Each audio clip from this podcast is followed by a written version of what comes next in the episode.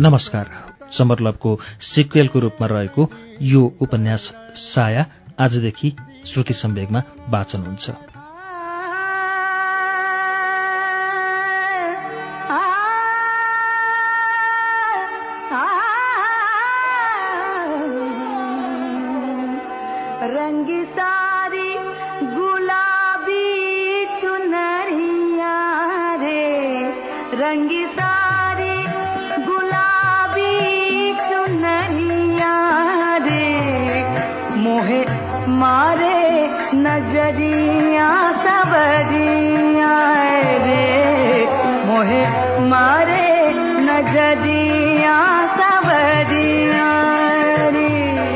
चौबिस घण्टादेखि लगातार परिरहेको झरीले तन आलस तालस भएको थियो।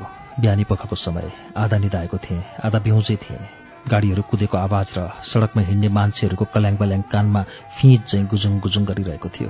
पूर्वपट्टिको खुला झ्यालबाट पानीले चिस्याएको वायु सरर र छिरिरहेको थियो। शरीर पुरै चिस्याउँदै। त्यसको रोकथामका लागि म ब्ल्याङ्केट ओढिरहेको थिएँ। यद्यपि त्यो हिउँदको याम थिएन। निरन्तर झरीको प्रभावले वायुमण्डललाई हिउँद झैँ आवास दिलाइरहेथ्यो गुलाबी चुंदरिया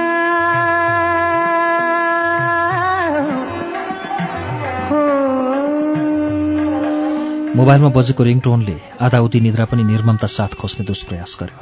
तैपनि एक चौथाइ निद्रामै थिएँ। यसो भनौँ आफूलाई जबरजस्ती निदाएको बनाउने प्रयास गरिरहेको थिएँ। मोबाइलमा देखेँ सेभ नगरिएको नम्बर रिसिभ गरेँ। नारी स्वर प्रवाहित भयो। हेलो हेलो को हुनुहुन्छ यहाँ? गेस गर्नुहोस् को होला? अह ठम्याउनै सकिनँ। मैले भने के हामीले यसभन्दा पहिले कुरा गरेका थियौँ? निद्राकै आवाजमा मैले यसो भने आफ्ना एक्स गर्लफ्रेन्डहरू सम्झनुहोस् न। यी तरिएको आवाज आयो उताबाट। सरी मैले चिनिनँ। प्रयास गर्नु न। कुनै क्लु भए सजिलो हुन्थ्यो। म अर्थनिद्रामै बोलिरहेको थिएँ। दिमागमा प्रेसर दिएर को हो भनी सोच्न मन थिएन। भए त सजिलै हुन्थ्यो तर मलाई त तपाईँलाई अप्ठ्यारोमा पार्न मन लागिरहेछ। न्यु खोज्ने कुरा गर्छु उताबाट। को हो कुन्नी?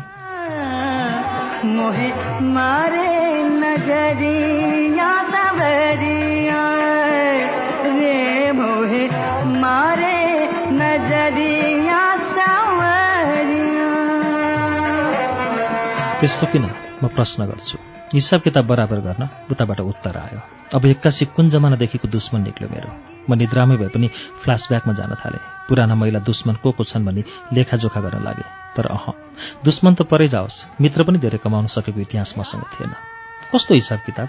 निकै बेर सोचेर मैले सोधेँ। सबै कुरा अहिले किन भन्नु? उसले भने कहिले भन्ने त? त्यो पनि किन भन्नु? होइन कस्तो न्यु खोज्ने मान्छे? मलाई पनि झनक गरी छुट्यो उसो भए फोन किन गरेको? त्यो त झन् भन्दै भन्दैन। अनि के चाहिँ भन्न फोन गरेको त? यति चाहिँ मैले के के भने? त्यो त आफैलाई थाहा होला नि। मलाई मलाई यो पो बरु अचम्म लागिरहेछ। म यस आइमाईको बगबास यति लामो समयसम्म आफ्नो निद्रा माया मार्दै किन सुनिरहेछु? फोन राखिदिउँ? झनक्क भएर भने पछुताउनुहुन्छ। उसले भने अहिले तपाईँको बगबास सुनेर चाहिँ नपछुताइ बसेको छु जस्तो लाग्छ। योभन्दा बढी पछुताउनुहुन्छ। हामी यसभन्दा पहिले फोनमा बोलेका छौँ फेरि दोहोऱ्याएर मैले प्रश्न सोधेँ।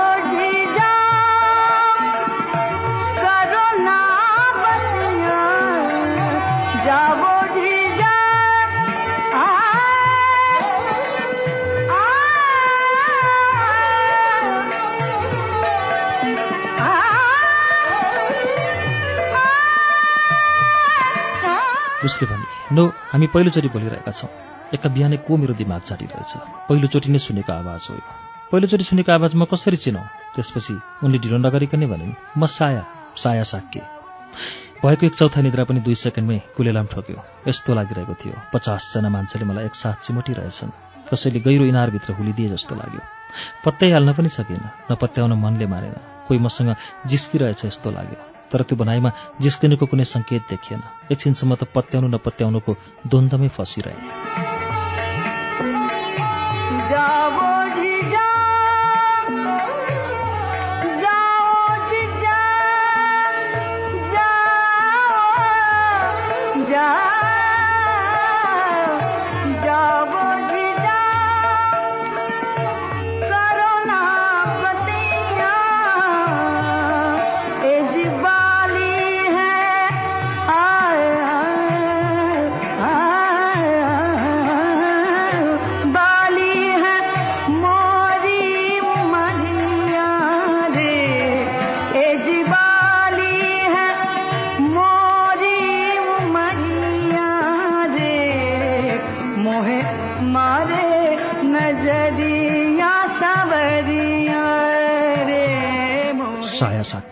यो नामसँग म दुई वर्षदेखि जोडिएको छु।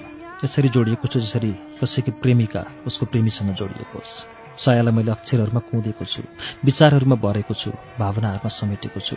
सङ्क्रमित भएको छु उसैमा सम्पूर्ण रूपमा। अनि यस्तोमा के उसँग एक किसिमको लगाव हुनु जायज होइन?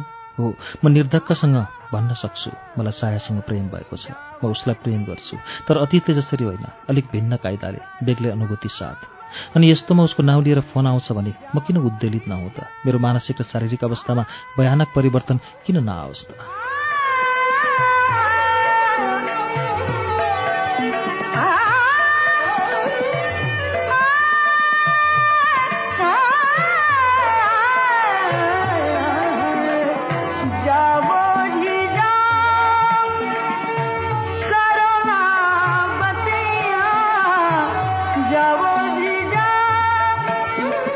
सिडी यसको हरियो बोर्डमा नाउँ देखेपछि सायालाई देख्न अतीतलाई केही दिन कुर्नु परेको थियो। तर मैले पुरै दुई वर्ष कुरेको थिएँ। अतीतभन्दा कैयौँ गुणा धैर्य राखी काखी चापेर हिँडेको थिएँ। मैले नाउलाई मात्र कुरेको थिइनँ। मलाई कहीँ कतै लाग्दैन साया मेरा लागि पात्र मात्र हो। कतै लाग्दैन ऊ केवल मेरा शब्दहरूमा मात्र सीमित छे। ऊ मेरा लागि अपरिचित हुनै सक्दिन। औपचारिक साक्षात्कार बाँकी थियो सायासँग। परिचित हुनुको परिभाषा दिनलाई प्रमाण जुटाउनलाई मैले पनि उनलाई सम्पूर्ण रूपमा अनुभूत गरेको थिएँ। कमसेकम अतीतको आँखाबाट अतीतले चाहिँ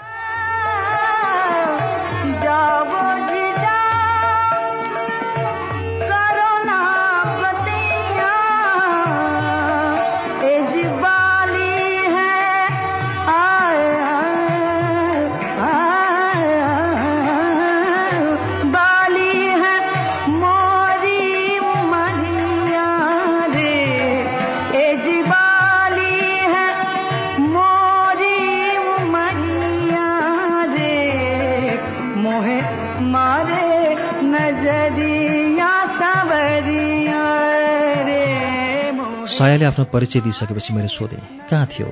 थियो तिमी पो भन्न पुगेछु। भनिसकेपछि पश्चाताप हो। अर्काकी स्वास्नीलाई पहिलो संवादमा तिमी भन्ने प्रेरणा कहाँबाट आयो? कुन तत्त्वले ठेल्यो मलाई यसो गर्न यति व्याकरण नजान्ने मान्छे म पटक्कै होइन। व्यवहारिकता पनि थोर बहुत जान्दथे तर ऊ मेरो त्यस किसिमको सम्बोधनप्रति निरपेक्ष रही। मानौ त्यो उसले सुनेकी नै छैन। मलाई सजिलो पारिदिए अब तिमीले नै चलाउँछु। मनमा नै भने नत्र सायालाई तपाईँ भनेर बोलाऊ यो म कल्पनै गर्न सक्दिनँ। त्यो सब म भेटमै भन्छु। मेरो प्रश्नको उत्तर दिँदै उसले भने के आज भेट्न सम्भव छ?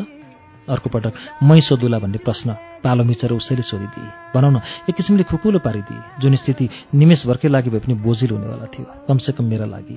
उत्तेजित हुँदै प्रतिप्रश्न गरे कहाँ कति बजे? बज्र क्याफे बसन्तपुर तिन बजे। अनि म तिमीलाई कसरी चिन्छु? मैले सोधेँ। म तपाईँलाई चिन्छु नि उसले भने तैपनि मोबाइल नम्बर भएपछि के गाह्रो र?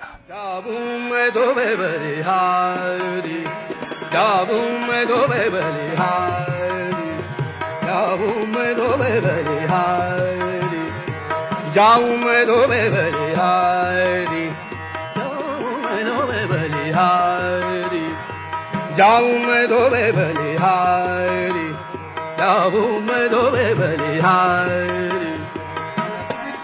उत्साहित हुँदै ओछ्यान छाडेर पर्दा खोले। गरी थामिने सङ्केत थिएन आकाश अविरल निचोरिरहेको थियो।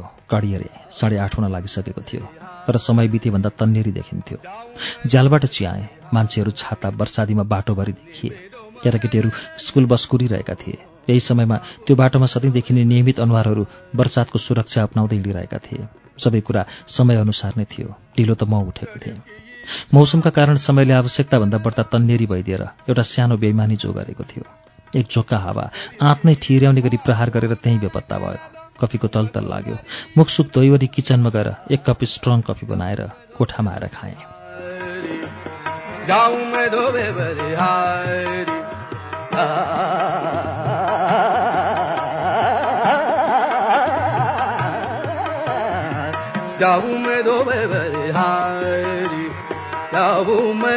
बलिहारी दिउँसो तीन बजेलाई गन्तव्य बिन्दुको समय राखेर मेरो आधा दिन बित्यो। कुनै पनि काम गर्दा घडी हेर्दै यति घन्टा बाँकी भनेर एक किसिमको म्याराथनमा दौडिरहेको धावक चाहिँ मेरो समय बित्यो र मलाई पनि त्यसरी नै समय बिताइरहन मन परिरह्यो। साँच्ची सहायक अस्ति होली अतिथले एक हिसाबले बयान गर्यो मेरा शब्दहरूमा ऊ एक हिसाबमा कुन्दिए कसको विश्लेषणसँग ज्यादा परस्पर छे? म कल्पना आकाशमा उडिरहेँ। क्याडबरी ओट शिल्पी कपाल अनि अल्ट्रा बोल्ड सायालाई कल्पना र वास्तविकताको सङ्घारमा निमेष निमेषमा ल्याउँदै पठाउँदै गर्न थाले। दिउँसो तिन बजेको समयलाई तानेर सार्नु जस्तो भइरहेको थियो। समय डोरी हुँदो हो त बल लगाएर तानी लम्बाइ घटाउने दुष्प्रयास पनि गर्दो समय बित्दैन चाहेको बेला। यही यसको धर्म हो। तप अधैर्य बनाइदिनु।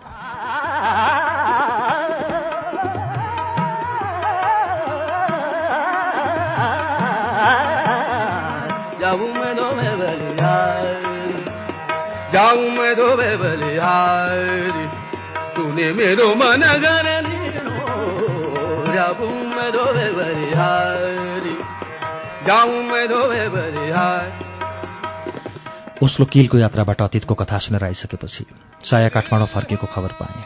उसलाई फेसबुकमै खोज्ने प्रयास पनि नगरेको होइन तर कसै गरी पनि फेला पार्न सकिनँ। सायद जो पाए त्यहीका लागि ऊ इन्भिजिबल बनिदिएकी थिए। एकपटक थाम्नै नसकेर अतीतलाई नै फोन गरे। उसले भन्यो सायाले आजकल आफ्नो एकाउन्ट डिएक्टिभेट गरेकी छे। त्यसपछि मैले पनि वास्ता गर्नै छाडेँ। तर बेला बेला अतीतसँग सम्पर्क भने गरिरहन्थेँ र सोध्थेँ सायाको खबर। मेरो चासोमा अतीत यसो भन्थ्यो के फरक पर्छ र? साया भेटियोस् या नभेटियोस्? मेरो लागि साया भेटिनु र दृश्यविहीनको हातमा टर्च लाइट पर्नु उस्तै उस्तै हो। अतीतलाई म सम्झाउन खोज्थेँ। निराशावादी स्थितिबाट निवृत्त गराउने प्रयास गर्थेँ तर उसलाई मेरा कुराहरूले कहिल्यै छोएन। सायद मैले नै सम्झाउन जानिनँ। मलाई यस्तो लाग्थ्यो।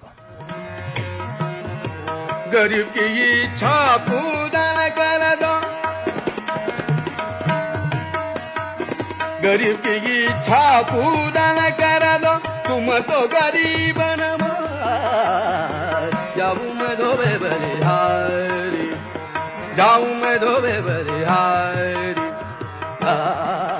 एकचोटि ओस्लोमा उसले दिएको ठेगाना पछ्याउँदै गएँ। त्यो होलीको दिन थियो। नेपाली र भारतीय विद्यार्थीहरू रङ बदलिएको अनुहार लिएर रमाइलो गरिरहेका देखिन्थे। म सिधै अतीतको रूममा गएर नक गरेँ। मलाई देखेर ऊ छक्क पर्यो। निलो ट्राउजर र रातो टी सर्टमा थियो अनुहारमा भने दारी झुस्छ। ओठ कलेटी परिसकेका कपाल फुङ्ग उडेको। कन्सिरीतिर पनि नमिलेको कपाल झ्याप्पै देखिन्थ्यो। हेर्दै प्रेममा धोका खाएर बसे जस्तो देखिन्थ्यो। उसले मलाई भित्रपट्टि छिरायो। खाटमा ल्यापटप खोलिएको थियो। मैले नदेख्ने गरी चलाएर एकैछिनमा सट डाउन गर्यो। मेरो आतिथ्यका लागि उसले कफी बनाएर खुवायो अनि नर्वेजियन चुरोटको बट्टा मेरो अघिल्तिर सार्यो चुरोट सल्काइसकेपछि मैले उसलाई भने होलीको दिन पनि किन यस्तो रङ उडेको जस्तो होली आतित उसले मेरो कुरामा कवि चाहिँ हुने प्रयास गर्दै भन्यो न कोही छ बिजाउने न कोही छ रङ्गाउने रुखा फिक्का यस्तै छ मेरो होली मलाई वाह भन्न मन लागेको थियो तर ऊ कविता सुनाइरहेको थिएन। बोल्ने टपिक नै फेला नपरे चाहिँ हामी मौन बसेका थियौँ।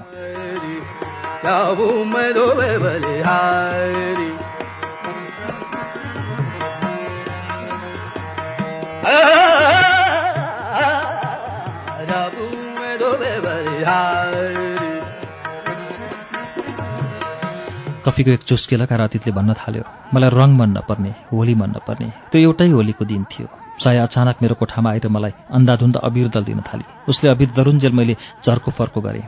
कोठामा के एक्लै बसिरा? प्रफुल्ल हुँदै सायाले भनेकी थिए उसका ओठमा पनि अबिर लागेको थियो। बर्खी बारे चाहिँ सेतो कलरको टाइट कुर्ता सुरुवालमा थिए।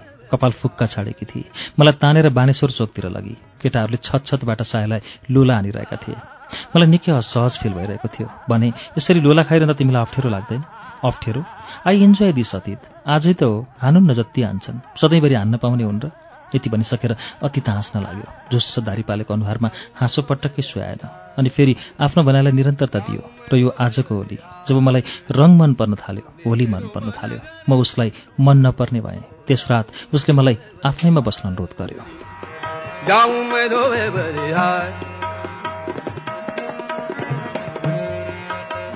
भन्यो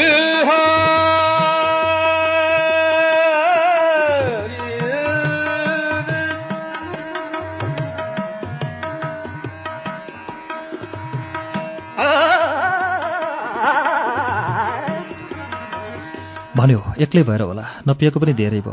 आज जम्नुपर्छ। वास्तवमा म उसको यस्तै किसिमको अफरको आश सुरुदेखि नै गरिरहेको थिएँ।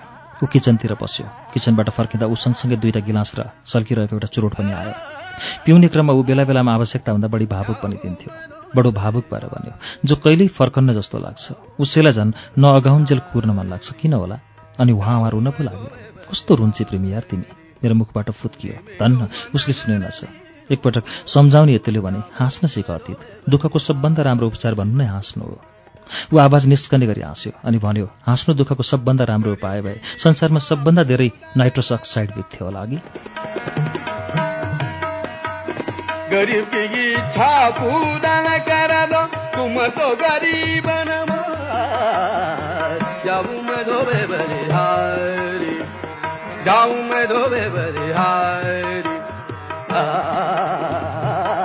रक्सीको गिलास उठाउँदै गर्दा उसले भन्यो सुरु सुरुमा म रक्सी खान्न थिएँ सायाले दिएको लत यो ऊ भन्थे हाम्रोमा त रक्सी सगुन नै मानिन्छ जिब्रो छुवाउनै पर्छ।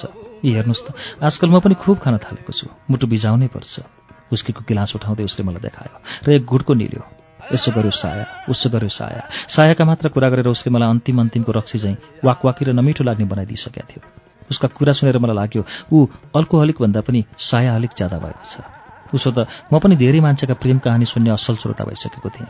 तर अतीतको कुरा भने अब अति नै हुन लागिसकेको थियो। अर्थात् सायाप्रतिको त्यो हदसम्मको आसक्तिले गर्दा मलाई डर लाग्न थालेको थियो।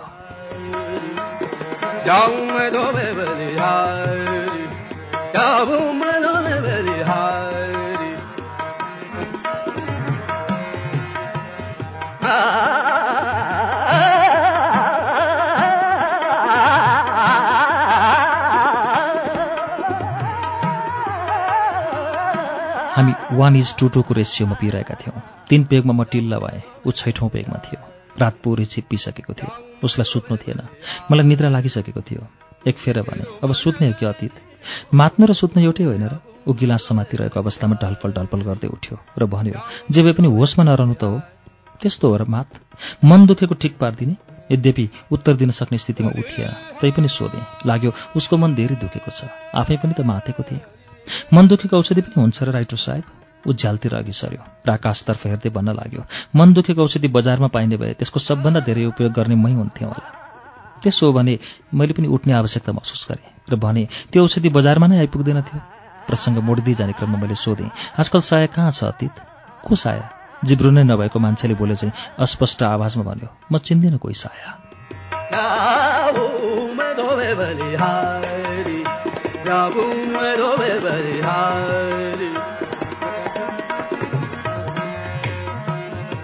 गरीब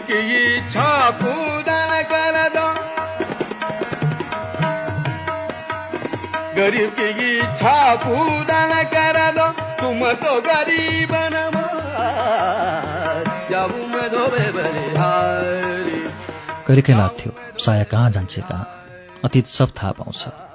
तर मसँग संवाद हुँदा चाहिँ ऊ पुरै बेखबर भएको छनक देखाउँथ्यो। मलाई एक दुईपल्ट त उसित रिस नउठेको पनि होइन। किन केही भन्दैन ऊ? साया मौन भई अतीत भन्थ्यो। कि अब मौन हुले पालो उसको आएको उसको सम्वादहीनताको कठोर प्रतिवाद गर्न मन लाग्थ्यो। तर सोच्थेँ म उसको को पो हुँ र। यात्रामा हिँड्दा भेटिने एउटा सहयात्री र केही पेग रक्सी खाने साथीबाहेक मसँग उसको केही सम्बन्ध छैन।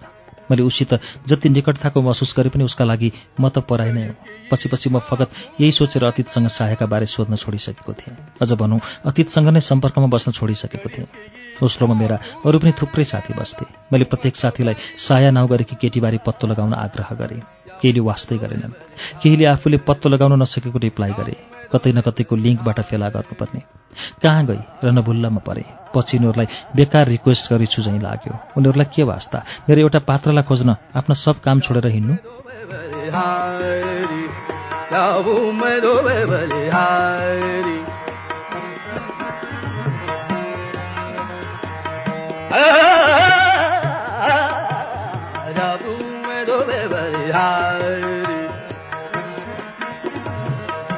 अतीतबाट सायाको कुनै खबर पाउन नसकेपछि म पनि आफ्नो पढाइ सकेर नेपाल फर्की लेखन र एनजिओमा लागेको थिएँ। अतीत मेरा लागि पनि अतीत भइसकेको थियो। सायाका लागि चाहिँ। अनि साया? ऊ पनि अतीतकै छाया थिए। अतीत अतीत भयो भनेपछि साया पनि अतीत नै हुने भई। साया पनि गुमनाम पात्रमै सीमित हुन आँटेकी थिए जस्तो अरू पात्रहरू हुने गर्छन्।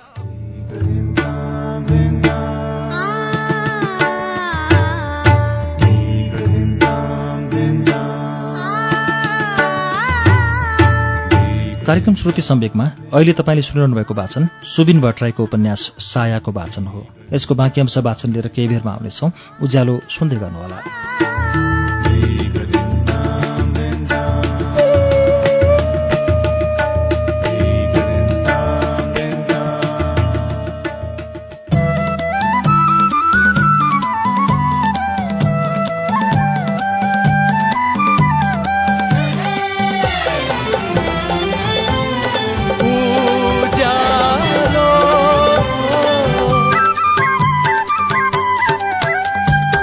सीधा कुरा प्रश्न विचार। Ujyalo radio network.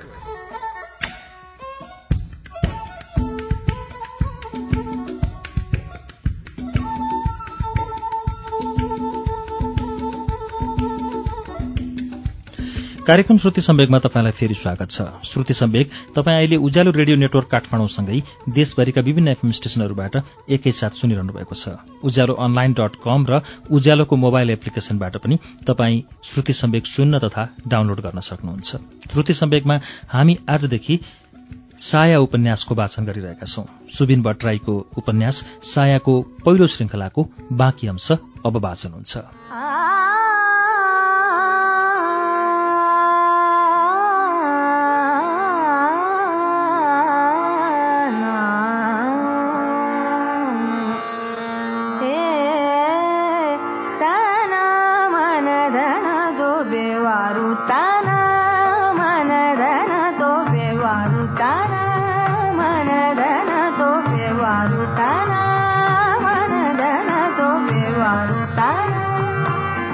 ठ्याक्कै तीन बजे वज्र क्याफेको रुफटपमा पुगे। पानी रोकिएको थिएन। उस्तै गतिमा परिरहेको थियो जस्तो अघिल्लो दिन परेको थियो। सिमसिमभन्दा अलिक सघन स्याहार होइन। छोटो दूरीमा हिँड्दा भिजै हाल्ने किसिमको बर्सात थिएन। रुफटपमा दुईवटा टेबल रिजर्भ थिए। एउटामा चार पाँचजना केटा बियर पिइरहेका थिए। अर्को त्योभन्दा धेरै वरा एउटी केटी एक्लै चुरोट पिइरहेकी थिए। म ढुक्क भएँ सायद त्यही हो। मलाई देख्न साथ ऊ परेबाट हाँसी। बस्नुहोस्। ठिक आफ्नो विपरीत दिशामा भएको कुर्सीमा बस्न अनुरोध गरी म बसेँ। उसलाई निहाल्नैमा केन्द्रित भएँ। दुई वर्षदेखिको प्यास। म तृप्त हुन चाहन्थेँ। मलाई लागिरहेको थियो एकछिनसम्म केही नबोलोस्। एकछिनसम्म ओरा दायाँ बायाँ कसैको केही हलचल या बाधा नआओस्। म उसलाई निरन्तर निहार्न चाहन्थेँ। आँखाभरि भर्न चाहन्थेँ। टिलपिल टिलपिल पोखिउन्जेलसम्म छछल्किरहोस् ऊ मेरा आँखामा जसरी छछल्किन्छ कसैको आँसु असीम खुसीले। कुर्सीमा बस्नुसँगै एउटा कुतूहलको अवसान भयो।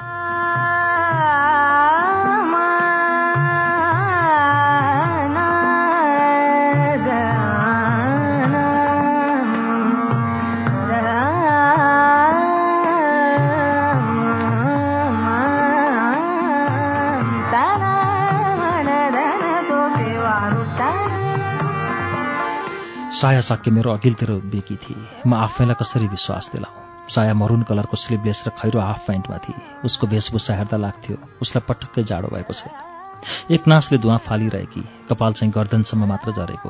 दायाँ पाखुरामा एउटा अमूर्त टाटु खोपेकी थिए। समग्रमा बिछट्ट राम्री। यस्ती साया देखेर किन भुतुक्क नहोस् त अतिथ शर्मा? किन त्यसरी नपछ्याओस् नर्वेसम्म? किन नरहोस् उसलाई एकाएक गुमाउनु पर्दा? किन रुफटपमा बसेकी यस्तो झरीमा? सिलसिला मैले नै सुरु गरेँ यो प्रश्न आवश्यक र स्वाभाविक पनि थियो भलै ऊ भिजिरहेकी अवस्थामा थिए ठूलो छाताले टेबल र त्यस वरिपरिको सानो संसारलाई आवश्यक सुरक्षा प्रदान गरिरहेको थियो एकपटक वरपर निहालिसकेपछि थाहा पाएँ नसोधेकै भए पनि हुन्थ्यो कि सोधिसकेपछि यस्तो लाग्यो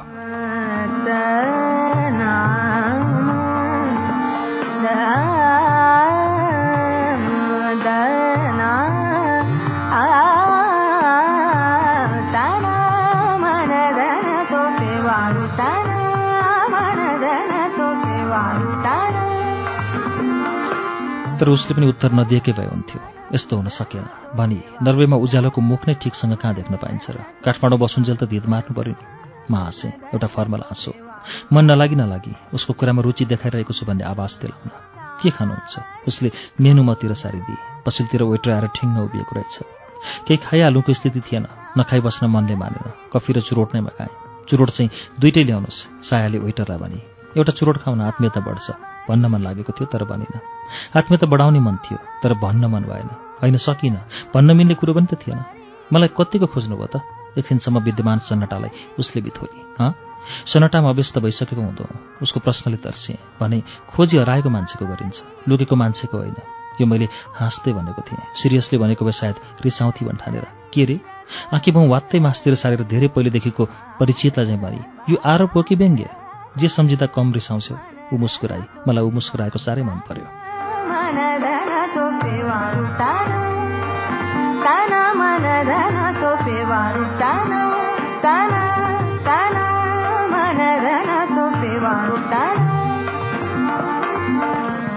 बढी रिसाउनु प्रतिबन्ध छ र मुस्कुराहट कायम गर्दै उसले भने तिम्रो पर्सनल रिस हो। मैले भने मात्र अड्कलेर रिसाउन सक्छौ। यति चाहिँ हो त्यो रिसले मलाई केही असर नगरोस्। रिसको कारण तपाईँ बन्ने अनि रिसाउनु चाहिँ आफ्नो लागि यो कहाँको न्याय? हरेक कुराको तर्क गर्थ्यो। केही बेरको ऱ्यापिड फायर संवादपछि म पुनः पुरानै कुरामा घाँसिन चाहेँ। भने तिमी मैले चाहेको बेलामा किन भेटिनौ साया? तपाईँलाई खोज्न आउँदो रहेनछ उसो भए। कसरी खोज्नु पर्थ्यो र? त्यो त तपाईँको प्रतिबद्धता थियो नि। मलाई किन सोध्नुहुन्छ बसिरहेको मेचमा अलिकति हलचल गरेर आफ्नो बसाइ मिलाउँदै गर्ने क्रममा भनी हेर्नुहोस् त प्रतिबद्धता तपाईँले गर्नुभएको थियो आफ्नो पुस्तकमा। भेटिदिएँ म आफै। कति सजिलो बनाइदिएँ।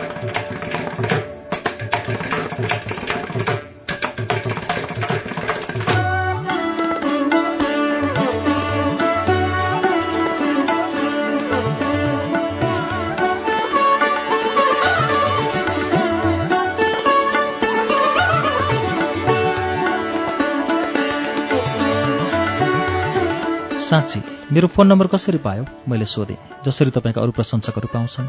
टेबलमा दुईवटा चुरोट पहिला मैले सल्काएँ अनि बलिरहेको सलाइको काँटी उसको मुख नजिकै लगेर चुरोट सल्काउनलाई सहयोग गरेँ। पहिलो सर्को लिएर धुवा हावामा फालेँ। अनि त्यसपछि भने फोन नम्बर कसरी पाएँ? यो महत्त्वपूर्ण कुरो होइन। जसरी पाएँ बस पाएँ। पाउनु नै एउटा उपलब्धि हो। म चुपचाप उसलाई सुनिरहेको थिएँ। नभन्ने कसम खाएकी छौ? मैले सोधेँ। तपाईँले पनि आफ्नो अडान नछोड्ने कसम खानुभएको छ? उसले प्रति प्रश्न गरे झन् अप्ठ्यारोमा नपार मलाई कम्पिटिसन गर्नु छैन। सरेन्डर गर्नुभयो। सरेन्डर गरेँ भने भन्छौ। मलाई बच्चा ठान्नु भएको छ। उसले फेरि सोधे। मैले त्यस्तो ठानेर होइन मैले त्यस्तो बुझेँ। तपाईँ सोधेर थाक्नुहोस्। म जवाफ नदिएरै थाक्छु। फुङ्ग धुवा उडाउँदै उसले भने म तिम्रो अतीत हुँ र यसरी सताउँछौ? म तपाईँकी को थिएँ र? तै पनि बेइमान बनाइदिनु भयो? उसले भने कसरी? साया बेइमान चाहिँ तपाईँकै पुस्तकमा छ। त्यो दोष अतीतमाथि थुपाएर लेख्ने तपाईँ दोष चाहिँ अर्कोलाई। कहाँको न्याय यो अतीतले जे जति भन्यो भन्यो। त्यही लेखेँ। म के भन्छु त्यो कुर्न सक्नु भएन? उसले फेरि सोधे। तिमीलाई खोजेकै हो। भेटिएनौ त म के गरौँ? मैले त तपाईँलाई खोज्न चाहेको एक दिनमै भेटेँ त। पुलिसमा जागिर किन खाएनौ त? वाट तिमीले मलाई सजिलै भेट्यौ यसमा मेरो के दोष? दोष केही हराउनु या भेटिनुमा होइन। दोष तपाईँको एकतर्फी कथामा छ। उसले फेरि जिरह गरे।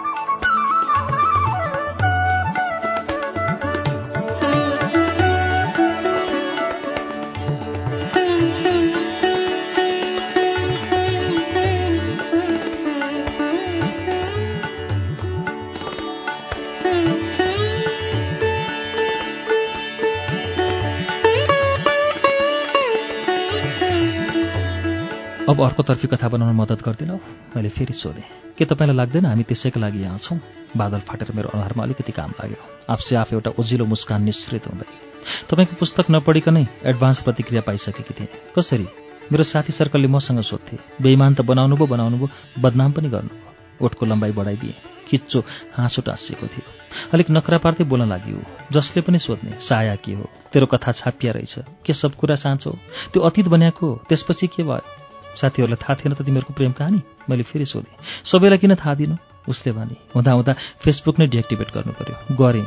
मलाई पढ्नु थियो तपाईँको किताब। ओस्लोमा सम्भव थिएन। काठमाडौँ फेरिपछि पढ्छु भन्ने थियो। केही दिन व्यस्त भएँ। अस्ति पुस्तक किनेर ल्याएर पाँच घन्टामै सिधाइदिएँ। तपाईँलाई भेट्ने इच्छा तीव्र भएर आयो।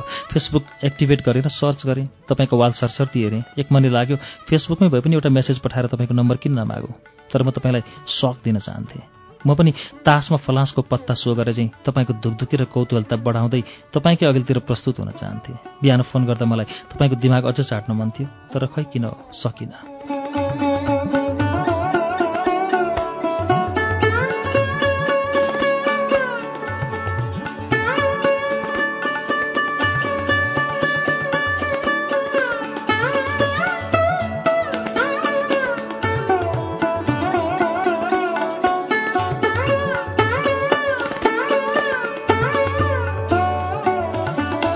मेरो दिमाग बेस्वादको भएर होला। म पनि किच गरिएँ। तैपनि कम चाटेको चुझै लाग्छ तिमीलाई? त्यो त केही पनि होइन उसले भने अझ किस्ता किस्तामा चाटेर पागल बनाउँछु भन्ने थियो। तिमीले मलाई पागल बनाउनै पर्दैन थियो। किन? आँखीभमा मुजा पार्दै सोधे। म पहिल्यैबाट पागलै छु। हामी दुवै हाँस्यौँ। अब त भन नम्बर कसरी पायो? उसले टेबलमा भएको पानीको गिलासबाट दुई घुटको पानीको टुक्क निली अनि भने तपाईँको फेसबुक चियाउने बेलामा एउटा अर्को कुरा पत्ता लाग्यो। के? मुखले होइन आँखैले गरेँ यो प्रश्न। तपाईँका र मेरा पाँचजना म्युचुअल फ्रेन्ड रहेछन् नि। उसले भने सबैलाई सोधेँ एकजनासँग रहेछ। उसले मलाई तुरुन्तै दिइहाल्यो। अनि उनीहरूले नै कोट्याएनन् तिम्रो इतिहास? दुईजनाले सोधे नम्बर पाउनासाथ फेरि फेसबुक डिएक्टिभेट। पुस्तक त पढेछौ मैले भने तर मलाई लाग्दैन कि म तिमीबाट पुस्तकको प्रतिक्रिया लिउँ। मलाई पनि यो लाग्दैन। म पुस्तकको प्रतिक्रिया दिउँ। यति बुझ्नुहोस् म तपाईँको नन फ्यान रिडर अर्को चुरोट सल्काई भनी तपाईँका पाठकले त मलाई बाटामा भेटे पनि छाड्दैनन् होला कि किन? यो सोध्न आवश्यक नै थियो। त्यस्तै निष्ठुर बनाइदिनु भएको छ। बिना कारण आफ्नो हस्बेन्डलाई धोका दिने उसले चुरोटको धुवा आकाशतिर फ्याँक्दै भने म फिस्सा हाँसेँ मात्र। अलिअलि त रोमाञ्चित डर पनि लागिरहेको थियो। मेरा पाठकहरूको रिस मलाई पोख्ने त होइन यसले?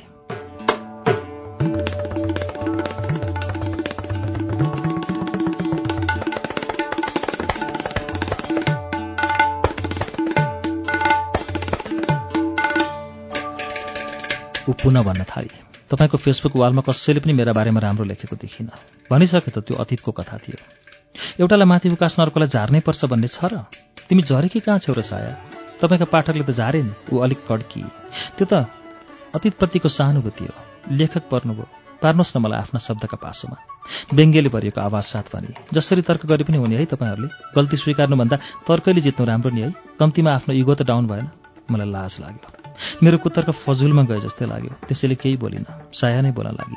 जे देखिन्छ त्यो कुरा मात्र सत्य हुँदैन। तपाईँ अहिले यतिखेर मेरो अगाडिको भाग देखिरहनु भएको छ।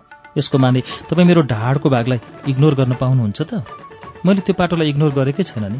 चाहेको कडा आवाजको तुलनामा मैले अलिक लुत्ते पाराले बोलेँ। यद्यपि मसँग यथेष्ट तर्क थिए तर किन हो? उसैलाई जित्न दिन मन लाग्यो। तिमीलाई थाहा छैन साया। धेरै छन् जसले तिम्रा पनि केही व्यवस्था होलान् भनी बुझेका छन्। बरु अतीतलाई गाली गरेका छन्। तिमीहरूको सम्बन्धले जुन रूप धारण गर्यो त्यो सब अतीतमाथि दोषारोपण गरेका छन्। अतीतलाई तल खसाल्दा ऊ आफै माथि उठेको आवाज गरेछ थप प्रतिवाद गर्न छैन बरु विषयान्तर गर्दै भने तपाईँले आफ्नो पुस्तकको अन्तिममा दुईटा इच्छा राखेको देखेँ। त्यो मध्ये एउटा चाहिँ म पुरा गर्न सक्छु। म प्रश्नवाचक आँखाले उसैलाई हेरिरहेको थिएँ। मैले अन्त्यमा के इच्छा राखेको थिएँ र? निकै बेरको मिहिनेत पश्चात सम्झेँ। सोधेँ कुन चाहिँ इच्छा?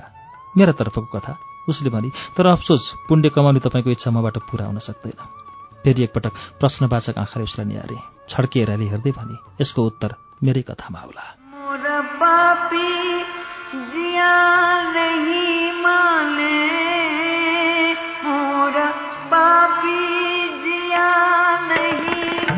माने।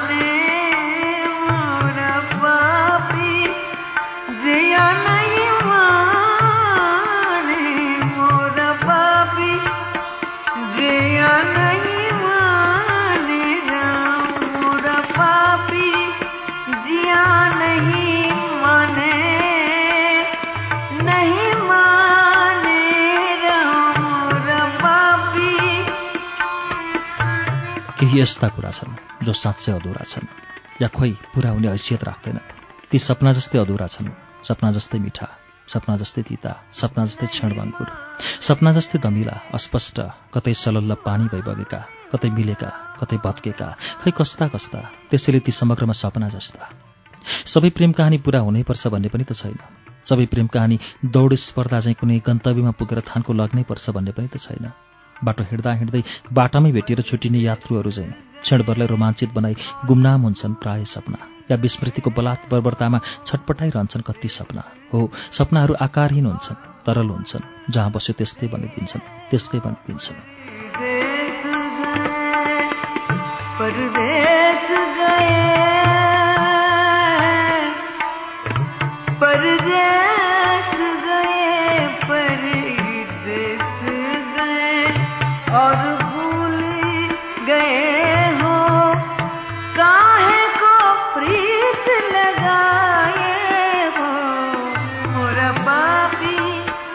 कुनै बेला मेरो वर्तमान थियो म त्यही वर्तमानको एक हिस्सा। उसैको शरीरको कुनै अवयव चाहिँ लाग्थ्यो आफू कहिल्यै टुक्रिन्न होला जस्तो। म उसँग अलग्गिएर न ऊ पूर्ण हुन सक्थ्यो न म आफ्नो अस्तित्व कतै पहिलाउँदै हिँड्ने सामर्थ्य राख्न सक्थेँ। म पनि उत्तिकै आसक्त थिएँ जति ऊ म प्रति थियो। म पनि उत्तिकै प्रेम गर्थेँ जति ऊ मलाई गर्थ्यो। प्रेममा विचलन आउँछन् स्वाभाविक पनि हो तर जे जसरी आयो नआउनु पर्थ्यो। जुन बेला आयो त्यो बेला नआउनु पर्थ्यो त्यो अवस्थाबाट गुज्रिसकेपछि चाहिँ आउनु पर्थ्यो। जिया नहीं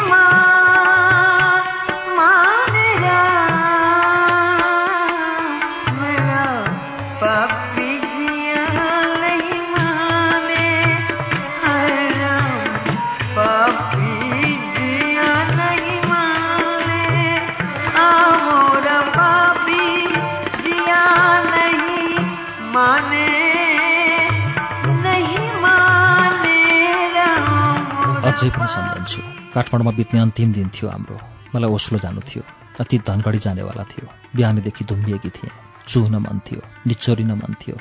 निथार्न मन थियो आफूलाई। एकै थोपो बाँकी नरहने गरी मलाई खोक्री हुन मन थियो।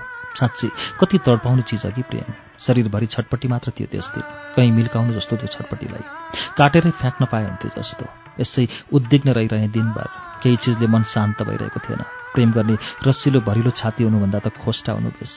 हामी कोही अर्को व्यक्तिसितको आसक्तिलाई प्रेम भन्दै सर्पलाई दुध खुवाएर पाले चाहिँ छातीभरि पाल्छौँ। पछि त्यसैले डसेपछि पछुतो मान्छौँ। शरीरभरि विष फैलन्छ छटपटाउँछौँ कति गाह्रो। प्रेम गर्नेलाई सानोतिनो छातीले हुँदो रहेछ त।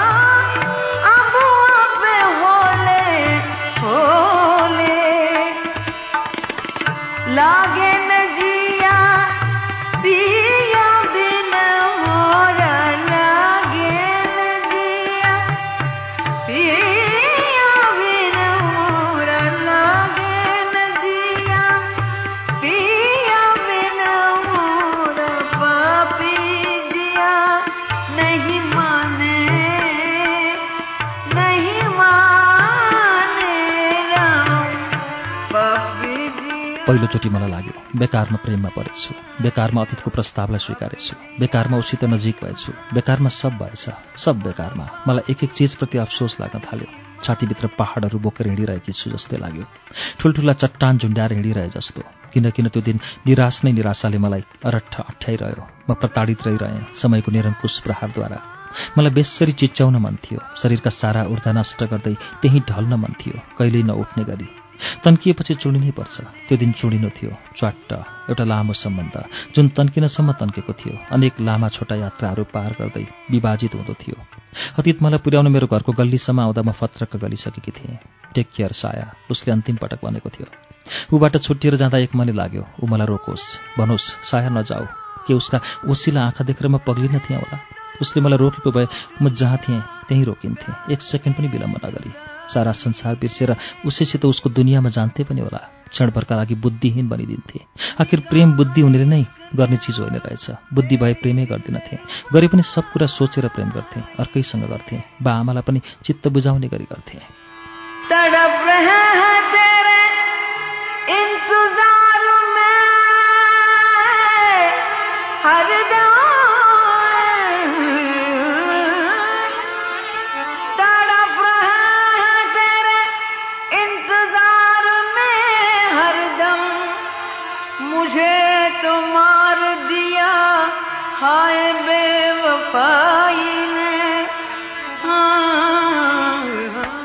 सिडियस टपर साया साक्य। सबैकी हाई हाई साया। प्रेममा नराम्ररी पराजित हुँदै थिए। आफ्नै खिल्ली उडाउन मन लाग्यो एकपटक सब ढोङ बकबास लाग्यो। अर्थहीन लाग्यो सब सिस्टमहरू। अतीतसँग छुट्टिएपछि एक एक मिनट घिस्री घिस्री बित्न थाल्यो। बुवा आफ्नो गाडीमा लिएर मलाई पुर्याउन भनी एयरपोर्टसम्म हिँड्नुभयो। मलाई सब दृश्यहरू दृष्टिगोचर हुँदा हुँदै पनि अगोचर लागिरह्यो। आँखा भन्नु पनि के हो र मस्तिष्कद्वारा सञ्चालित मानव यन्त्र न हो जब मस्तिष्क नै आफ्नो धर्म बिर्सिन्छ आँखाले के गरोस् त? प्लेन बोर्ड गर्ने बेला भयो। जति जति म प्लेनतर्फ बढ्दै थिएँ उति उति मेरा पाइला गह्रो हुन थाले। कसैले पछिल्लोतिरबाट डोरी लगाएर ताने जस्तो भइरह्यो। मलाई लाग्यो बरु कसैले तानिदिए हुन्थ्यो। लाग्यो प्लेन क्यान्सल होस् वा तत्काल केही अनिष्ट होस् जसले गर्दा त्यस दिन त्यहीँ रोकिनु परोस्। तर त्यस्तो केही पनि भएन। कुनै चिजले आफ्नो धर्म मुताबिक केही गरेन। सपथोक आफ्नै गतिले बडो सामान्य पाराले अगाडि बढ्यो। म रोकिए पनि के? अतीत रोकिन्थ्यो र। चले भी आओ दुनिया हँसी उड़ाती है।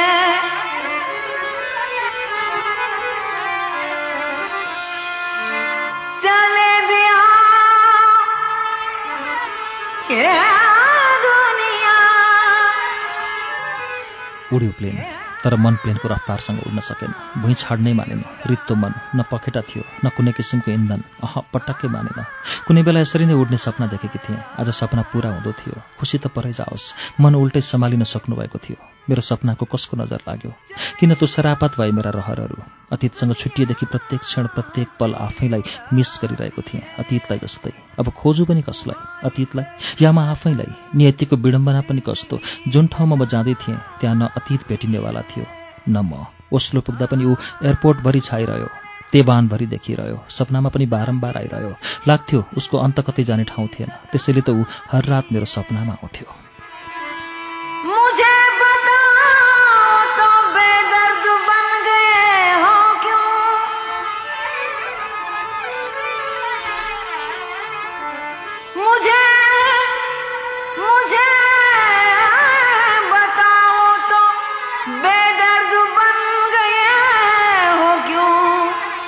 कुनै प्रेतात्मा आफ्नो आत्माको तृप्तिका लागि केही कुराको याचना गरिरहे ऊ म सँगसँगै गइरह्यो मलाई कहीँ छोडेन उसले। छाया जस्तो पछ्याइरह्यो। अस्पष्ट तमिलो भएर म हुनुको आवाज दिलाउँदै। साँच्चै उसका यादहरूले मलाई हरेक बखत भनिरहेको हुन्थ्यो। साया तिमी छौ र त म छु।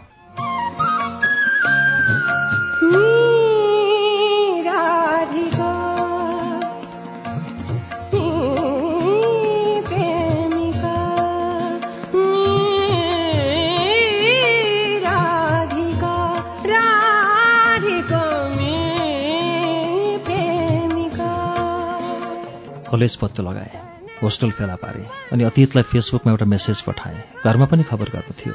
बाहिर आफू पुगेको मेसेज फेसबुकबाटै फ्याँकेँ। मलाई अरू कुनै कुराको प्रवाह थिएन। खालि अतीतको रिप्लाई कतिखेर आउने हो भन्ने आशमा मेरो सिङ्गो दिन बित्यो। बेलुकी पनि हेरेँ रिप्लाई देखिनँ। बरु भाइले रिप्लाई पठाएको थियो। अतीतलाई भोलिपल्ट फेरि अर्को मेसेज पठाएँ। अह रिप्लाई आएन। हरेक पाँच मिनटमा फेसबुक खोलेर हेर्ने रोग लाग्यो। बेचैन भइरहेँ। कहाँ जाउँ? के गरौँ? साथी पनि कोही भनेका थिएनन्। पल्लो कोठामा एउटा एउटी नेग्रो बस्ती। बेला बेला उसँग आँखा जुत्थ्यो। उसको रुम भने प्राय खुल्लै रहन्थ्यो। गिच्चा हाँस्थे म पनि जबरजस्ती हाँसिदिन्थेँ जवाफमा।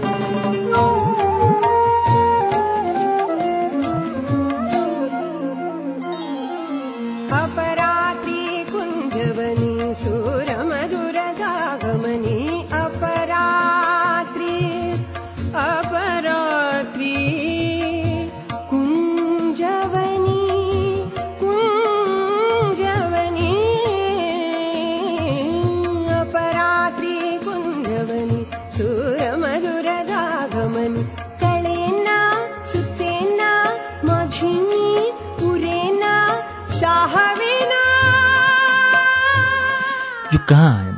यति परसम्म केले लखेट्यो मलाई? या केले तान्यो? तानिए कि हुँ भनौँ भने मन पटक्कै खुसी थिएन। लखेटी हुँ भनौँ भने आफ्नै निर्णयले आएकी थिएँ। कसरी चित्त बुझाउँ? आफैलाई कति एक्ली म? कति निस्सार? के भएको हो मलाई? होमसिक? होमसिक भएको भनौँ भने घरमा भएका कसैको पनि याद आएको थिएन। मलाई अतीतको यादले पिरोलिरहेको थियो। यसर्थमा प्रेमसिक भने हुन्थ्यो। अर्को दिन मात्र उसको रिप्लाई आयो। लामो सुस्केर ताने। ठुलो राहत महसुस गरेँ। लामो समयदेखिको एउटा प्यास थियो। उसको मेसेजले तृप्त गराइदियो। शरीर हलुङ्गुवा भयो। मन चङ्गा। रिप्लाई गरेँ।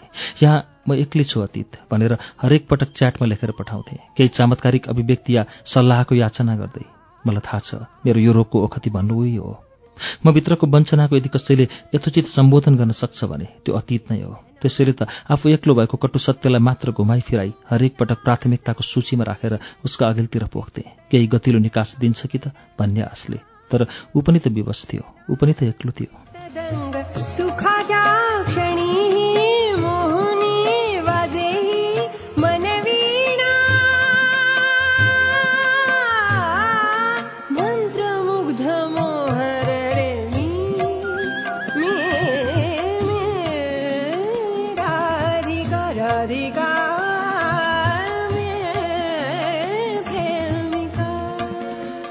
ऊ भन्थ्यो हामी एउटै कथाका दुई पात्र हौँ साया।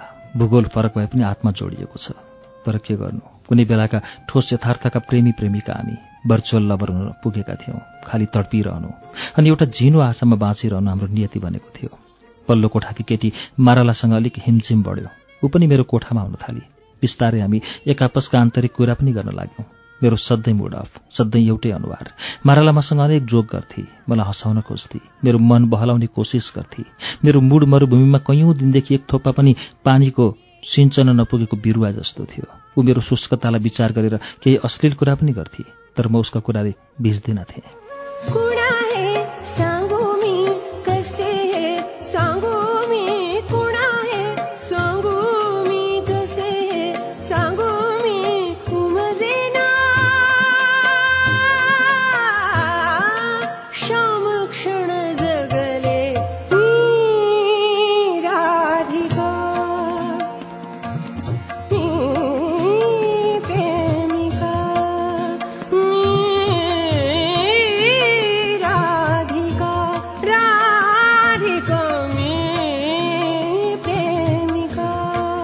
बेलुका प्रायः सँगै हुन्थ्यौँ। ऊ स्मोक त गर्दिनथे तर अल्कोहल खुब मन पराउँथे। मैले स्मोक गरेको पनि मन पराउन्नथे मलाई धेरै स्मोक नगर्ने सल्लाह दिन्थे। एक दिन त अलिक विवादै पर्यो। उसले भनेकी थिए यति धेरै स्मोक नगर साया। मलाई यसै झ्वाक चल्यो यो मेरो पर्सनल कुरा हो माराला। होला तर पनि म तिमीलाई पर्सनली नै भनिरहेकी छु। कमसेकम कम त गर्न सक्छौ? तिमी सास कम फेर्न सक्छौ? मैले सोधेँ। कस्तो वाह्यात कम्पेरिजन उसलाई पनि झोक चलेको हुँदो मेरो कुरा सुनेर। सरी माराला मलाई आफ्नो कुरामा पश्चाताप भएको थियो। पश्चातान्मुख लवजमा भने चुरोट पिउँदा अतीतको सास नजिकै छु जस्तो लाग्छ। युनु माराला जब जब अतीत मलाई किस गर्थ्यो यस्तै गन्ध आउँथ्यो। म फिस्सा हाँसेँ यति भनिसकेपछि। मारालाको ओठमा पनि अलिकति मुस्कान देखियो। मारालाको आँखामा आँखा जुदाउँथे भने म एक्लो महसुस गरिरहेकी छु माराला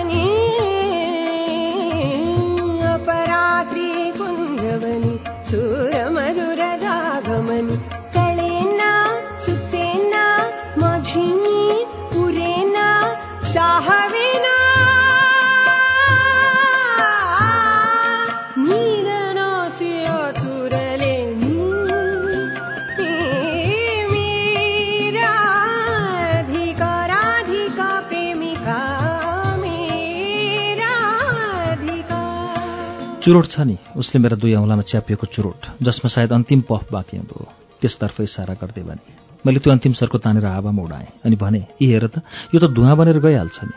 अनि त्यो हातको चाहिँ उसले फेरि मेरो हातमा भएको चुरोट देखाउँदै भने मैले अलिकति खरानी अस्ट्रियोमा झारेँ। अनि भने हातको पनि यी खरानी भनेर सकिन्छ।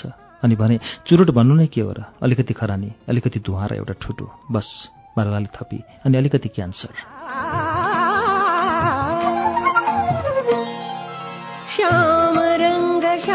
सङ्गमेलनाथ चित्तदङ्ग श्याम रङ्ग श्याम सङ्गमे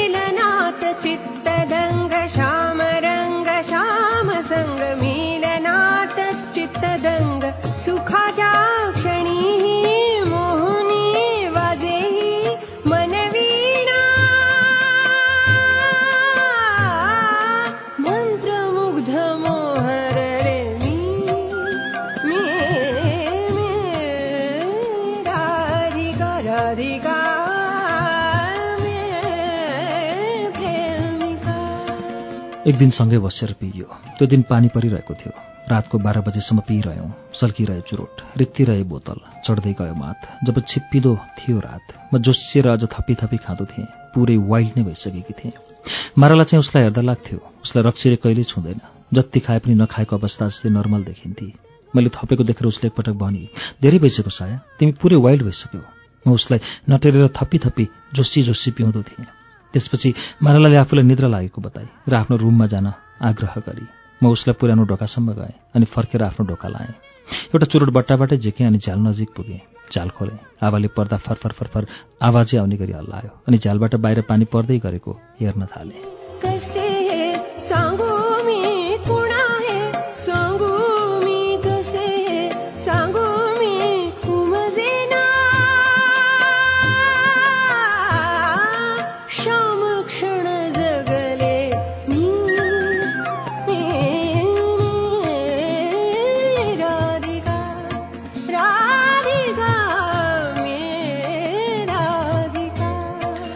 शरीर एक्कासी कक्रक्क हुन थाल्यो। जिउ पनि चिसो भए जस्तो फिल भयो। मातले पहिलेदेखि घुमाइरहेको थियो। झन् घुमाउन थाल्यो। सास फेर्न खोज्दा सास नै नपुगे जस्तो फिल भयो। म एकदमै हात्तिन लागेँ। मारालालाई बोलाउनु भने आफ्नो ढोकासम्म गएँ। माराला भन्न खोजेँ तर सकिनँ। घाँटी नै थिचिए जस्तो भयो। आवाज आएन। शरीर पनि दाउरा जस्तै भइसकेको थियो। होस क्रमशः धमिलिँदै थियो पातलिँदै थियो ऐठन जस्तो निद्रामा नराम्रो सपना देखेर बिउजिन खोजे जस्तो। खै कस्तो कस्तो? एकदमै अप्ठ्यारो भयो। मारालाको ढोकानेर पुग्न लाग्दा मेरो शरीरले मलाई नै थाम्न सकेन। जिउ छाडेर लडे। होस एकैचोटि हस्पिटलको बेडमा खोल्यो। ओस्लो हस्पिटलमा छेउमा माराला थिए।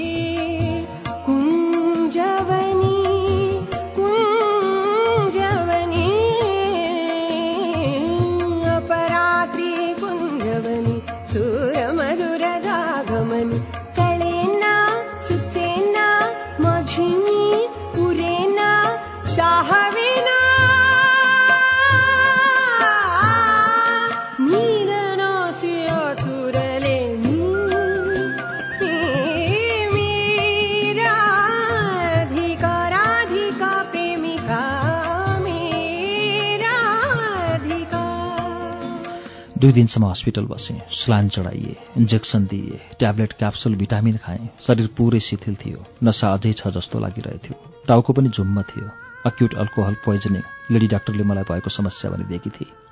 मारालासँग आँखा जुत्न साथ एकदमै गिल्टी फिल गरेर भने Marala I am sorry sorry for what मारालाले प्रश्न गरी।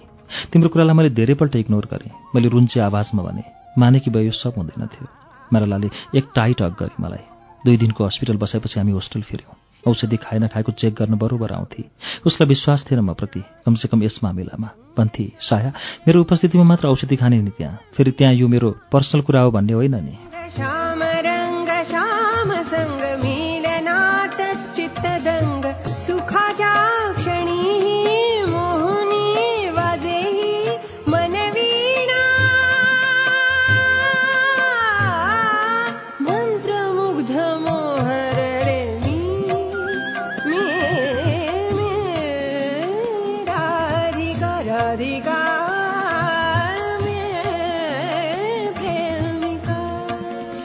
एक दिन मारालाले भनी हिँड साया आज म तिमीलाई भिजिल्यान्ड पार्क देखाउँछु। केही फ्रेस हुन्छौ कि? मैले सुरुमा आनाकानी गरेँ। कतै पनि जान मन थिएन। कोठामै बसिरहन मन पर्थ्यो। तर त्यस दिन मारालाले ढिपी गरी गएँ उसँगै। भिजिल्यान्ड पार्क घुमेपछि हामी एउटा बस्ने ठाउँ खोजेर बस्यौँ। मैले आफूभित्रको उकुस मुकुस केही बाँकी नराखी सुनाएँ। त्यो सुनाइरहने क्रममा माराला निकै आत्मीय लागे। मनको बोझ पनि केही बिसाए चाहिँ भयो। ऊ पनि मलाई विभिन्न रूपमा सम्झाउन खोज्थे बुलबुल पब्लिकेशन उपन्यास कथा गजल लगायतका विधाका गुणस्तरीय पुस्तकहरू प्रकाशनका लागि बुलबुल पब्लिकेशन नयाँ लेखकहरूलाई विशेष प्राथमिकताका साथ Bulbul publication private limited Kathmandu. Phone number अन्ठानब्बे दुई तिस सैतिस तिन पाँच नौ।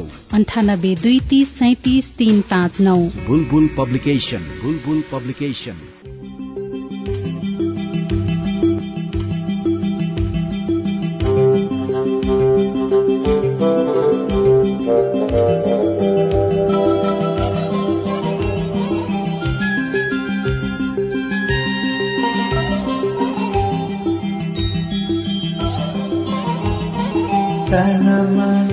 दुई वर्षको रन। त्यसपछि त तिमीहरूको मिलन भइहाल्छ नि मारलाले भने। मलाई प्रत्येक दुई पटकको सास फेराइमा मुस्किल भइरहेको थियो। ऊ दुई वर्ष कुर्ने सल्लाह दिन्थे। कति सजिलो हुन्छ है अरूलाई सल्लाह दिन। हो नि जति सजिलो हुन्छ अरूलाई सल्लाह दिन। त्यति नै गाह्रो हुन्छ अरूको सल्लाह मान्न। मारला भन्थे यसरी अतीत अतीत भनेर तिम्रो पढाइ राम्रो हुनै सक्दैन साया। या त उसलाई बिस्तारै बिर्सिने प्रयास गर। चाहे त्यो अल्पकालीन रूपमै किन नहोस् या सप्तक बिर्सी नेपाल फर्केर जाऊ र उसँग पुरै सेटल हो। मारालाको कुराले एकपटक नराम्ररी झस्केँ। उसको दोस्रो कुरा सुनेर भित्र कता कता रोमाञ्चित भएँ। मैले सुन्न चाहेको सत्य यही त थियो। मेरो अन्तरात्माले पहिल्याउन नसकेको समाधान मारालासितको एउटा क्याजुअल सम्वादले बोध गरायो। तर यो सब करियर फ्युचरप्रतिको संवेदनशीलता अनि परिवारप्रतिको जवाफदेहिताका कारणले गर्दा नै मेरो अन्तरात्मामा निषेधित थियो। न कि म आफ्नै हटले यसलाई दमन गरेकी थिएँ। कस्तो हो कि मान्छेको मन। कहिलेकाहीँ आफूले सुन्न चाहेको सत्यहरूको मुखबाट सुनेपछि मात्र आफूभित्र विद्यमान आवश्यकताको महसुस हुन्छ। आफ्नो आवश्यकता पनि अरूले पहिल्यै दिनुपर्ने। कहिलेकाहीँ पानी देखेपछि मात्र प्यास लागेको थाहा हुँदो रहेछ।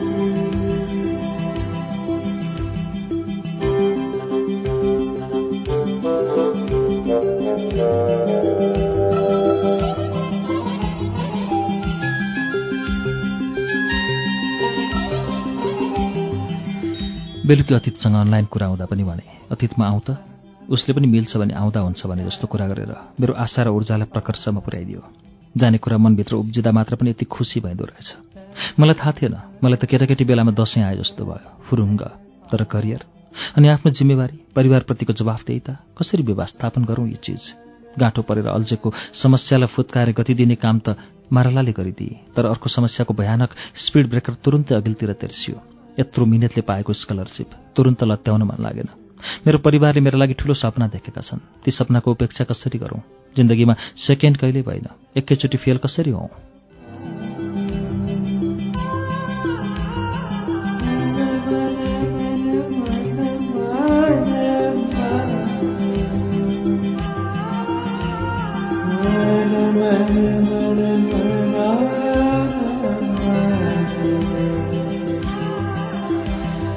मन फेरि अन्तर्द्वन्द्वमा फस्यो। के गर्ने? कसको कुरा मान्ने? कसलाई केलाई ज्यादा प्राथमिकता दिने? केलाई इग्नोर गर्ने? मारालाई मेरो मनभित्रको कुरा बोल्छे। म आफ्नो मनभित्रकै कुरा सुन्न चाहन्छु तर अर्थक पनि छ जुन मैले सुन्नुपर्छ मान्नुपर्छ। मेरा जिम्मेवारी र कर्तव्य पनि छन्। म कसैकी छोरी हुँ पहिला अनि मात्र कसैकी प्रेमिका। मम्मी बाबासँग साइनो भनेको जन्मजात हो अनिवार्य हो। अतीत हिजो अस्ति बाटामा भेटिएको मान्छे न हो। तर मन मान्दैनथ्यो मन हिजो अस्ति भेटेको मान्छेसितै ज्यादा आसक्त भएको थियो। कोसँग कति समय बिताइयो त्यसमा प्रेमको परिमाण निर्भर नहुँदो रहेछ। अन्तर्द्वन्द्वहरूका बीच पनि मैले अतीतलाई रोज्ने निर्णय गरेँ।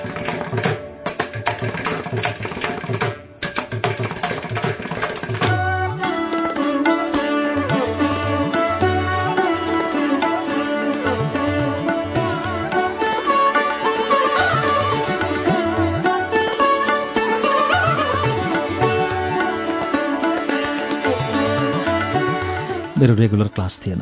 हप्तामा दुई दिन मात्र थियो। अनि यसो सोचेँ हप्ता दस दिनलाई छुट्टी मिलाउन सकेँ भने मैले धेरै क्लास लस पनि गर्नु पर्दैन निर्णय त गरेँ। तर अर्को भावनात्मक समस्या फेरि मनभित्र भदौरे भेल चाहिँ हल्लै छिर्यो। समस्याहरू पनि विचित्रका। एकातिर टाल्न खोज्ने अर्कोतिर उदाङ्ग हुन्थ्यो। अर्कोतिर टाल्न खोजे अर्कोतिर वाङ्ग। टालेर कहिल्यै नभ्याइने। समस्या जस्तै मान्छेको मन पनि विचित्रको। कहिल्यै चित्त बुझाउन नसकिने। अलिकति रिक्तता सधैँ रहिरहने। जुन कहिल्यै भरिन्न केहीले पुरिन्न। दस दिनको छुट्टी एक हप्ता अतिथिसितको निकटता अनि एउटा औपचारिक बिहाले म उसितको दूरीबाट हुने प्रताडनाबाट सधैँका लागि मुक्त हुन खोज्छु। यो विचारले तुरुन्तै फेरि मन अशान्त हुन थाल्यो। बिहा भन्नु नै के हो र? एक चिम्टी सिन्दुर एक झुप्पा पोते एक थान सर्टिफिकेट र तुरुन्तै हावामा बिलाइ जाने दुई चार अनुच्छेद मन्त्र। केही औपचारिकता सामाजिक नियमले म भित्र विद्यमान अतीतको अभावलाई उसको परोक्षमा पनि पूर्ति गर्न सक्छ त? थाहा थिएन। म बिल्कुल निरुत्तर थिएँ।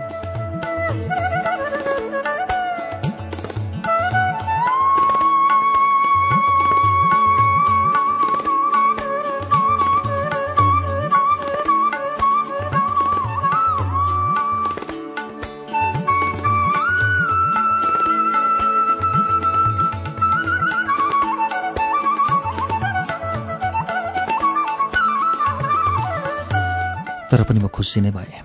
एउटा ठाउँ थियो खुसी हुने। त्यसलाई आफ्ना अनावश्यक विचारहरूको पोषण दिएर अनेक आकार प्रकारमा ढाली जबरजस्ती दुःखी हुन मन लागेन। कमसेकम त्यस क्षण म मुस्कुराएँ हाँसेँ खुसी भएँ। त्यहाँ बितिरहेको समयको माग यही थियो।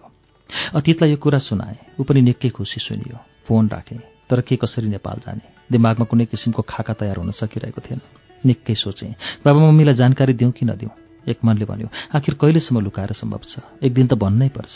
मैले अतीतलाई बाबा पोजिटिभ हुनुहुन्न भनेर भनेकी नै थिएँ तर वास्तवमा मैले यो सब कुरा बाबा समक्ष राख्न सकेकी नै थिइनँ। मलाई थाहा छ बाबा यो कुरामा मरिगए कन्भिन्स्ड हुनुहुन्न। मम्मी पनि मान्नुहुन्न।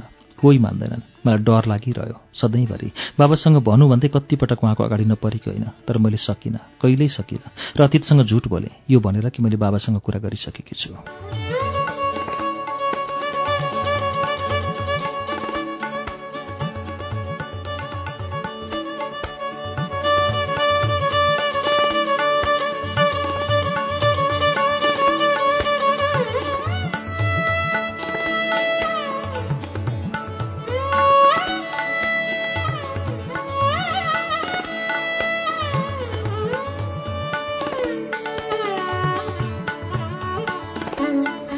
विचारहरूको धेरै मन्थन गरिसकेपछि यो निष्कर्षमा पुगेँ। म घरमा कुनै पनि किसिमको नोटिस नदिइकनै दिल्लीतिरबाट धनगढी छिर्छु। काठमाडौँ हुँदै जानु खतरायुक्त थियो जो कोहीले पनि देख्न सक्थ्यो।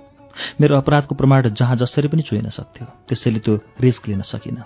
टिकट कन्फर्म गरेँ। भाइलाई चाहिँ एक मेसेज गरिदिएँ दस दिनसम्म म एभाइलेबल हुँदिनँ। एसाइनमेन्टहरू छन्। निकै व्यस्त रहनेछु। फेसबुक पनि डिएक्टिभेट गर्दैछु। बाबु मम्मीलाई यही खबर भन्दै। मस्कोको ट्रान्जिट हुँदै जाने टिकट लिएँ। टिकट कन्फर्म गर्ने बेलामा एकपटक मारालालाई पनि भने हिँड माराला जाउँ हाम्रो देश हाम्रो बिहामा आई विस मारालाले अफसोसले भरिएको मुस्कान साथ भने यही मन्डे मेरो एक्जाम छ। फेरि भिजा प्रोसेसिङ लगायतका काम गर्न कति दिन लाग्ने हो? केही थाहा छैन मलाई थाहा थियो ऊ जान सक्दैनथे तैपनि एक फेर लोकाचार देखाइदिएकी थिएँ। तर ऊ मलाई छाड्न एयरपोर्टसम्म आई छुट्टिने बेला हक गरी भनी साया wish you happy married life म मुस्कुराउँदै सुटकेस घिसार्दै लमक लमक डिपार्चरतर्फ बढेँ।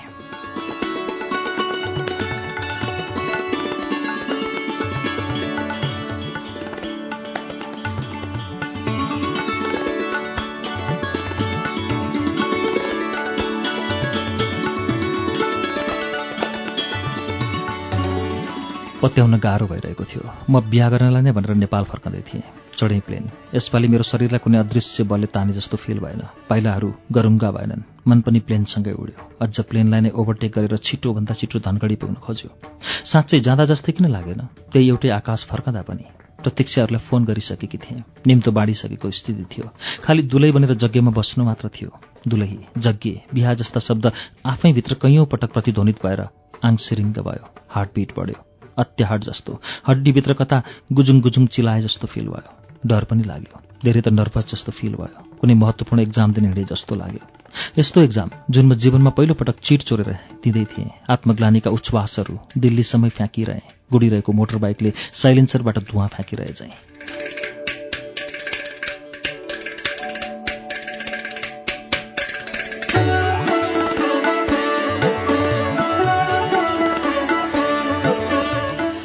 अतीत दिल्ली एयरपोर्टमा लिन आयो। उसलाई देख्न साथमा आवाज आउने गरी रोइदिए। ऊ पनि म सँगसँगै रोयो। मन मनसुन जस्तो भयो। कण कण थोपा थोपा छिटा बाछिटा यत्र तत्र हावासँगै फरफर बाथिँदै उड्दै भिज्दै भिजाउँदै बर्सिरह्यौँ निकै लामो समयसम्म। उसको अँगालोमा आफूभित्रको एक्लोपनाको बोझ बिसाएँ। प्रसव वेदनाबाट तडपिरहेकी महिलाले आफ्नो कोखबाट बच्चा निकास गरेपछिको अवस्था चाहिँ म हलुङ्गी भएँ। त्यहाँ एक रात पनि नबसी हामी धनगढी गयौँ। प्रतीक्षाहरूलाई देखेर झन् बिछट्ट खुसी मिल्यो। बालविवाह गरेर विदा गरिएकी चेरी पहिलोचोटि माइत पुग्दा जस्तो फुरुङ्ग भइरहेकी थिए।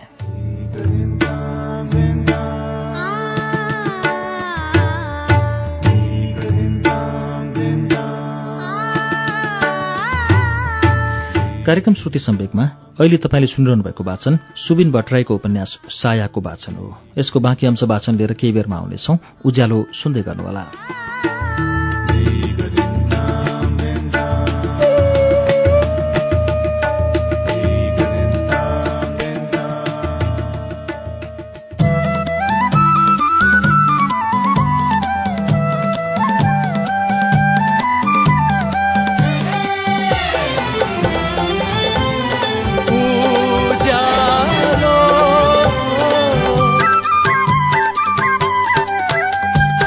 सीधा कुरा प्रश्न विचार। Ujyalo radio network.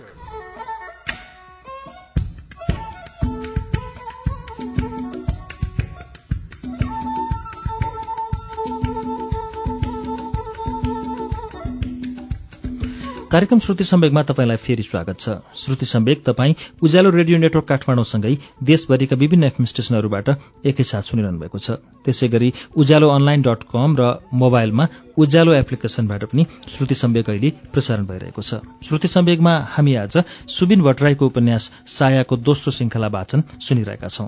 यसको बाँकी अंश वाचन अब सुनौ।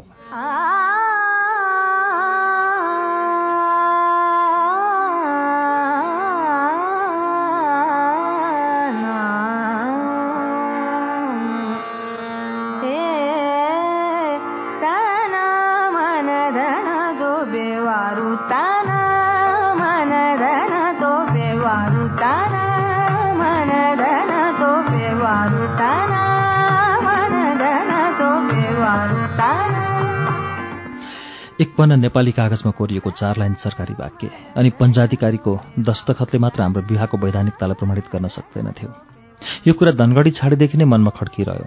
हरेक पखत आधा पेट खाएर हिँडेको मान्छेलाई जस्तो तल तल लागिरहन्थ्यो। एउटा ग्याप जस्तो छ र त्यो भर्नुपर्छ भन्नेमा मन सधैँ उद्यत रह्यो। एक दिन मारलाको रुममा सेलिब्रेसन जस्तो भएको थियो। वरपरका साथीहरू मिलेर आफै जाँगर चलाएर विकेन्ड पार्टी गर्न लागेका थियौँ।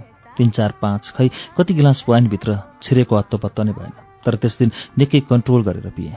बेलुकी आफ्नो रुममा आएपछि बाबालाई फोन हान्ने हिम्मत जुट्यो। कस्तो विडम्बना। आफ्नो जन्मदिने पितासँग जायज माग गर्न नाजायज चिजको सहारा लिनुपर्ने।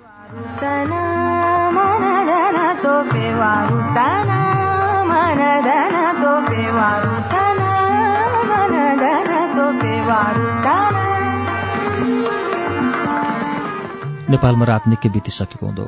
मलाई त्यहाँको समयबारे कुनै हेक्का पनि थिएन। मतलब पनि भएन। बाबाले फोन उठाउनु भयो सन्च बेसन्चोको कुरा आदान प्रदान भइसकेपछि मैले भने बाबा म एउटा केटासित प्रेममा छु तर अफसोस ऊ बाहुन हो। ओहो भनिसकेपछि मलाई पश्चाताप भयो। बाबालाई त्यो कुरा भने कि भएर होइन? मलाई यस कुराले पश्चाताप भयो। अतीत बाहुन हो भनेकामा रक्सी पिएपछि मान्छे अनकन्सियस हुन्छ भन्छन्। मलाई लागेन म कति कन्सियस रहेछु। यति सानो कुरामा मलाई अफसोस हुनलाई कुन कोणबाट अनकन्सियस भन्नु? बाबाले भन्नुभयो छोरी आर यु ड्रङ्क? नो बाबा मैले तुरन्त झुटो जवाफ फर्काइहालेँ। सिडी यसदेखि नै हो। फेरि थपेँ नाइ होला यो कुरामा म कन्भिन्स हुनै सक्दिनँ। सरी बाबाको जवाफ थियो। कम्तीमा एकचोटि त भेट्नुहोस् बाबा। यो भनेर मलाई रुन आयो। उहाँ उहाँ रुन थाले। ठिक छ बाबाले भन्नुभयो। कहाँ छौ? धनगढी। मेरो संक्षिप्त उत्तर। पठाइदिउँ रुँदै अनुनय गरे। हुन्छ। अतीतलाई यो खबर सुनाए। मलाई थाहा थियो बाबाले तत्काल मेरो चित्त बुझाउनलाई हुन्छ भन्नुभयो। तैपनि एउटा झिनो आस मनभित्र ल्याउ झैँ टाँसिरह्यो।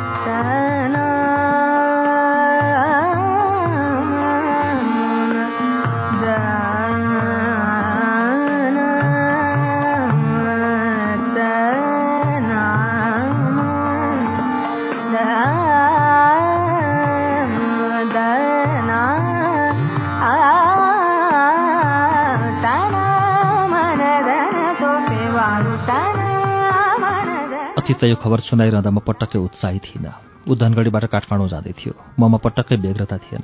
मुटुको दुखदुखी बढेन। शरीरका कुनै अवयवले मात्तिने दृष्टता गरेनन् किनकि बाबाले निराश पार्नुहुन्छ। यो मलाई पहिल्यै थाहा थियो।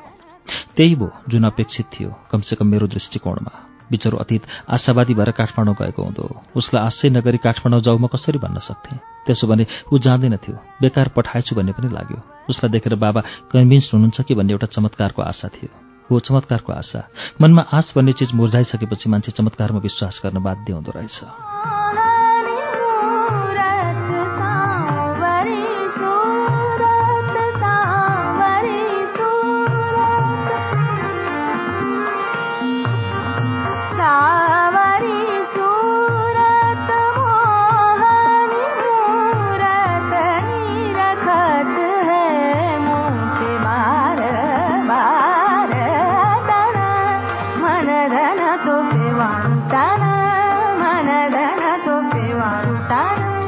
अतीत धनगढी फर्किसकेपछि बाबासँग बारम्बार कुरा भइरह्यो। कुरा के भन्नु? विवाद हुन्थ्यो। म अनेक तरले उहाँलाई कन्भिन्स गर्न खोज्थेँ। म पक्का थिएँ। उहाँभित्र म प्रतिको प्रेम असीम छ तर उहाँ ठर्नु बोलोक्ने मान्छे।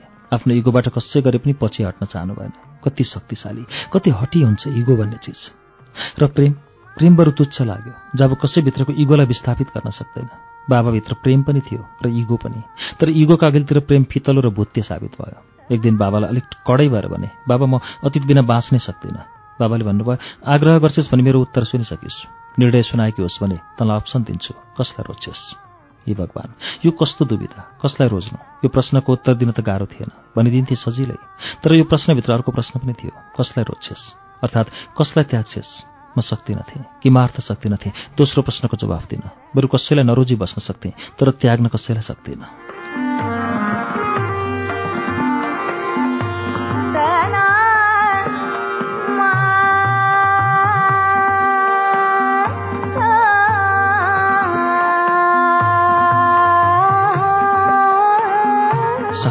सम्बन्धहरू किन यति कमजोर? किन यस्तो स्वार्थी? कसैलाई रोज्दैमा ऊ आफ्नो हुने? कसैलाई त्याग्दैमा ऊ पराई? कसको चित्त बुझाउनु? अतीतको बाबाको या आफ्नो? एउटालाई छान्नै पर्थ्यो। अतीतलाई छानेर बाबालाई त्याग्दा पनि म नालायक नै ठहर्थेँ मेरो परिवार र समाजका नजरमा त म त्यस बेला पनि त खराब नै हुन्थेँ। हाय कस्तो धर्म सङ्कट यो। जताबाट पनि मेरो हार मात्र थियो। हो म प्रेम गरेँ अतीतसँग। तर यो मोडमा आइन्छ भन्ने सोचेर विश्लेषण गरेर होइन। बिहा गर्न गएँ कुन स्थितिबाट गुज्रेर गएँ त्यो झलझली थाहा थियो। म त्यो ठाउँमा उभिएकी थिएँ जुन ठाउँमा उभिनु पनि घिन जस्तै लाग्यो युद्धमा भित्र मेरा विचारहरूको हुँदै थियो र म प्रत्येक पल पराजित हुँदो थिएँ झर्दो थिएँ एउटा उत्कर्षबाट जसरी झर्छ गोली लागेको चरा माथि धेरै माथिबाट एउटा आर्तनाथसहित थोपा थोपा रगत चुहाउँदै छटपटाउँदै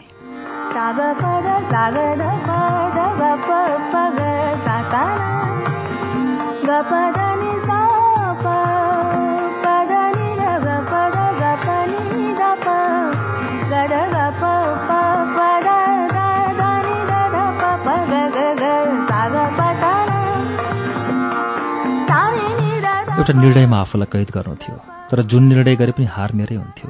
मेरा अघिल्तिर दुई लोग्ने मान्छे थिए। एकको जित निश्चित थियो तर कसलाई जित्न दिउँ बाबालाई या अतीतलाई? अतीतको जितमा मेरो पनि जित थियो तर के बाबा हार्नु मेरो पनि हार होइन? अतीत हार्नु त झन् मेरो लागि कष्टदायक हार थियो। उफ यो कस्तो हुन्छन् कस्तो झेलिएको परिस्थिति।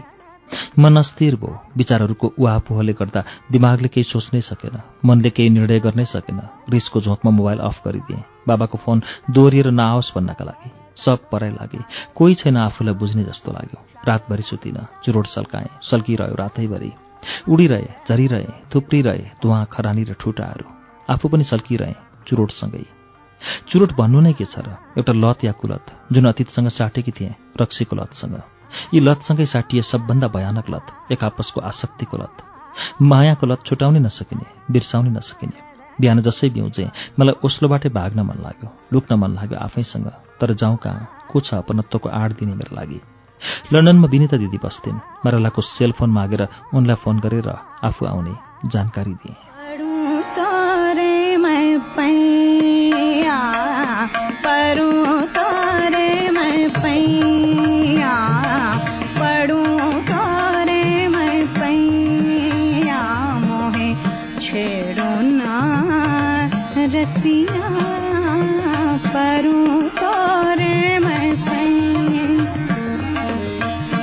विनिता दिदी मभन्दा एक वर्ष मात्र जेठी थिइन्। हाम्रो बाल्यकाल सँगसँगै बितेको थियो। दिदी बहिनीभन्दा दौतरी ज्यादा थियौँ। एक आपसमा सबै कुरा सेयर गर्थ्यौँ। त्यसैले होला उनीसितको आत्मीयताको स्मृतिले तानिएर म लन्डन पुगेँ। सबै कुरा सुनाएँ उनलाई। त्यसरी भावावेशमा आएर बिहेकै कदम चाहिँ नउठाएकी भए हुन्थ्यो साया। उनले भनिन् के गर्नु थियो त दिदी? म दिन प्रतिदिन गल्दै गएकी थिएँ। केही विकल्प नदेखेर गरेँ। केही विकल्प नदेखेर सरेन्डर गरिस्? दिदीले भनिन् केही समय कठोर भएर सहेकी भए त निकास पाइहाल्थिस्। बानी परिहाल्थ्यो नि। फ्यामिलीबाट एक्सेप्ट नै नहुने कुरामा हात हालिस्। तैँले साँच्चै आफ्नै खुट्टामा आफैले पञ्चरो हानिस्। अब के गरौँ त दिदी? अझै पनि केही बिग्रेको छैन। मान्छेस् भने बिर्सिदिए सबै कुरा। चारजना मान्छेको अगाडि गरेको बिहाको कुनै अर्थ छैन। घरमा कसैलाई थाहा छैन। नयाँ ढङ्गबाट जीवन सुरु गर्न सक्ने ठाउँ थुप्रै छन्। खालि अलिकति प्र्याक्टिकल माइन्डले सोच्ने काम गर। इमोसन भन्ने चिजलाई थेम्समै बगाइदिए।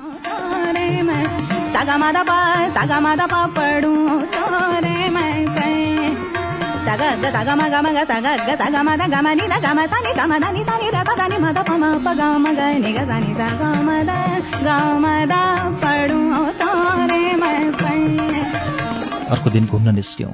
प्लम स्ट्रीमा पुगेपछि दिदीलाई भने दिदी स्मोक गर्न मन लाग्यो। उनले अल्प उत्तेजना साथ भनिन्। एभरेस्ट स्टोरमा सूर्य चुरोट पाइन्छ। एभरेस्ट स्टोरमा सूर्य चुरोट किन्यो। दसवटाको पैँतिस पाउन्ड। चुरोटको बानी चाहिँ कहिलेबाट नि? सोधिन् दिदीले। मैले यथार्थ बताइदिएँ। केही बोलिनन्। फिस्सा हाँसिन् मात्र। उनले भनिन् हो यस्तै झिना मसिना कुराहरूले एट्याचमेन्ट बढ्ने जबसम्म यस्ता कुरामा अल्झिन्छस् तेरो केही हुनेवाला छैन। याद भन्ने कुरालाई त जरीदेखि पो उखेलेर फाल्नुपर्छ मैले भने त्यति सजिलै फाल्न मिल्ने भइदिए भए म आज यो दिनसम्म नै आइपुग्ने थिइनँ। त कसरी यति साह्रो इमोसनल भइस आया उनले भनिन् त कसैको प्रेममा यो हदसम्म पुग्न सक्छस् भनेर पत्याउनै गाह्रो लागिरहेको छ। प्रेमले मलाई धेरै नै इमोसनल बनाइदियो दिदी। दिनको उत्तरार्धतिर थियौँ। हामी टावर ब्रिजमा पुगेका थियौँ। सुस्तरी वाक गरिरहेका। तलपट्टि थेम्स नदी आफ्नै बहावमा थियो। सायद हाम्रै जस्तो गतिमा। दिदीले तलपट्टि बगिरहेको थेम्स नदी देखाउँदै भनिन् सबै याद ऊ त्यो थेम्समा बगाइदिए साया। अब नयाँ ढङ्गले अगाडि बढ्नुपर्छ। दिदीले भनेपछि मैले एकपटक थेम्सतर्फ फुलुक्क नजर पुर्याएँ अनि भने के थेम्स नदी त्यति गहिरो छ र जसले यादहरूका पहाडहरूलाई सजिलै डुबाएर लैजान सकोस्?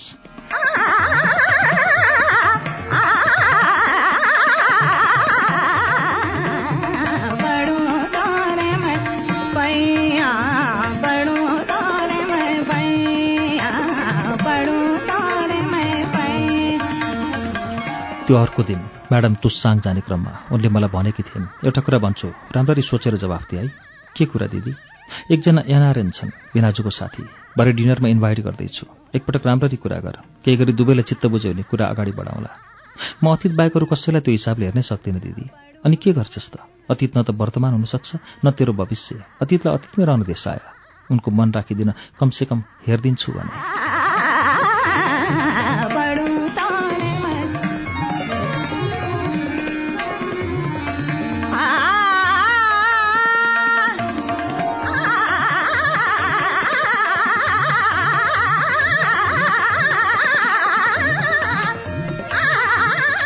सुजन नाउ गरेको व्यक्ति रहेछ बिनाजुको साथी।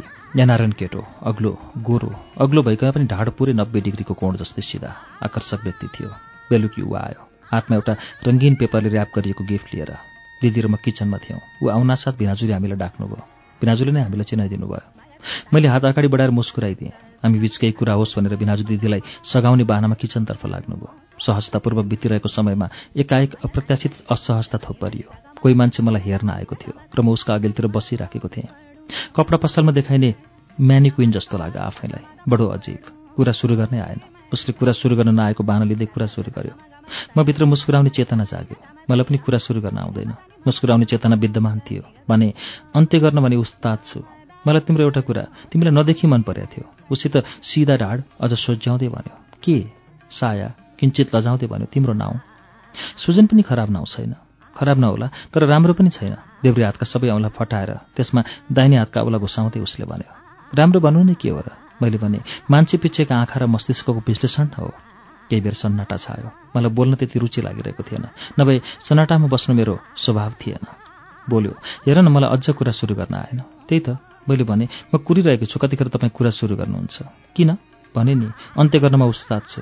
मलाई तिम्रो अर्को कुरा पनि मन परेको थियो। अब यो नभन्नुहोस् कि साक्य थर पनि मन परेको थियो। होइन त्यो भन्यो तिमी टियु टफर भन्ने कुरा मन परेको। अरू के के मन परे? अलिक ठाडो बोलीमा सोधेँ। उसले मेरा कुराहरू एकपछि अर्को गर्दै मन पराएको मलाई मन परेन। मलाई उसँग बिहा गर्नु थिएन। न त अफेयर नै चलाउनु थियो। दिदी भिनाजुको आग्रहमा म उस अघि देखिएकी मात्र थिएँ।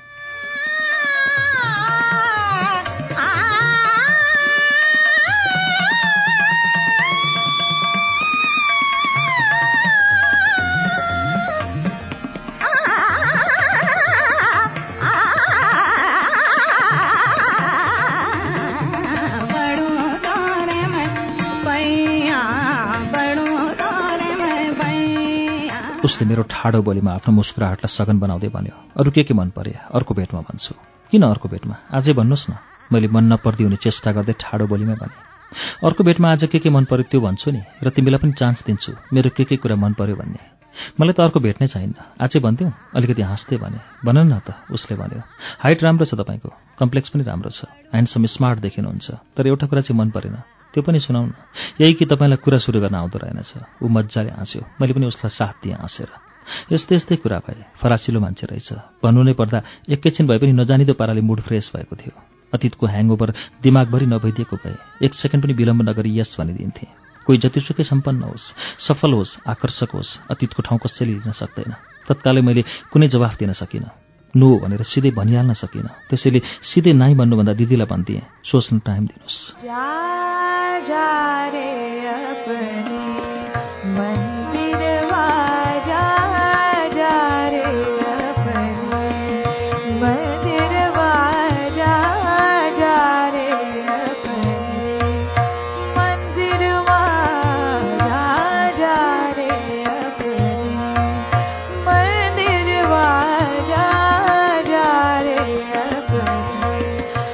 आफैबाट भाग्न गएँ लन्डन त तर कतिन्जेलसम्म कहिलेसम्म लुग्न सकिन्थ्यो यसरी? एउटा निर्णय त आज नभए भोलि मैले गर्नै पर्थ्यो। यी सब कुरा मलाई थाहा नभएको होइन। म जबरजस्ती आयु लम्ब्याउन खोजिरहेको थिएँ खुसीहरूको जसरी जीवनको झिनो आश देख्छन् क्यान्सर लागिसकेको रोगीले चुरोट छाड्नुमा एउटा अर्थहीन प्रयास एउटा केटाकेटीपना।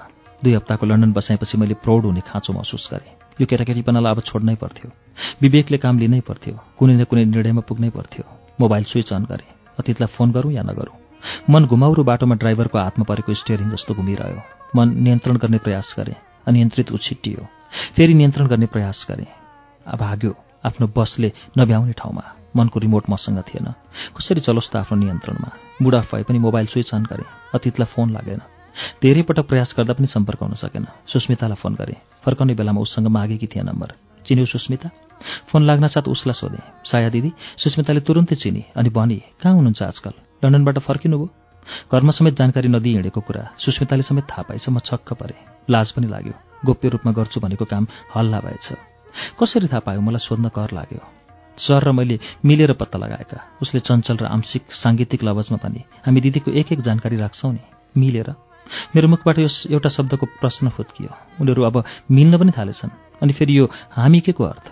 अहिलेबाट उनीहरू कहिलेबाट उनीहरू हामीमा रूपान्तरित भए? एकछिन त आरिस पनि लाग्यो। मेरो एउटा हराउन उनीहरूका लागि बहाना भएछ आपसमा मिल्न। यो मिलाइमा के के भएको हुँदो?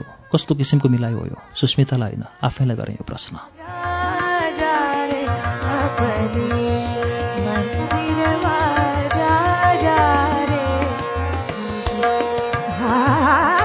कस्तो छ अतीतको हालखबर सुस्मिता? मेरो अघिल्लो प्रश्नको उत्तर चुन नपाउँदै अर्को प्रश्न गरेँ। ठिक छ दिदी सुस्मिताले भने। आजकल त सर एकदम राम्रोसित बोल्न थाल्नु भएको छ। हो र?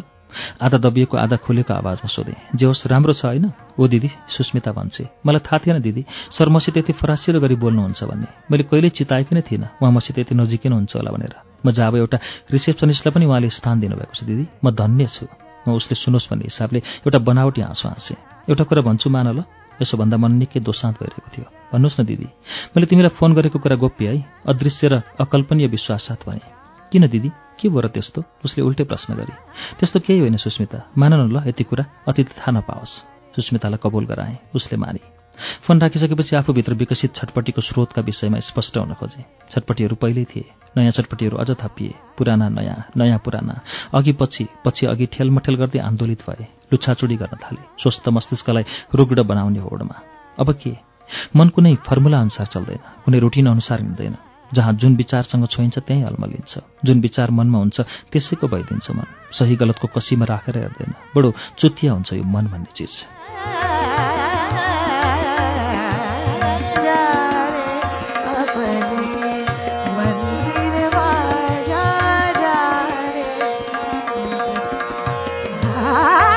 सस्याना अपुष्ट कुराहरूलाई अनावश्यक महत्त्व दिएर पहाड चढाउनुको कुनै तुक थिएन। अतीत खुसी थियो। सुस्मिता झन् खुसी थिए। म सुनिरहेको थिएँ। सुस्मिताका आवाजमा अतीतको खुसी कसरी स्फटिक झैँ प्रत्यावर्तित भइरहेछ म महसुस गरिरहेको थिएँ।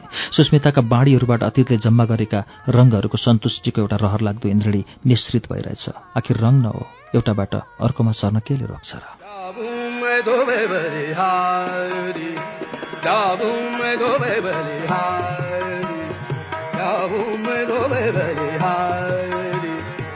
जाऊं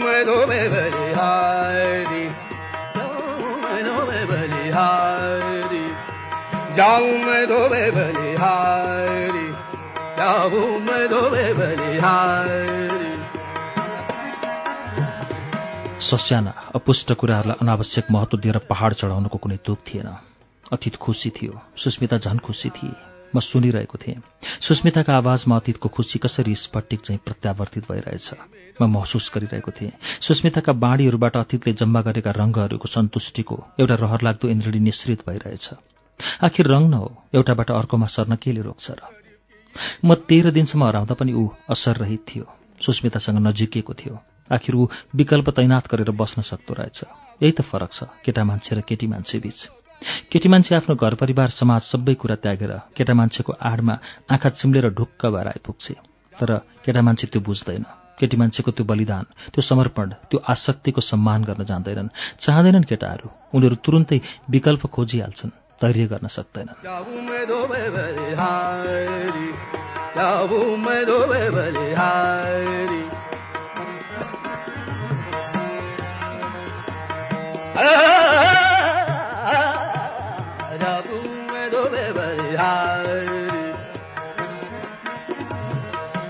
एक हिसाबले सोचेँ अतीतले मलाई सजिलो बनाइदियो। म भित्रको अन्तर्द्वन्द्वको सही निकास दिन उसको यो व्यवहारले मलाई सहयोग गर्यो। यो पनि चित्त बुझाउने कुरो न हो एउटा आत्मरति। आखिर हार्नेले पनि गौरव गर्न पाउँछ। कोही हारिदिएन भने जित्ने कसले? फेसबुक खोलेँ। ऊ च्याटमा आइरहन्थ्यो बोलाइरहन्थ्यो। म उसको मेसेज देखे पनि जानी जानी ढिलो उत्तर दिने प्रयास गर्थेँ। उसलाई यो आवाज दिलाउनलाई कि म उसलाई इग्नोर गरिरहेकी छु? उसका प्रश्नको उत्तर पनि थोरै शब्दमा दिन्थेँ।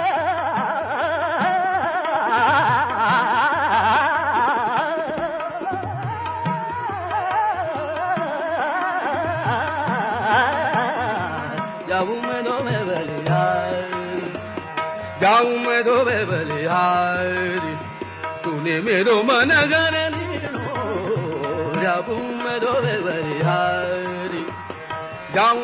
यी सब गरिरहँदा मलाई मजा आएको थिएन म खुसी थिइनँ च्याटमा उसको प्रत्येक मेसेज पढ्दा र त्यसको उत्तर दिने उद्देश्यमूलक ढिलासुस्ती आफैलाई बाँधे जस्तो लाग्थ्यो घरिघरि ठूलो अपराध गरिरहेकी छु जस्तो लाग्थ्यो ऊ बारम्बार सोधिरहन्थ्यो साया किन यस्तो के उत्तर दिने के भनौँ कसरी उसको चित्त बुझाउँ आफैलाई चित्त बुझाउन सक्दिनँ उसको चित्त कसरी बुझाउनु? रिसले भित्रभित्रै मुरमुरिएकी थिएँ। एकैछिनमा लाग्यो च्याट मार्फतै भए पनि विस्फोट भएर आफूभित्रको क्रोधाग्नि सेलाउँ र सुस्मिता मेरो दिमागलाई रिङ्गटा लगाउन्जेल फनफनी घुमिरहन्थे।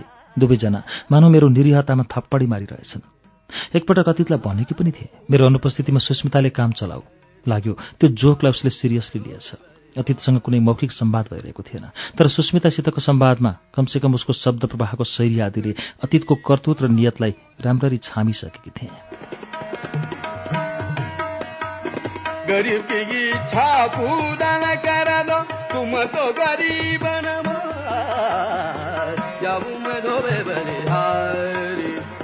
जाऊं मैं धोबे बलिहारी।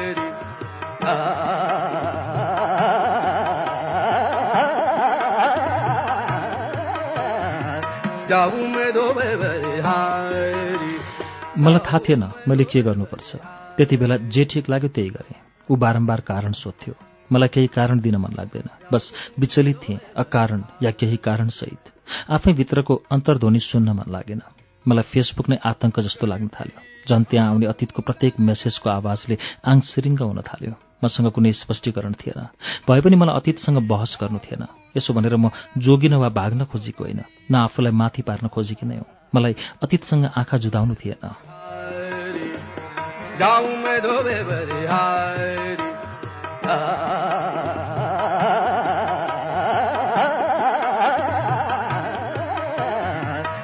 मैं दो बलिहारी जाऊ मैं दो बलिहारी मलाई फेसबुकमा अनलाइन बस्नु कटकरामा उभिएको अपराधी चाहिँ महसुस भइरहन्थ्यो। या सर्वाङ्ग नाङ्गै कुनै सार्वजनिक स्थानमा उभिरहेकी छु जस्तो लागिरहन्थ्यो। त्यो एक दिन मैले आफ्नो मुटु भन्ने चिज झिकेर मिल्काएँ र उसको बारम्बारको प्रश्नमा भने प्रयास गर एक दुई दिन हो बानी पर्छ। त्यसपछि लगआउट मात्र गरिन फेसबुक नै पुरै डिएक्टिभेट गरिदिएँ मोबाइल पनि स्विच अफ गरेर थन्काइदिएँ।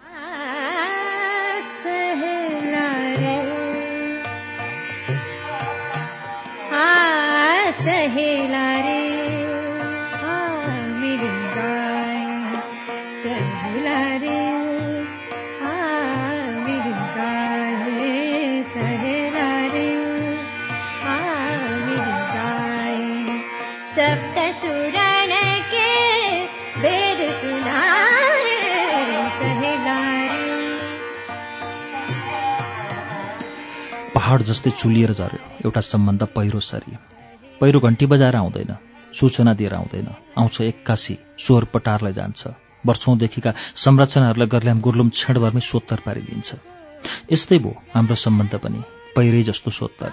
मनलाई चित्त बुझाउन सकिन।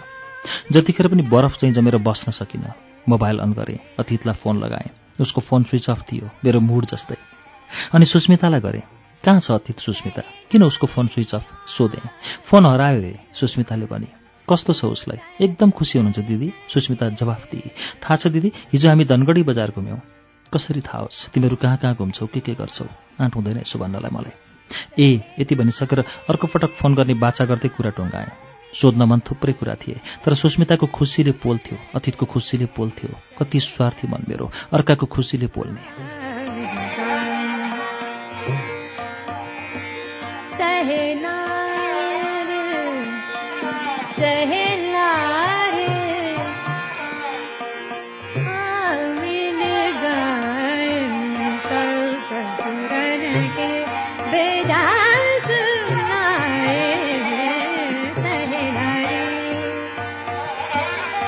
दिन सुस्मिताले आफैले फोन गरी भन्छे दिदी आज हामी टिकापुर पार्क गयौँ। अर्को दिन खिसिएको स्वरमा आफै फोन गरेर सोधे आज कहाँ गयो सुस्मिता? दोधारा चाँदनी मानौ मेरो यही प्रश्न कुरेर बसेझै गरी उसले उत्तर फर्काई मन झन अशान्त भयो झन पोल्न थाल्यो। यसपालि अति दसैँमा घर गएन सुस्मिता? मैले सोधेँ खै अफिसको जरुरी काम परेकाले बस्नै पर्ने भयो अरे सायद दसैँपछि जानुहुन्छ होला। कसले पकाएर खुवाउँछ त उसलाई त्यहाँ? सोधेँ मैले नै खुवाइरहेकी छु दिदी।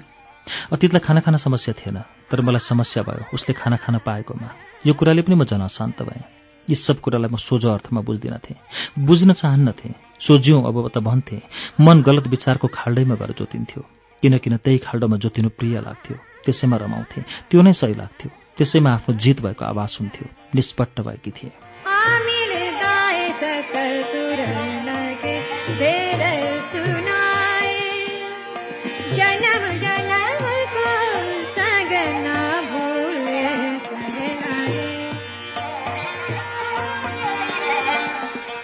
एक दिन त खप्नै नसक्ने गरी सुस्मितालाई फोन गरेर भने सुस्मिता मैले जे जे सोधे पनि सही जवाफ दिन्छौ? आजसम्म कुन कुन कुराको गलत जवाफ दिएकी छु र दिदी सुस्मिताले प्रतिप्रश्न गरी मैले त्यसो होइन त्यसो भनेको होइन सुस्मिता मैले भने आज चाहिँ विशेष सत्य जवाफ देऊ न है। सोध्नुहोस् न दिदी अतीतसँग तिम्रो कस्तो सम्बन्ध चलिरहेको छ? यो कस्तो प्रश्न दिदी? नडाँटी भन उसँग शारीरिक केही भएको छ? दिदी प्रश्नवाचक सम्बोधन अघि सारेर भने किन यस्तो प्रश्न गर्नुभयो? फ्रेङ्कली भन सुस्मिता मैले भने छ कि छैन मनमा केही नराखियो भन। एउटा सन्नाटा मात्र आयो जवाफमा। फेरि सोधेँ आवाजको फ्रिक्वेन्सी बढाउँदै भन सुस्मिता नत्र तिम्रो मौनताको अर्थ म आफ्नै हिसाबमा बुझ्छु। छ दिदी। सुस्मिताको आवाज निकै डराएको थियो। त्यसो भनिरहँदा ऊ थरथर काँपिरहेकी हुँदियो मेरा पनि त्यस क्षण हातगोडा लल्याक लुक भए। पेटभित्र रोटेपिङ नै घुमे जस्तो फिल भयो। सायद मेरा शरीरका अङ्गहरू यो सब सुन्न तयार थिएनन्।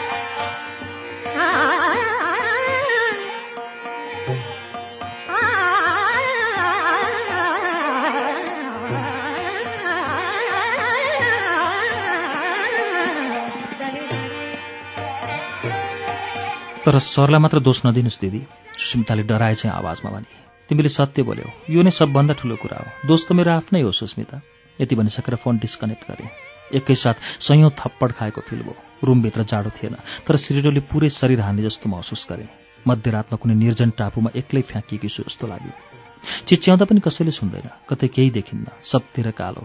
त्यस दिन भने साँच्चै म हारेँ। फेल भएँ। एकैसाथ जीवनभरको भाग पुग्ने गरी पछारिएँ। लाग्यो सयौँ हजारौँ बल्ड्याङ एकैसाथ खाइरहेछु। रोपेको त विश्वास नै थिए तर फल्यो विश्वासघात।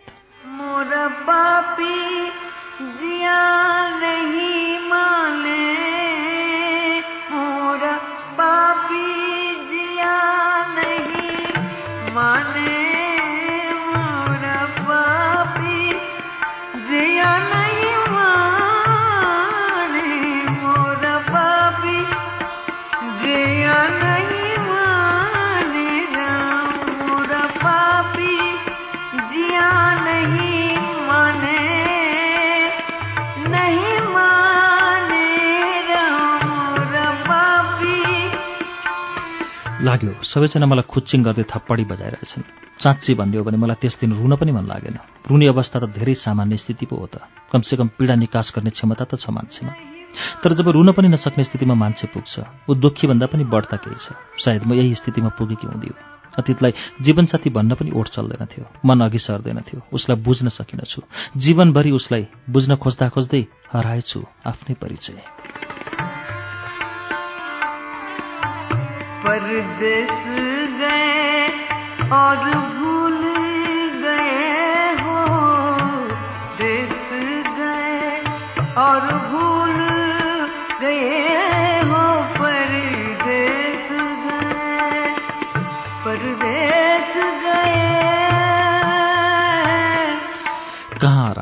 कहाँ खोजौँ आफैलाई? म आफ्नो सत्य र स्वाभाविकताबाट क्रमशः चुडिँदै गइरहेको थिएँ। ठूलो तरुबाट जसरी झर्छन् सुन्दर फूलहरू। म आफ्नो परिचयबाट थोते हुँदै गइरहेकी थिएँ। अतीतले दिन्छ कि भन्ने थियो आजीवन सुरक्षित मेरा निम्ति एकलौटी प्रेम तर दियो यी कहाली लाग्दा दिन कल्पनातीत पीडा जीवन विमुख कामना तत्कालै लाग्थ्यो। कुनै भिरबाट हाम फालिदिउँ र कसैले मेरो लाससम्म नभेटोस्। सारा इन्द्रिय सारा चेतना मसँग नरहोस्। पृथ्वीमा ठूलो विस्फोट होस् र सारा प्राणीहरूको सर्वनाश होस्। र विस्फोट होस् सम्पूर्ण चराचर जगतमा विद्यमान पीडाहरूको। मोरा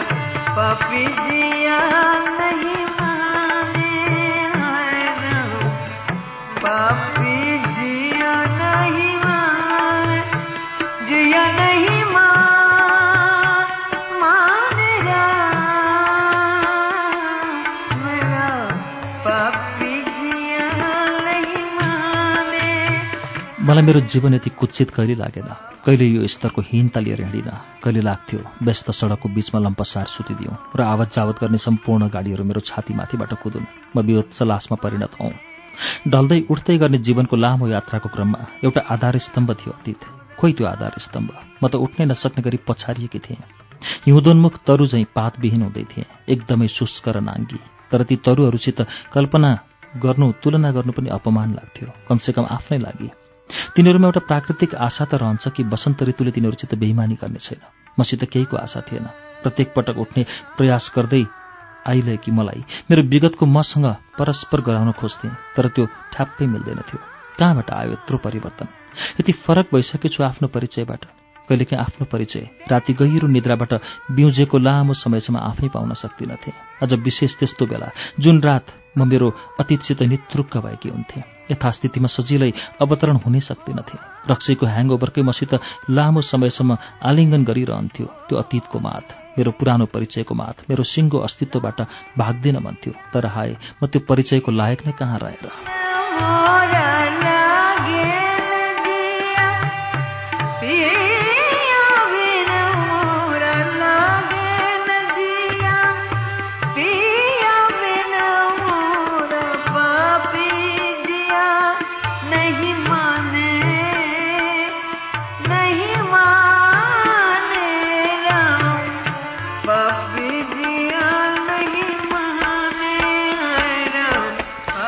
म त्यो साया रहेन। कहाँ हराएँ म कसले भेटाइदिन्छ र ल्याएर दिन्छ? हराए कि मलाई? मेरै सामुन्ने।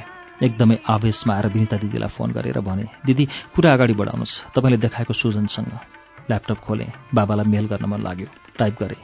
कङ्ग्रेस बाबा। प्रेम र परिवार रोज्ने कैयौँ दिनको युद्धमा आज म हजुरको पक्षमा खडा हुन सफल भएकी छु। अतीत मेरा लागि अब एउटा नमिठो अतीत भयो। अब जीवनको कुनै मोडमा विवश हुने छैन। कमसेकम आफ्नो परिवारको विकल्पमा कसैलाई कमसेकम हजुरले अनिच्छा गरेको व्यक्तिलाई उभ्याउन। सबभन्दा पहिला जन्मिँदा हजुरकी छोरी भएर जन्मिएकी थिएँ। आज पनि हजुरकी छोरी नै छु। अब कर्म पनि हजुरले नै तोके बमोजिम अप्नाउनेछु। म हजुरहरूबाट अलग छैन। केही समयसम्म बहकेकी थिएँ। डरलाग्दो हुरीमा थिएँ। यस्तो उमेर सबैको आउँछ। जीवनमा एकपटक जो पनि बहकिन्छ आशा छ यसलाई मेरो उमेरको दोष ठानी माफी दिनुहुनेछ।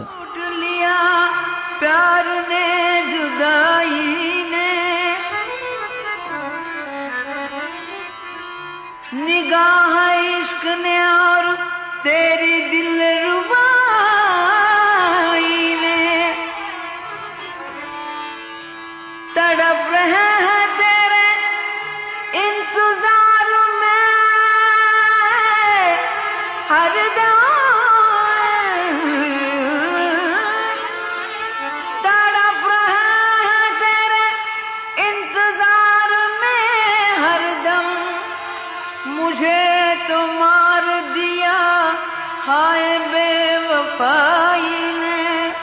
इमेल सेन्ड गरेँ। भोलिपल्टै बाबाको जवाफ आयो। ठिक छ छोरी अब मन धेरै नडुलाऊ। विनिताले ल्याएको कुरा मलाई धेरै ठिक लागेको छ राम्ररी बुझ्नु।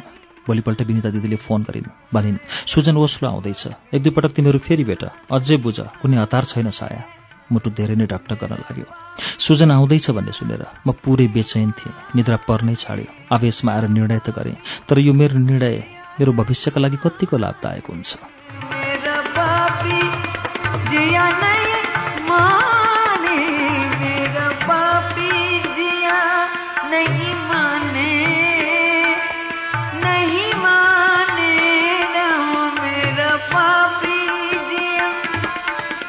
मेरो यो सब हालत मारालालले नजिकबाट निहालिरहेकी थिए। यता धेरै दिन भएको थियो नपिएको। त्यस दिन मारालालले अफर गरी आऊ साया आज पिउँ। मलाई भने किन किन पिउन पनि मन थिएन। भने मन धेरै दुखेको बेला पिउने मन पनि नहुँदो रहेछ माराला हो त रुन मन हुनु पिउन मन हुनु भनेको त सामान्य नै स्थिति हो। मैले यी स्थितिहरूलाई पार गरिसकेकी थिएँ।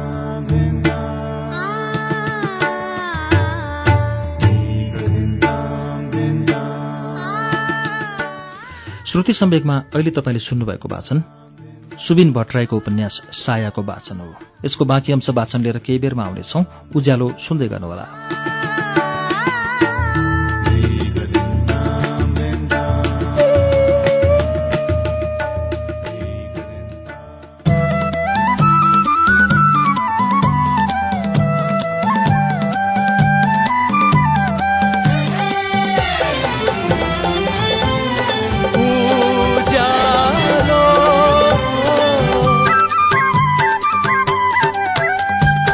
सीधा कुरा प्रश्न विचार। Ujyaalo radio network.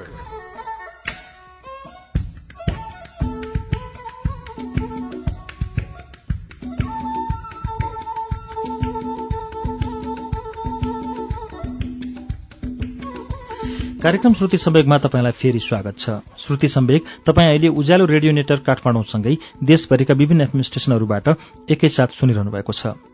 उज्यालो अनलाइन डट कम र मोबाइलको उज्यालो एप्लिकेशनबाट पनि तपाईँ अहिले श्रुति सम्वेक सुन्दै हुनुहुन्छ।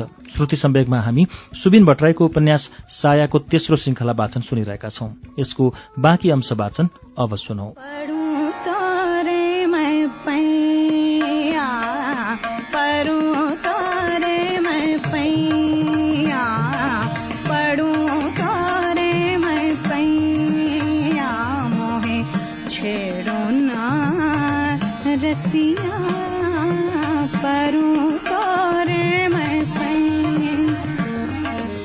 बिहिबारको दिन थियो। म र माराला कलेजबाट फर्कँदै थियौँ। फोन बज्यो। सुजनले गरेको रहेछ। ऊ ओस्लोमा भएको खबर थाहा पाएर एकपटक आङ्सिरिङ्ग भयो मेरो ओठ तालु सुके। हातखुट्टा गरौँ भए मुटु बौला आयो। भित्रैदेखि अमिलिएर आयो। कतै मलाई तुरन्त बिहा गरेर नलगिदियोस्। केटाकेटी जस्तै डराएँ एकपटक। त्यस्तो डराउनु पनि केही थिएन। सबै थाहा छ। तर पनि त्यो डर अरूसँग होइन आफैसँग थियो। कतै ती गुज्रिरहेका परिस्थितिहरूको खिचातानीमा आफै नपरौँ। डराइ डराइ भए पनि उसित कुरा गरिरहेँ। निकै बेर कुरा भइसकेपछि उसले भन्यो फोनमै मात्र सीमित हुने विचार छ कि प्रत्यक्ष कुराकानी गर्ने अवसर पनि पाइन्छ? कहाँ हुनुहुन्छ? सोध्नु थियो सोधेँ। क्याफे फेडेर आउन सक्छौ? उसले सोध्यो स्टिम क्याफे बार भए मलाई सजिलो हुन्थ्यो। कहाँ छ त्यो? मैले लोकेसन बताइदिएँ। करिब एक घन्टाको समय थियो। मारालालाई बिदा दिएर गएँ स्टिम क्याफे बार।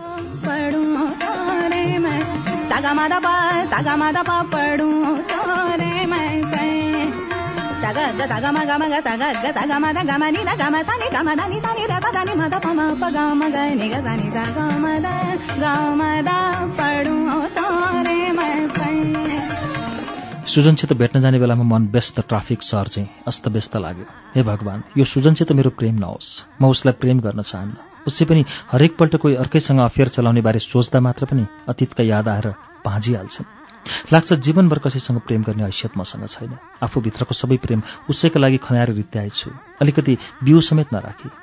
सुजन मलाई मोहक हाँसोले स्वागत गरिरहेको थियो। खैरो सुट लगाएको थियो। पाँच फिट परबाटै शरीरबाट आएको अत्तर मगमगाइरहेको थियो। टेबलमा रहिरहेको क्यापेचिनोको गन्धलाई समेत बिर्साउने गरी।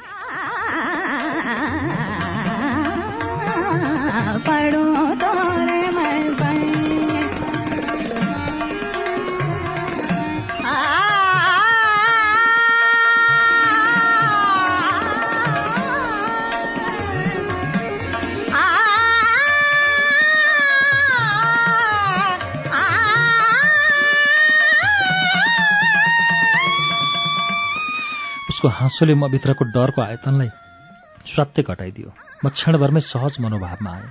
उसको आउनुको प्रयोजन सुरुमै उसलाई यो सोधेँ। यद्यपि यो सुरुमै सोधिने स्तरको प्रश्न थिएन। तिमीलाई भेट्न। उसले केही नसोची ओठेबाट जवाफ फर्काइहाल्यो। "हुँ, यति छोटो समयमा यति धेरै प्रगति? वेटर मबाट एउटा मेक्सिक्यानोको अर्डर लिएर गइसकेपछि भने वाट प्रगति? आई मिन कुरा सुरु गर्न जान्ने हुनुभएछ उसले स्टिम क्याफे बार पुरै थर्कायो हाँसेर। सब मान्छेले हामीतिर हेरे मलाई लाज लाग्यो। अतीतलाई भए थर्काएर नहाँस्न भन्थे। त्यहाँ चुपचाप झेल्नु बाहेक केही विकल्प थिएन।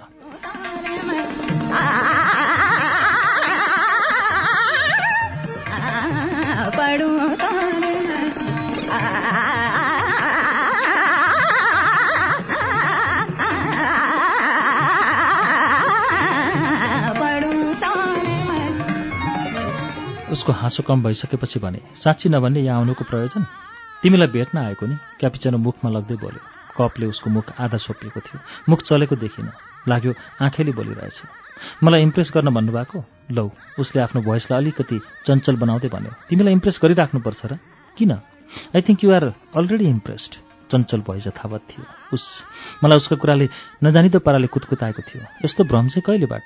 मैले सोधेँ। प्रमाण दिउँ मेरो आँखामा आँखा जुदाउँदै उसले भन्यो म भने अन्यत्रै आँखा डुलाइरहेकी थिएँ। कसरी? सुनेको कतै केटीहरू इम्प्रेस्ड हुँदा लाज मान्छन् रे। अहिले तिमी लजाएको देखेर चाल पाएँ। म तेरो जिउ र टाउको अगाडि बढाउँदै केही गोप्य कुरा गर्न लागे चाहिँ गरेर उसले भन्यो।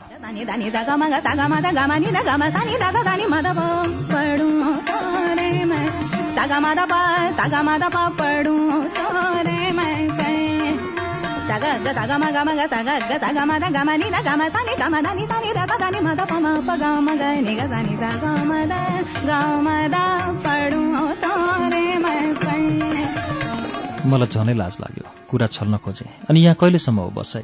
जहिलेसम्म तिमी बस भन्छौ उसले भन्यो यो चाहिँ इम्प्रेस गर्न भने होइन। आई मिन जहिलेसम्म तिमी मेरो लागि समय दिन सक्छौ। बसाइ तपाईँको अनि समय चाहिँ मेरो? तिम्रो समय नभए मेरो बसाइको के अर्थ? यतिका दिन के अर्थले बस्नुभयो त? अर्थको अर्थले। बिजनेसम्यान पर्नुभयो। बिना कुनै काम त के आउनुहुन्थ्यो र कन्फरेन्स थियो साया। नआए पनि काम चल्थ्यो। शरीर सोझ्याउँदै कम फ्लटी आवाजमा भन्यो। तर ओस्लोको नाउँ सुन्ने बित्तिकै मन एकदमै उत्ताउलियो।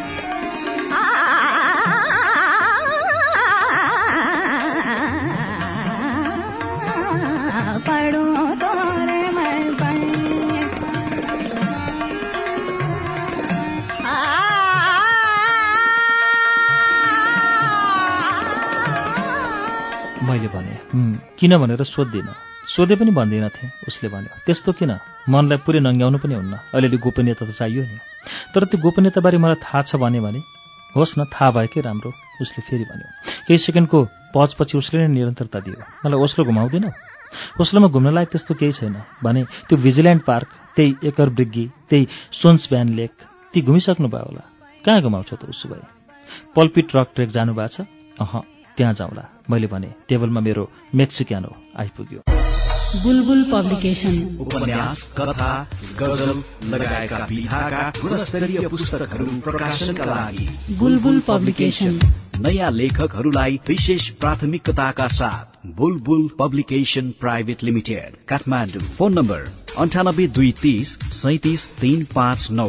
अन्ठानब्बे दुई तिस सैतिस तीन पाँच नौ। बुलबुल पब्लिकेशन बुलबुल पब्लिकेशन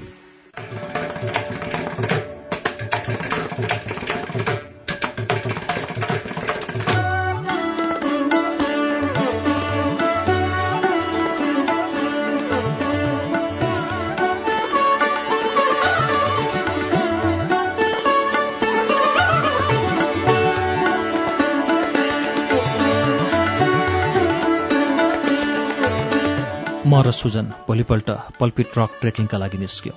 ओस्लोबाट स्टेभेङ्गर सेन्टरमा ट्रेनमा र त्यहाँबाट फेरि चढेर गयौँ। स्टेभेङ्गरसम्म केही बोल्न नपाएको भए पनि त्यहाँबाट उता सुजन मसँग निकै बोल्न थाल्यो। भन्यो थाहा छ साया तीनवटा ब्रेकअप खेपिसकेपछि म चाहन्थेँ। अब जीवनमा प्रेम कहिल्यै नगरौँ। त्यसैले एरेन्ज म्यारेजमा फोकस्ड भएको। म उत्सुकतापूर्वक उसका कुरा सुनिरहेँ। प्रेम कस्तो हुन्छ? आखिर त्यसको अनुभव गरिहालेँ। विवाह कस्तो हुन्छ? त्यसको अनुभव एरेन्ज म्यारेजबाट सजिलै भइहाल्छ। प्रेम र विवाहको अनुभव भइसकेपछि प्रेम विवाहको अनुभव भएछ र भइहाल्यो नि। मैले मुस्कुराउँदै भने प्रेम विवाहको अनुभव पनि लिए भइहाल्यो नि। ठाउँ ठाउँमा टापुहरू आउँथे। साना ठुला ठुला साना। समुद्र पुरै एक र बिरानो हुन पाइरहेको थिएन। छेउमा सुजन। अरू प्यासेन्जर पनि थिए।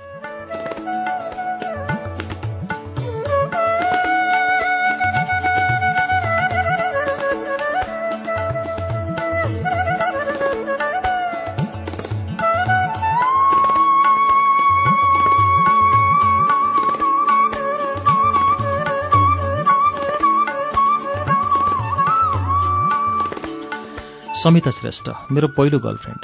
रक्सी लागेको मान्छे चाहिँ सुजन आफूलाई उधिनेर मेरा अघिल्तिर छर्न थाल्यो। ब्याचलर्स पढ्दा पढ्दै लभ पर्यो। हामी दुवैलाई एक आपसका मन नपर्ने एउटा एउटा कुरा थिए। एकछिन लामो सास लियो अनि भन्यो ऊ मैले चुरोट खाएको देखिसन्न थिएँ। उसले मलाई भन्दा पनि आफ्नो करियरलाई प्रायोरिटी दिएको मन पर्दैन थियो। तर पनि उसलाई मन नपर्ने काम किन गर्नु? चुरोट मैले छोडिदिएँ। बदलामा उसले मलाई छाडिदिए। छोटो समय मसँग घनिष्ठ भई अनि साइबेरियाबाट जाडो छल्न आएको चरा जस्तै आफ्नो याम फेरिना साथ भुर्र उडेर बेपत्ता भई। म हेरेको हेरे भएँ। मेरो दृष्टिले देखि भ्याउने संसार र मस्तिष्कले सोच्न सक्ने कुनै कुरोमा उफेला परिन। अहिले फ्लोरिडियामा दुई बच्चाकी आमा र एक क्विन्टलको शरीरसहित फेसबुकमा उसको फोटो देखेको थिएँ।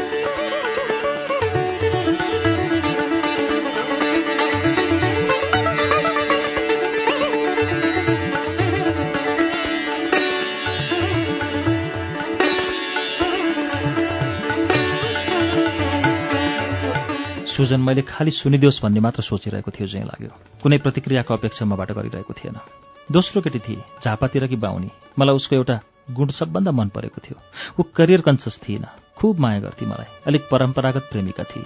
उसले बोल्ने संवाद पनि परम्परागत नै हुन्थ्यो। भन्थे म जुनी जुनीसम्म तपाईँकी मात्र हुँ। अरू कसैकी हुनुभन्दा अगाडि मेरो काल आओस्। मोरी प्रेम गर्ने बेलामा आँखै देखिन। ठुल्ठुला कुरा गरी सपनाको घर दुई बेडरुम दुई बच्चा दुई गाडी के के हो के के हो? भयो के लास्टमा? मेरो सिङ्गल सगल्ती र स्वस्थ मुटुलाई चाहिँ बरु दुई फ्याक बनाएर गए उसैको बाउले छानेको बाहुनसँग। यो प्रेम भन्ने चिज पनि अजीब छ साया। जोसँग जात मिल्थ्यो उसँग मन मिलेन। जोसँग मन मिल्यो उसँग जात मिलेन।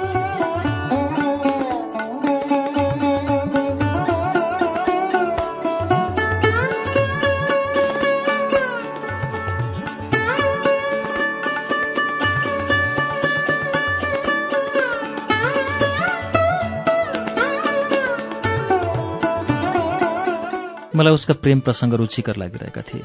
तेस्रो प्रेम प्रसङ्ग उसले पल्पी ट्रक चढ्ने उकालोमा सुनायो। सास फुलेर सुहाँ सुहाँ भइरहेको थियो। तेस्रो ब्रेकअप भएको त दुई वर्ष मात्र भयो। म भर्खर लन्डन आएको थिएँ। नेपालबाट मास्टर्स पढ्न आएकी केटी थिए। भर्खर ब्रेकअप भएको बताउँथे। तर पनि ब्रेकअप भए जस्तो देखिन्नथे खुसी देखिन्थे। यस्तो लाग्थ्यो भर्खर प्रेममा छेउ। एकदमै बिन्दास। भन्थे पास्टमा बाँच्नुहुन्न। त्यसैले के कसरी ब्रेक भयो उसको केही सोधिन। त्यति बेला मेरो पिआर आइसकेको थिएन। ऊ सधैँ सोध्थे तिम्रो पिआर कहिले आउँछ? म केही महिना लाग्ने जवाफ दिन्थेँ। हामी चरम रोमान्समा थियौँ। ऊ इक्जाम छ भनेर दुई चार हप्ता हराए। मैले पनि इक्जाम भएको मान्छेलाई डिस्टर्ब गर्न चाहिनँ। बेटिदा एकैचोटि आफ्नै बिहेका कार्ड मेरो हातमा थमाए।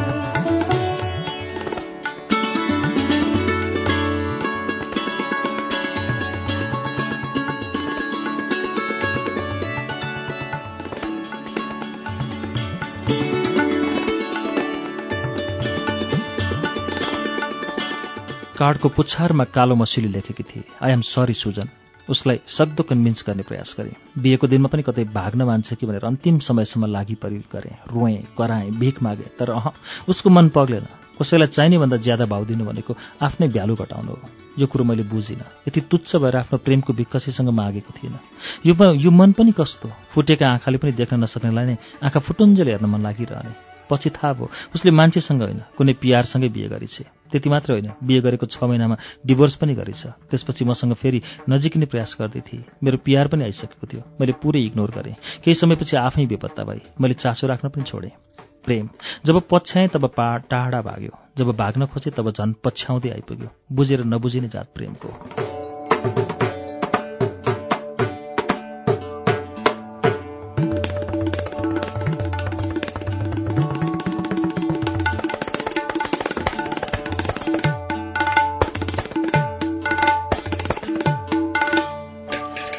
हामी चुचुरोमा पुगिसकेका थियौँ। फर्केर आएको बाटो हेरेँ। त्यो निकै तल परिसकेछ। म मस्तिष्कमा सुजनका प्रेम कथा र तिनका महिला पात्रको अनुहारका स्पष्ट आकृति कोर्ने प्रयास गरिरहेको थिएँ।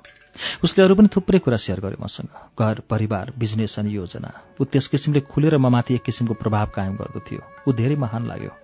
आफ्नो बारे त्यत्रो बताउँदा पनि उसले मेरो बारे केही जान्न चाहेन। यसले गर्दा ममा स्वतःफूर्त दबाव सिर्जना भएको थियो। जीवनमा एकैजनालाई प्रेम गरियो। बताउँ कि नबताउँ? घरिघरि लाग्थ्यो। उसले तिन तिनवटा अफेयर सार्वजनिक गर्दा म जब एउटा गर्न किन डराइरहेछु? तर फेरि सोचाइ तत्कालै मोडियो। अतीत र मेरो सम्बन्धलाई अफेयरमा मात्र सीमित राख्नु कदाचित आफ्नै प्रेमको उपहास हुनेछ। अतीतले जेसुकै हिसाबमा लिएको होस्। मैले त आफ्नो हिसाबको निष्ठा कायम राखेकी थिएँ नि। त्यसैले सुजनसँग खुल्न सकिनँ। अतीतको असम उच्चारण गर्न सकिनँ।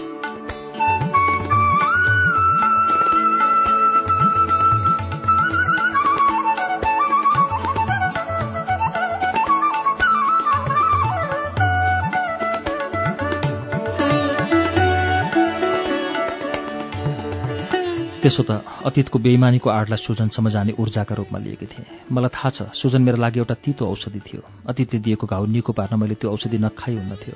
मैले आँखा चिम्लेरै भए पनि नाक थुनेरै भए पनि भमिट रोक्ने प्रयास गर्दै भए पनि त्यो ओखती खानु थियो। पल्पी ट्रकको यात्रा रमाइलै भयो। थाहा छैन सुजन असल पति साबित हुन्छ या हुँदैन तर ऊ असल साथी पनि साबित भइसकेको थियो। फर्कदा हामी क्याफेमा थियौँ। मैले बडो भावक हुँदै उसलाई भने थाहा छैन सुजन हाम्रो सम्बन्धले कुन मोड लिनेछ? तर एउटा कुरा भन्यो भने मान्नुहुन्छ? भो भन्नु पर्दैन। उसले मलाई टड्काएर हेर्दै भन्यो मेरा भ्रिकुटी खुम्चे आँखाभरि प्रश्न सोहेर उसलाई हेरेँ। तिमीले केही नभनी नै मानिदिए। सायद मेरो अनुहार खुम्चेको धेरै बेर हेर्न सकेन। तुरन्त भनिहाल्यो अनि मुस्कुरायो म उज्यालिएँ। ल अब भन तर एडभान्समै मानिदियो भनेर अप्ठ्यारोमा पार्ने काम चाहिँ नगर। पार्दिनँ मैले भने। यदि केही गरी हाम्रो सम्बन्ध अगाडि बढ्न सकेन भने पनि के सधैँ हामी साथी भइरहन सक्छौँ? कुरा यसो पो। आफ्नो मुस्कुराहटलाई अलिक कम गर्दै भन्यो। एउटा कुरा भने है म्याडम। सुजन साथी बनाउन मात्रै जान्दछ छोड्न जान्दैन। बरु सुजनलाई छाडेर जानेहरूको भिड जम्मा गर्ने हो भने एउटा सानोतिनो पल्टन तयार हुन्छ।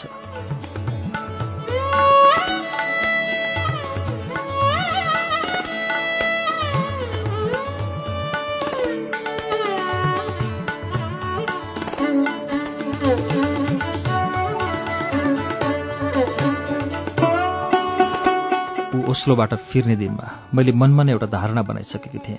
अब आँखा चिम्लेर नै डिसिजन दिन्छु र यस भन्छु। योभन्दा राम्रो मान्छे कहाँ भेट्न जीवन बिताउन? उसले मलाई आधा उधी जितिसकेको थियो।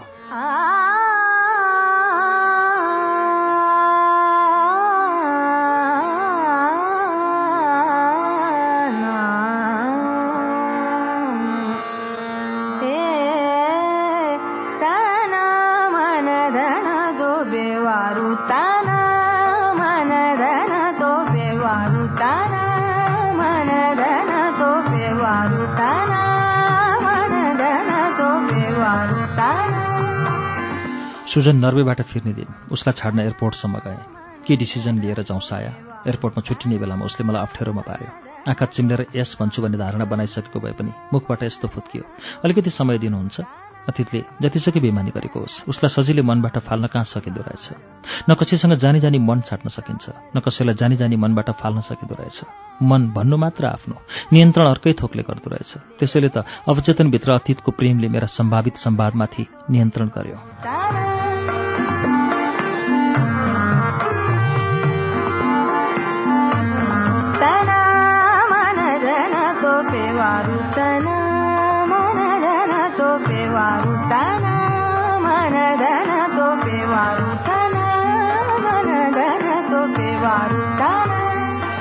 मेरो प्रश्नवाचक याचनाको प्रतिक्रियामा उसले मेरो दाहिने हात तान्यो अनि आफ्नो मुट्ठी कसिएको दाहिने हात मेरो हातमा राखिदियो। के दिन लागेको? म अचम्बित भइरहेँ तर उसको मुट्ठी फुक्दा थियो फुस्सा। मुट्ठी फुकाइसकेपछि उसले हतारिँदै भन्यो ल दिएँ। यस्ता क्रियाकलाप गरिरहँदा सुजन अतीत जस्तै लाग्थ्यो। जाने बेलामा फेरि भन्यो मैले दिएको समयबाट सही निर्णय निस्कियोस्। All the best.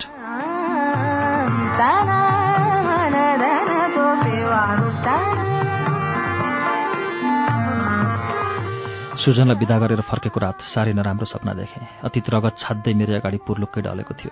म उसको ढलेको शरीर अघिल्तिर टुक्रुक्क बसेर हेल्प हेल्प भन्न खोज्दै थिएँ। तर मेरो मुखबाट केही ध्वनि निस्कन सकिरहेको थिएन। खालि मुख हल्लिन्थ्यो आवाज बिना। अतीत छटपटाइरहेको थियो। भर्खर रेटिएको भाले चाहिँ ऊ रगत छाद्दो थियो। मलाई पनि त्यति नै बेला सास फेर्न गाह्रो हो। शरीर कुनै बन्धनमा जकडिएको जस्तो लाग्यो। आफ्नै खुट्टा फाले। बेउजिँदा छातीमा हात राखेकी रहेछु। मथिङ्गल नराम्ररी हल्लिएको जस्तो भयो।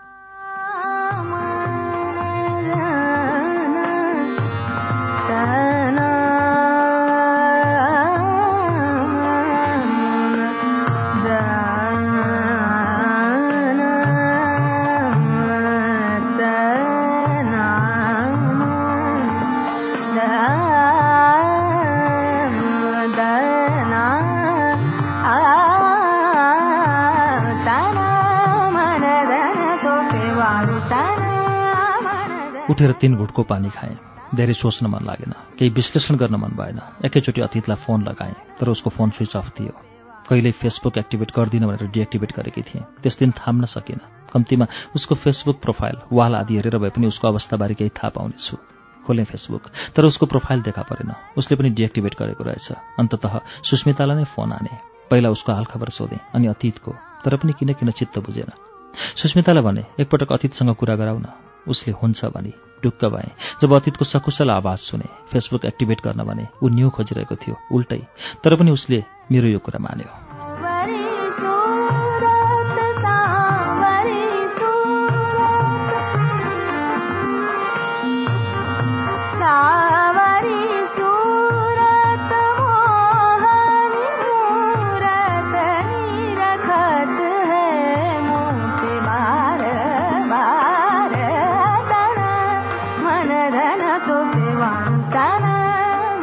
फेरि सम्पर्क जोडियो। एउटा सेतु जो भेटिएको थियो उसलाई र मलाई जोड्ने सुस्मिता।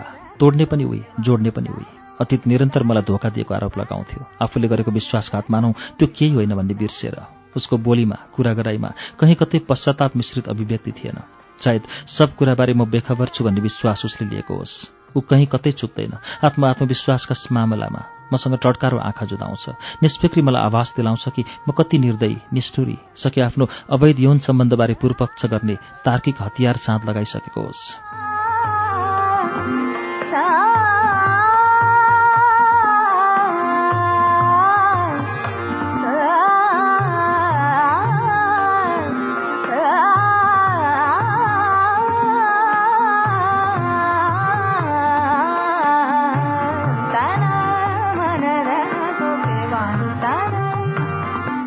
तर मलाई उसँग कुनै पूर्वपक्ष गर्नु थिएन।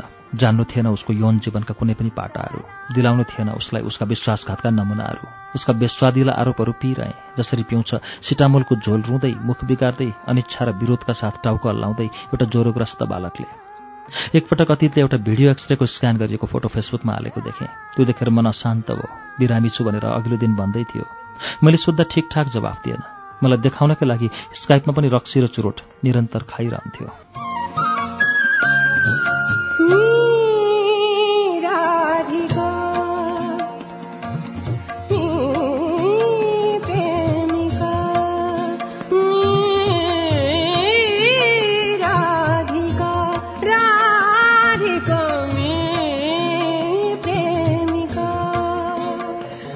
धुवासरी उड्यो हुन्थ्यो मनको पीर व्यथा।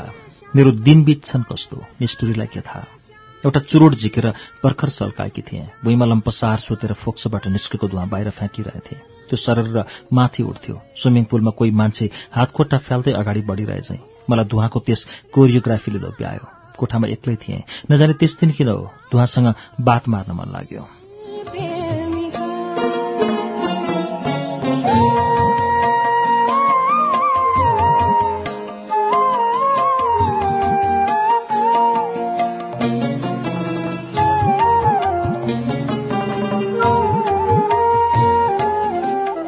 मोबाइल बज्यो। मलाई एकछिन अझै केही बोल्न मन थियो दुवासँग सायद अन्तस्करणमा उड्ने इच्छा जागेको हुँदो भुइँमा बजेको मोबाइल फोनको रिङटोन मन परेन। मन नपरी नपरी उठाएँ। फोन सुस्मिताको थियो। दिउँसो किन फोन उठाएनौ सुस्मिता? हेलो भनिसकेपछि यही प्रश्नले कुराको सुरुवात गरेँ। सोध्न मन अर्कै कुरा हुँदा हुँदै उठ्नासाथ सुस्मितालाई फोन हानेको थिएँ तर त्यो फोन उठेको थिएन। अतीतको बेडरुममा हुँदा सायद ऊ मेरो फोन उठाउँदिन। मेरो मस्तिष्कले यही तितो वास्तविकतालाई उर्काएको थियो। बजार गएकी थिएँ दिदी। उसले उत्तर दिए। सरसँग यो सोद्धा मेरा दारा किटिएका हुँदा हुन्। अँ कति सजिलै अँ भने उसले। ऊ किन झुट बोल्दिन? किन भन्दिन मलाई? उनीहरू बीच केही भएको छैन। किन लुकाउँदिन नग्नता? किन मलाई आश्वासन दिलाउँदिन? किन मेरा प्रत्येक प्रश्नको सिधा सिधा जवाफ दिन्छे? उसलाई थाहा हुँदो यस्ता कुराहरूले मलाई पोल्छ दुख्छ छटपट्टि दिन्छ। तैपनि ऊ सबै सबै कुरा कट्या कुटुब नराखी सत्य बोलिदिन्छे।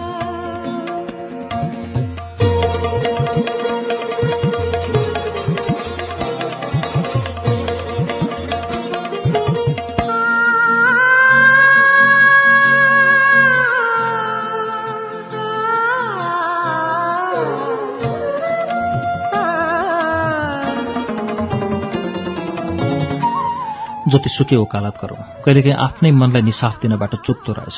सत्य। अनि सोधेँ अतीतलाई कुनै रोग लागेको छ? छैन त दिदी सुस्मिता भन्छे तन्दुरस्त नै हुनुहुन्छ। अतीत तन्दुरुस्त रहेछ। तर त्यो फेसबुकको नाटक के? सब नौटङ्की? मलाई अतीतसँग झन रिस उठ्यो। एक दिन एकदमै पीडाका स्वर लिएर सुस्मितालाई सोधेँ अतीत मलाई कतिको मिस गर्छ सुस्मिता? आजकल त त्यति कुरै गर्नु न दिदी मेरो अनुहार एकाएक कुच्चियो आगोमा परेको प्लास्टिक चाहिँ सत्तु नकुच्चियोस् भन्ने प्रयास गरेँ तर सकिनँ झन् कुच्चिँदै गयो मेरो नियन्त्रण बाहिर तर बन्द कोठामा आफ्नो अनुहार देखाउनु कसलाई सर आफैसँग अप्ठ्यारो मान्नुको के अर्थ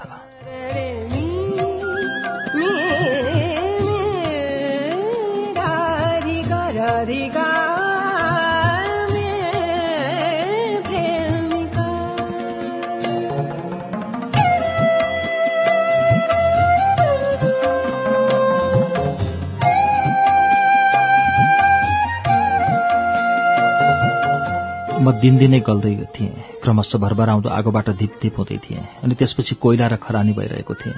चक्किँदै थिएँ। अब खरानीबाट एउटा भरभराउँदो आगो हुन सम्भव नै थिएन। आत्मविश्वास ममा थिएन। मेरो आत्मा अतीत थियो। कसरी रह्यो त आत्मविश्वास? लडेकी थिएँ मरेकी होइन। त्यसै बीचमा अतीतले आफू पनि नर्वे आउँछु भन्यो। मलाई अनायास रिस अब के खोज्न आउँछ ऊ नर्वे म मिल्काउँदै टिप्दै गर्ने कुनै जिनिस त होइन नि। म आफ्नो कुरामा दृढ भइसकेकी थिएँ। बाबालाई वचन दिइसकेकी थिएँ। सुजनसितको सम्बन्ध विस्तार गर्ने अठोट गरिसकेकी थिएँ। अब पग्लनुहुन्न। मैले निर्णय लिइसकेकी थिएँ। त्यसैले वर्षक उसलाई रोक्ने प्रयास गरेँ तर ऊ मानेन। उसले निर्णय लिइसकेको थियो।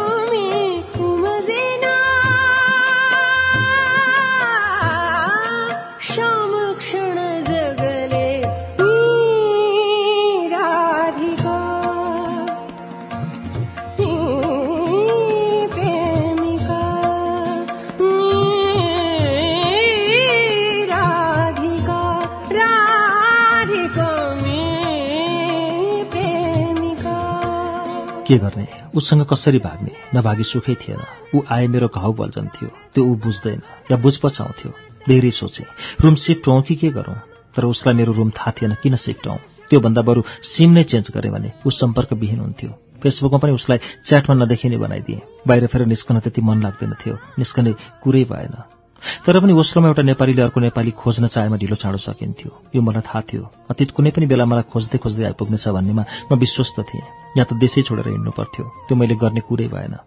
प्रेम र वैवाहिक सम्बन्धबाट नराम्ररी हारिसकेकी थिएँ। अब आफ्नो क्यारियरमा पनि पछारिएँ भने मेरो जीवन यसै बर्बाद हुन्थ्यो पुरै अँध्यारो हुन्थ्यो। त्यसैले ऊ आउने प्रतीक्षा सधैँ रहिरह्यो। उसलाई फेस गर्छु भन्ने दृढता मनमा नै राखिराखेँ। हामी जुन चिजबाट ज्यादा भाग्छौँ त्यही चिजले सबभन्दा धेरै हामीलाई लखेट्छ। बरु फेस गर्ने नै भाग्य हजारचोटि लखेटिन्छ फेस गरे एकचोटि लडिन्छ। डर र त्रासको मुटु र माहौल लिएर हजारौं लखेटाइमा पर्नुभन्दा मैले एकचोटि लड्ने साहस जुटाएँ र लागिरहेँ आफ्नो कर्ममा निरन्तर। बुलबुल पब्लिकेशन। उपन्यास कथा गजल लगायतका विधाका गुणस्तरीय पुस्तकहरू प्रकाशनका लागि बुलबुल पब्लिकेशन। नयाँ लेखकहरूलाई विशेष प्राथमिकताका साथ Bulbul publication private limited Kathmandu. Phone number अन्ठानब्बे दुई तिस सैतिस तिन पाँच नौ। अन्ठानब्बे दुई तिस सैतिस तिन पाँच नौ। Bulbul publication Bulbul publication.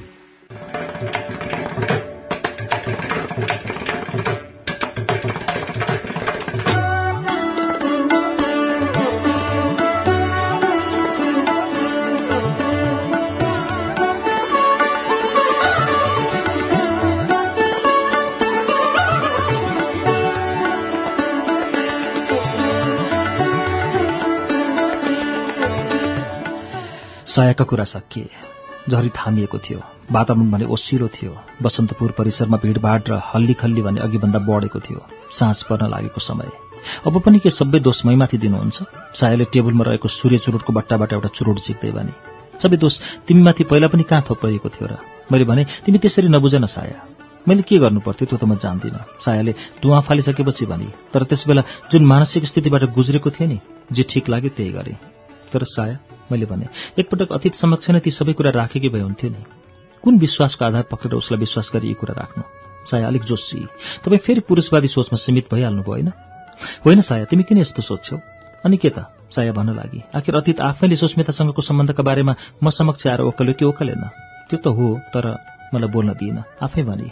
तर उसले सब सत्य कुरा भन्यो। त्यसैले मैले उसलाई माफी दिनु पर्थ्यो यही होइन तपाईँले भन्न खोज्नुभयो?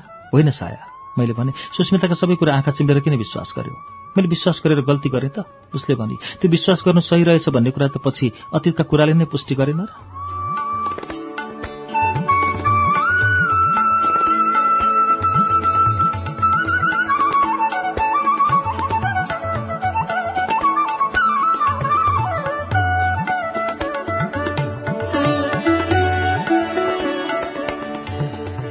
के जवाफ दिउँ सायाको कुरा सही थिए। उसले अतीत समक्ष नै ती सब कुरा राखेको भए पनि आखिर अतीतले गल्ती गरिसकेको थियो। दोष कसको त उसो भए अतीतका कुरा सुन्दा ऊ ठिक छ भन्ने लाग्थ्यो। सायाका कुरा पनि आफ्नो ठाउँमा ठिक थियो। उसो भए सुस्मिता?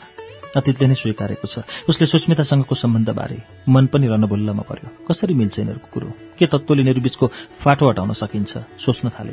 के सोचमा डुब्नुभयो? सायाले भने तपाईँलाई कुनै करकाप छैन। तपाईँ मेरा सबै कुराको विश्वास गर्नु। त्यसो होइन साया। मैले भने आफ्नो पात्रमाथि लेखकले विश्वास नगरेर त सुखै छैन। वाट साया आश्चर्यचकित मुद्रामा ओठमा किञ्चित हाँसो सोरेर भन्न लागि। के हामी तपाईँका लागि पात्र मात्र हौ? यसपालि मै पनि हाँसेँ भने पात्र मात्र भएको भए यसरी तिमीसँग बहस किन गर्थ्यो र? तिमीहरू मेरा लागि के हो त्यो समयले बताउला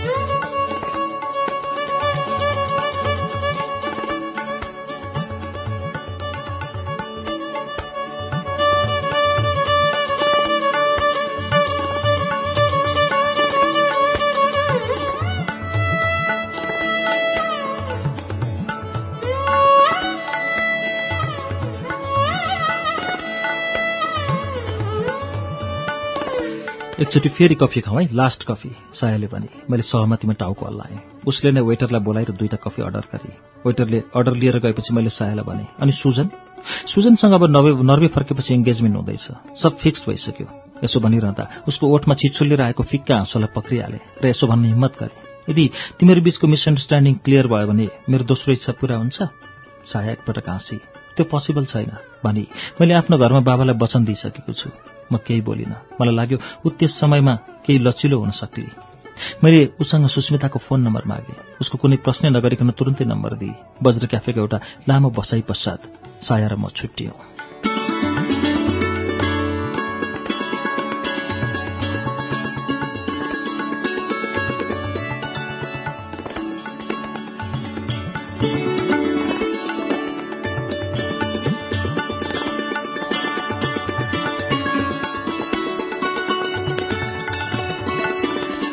कोठामा आए।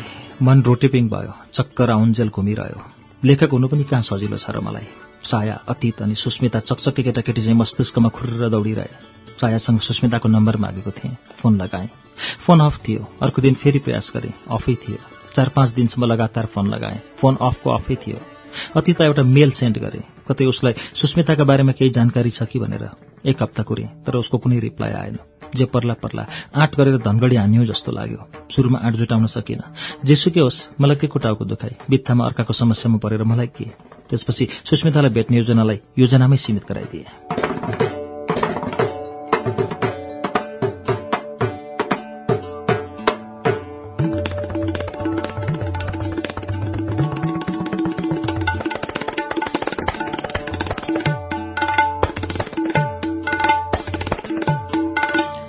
तर पछि के केले हो? म जान उक्सेँ। सुस्मिताले सायद आफ्नो नम्बर चेन्ज गरेकी होली। त्यसैले सजिलै उपलब्ध हुन सकिनँ। अतीतको धनगढीको अफिस पत्तो लगाउनु गाह्रो थिएन। त्यहाँ पुगे सुस्मिता भेटिहाल्थे। एकपटक उसका कुरा धोत्न पाए सब कुरा छर्लङ्ग हुँदो गएँ नयाँ बस पार्क अर्को दिनको टिकट लिनलाई भनेर। तर त्यहाँ गएपछि बुझियो कैलाली बन्द रहेछ। हरेक दिन फोन गरेर सोध्थेँ बन्दको बन्दै। तीन दिनपछि मात्र खोलेको जानकारी पाएँ। तर फेरि कुनै पनि बेला बन्द हुन सक्छ भन्ने हल्ला पनि व्याप्त थियो। जोखिम लिएर हिँडेँ। भोलिपल्ट धनगढी पुग्नासाथ कतै केही नहेरिकन सिधै अतीतको अफिस गएँ।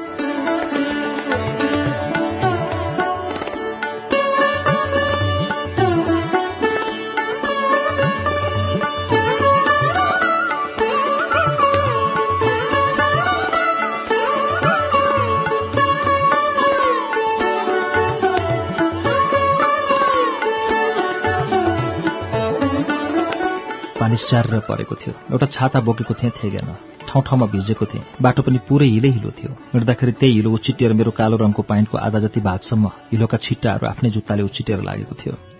धनगढीमा आफन्त पनि कोही थिएनन्। झोला बिसाउने ठाउँसम्म थिएन। तैपनि पहिला कुनै होटल खोजेर झोला बिसाउनु थियो। तर आफ्नै कामको हतारोले आफूलाई काम बाहेक अन्य केही कुरामा मन लगाउन दिएन। उसको अफिसभित्र छिर्ने बेलामा आफैलाई देखेर लाज लाग्यो। म यो कहाँ के गरिरहेछु झैँ लाग्यो। एउटा अपरिचित केटीलाई भेट्न पूरा रात बसमा बसेर यति लामो दूरी पार गरेर म धनगढी पुगेको थिएँ। मान्छेले सोधे भने के भन्लान् मलाई? उसको अफिसको गेटमा छिर्दा मन नमजाले चुकचुकाइरहेको थियो। के भनेर सुस्मितासँग फेस गर्ने? कसरी सुरु गर्ने कुरा? के ऊ मसँग उग्रेली? मेरा प्रश्नहरूको ठिक ठिक जवाफ दिली जे हो वास्तविकता त्यही भन्छु। केही लुकाउन्न त्यही सोचेर म उनीहरूको अफिसमा पुरै आत्मविश्वास साथ छिरेँ।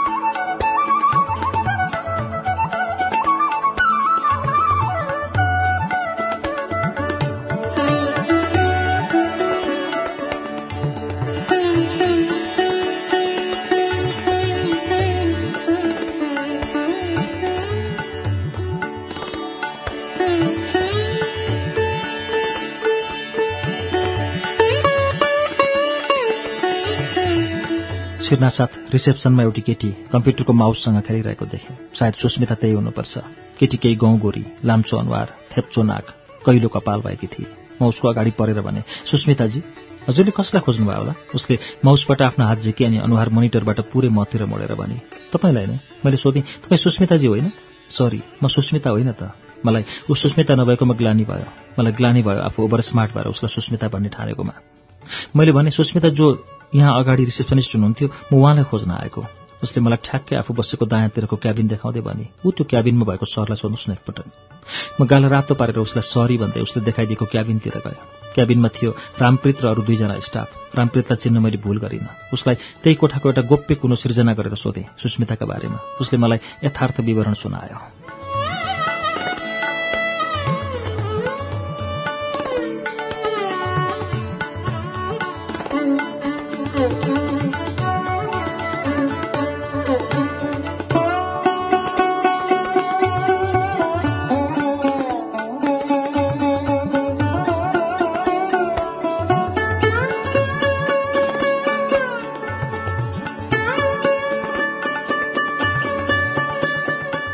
सुस्मिता सिद्धार्थ ब्याङ्कमा काम गर्न थालिछ। देरी भइसकेको रहेछ उसले त्यो अफिस छाडेको। धन्न रामप्रीतलाई जानकारी रहेछ। नत्र मेरो यो यात्रा सब व्यर्थ जानेवाला थियो। रामप्रीतसँग छुट्टिएर म लागेँ सिद्धार्थ ब्याङ्कतर्फ। पानी परेको परे थियो। रिक्सा चढेर झन् भिज्न मन लागेन। पैदलै हिँडेँ। त्यत्तिकैमा एउटा रिक्सावाला छेउमा आएर कहाँ जाने भन्ने सोध्यो। मैले पहिलोचोटि आफू भिजेर यात्रा गर्न नचाहेको भन्दै रिक्सावालालाई पुरै इग्नोर गरेँ। उसले पुनः दोस्रोपल्ट नभिजाइ लैजाने भन्दै रिक्साको हुड उगार्यो र सिट पुछिदियो। मलाई रिक्सावालाको माया लागेर आयो। उसको आग्रह टार्न सकिनँ। चढेँ रिक्सा। तर उसले भनी बमोजिम पानीबाट पुरै जोगिन सकिनँ। भिज्यो नि त दाई मैले अलिअलि आफ्नो शरीरमा चुहिएको पानी पन्छाउँदै भने। उसले भन्यो हजुर अलिअलि त छाते एउटा हिँड्दा पनि भिजिहाल्नुहुन्थ्यो नि।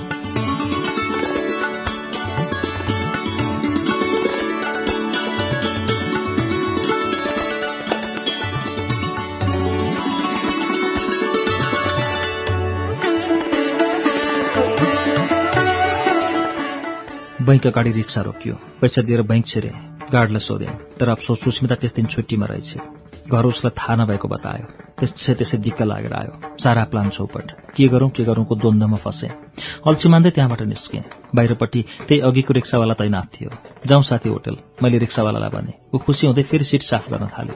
रिक्सामा जाँदै गर्दा मैले योजना भएन भोलिपल्ट सुस्मितालाई फर्स्ट आवरमै भेटेर दिउँसो तीन बजीतिरको बसमा काठमाडौँ फिर्ता हुने। साथी होटलमा गएर त्यस रात आराम गरेँ। पानी घट्ने नामै लिइरहेको थिएन।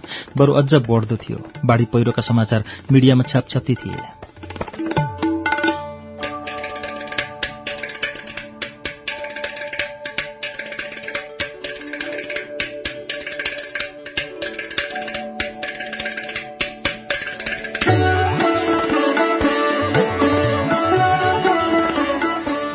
सुस्मिता फेला परी।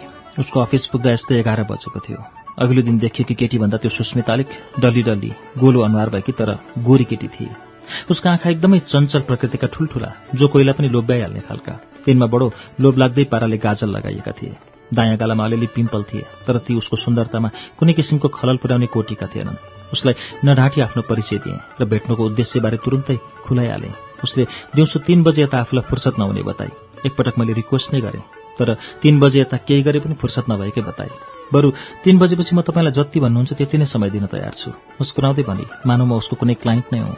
ठिकै छ आफ्नै मनलाई सम्झाए। आजको साटो भोलि फर्कन्छु काठमाडौँ। यत्रो दिन त धैर्य राखियो।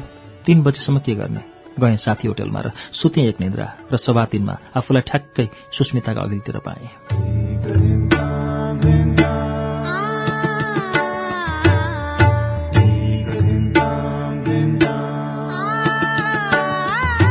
श्रुति सम्वेकमा अहिले तपाईँले सुन्नुभएको वाचन सुबिन भट्टराईको उपन्यास सायाको वाचन हो। यसको बाँकी अंश वाचन लिएर केही बेरमा आउनेछौ। उज्यालो सुन्दै गर्नुहोला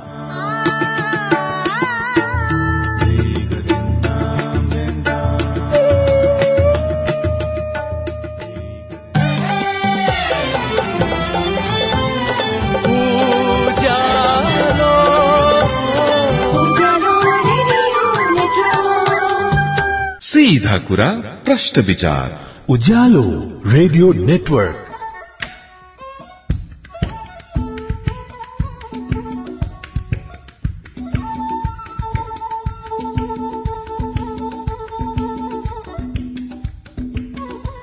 कार्यक्रम श्रुति सम्वेकमा तपाईँलाई फेरि स्वागत छ।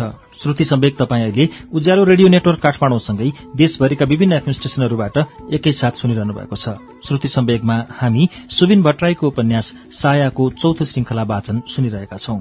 यसको बाँकी अंश वाचन अब सुनौ।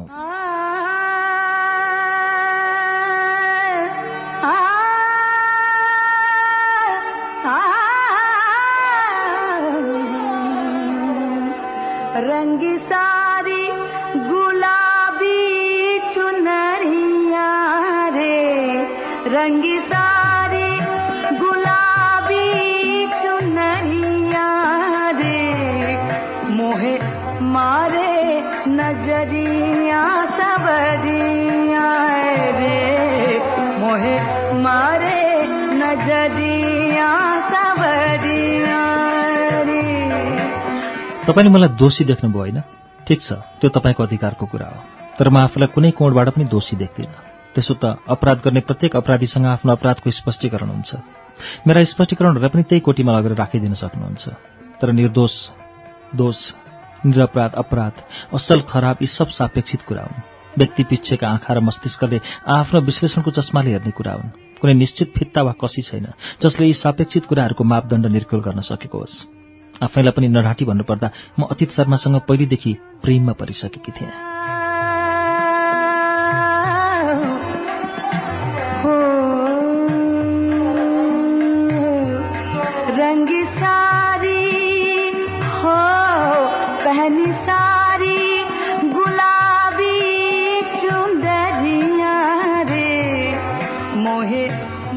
के यो कुनै अपराध हो? मलाई कसरी थाहा होस् उसकी साया एक दिन नर्वेबाट आउनेछ र उसँग बिहे गर्नेछ। के म आफूभित्र पलाएको प्रेमलाई यस्ता अनेक सम्भावनाहरूको तराजुमा जोखेर निश्चित गर्ने वा नगर्ने भनेर नियन्त्रणमा राखौँ? यसरी पनि प्रेम हुन्छ। यसरी प्रेम हुने भए संसारमा प्रेमबाट कुनै पनि किसिमका समस्या हुँदैनथ्यो होला। कोही विचलित हुँदैनथ्यो होला। कसैको घर उजाडिँदैनथ्यो होला। कसैको मन तोडिँदैनथ्यो होला। कोही आत्महत्या गर्दैनथ्यो कोही बौलाउँदैनथ्यो प्रेम मान्छेको नियन्त्रण बाहिर हुन्छ। बुझाइभन्दा बाहिर। व्याख्या विश्लेषण परिभाषा आदिभन्दा धेरै माथि छ प्रेम। भयो प्रेम नापतौल तर्क वितर्क मीमांसा विश्लेषण केही हुन्न। जब प्रेम हुन्छ जब प्रेम हुन्छ तब मात्र प्रेम हुन्छ।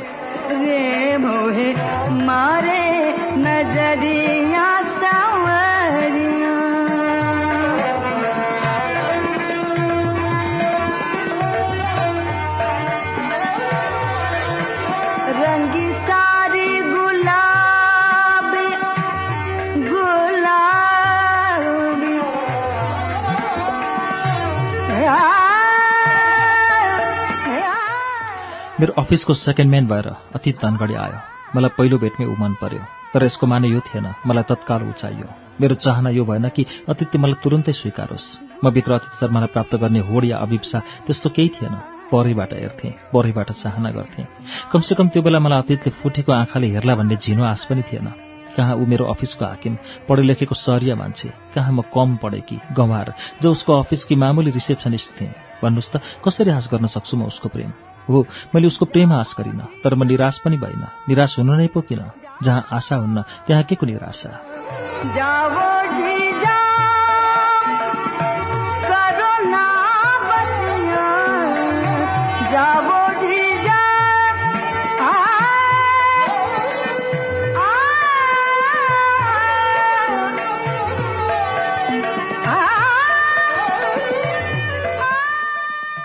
मैले उसको प्रेमको आश गरिनँ तर म निराश पनि भइन मन पासवर्ड जस्तै गोप्य हुन्छ। यसर्थ आफूभित्रको गोपनीयता आफैमा राखेकी थिएँ। तिनलाई कतै पोख्नु थिएन। तर मैले बुझेको एउटा कुरा नि मनका भेदहरू गद्दारी गरेर छचल्काइदिन्छन् आँखाहरू। आँखामा रुद्रघण्टी हुँदैन। त्यसैले जे बित्छ मनमा सबै ल्याएर छ्यापछ्याप्ती बताइदिन्छन् आँखाहरू। अतीतलाई प्रेम गर्यो मेरो मनले तर आँखाले ईर्ष्या गर्थ्यो मलाई डर थियो। त्यसैले मैले उसँग कहिल्यै आँखा जुदाएर हेर्ने हिम्मत गरिनँ। उसको सामुन्य पर्दा चोरी पक्रिन्छ कि भन्नेमा खुब चनाखो भएर रहिरहेँ। उसको आँखामा हेर्नु र कामतिर टड्कारो हेर्नु उस्तै लाग्थ्यो। मान्छेको जात पनि अजीब हुन्छ। जुन कुरा आफ्नो बसमा हुन्न त्यही कुराको पछि लाग्न मन लाग्ने। अतीत मलाई झुक्किएर पनि हेर्दैनथ्यो तर म आफ्नो क्याबिनबाट लुकी लुकी आँखा छली छली उसैलाई हेर्थेँ। ऊ मलाई पुरै इग्नोर गर्थ्यो तर मलाई त उसले गरेको इग्नोरेन्स पनि मन पर्थ्यो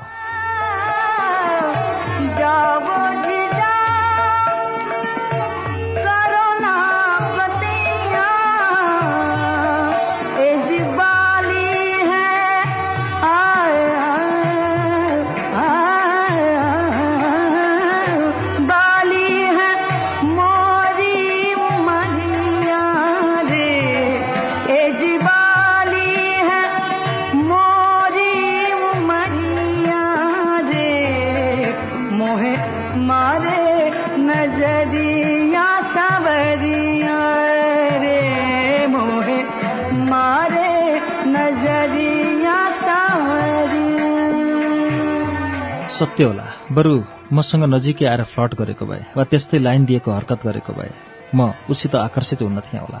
तर उसले मलाई टाढा भएर जित्यो। कसैलाई नजिक भएर मात्र जित्न सकिन्छ भन्ने कुरा मलाई आजसम्म पनि विश्वास लाग्दैन। मलाई उसले गरेको इग्नोरेन्स मिठो लाग्यो। के तपाईँ पत्याउनुहुन्छ? म अतीतसँग उसले गर्ने इग्नोरेन्सदेखि प्रभावित भएँ भनेर। धेरै मान्छे जुनको किन तारिफ गर्छन् थाहा छ? जुन राम्रो भयो भनेर होइन टाढा छ भनेर अप्राप्य छ भनेर। आफूसँगै भएको चिजलाई त सधैँ उपेक्षा गर्छ मान्छे। तृप्त भइसकेपछि पानी बेस्वादिलो लाग्छ। तर जो तिर्खाएको छ उसलाई पानीको स्वाद र महत्व थाहा हुने हो। तर यी सब भए मेरै जीवनमा अतिथि मलाई दिन प्रतिदिन जित्दै गयो। पहिलोचोटि मलाई हार्नुमा पनि बिछट्ट आनन्द मिल्यो। तिनै दिनहरूमा साया आई। अफिसमा हल्ला चल्यो। अतीत बिहा गर्दैछ।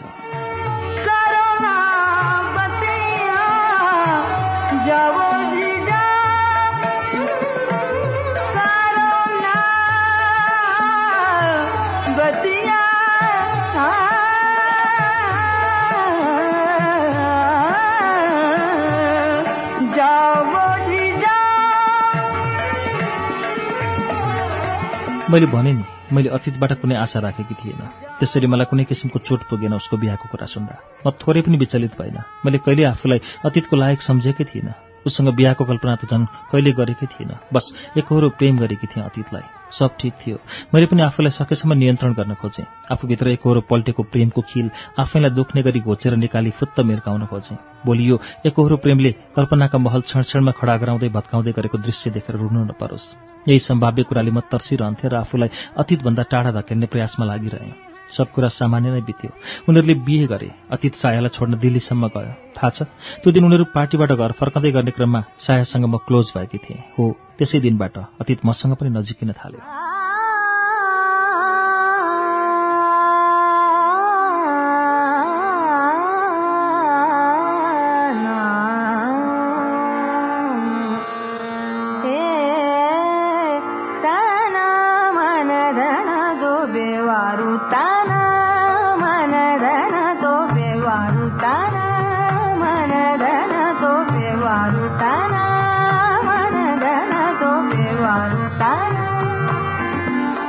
कहिल्यै नोटिससम्म नगर्ने अतीत मलाई देखेर मुस्कुराउन थाल्यो। फारू गरेरै पनि दुई चार शब्द बोल्न थाल्यो। घरमा पनि आक्कल झुक्कल म छतमा लुगा सुकाउन गएको बेला कहिलेकाहीँ उसलाई टेरासमा उभिएर रहर लाग्दो पाराले चुरोट खाइरहेको देख्थेँ। म पनि बोलिदिन्थेँ हाँस्दिन्थेँ। आफ्नै अफिसको हाकिमलाई टड्कारो देख्दा पनि कसरी नजरअन्दाज गर्न सकिन्छ? झन् त्यहाँमाथि ऊ मैले मन पराएको मान्छे थियो। सकिनँ मैले। त्यसरी उसलाई नजरअन्दाज गर्न नसकेकामा मलाई अपराधी भन्नुहुन्छ भने त्यो तपाईँको खुसी। कुनै बेला उसको इग्नोरेन्स मन पराए। आज आफै उसलाई मन नपरी नपरी इग्नोर गर्न खोजिरहेको थिएँ। मन नपरी नपरी गरेका काम पनि कहीँ सफल हुन्छ। त्यो एक दिन अतीत मसित आफै बोल्न आए। सायाको पत्तो लगाइदिन भनिरहेको थियो। मैले एककल फोन हान्नु रे ऊ नजिक आउँदा म टाढा हुनु पर्थ्यो होला। भाग्नु पर्थ्यो होला। तर तपाईँ आफै सोच्नुहोस् त कसैले आफूलाई फर्जी नाउँमा जाब एक कल फोन हानिदिने आग्रह गर्दा नाइ भन्न सकिन्छ? त्यही पनि अतीत मेरो लागि कसै थिएन। उसले भने म के के गर्थेँ गर्थेँ। जब एउटा फोन किन हान्दिनथे म उदास उदास अनुहार लगाएर दुखेसो गर्थ्यो। साया मलाई जानकारी नदिइकन गई। भर्खरै आलो रोमान्सले अतीतलाई छ्याप्पै भिजाएर गएकी सायाले त्यो के गरे कि? तेह्र दिनसम्म कुनै अत्तो पत्तो छैन। जिउँदै छे कि मरी? कति चिन्ता हुन्छ लोग्नेलाई भन्ने रत्तिभर पनि नसोची कसरी बेपत्ता हुन सके कि? उसले ठिक गरे कि हो त्यो? कस्तो प्रतिक्रिया दिनु थियो मैले? व्यवस्था गर्नु थियो कि के गर्नु पर्थ्यो? आड बनिदिएँ। ऊ एक्लिएको थियो विरक्तिएको थियो।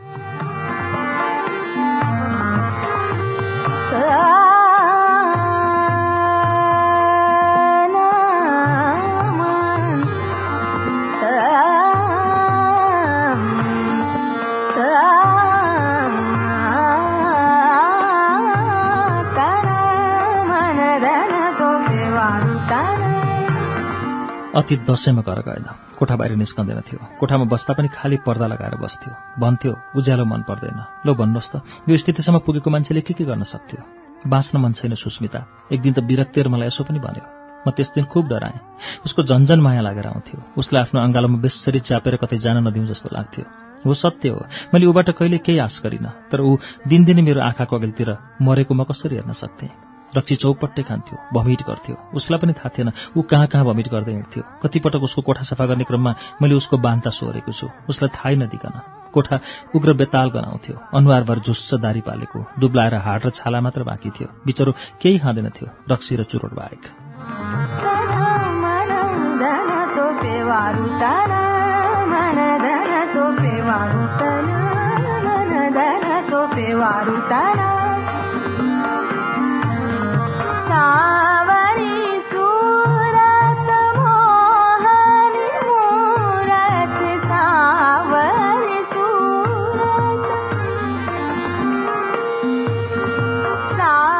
मैले महसुस गरेँ उसलाई कसैको आवश्यकता छ। उसलाई एउटा केटीको आवश्यकता थियो भनेर भन्न खोजेको होइन न मलाई आफ्नो स्वार्थ गराउने इच्छा तीव्र भएर आएको हो। म उसको त्यो हालत देख्न सक्दिनथेँ यसर्थ उसँग नजिकेँ देख्नुहुन्छ कतै दोष मेरो? एक दिन उसलाई लिएर धनगढी बजार गएँ। अँध्यारोसित अभ्यस्त हुने क्रममा रहेको एउटा विचलित मान्छे अलिकति आकाश देखोस् चाहिँ लाग्यो। कैयौँ दिनदेखि एक सरको प्रकाशको स्पर्श समेत नपाएको कोठामा अभ्यस्त हुने अभ्यास गरिरहेको मान्छे अलिकति बाहिरको हावा खाओस् भन्ने लाग्यो। आफैभित्र डुबेर निसासिरहेको मान्छे दुई चार शब्द साटेर भए पनि आफू हुनुको प्रमाण भेटाओस् भन्ने लाग्यो। बाँच्नै बिर्सन लागेको मान्छे अलिकति बाँच्न सिकोस् भन्ने लाग्यो।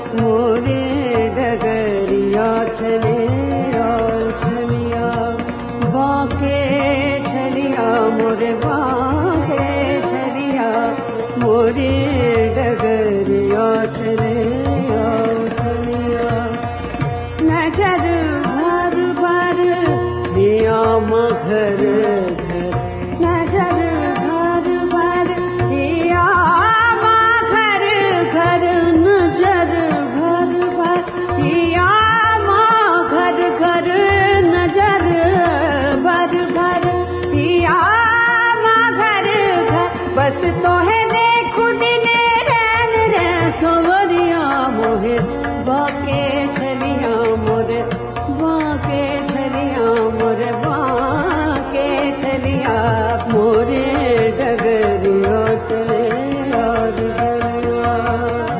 धनगढी बजार डुल्ने क्रममा उसित अनेक शीर्षकमा गफ भए। हामी बाटोमा हिँड्दा घरिघरि छोइन्थ्यौँ। मलाई भित्र नजाने त्यो पारामा कुदकुती लागिरह्यो। जीवनमा कहिले कुनै पुरुषको स्पर्श नपाएकी म। त्यस दिन नजाने भित्र अनायास मेरो शरीरमा केही परिवर्तन भएको आफैले महसुस गरेँ। उसको सामिप्यबाट निरन्तर प्रसारित भइरहेको पौरुष गन्धले मलाई लखेटिरहेको थियो एउटा अनुभूत दिशातर्फ ऊ मेरो छेउैमा थियो घरिघरि गफको श्रृङ्खला विशृङ्खल भइदिँदा क्षणभरका लागि मौनता छाउँथ्यो। कमसेकम हामी दुई बीच अन्यथा सडकले मौन हुन कहाँ जानेको थियो र त्यहाँ एक किसिमको विचित्रको हेराएर हुन्थ्यो आपसमा। मौन त चिर्न जे पनि बोलियो। सडक सटर मौसम जलवायु ढुङ्गा नाला अघिल्तिर जे भेटियो त्यसैमा बोलियो मानौ नबोले अनिष्ट हुन्छ। मानौ नबोल्नु अपराध हो।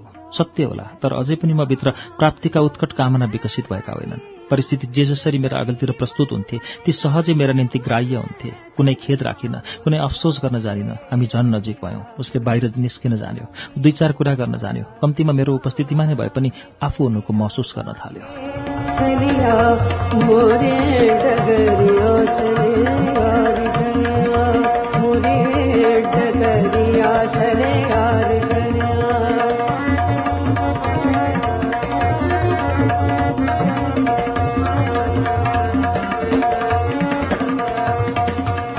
गयौँ। अनेक ठाउँ घुम्न टिकापुर पार्क दोधारा चाँदनी गोडागोडी भन्न त भने उसले बाँच्न सिक्यो बोल्न जान्यो। तर वास्तवमा म आफै पनि त आफ्नो पुरानो स्थितिबाट काँचुली फेरिरहेको थिएँ।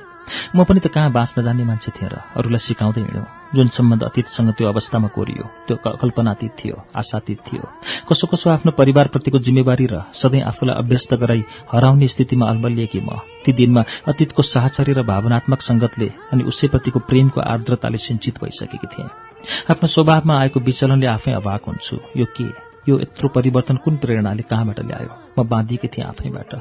यो मुक्ति कुन सूत्रबाट पाएकी थिएँ? यो आशातीत परिवर्तनको जड के? यावत प्रश्न आफूमा तिर्साएर मेरा रात बित्दा भए। सोचमा डुब्थे रात रात जीवनमा यस्ता अवस्था आउँदो रहेछन् जसले मानिसको आफ्नो स्वभावले कोर्न खोजेको स्थायित्वको परिधि मात्र केही साना घटनाक्रमद्वारा अतिक्रमित हुन्छ। म आक्रान्त रहेँ रातभर।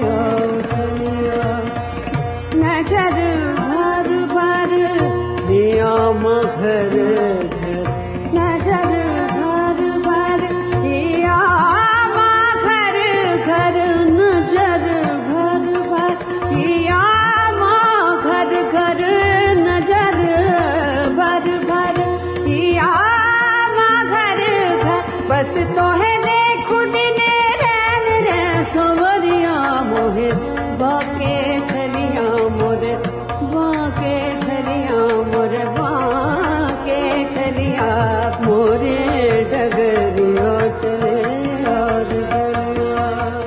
त्यो दिन उसको कोठामा उसकै समीपमा भएको बेला ऊ मलाई आफूतिर तानेर सोध्यो सुस्मिता तिमी मलाई प्रेम गर्छौ?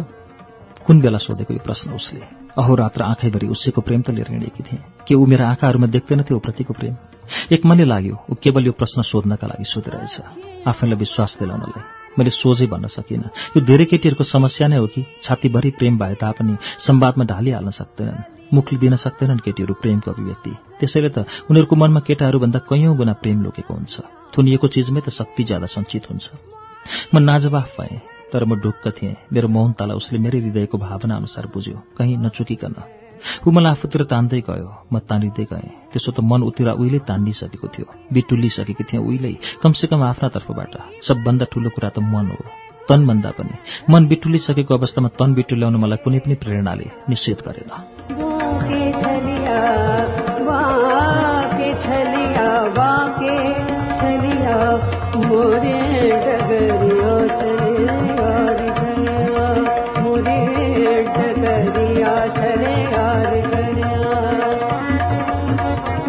चलिया त्यो पल म अतीतकी भएँ मन उसले उहिले छोइदिएको थियो। त्यस दिन मेरो शरीर पनि छोइदिएर मलाई धन्य बनाइदियो। कमसेकम मेरो शरीर भोगेरै भए पनि उसले एउटा प्रमाण दियो। केही चाहना उसले म प्रति राखेको रहेछ। प्रेम भनेको पनि एक किसिमको चाहना होइन र? शरीर मनसँग अलग हुन्छ र? आज शरीरसँग प्रेम गर्यो। यो नहुन सक्दैन कि उसले भोलि मेरो मनसित प्रेम गरोस्। जस्तो सुकै सम्बन्ध। जे जस्तो अवस्थामा भएको भए पनि मलाई लाग्यो एउटा अलौकिक शक्ति मेरा नसा नसा कोष कोषमा प्रविष्ट भएर आनन्द र सुखको चरमोत्कर्षमा लगिरहेछ। मेरा कण्ठबाट निस्क्यो पीडा मिश्रित तर कामना यो चितचितकार लाज घिन डर सङ्कोच भन्ने चिज मबाट यसरी भागिदिन्छ। मानव कसैले ती सबै विरुद्ध प्रयोग हुने रसायन मेरो अन्तर्कुन्तरमा छर्किएको छ। आँखाहरू बन्द थिए मेरा। त्यो रोमाञ्चक अनुभूति त्यो सुख त्यो पीडा मिश्रित चितकार सबै एक एक मलाई अनौठो र अद्भुत लागिरहेथ्यो। ऊ आफ्नो गतिमा लागि परेको थियो। म त्यो सम्पूर्ण ग्रहण गरिरहेकी थिएँ र साथमा आफ्नो कौमार्यलाई समर्पण गरिरहेकी थिएँ खुसी खुसी कुनै पश्चाताप थिएन त्यो सब सुखलाई आफ्नो भाग्यमा लेखेको भन्ठानी सहर्ष स्वीकारिरहेकी थिएँ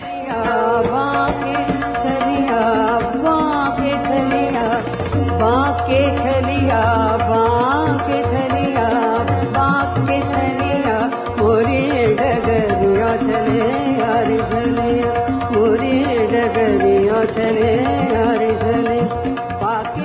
पश्चाताप गर्ने किन भन्नुहोस् त? आफूले हृदयदेखि नै इच्छाएको व्यक्तिसित आपसी सहमतिमा शरीर सुख साट्नु अपराध हो। भन्नुहोला सायाका बारेमा तब मैले किन सोचिनँ? सोचेँ तर भोलिपल्ट। त्यस दिन त सायालाई न मैले सोचेँ न अतीतले। आफैलाई त सोचिरहन मन लागेन अरूको के पर्वाह मन बहकेको थियो त्यस क्षण। चेतनाका द्वार बन्द थिए। उसको कोठामा थिए त केवल दुईटा शरीर। विवेकले काम लिनु पर्थ्यो होला तर त्यो हामी बीचमा थिएन। भोलिपल्ट मेरो अनुहारमा एउटा बेग्लै कान्ति कुन लोकबाट आएको थियो म जान्दिनँ। शरीरमा पुरै स्फूर्ति थियो। नुहाउन लाग्दा सावरबाट झरेर मेरो शरीरमा स्पर्श गर्ने पानीका प्रत्येक थोपाहरूले शरीरलाई मन्द उत्तेजना प्रदान गरिरहेका थिए। मन त्यसै पुलकित थियो। यस्तो लागिरहेको थियो मानौ मेरो कौमार्य पनि बोझ थियो शरीरको मैल जस्तै।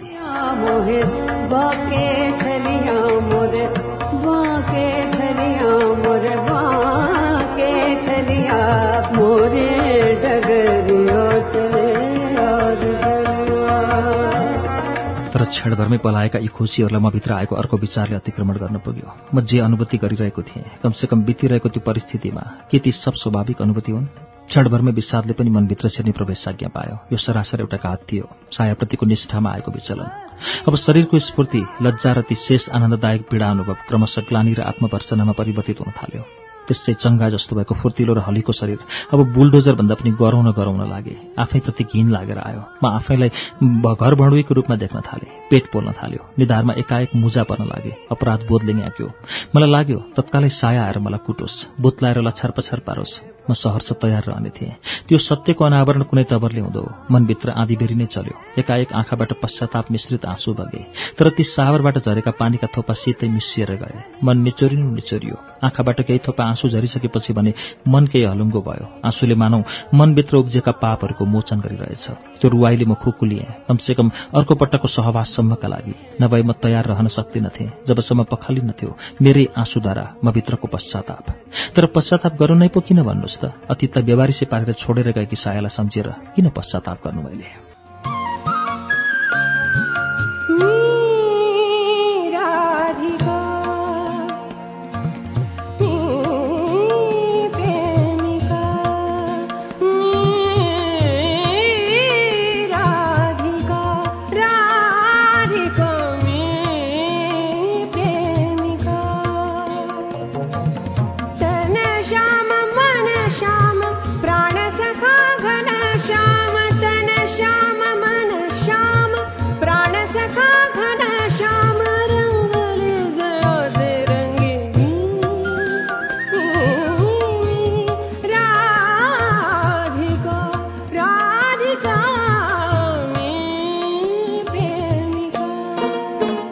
साया बेला बेलामा फोन गर्थे मलाई। अतीतको हालखबर सोध्थे। मैले कहिले पनि उसलाई अतीत दुःखी छ वा पीडामा छ भनिन। किन भन्नु? भन्नुहोस् त। ती दिनहरूमा अतीत खुसी त पक्कै पनि थिएन। जहिले दुःखी जहिले उदास। उसले मसँग बाँड्न थालेको थियो आफूभित्रको दुःख। उसले बाँड्ने गरेको दुःख मेरो पेवा जस्तो लाग्यो। म त्यो फेरि किन सायासित बाँडौँ? मैले बाँडिनँ उसँग अतीतको दुःख। अतीतले पाएको दुःख पनि उसले मसँगै बाँड्यो। शरीरको सुख पनि मैसँग साट्यो। यो गल्ती हो त।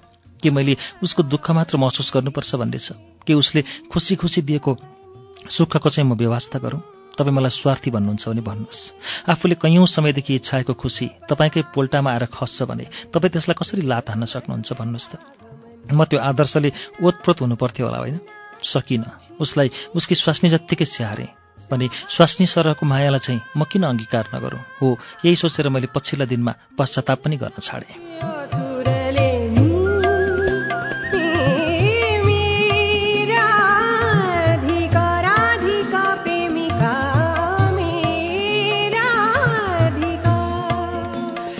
साया किन फोन गर्थे मलाई बुझ्थेँ।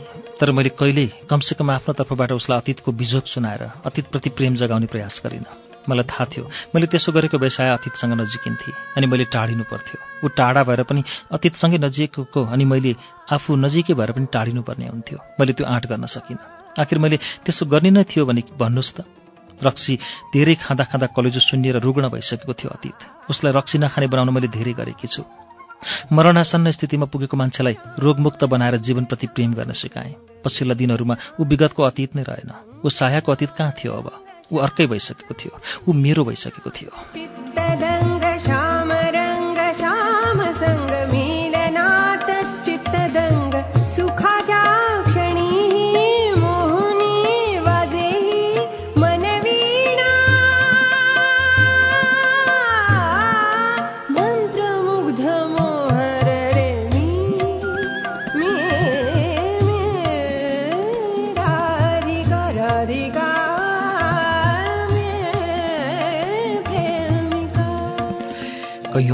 शरीर सुख छाटिएको भए पनि अतीतले मलाई प्रेम गरेन।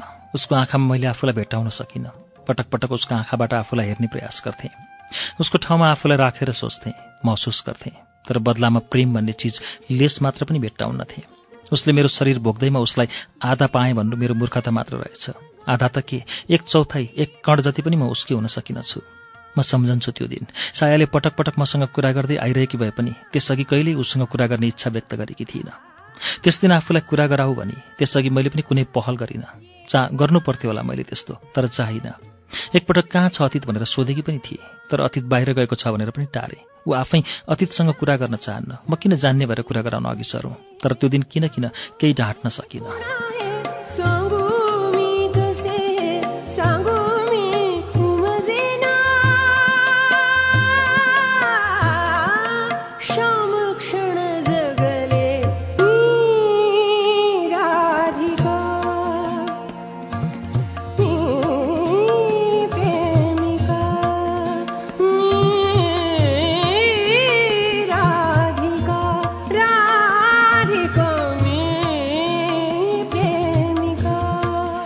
पहिलो पटक मलाई लाग्यो मैले अतिथिसित केही आशा पनि गर्न थालिसकेकी रहेछु। म उसँग आसक्त हुन थालिसकेकी रहेछु।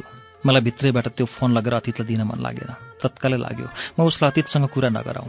लाग्यो केही बाहना बनाऊ केही न केही गरौँ ताकि ऊ अतीतसँग बोल्न नपाओस्। कसै गरी पनि नजिक नहुन्। उनीहरू बिचको वार्तालाप आफैप्रतिको घात हुन जान्थ्यो। म ढाँट्दिनँ त्यसबेला मलाई त्यस्तै लागेको थियो। के कसैलाई यस्तो हुँदैन? मलाई मात्र हो त यस्तो भएको। भन्नुहोस् त के त्यस्तो विचार आउनु अपराध हो गलत हो? मैले उनीहरूको सम्बन्ध बिगारेकै थियो होइन। कस्तो काँचो सम्बन्ध त। म जब अकिन्छन् केटीले गर्दा बिग्रन्छ भने। भन्नु नै हुन्छ भने उनीहरूको सम्बन्धमै खोट थियो। बलिया सम्बन्धहरू त हत्तपत्त भत्किँदै भत्किँदैनन् नि। उनीहरू बीच विश्वासको आधार नै बनेको रहेनछ। बनेको भए पनि एकदमै कमजोर काँचो गिलेवाको गाह्रो जस्तै। एक हातमा गर्ल्याम गोर्लुम डाली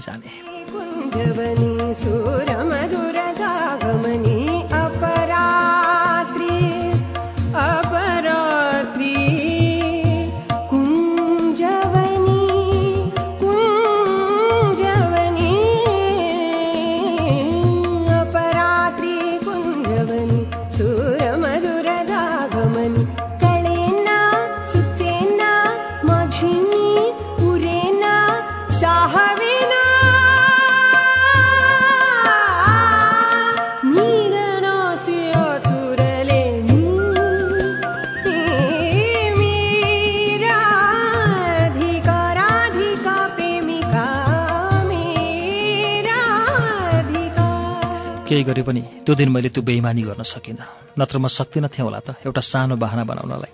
भन्न सक्दिनँ थिएँ होला म अहिले बाहिर छु या अतीत कतै गएको छ भन्नलाई। भने त चाहेको भए उसलाई अतीतको सम्पर्कमा नल्याउन सक्थेँ। त्यस दिनदेखि अतीतले मेरो शरीरलाई समेत स्पर्श गरेन। साया फोन गरिरहन थाली। मैले दौडेर फोन लगेर अतीतलाई दिनुपर्ने। नमज्जा लाग्थ्यो त्यसरी सायाको फोन आउँदा। मोबाइलमा साया कलिङ देख्यो कि आतंक जस्तो छाउँथ्यो मस्तिष्कभरि मोबाइल हराए हुन्थ्यो बिग्रिए हुन्थ्यो जस्तो लाग्थ्यो। या आफै त्यो ठाउँ त्यो परिवेश छाडेर कतै लुक्न जानु जस्तो लाग्थ्यो। आफैलाई अफसोस लाग्यो।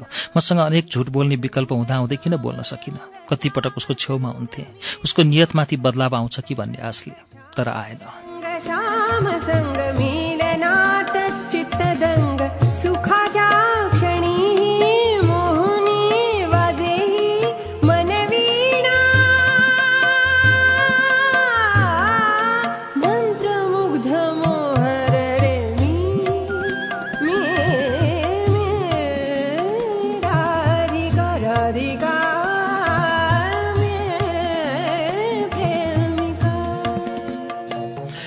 उसका अघिल्तिर पर्दा केटा मान्छेले अघि बढेर गर्नुपर्ने सब हरकत म केटी मान्छे भएरै गरिरहेकी हुन्थेँ। उसको कपाल खेलाउँथेँ उसको ओठ नजिकै आफ्नो ओठलाई जान्थेँ अँगालोमा टाँसिन खोज्थेँ तर उसले मैले पहल गरेको प्रयासलाई कहिले निरन्तरता दिन चाहेन। शालिक जस्तै यथास्थानमा विद्यमान रहिरह्यो त्यसपछि उसलाई मेरो यौवनले तानेन मेरो गन्धले आकर्षित गरेन। यसरी हेर्थ्यो पहिलोपटक हेरिरहेछ। मानौ मेरो शरीरसँग उसलाई वितृष्णा छ। ऊ फेरि मलाई इग्नोर गर्ने भयो र उसको त्यस किसिमको व्यवहारका कारण म आत्मग्लानीले प्रताडित रहेँ।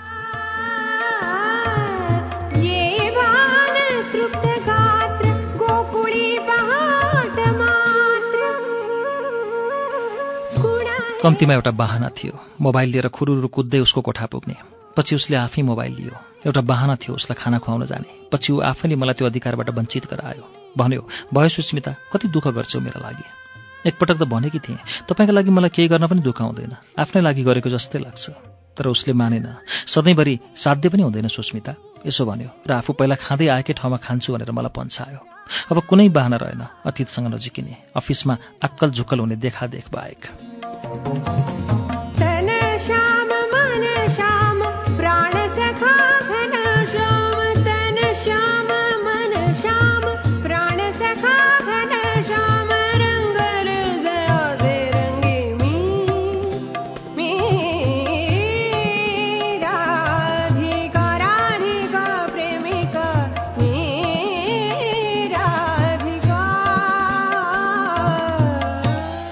राधिका पछि त ऊ अफिसै छाडेर नर्बीतिर लाग्यो। ऊ मसित भएको सम्बन्धबारे बेला बेला गिल्टी फिल गर्थ्यो। मैले त्यस्तो प्रतिक्रिया दिनु ऊप्रतिको आसक्ति न देखाउनु जबरजस्ती उसको पाखुरा समाउन जानु या आफ्नै पाखुरा सुर्केर जबरजस्ती उसलाई आफूलाई प्रेम गर्ने बनाउनु केही गर्न सकिनँ गर्ने कुरो पनि थिएन। जुन चिज आफ्नो कहिल्यै थिएन त्यो चिज आफूबाट टाढा हुँदा किन अफसोस गर्नु? भित्रभित्रै त कुँडिएकी थिएँ बाहिर केही देखाइन। उसलाई अफसोस दिलाएर किन विदा गर्नु? खुसी देखाइदिएँ भनिदिएँ म चाँडै बिहा गर्दैछु। यसो भन्दा ऊ खुसी नै भएर गयो होला। मेरो विषयलाई लिएर कम्तीमा कुनै प्रायश्चित गरेन होला।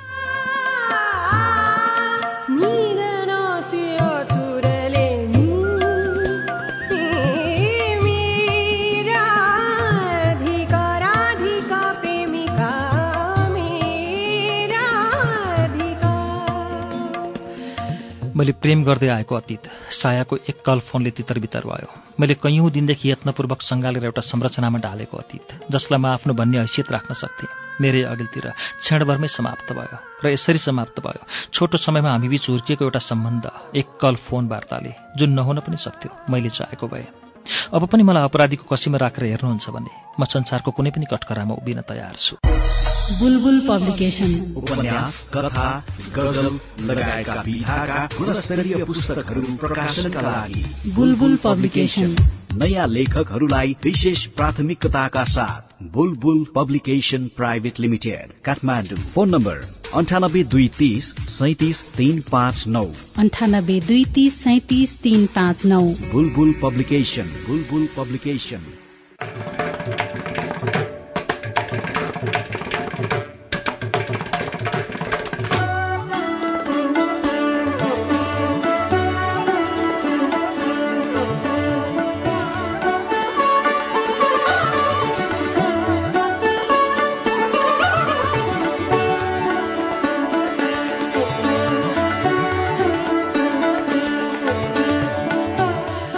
सुस्मिताको कथा थियो। यति भनिसकेर सुस्मिताले अघिल्तिर भएको सिसाको गिलासबाट एकै सासमा पानी खाइसकी। ऊ बोल्दा बोल्दै घरिघरि उत्तेजित देखिन्थे। घरि भावुक घरिघरि ऊ बोलेको देखेर मलाई डर लाग्थ्यो। कतै कुट्ने त होइन यसले। पानी खाइसकेर गिलास टेबलमा राखी।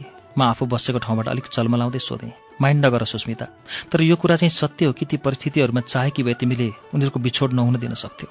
एकपल्ट मलाई खाउँलाई चाहिँ गरेर हेरी अनि नम्र हुँदै भने त्यस्तो मुटु भएकी मान्छे भइदिए भए म अतीतलाई प्रेम नै गर्दिनथेँ भन्न धेरै सजिलो हुन्छ सर। तर व्यवहारमा उतार्न कति गाह्रो हुन्छ खै तपाईँ के बुझ्नु होला अहिले कहाँ छन् उनीहरू? तिमीलाई थाहा छ? मैले उसको जानकारीबारे जानकारी लिन खोजेँ। तर उसले आफूलाई थाहा नभएको बताए। भनी जानकारी राख्न खोजे फेरि पुरानो स्मृतिमा गएर आफैलाई पीडा हुन सक्थ्यो। राखिनँ मैले। फिस्सा हाँस्दै थपी। जहाँ होलान् सायद सुखी नै होलान् नि।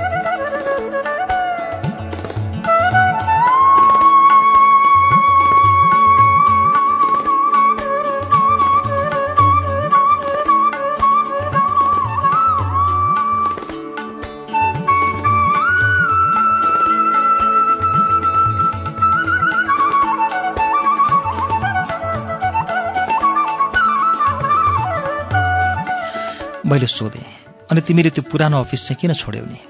बस्न सकिनँ त्यहाँ। अनुहारमा उदासी घनीभूत गर्दै भने धेरै कुरा हुन्छन् जो आएर जान्छन् तर केही कुरा यस्ता पनि हुन्छन् जो आउँछन् मात्र। मान्दैनन् फर्केर ती जान जस्तो कि कसैको याद। जतिखेर पनि उसैको मात्र याद आइरहने कसरी सहनु? सुरुमा त सक्दो प्रयास गरे तर केही गरे पनि सकिनँ। ऊ गएको पन्ध्र दिन जतिमै राजीनामा दिएँ। आवेशमा आएकी थिएँ त्यति बेला। पछि बेकार छोडेछु भनेर पछुतो पनि भयो। म माथि परिवारको ठुलो दायित्व थियो। त्यो पनि बिर्सिएछु जागिर छाड्ने बेलामा। हेर्नुहोस् त कस्ती भयो कि म। पछि एकजना परिचितले बैङ्कमा जागिर नलगाइदिएको भए मेरो बिजोक हुन्थ्यो। म लक्की रहेछु।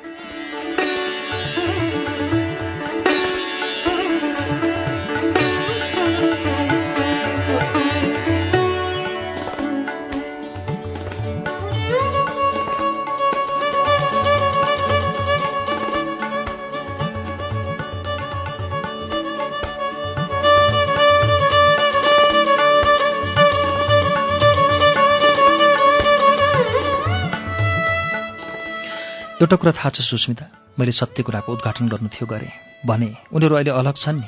सुस्मिता केही बोलिन। उसको आँखै बोल्यो। आश्चर्य र खेत दुवै मिसिएर एउटा भिन्न र नौलो रङ उसको आँखामा अवतरित भयो। उनीहरू मिलेको हेर्न चाहन्छौ?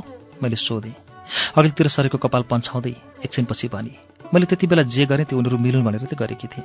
त्यति कठोर र स्वार्थी पनि नठान्नुहोस् मलाई कि अतीत मेरो भएन भन्दैमा कसैको नहोस् भन्ने चाहँ। छायासँग मलाई कुनै समस्या थिएन।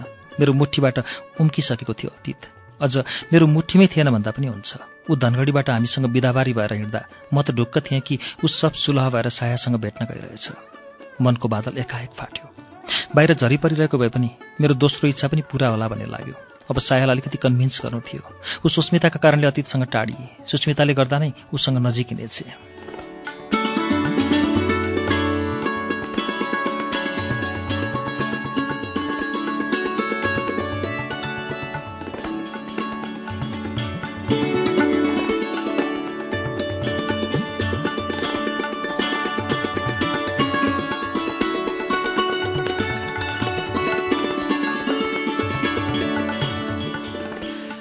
अतीत भन्थ्यो तिमी कति कामकी चिज रहेछौ सुस्मिता। मलाई सायाको खोजी गर्नु थियो तिमी काम आयो। अहिले सायालाई मेरो खोजी गर्दा पनि तिमी नै काम लाग्यो। तिमीहरू दुईजनाको अघिल्लो जन्मदेखि नै केही सम्बन्ध हुँदो। साँच्ची सुस्मिता फेरि काम लाग्न थालेकी थिए यिनीहरूको पक्कै अघिल्लो जुनीदेखि नै केही सम्बन्ध हुँदो। तिमीले केही चिन्ता गर्नु पर्दैन सुस्मिता। सायासँग भेटेर एकपटक सब सत्य सत्य बताइदेऊ। मैले भने हुनसक्छ भने बरु आफूलाई अलिकति झारेर अतीतलाई उसको आँखामा अझ महान बनाइदेऊ। अलिकति बेइमानी गरिदेऊ। उजाडिसकेको घर फेरि बस्छ भने यति गर्दिनौ? सुस्मिता फेरि हाँसी। त्यो हाँसोले मलाई खिस्सी गरे चाहिँ लाग्यो र त्यो खिस्सी आफूलाई अलिकति झारेर अतीतलाई उसको आँखामा अझ महान बनाइदेऊ भन्ने वाक्यलाई लक्ष्य गरे चाहिँ लाग्यो। मलाई पनि अलिकति पश्चाताप भयो त्यो नबनेकै भए पनि हुन्थ्यो चाहिँ लाग्यो।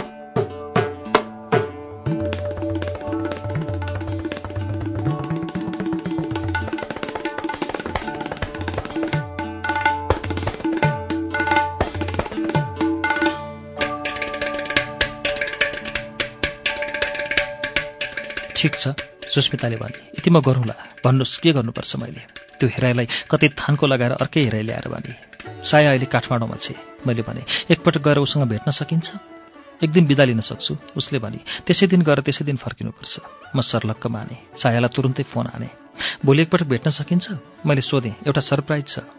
भोलि नै म ओस्लो फिर्दैछु सायाको जवाफ। बेलुकी छ बजे एयरपोर्ट टाइम छ। ओहो। सुन्नासाथ सुरुमा त म आत्तिएँ। तर एकछिनसम्म सोचेर भने म म्यानेज गर्छु है त अगाडि नै भेट्ने। भोलि बेलुकी छ बजेको फ्लाइट रे उसको। सुस्मितालाई यो कुरा सुनाए। ठिकै छ त उसले सल्लाह दिए। भोलि फर्स्ट फ्लाइटमै यहाँबाट जाउँला। उसलाई भेटेर म बेलुकीतिरको फ्लाइटमा फर्काउँला। समय कम थियो। म सुस्मितासँग छुट्टिएर भोलिपल्टको टिकट प्रबन्ध गर्न हिँडेँ। जाँदा साढे एघार बजेको टिकट भयो उसलाई फर्कनलाई चाहिँ चार बजेको टिकट लिइदिएँ।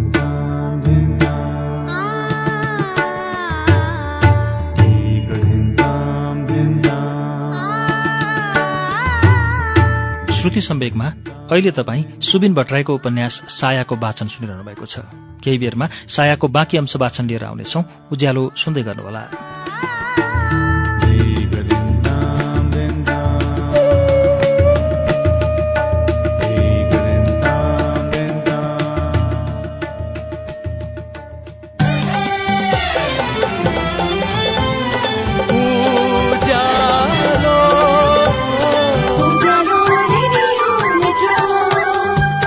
सीधा कुरा प्रश्न विचार। Ujyaalo radio network.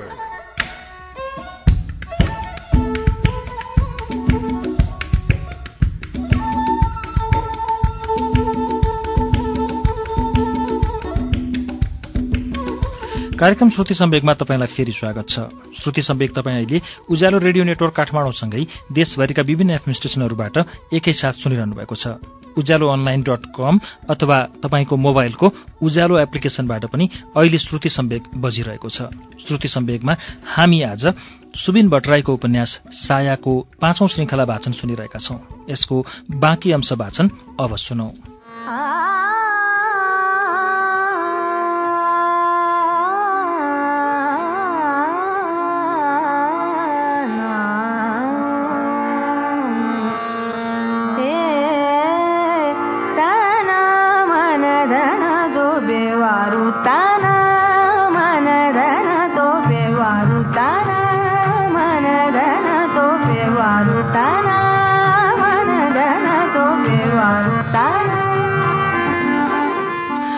काठमाडौँ ओर्लना साथ सायालाई फोन आने। उसले एलिनाज बेकरीमा बोलाए। सुस्मिता र म पहिल्यै गएर एउटा टेबल ओगटेर बसिसकेका थियौँ। ऊ केही बेरमा आई साया निलो टाइट जिन्स र कालो टी सर्ट अनि एउटा फिक्का पहेँलो कलरको आउटरमा थिए। ओठमा गाढा रातो लिपस्टिक थियो। यसपालि चाहिँ उसलाई जाडो भएको हुँदो नत्र म मनमा नै ऊ कुन कलरको हाफ प्यान्टमा आउँछ भनेर गेस गरिरहेको थिएँ।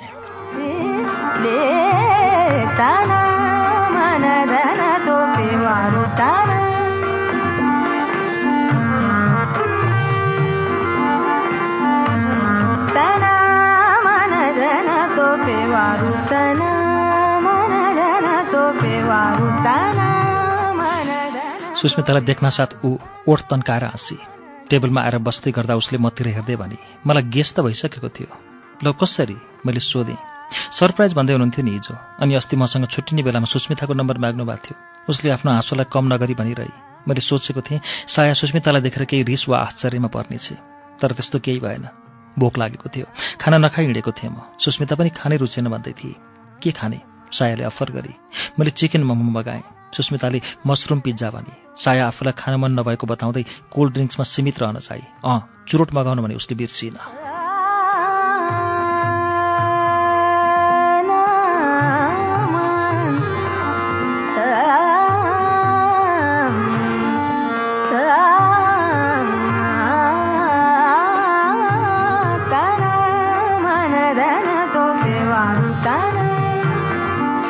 हामी यहाँ यसरी आउनुको प्रयोजन बुझ्छौ नि। चुरोट छल्काउने तर्खर गर्दै गरेकी सायालाई मैले सोधेँ। बुझिनँ भने भने उसले मस्किँदै भने बुझिन कि बुझ पचाउँछु? मैले पनि जवाफ फर्काएँ। त्यति पनि बुझ्दिनँ होला उसले पनि जवाफ फर्काइहालेँ। म हाँसेँ मात्र उता सुस्मिता निकै मौन थिए। गम्भीर मुद्रामा टेबलतिर घोस्से मुन्टो लगाएर चुपचाप बसिरहेकी थिए। अनि स्पष्टीकरण तपाईँले दिने कि सुस्मिताले? सायाले यति भनिसकेपछि मात्र सुस्मिता अलिक चनाखो भई सुस्मिताले आफ्ना कुरा दोहोऱ्याई। मैले भनौँ भने बमोजिम नै आफूलाई तल खसाएर अतीतलाई सक्तो महानै बनाइदिएर।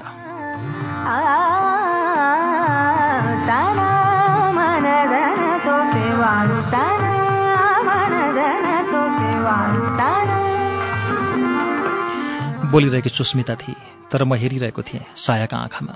ती आँखामा विद्यमान भाव बिस्तारै परिवर्तित हुँदा थिए। म स्पष्ट देख्न सफल भइरहेको थिएँ उसका आँखामा आएको भावको बदलाव। सुस्मिताका कुरा सकिएपछि मैले नै अघि सर्दै सायालाई भने अब के भन्छौ साया? गम्भीर हुने पालो आएको थियो सायाको। मेरो प्रश्नमा केही बोलिन। अतीतले गल्ती त गरेकै हो तर उसको त्यो अवस्था बुझिदियो भने त्यो गल्ती क्षम्य छ। सुस्मिताका स्पष्टीकरणका वर्षातहरूमा मैले एक बुँद स्पष्टीकरण थपिदिने काम गरेँ। साया अझ मौन नै बसी।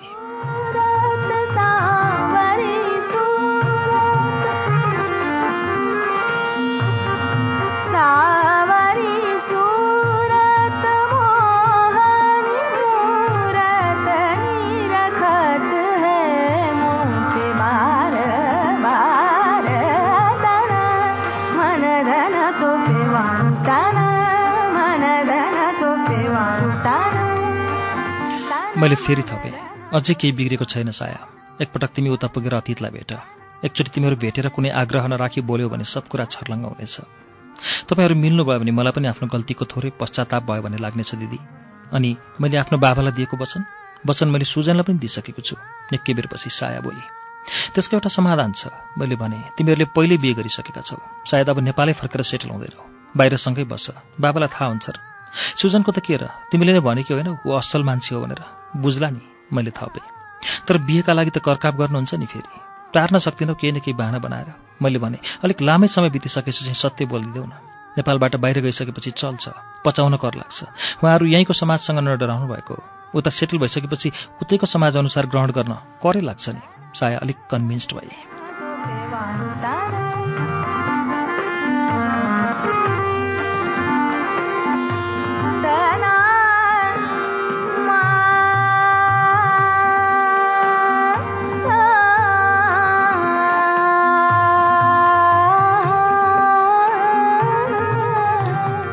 मैले अझ थप्न चाहेँ। धेरै नेपाली देखेको छु जसको नेपालमा सम्भव नभएको सम्बन्ध बाहिर सम्भव भएको छ साया। साया अझ कन्भिन्स्ड भएको कम्तीमा मैले चाहिँ महसुस गरेँ। सम्भवतः उसले पनि अलिअलि देखे कि जाने कि होली तैपनि उसको बोलीबाटै ऊ कन्भिन्स्ड भएको प्रमाण मलाई चाहिएको थियो। र सोधेँ भेट्छौ त अब उता जानासाथ अतीतलाई? अँ उसले जवाफ दिए। तर मलाई ढुक्क हुन मन लागेन। भने ल भन कसरी विश्वास गरौँ तिमीलाई कि तिमी उसँग भेट गर्नेछौ? फोन गरौँला नि उसँग भएपछि। अनुहारमा बल्ल अलिकति मुस्कान ल्याएर भने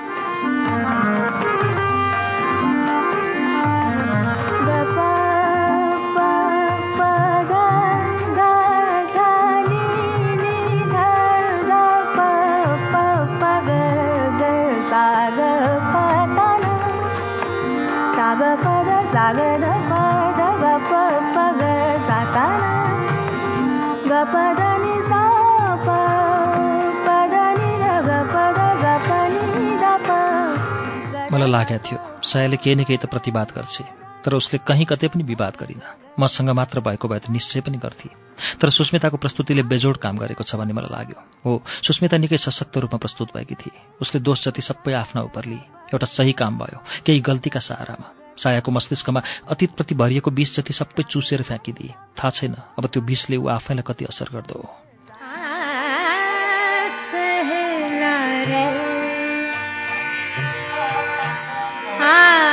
सहेला रे मेरी गाय सहेला रे सहेला रे सप्त सुरण के वेद सुनाए सहेला एकदमै सौहार्द्र र सहमतिका भावसाथ हामी तीन प्राणी एलिनाज बेकरीबाट उठ्यौँ। बिल सायाले मलाई तिर्न दिइन हामी तिनैजना रेस्टुरेन्ट बाहिरपट्टि निस्क्यौँ। साढे दुई भएको थियो। साया बाटो क्रस गरेर आफ्नो घरतिर लागि। रह्यौँ सुस्मिता र म।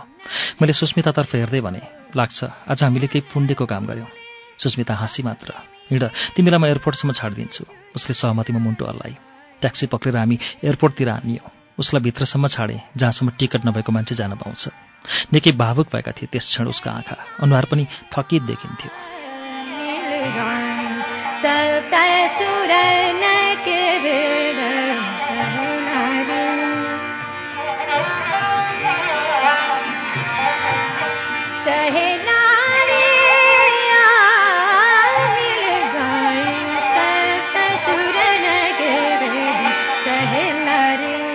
सुस्मिता फिस्सा हाँसी जुन उसको ओठमा पटक्कै सुहाएको थिएन।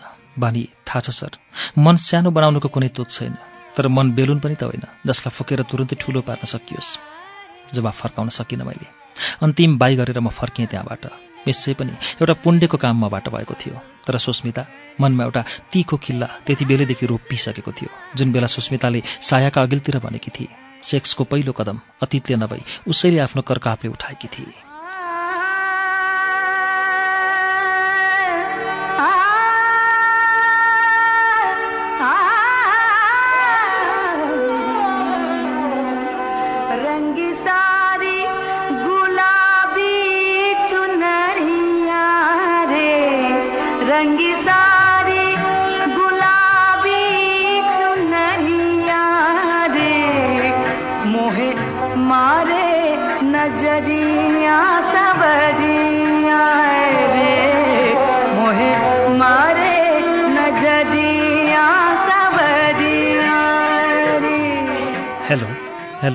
साया हजुर तपाईँलाई विश्वास दिलाउन फोन गरेको। कुरा गर्नुहोस् अतीतसँग।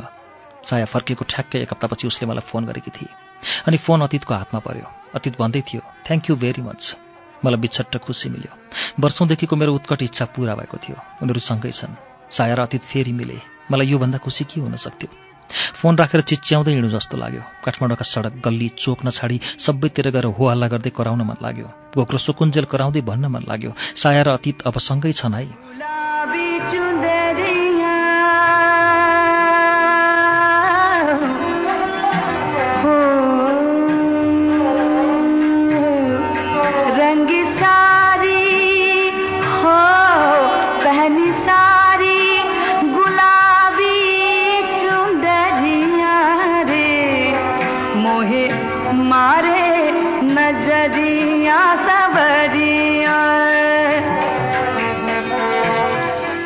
लाग्यो एउटा खिल पल्टेको थियो। त्यो सब निको भयो। वर्षौँदेखिको ट्युमर निकालेर फ्याँकिएको बिरामी जस्तै। एकदमै सञ्च भएँ म। त्यसैले त आफ्नो निरोगिताको नयाँ प्रमाण सबैतिर चिच्याउँदै सुनाउन मन लागेको। अब सँगै बस्ने हामी। अतीत भन्दै थियो। म उसैको अपार्टमेन्टमा सिफ्ट हुँदैछु भोलि। बेला बेलामा फोन गर्नु है। मैले बडो भावुक भएर भने। नजाने किन हो त्यस बेला मलाई पनि भावुक हुन आएछ। हुन्छ अतीतले यसो भनेर फोन राख्यो। खुसी थामिन सक्नुको भएको थियो। आफैलाई अचम्म लाग्यो। सुनेको थिएँ मान्छेलाई दुःख बोझ लाग्छ रे। यहाँ मलाई खुसी बोझ लागेको थियो। आफैमा मात्र सीमित राख्न अह पटक्कै सकिनँ कसलाई सुनाउ चाहिँ भएको थियो सुस्मितालाई फोन गरिहालेँ। उनीहरू मिले सुस्मिता। निकै उत्तेजित हुँदै भने भोलिदेखि सँगसँगै बस्दैछन् रे। ए बडो अनुत्साह र उत्तेजना रहित आवाजमा सुस्मिताले यसो भने म भित्रको उत्तेजना तुरुन्तै गलिहाल्यो।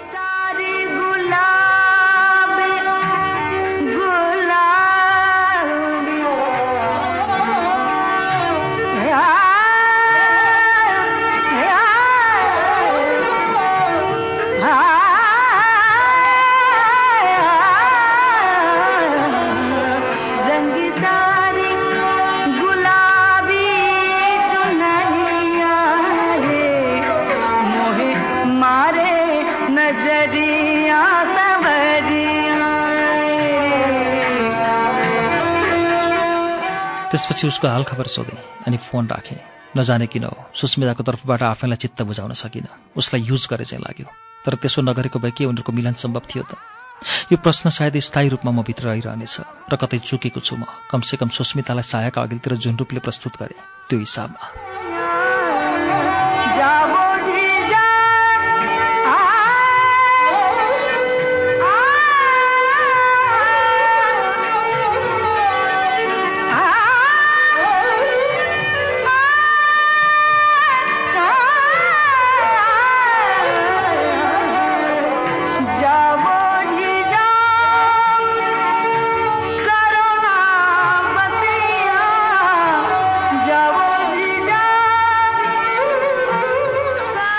फेसबुकमा म साया र अतीत दुवैजनासँग जोडिसकेको थिएँ। एक दिन अतीतले मलाई च्याटमा भन्यो हामी अर्को हप्ता नेपाल आउँदैछौँ। वाउ मेरो तत्कालको पहिलो प्रतिक्रिया। भेट हुन्छ नि हाम्रो अतीतको प्रश्न। म तिमीहरू लिनै आउँछु एयरपोर्ट मैले भने। उसले दाँत देखाउने स्माइली पठायो र तलपट्टि लेख्यो स्योर हामी झन् खुसी हुनेछौँ। यो बितेको एक वर्षमा म उनीहरूसँग झन् नजिक भएँ। अतीतसँग सहयात्री भएर सुरु भएको हाम्रो परिचयको श्रृङ्खला बिस्तारै झ्याङ्गिँदै उनीहरूको अभिन्न मित्रमा पुगिसकेको थियो। उनीहरू मलाई आफ्ना एक एक विवरण सुनाउँथे। कहिलेकाहीँ सानोतिनो मनमुटाव भए मैले न्यायाधीश बसिदिनु पर्थ्यो।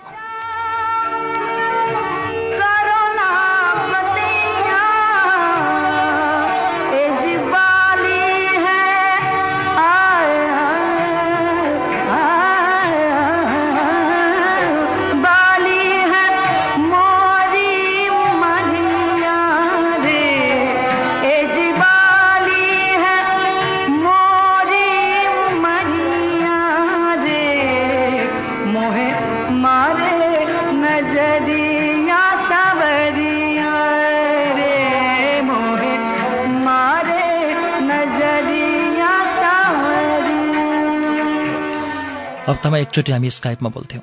दुवैजना स्क्रिन अगाडि आएर हात हल्लाइ हल्लाइ बोल्थे। यस्तोमा साया विशेष रूपमा प्रस्तुत हुन्थे। एकदमै उज्यालो थियो उनीहरू दुवैको अनुहार। उनीहरूको नेपाल फर्कने मिति तय भयो। डिसेम्बरको अन्तिम साता। म बडो व्यग्रतापूर्वक उनीहरूलाई कुरिरहेको थिएँ। अरू को को आउँछन् तिमीहरूलाई रिसिभ गर्न? सायालाई च्याटमा सोधेको थिएँ। खालि मेरो बाबा मात्रै जवाफ सायाको। अनि अतीतको घरबाट? उसलाई रिसिभ गर्न तपाईँ सायाले स्माइलीसहित यो मेसेज पठाएकी थिए। मैले एउटा स्माइलीले उसलाई जवाफ फर्काएँ। साथीहरू कोही आउँदैनन्? मेरो प्रश्न। अह सायाको जवाफ मेरो प्रश्नमा नआउनै भनेको।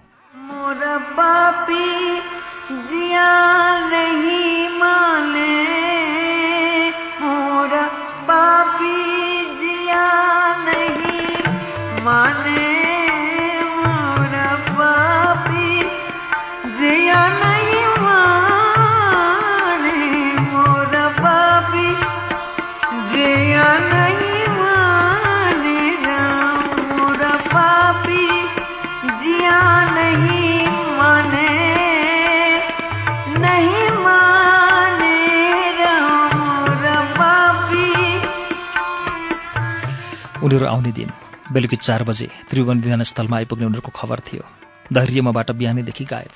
उनीहरूलाई अलग अलग देखेको थिएँ भेटेको थिएँ सँगसँगै भेट्ने दिन थियो त्यो। साढे तिन नै नबजी अफिसबाट निस्किएँ। चाँडो भए एयरपोर्टमै कुरौँला भन्ने सोचाइ साथ समयभन्दा अगावै निस्किएँ। एयरपोर्टको माहौल पुरै व्यस्त थियो। देशी विदेशी तरुणो तरुणी बुढाबुढी गोरा काला सबै थरी मान्छे देखिए। मान्छेहरूको भिडमा म एक थरी मान्छे देखेर अड्किएँ। बोरै गेट नम्बर एकमै एउटा केटा र केटी हक गरिरहेका थिए। सयपत्रीको माला थियो केटाको गलामा। आलो आँसुका एक जोडी धर्सा थिए केटीका गलामा। केटाकेटीको आँसु पुछिदिइरहेको थियो। केटी पुनरुत्पादन गरिरहेकी थिए आँसु। परैबाट उनीहरूले नदेख्ने गरी म त्यो दृश्य निहालिरहेँ। कस्तो माया।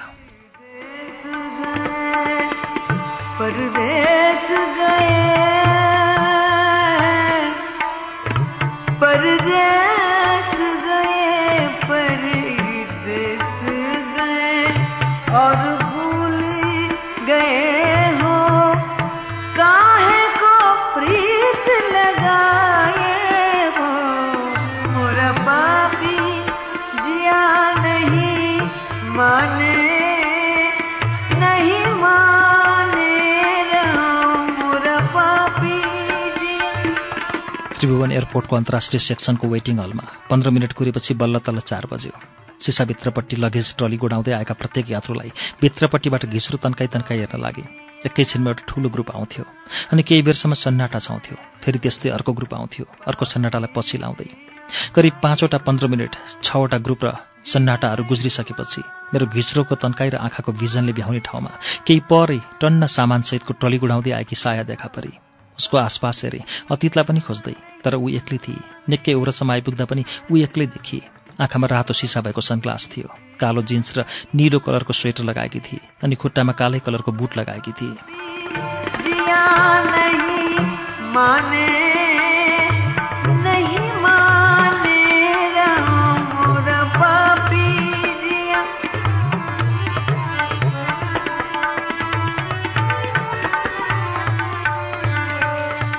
म जुन रूपमा थिएँ त्यो रुमभन्दा बाहिरपट्टि नै ऊ आइपुगी। म बाहिर निस्केँ। उसले मलाई तबसम्म पनि देखेकी थिएन। म उसको नजिकै गएँ। साया उत्तेजना र खुसी एकैसाथ प्रकट गर्दै करिब पाँच मिटरको दूरी ओरैबाट उसले सुन्ने गरी बोलाएँ। उसकार मेरो आँखा चार भए। परिचितलाई नै हेरे चाहिँ उसले मलाई हेरी। म अझ अगाडि बढेँ। ऊ रोकिन्छ कि भन्ने आशामा तर ऊ रोकिन मलाई पुरै व्यवस्था गर्दै पेटीबाट मुनतिर झरी र रोड क्रस गरी रोड पारी एकजना अद्वैंसी मान्छेसँग गएर हक गरी। दुवैजना मिलेर सामान गाडीमा अपलोड गरे। बुढा अगाडि बढेर ड्राइभिङ सिटमा बसिहाले। साया पनि अगाडि बढी तर गाडीको सिट उघारेर निहुरिँदै गर्दा आँखाको सङ्ग्लास हटाएर एकपटक मलाई मतिर पुलुक्क हेरी र मुस्कुराई अनि गाडीभित्रै गएर बसी। गाडीको ढोका लाग्यो घर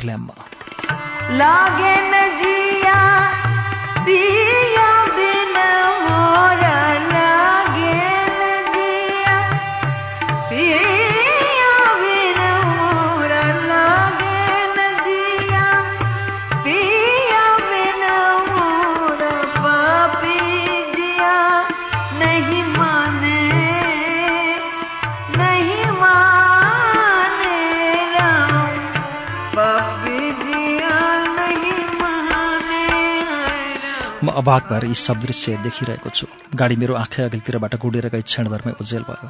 सरप्राइजहरू यसरी पनि आउँछन् जीवनमा। आफ्नै अघिल्तिरबाट बाटो क्रस गरेर उल्टै सरप्राइज दिएर जान्छन् कति सरप्राइजहरू। अब कुर्नु थियो अतीतलाई अर्थात् अर्को सरप्राइजलाई। थाहा थिएन त्यो कुन रूपमा प्रस्तुत हुनेवाला थियो। एउटा भिड र सन्नाटापछि देखा पर्यो। अतीत शर्मा केही पर।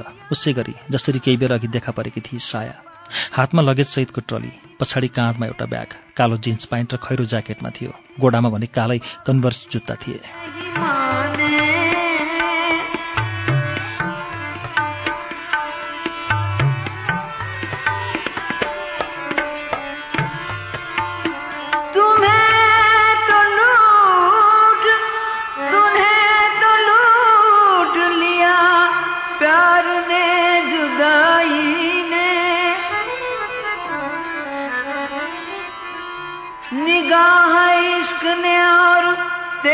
दिल रुबाई ने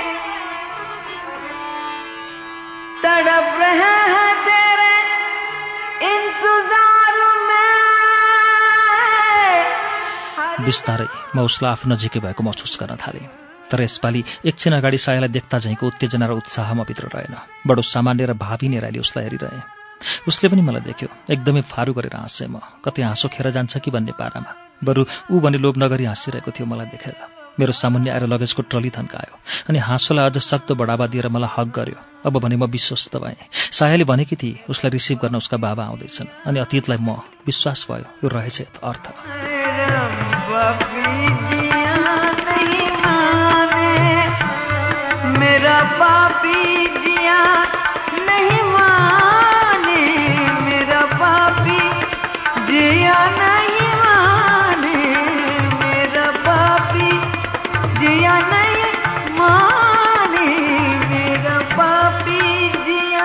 सायासँग जम्का भेट भएर पनि बोल्न पाइएन। मैले गुनासोले भरिएको आवाजले अतीतलाई सुनाएँ। उसको बाबा हुनुहुन्थ्यो नि त उसले स्पष्टीकरण दियो। हामी भित्रबाटै दस मिनट अघिपछि गरेर निस्किएका।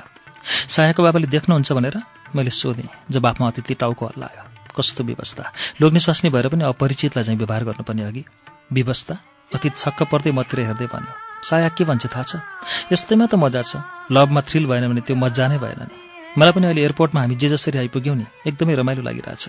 खुलेआम प्रेम गर्नुभन्दा लुकीछिपी प्रेम गर्नुमै ज्यादा रमाइलो हुन्छ। म हाँसेँ मात्र।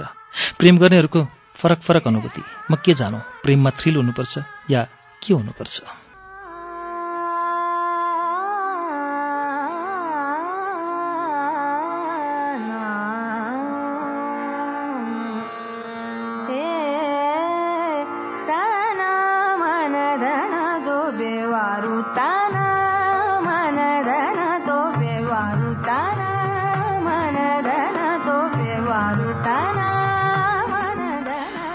हाँसेको देखेर उसले यस्तो प्रतिक्रिया दियो। तपाईँ हाँस्नुहुन्छ तर यही साँचो हो। हामी सबैलाई थाहा छ पिरो खाँदा कान पोल्छ जिब्रो पोल्छ तर पनि हामी खान्छौँ नि। जति पोले पनि साइसाइ सुइसुई गर्दै भए पनि। यस्तै त हो प्रेम पनि। डर त्रास दुःख असमझदारी सब चिज हुन्छ यसमा तर पनि हामी यसैमा रमाउँछौँ। प्रेम पिरो खानु जस्तै रहेछ। पोल्छ भन्ने थाहा हुँदाहुँदै नटोकी नहुने। जिन्दगीलाई सुरुचिपूर्ण बनाइदिन्छ नि त होइन? मैले भने अतीतले होको भावमा टाउको हल्लायो ट्याक्सी बोलाएर रोक्यौँ। चढ्नुभन्दा अगाडि उसलाई सोधेँ कहाँ जान्छौ? उसले भन्यो आज मामा कहाँ बस्छु? भोलि घर जान्छु होला विराटनगर। कहिले फर्कन्छौ त विराटनगरबाट? सोधेँ दुई हप्ता बस्छु। यो दुई हप्ता घरका लागि मात्र छुट्याएर आएको हुँ। उसको जवाफ अनि दुई हप्तामै ओस्लो फर्किहाल्ने? अँ उसले भन्यो किरणहरूसँग घुमघामको कार्यक्रम पनि छ त्यो सकेर म फर्किहाल्छु। साया चाहिँ जनवरी अठार तारिकमा फिर्से। किन अलग अलग फर्कने? सोधेँ किञ्चित व्यङ्ग्य मिश्रित आवाजमा कि त्यो पनि सायाको बाको डरले? अतीत हाँस्यो अनि भन्यो होइन मेरो एक्जाम भएकोले सँगै फर्कन सम्भव भएन। उसलाई त्यस दिन बानेश्वरसम्म छाडेर म फर्केँ।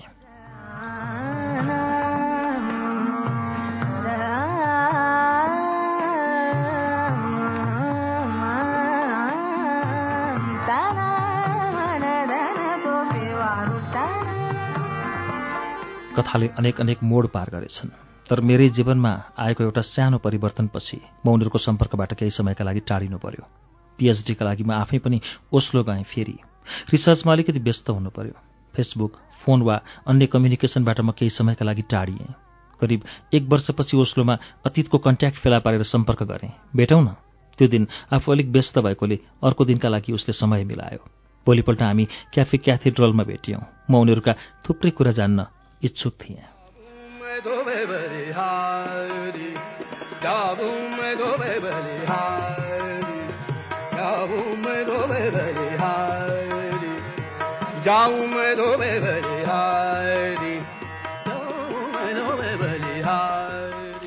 ठ्याक्कै अढाई वर्षपछि घर जाँदै थिएँ। घर यो शब्दमा मान्छे कति सुरक्षित महसुस गर्छ थाहा छैन। अपनत्व र प्रेमले कति सिन्चित हुन्छ। आड सुरक्षाको आधार विश्वासको घर केवल ओत मात्र होइन। घर अडेस लाग्ने भित्तो मात्र होइन। पाइला अडाउने भुइँ मात्र पनि होइन। घर आफूलाई थुन्न मिल्ने ढोकाभित्रको संसार मात्र पनि होइन। तर मैले कुनै बेला प्रेममा अन्धो भएर आफ्नै घरलाई नराम्ररी लात हानेको थिएँ। नयाँ घर बसाउनलाई आफ्नो पुरानो घर भत्काएको थिएँ। नयाँ सम्बन्ध जोड्ने लोभमा आफूलाई एउटा सम्बन्धबाट उखेलेर हुत्याएको थिएँ।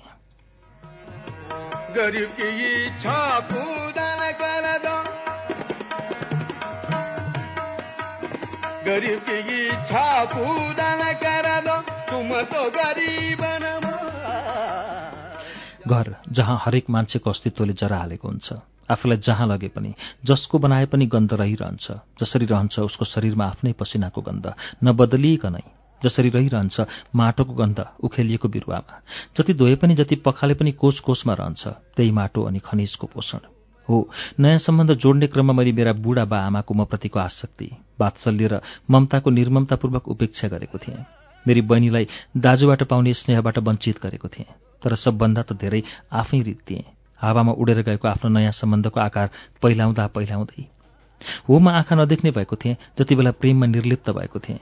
म धेरै नै पश्चातापले भरिएको मुड र अलिकति उत्साह लिएर घर जाँदै थिएँ। आफूले गरेको पाप पखाल्न जाँदै थिएँ।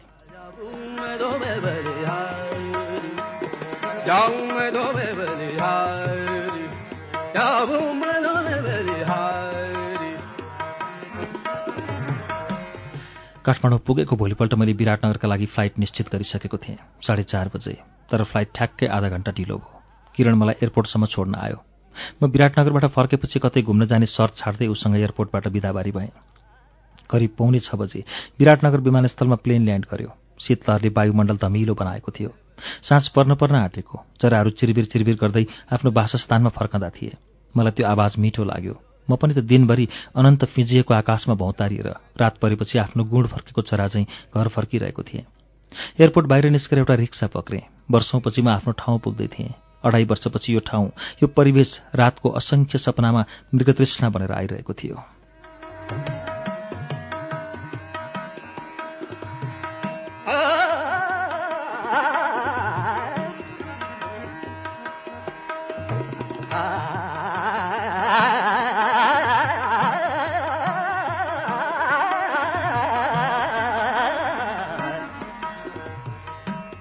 कञ्चनबारीबाट दायाँतिर रिक्सा मोडिँदा अलिकति हावा चल्यो।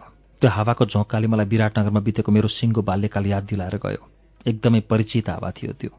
पहिले पहिले पनि त्यसै गरी छोएर जान्थ्यो कुदकुताएर जान्थ्यो। हावासँगै मेरो बुबाको धोत्रो आवाजले छोएर गए चाहिँ लाग्यो।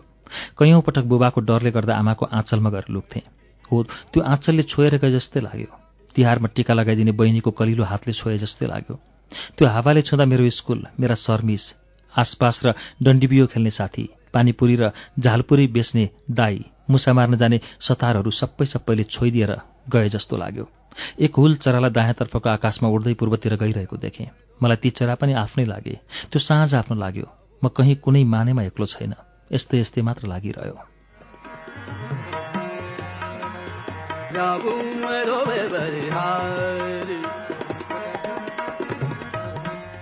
ठ्याक्कै घरै अगाडि रिक्सा रोकाएँ। आमा बाहिरपट्टि आँगनभन्दा अलिक पर दायाँतिर भएको ग्वालीमा हुनुहुन्थ्यो।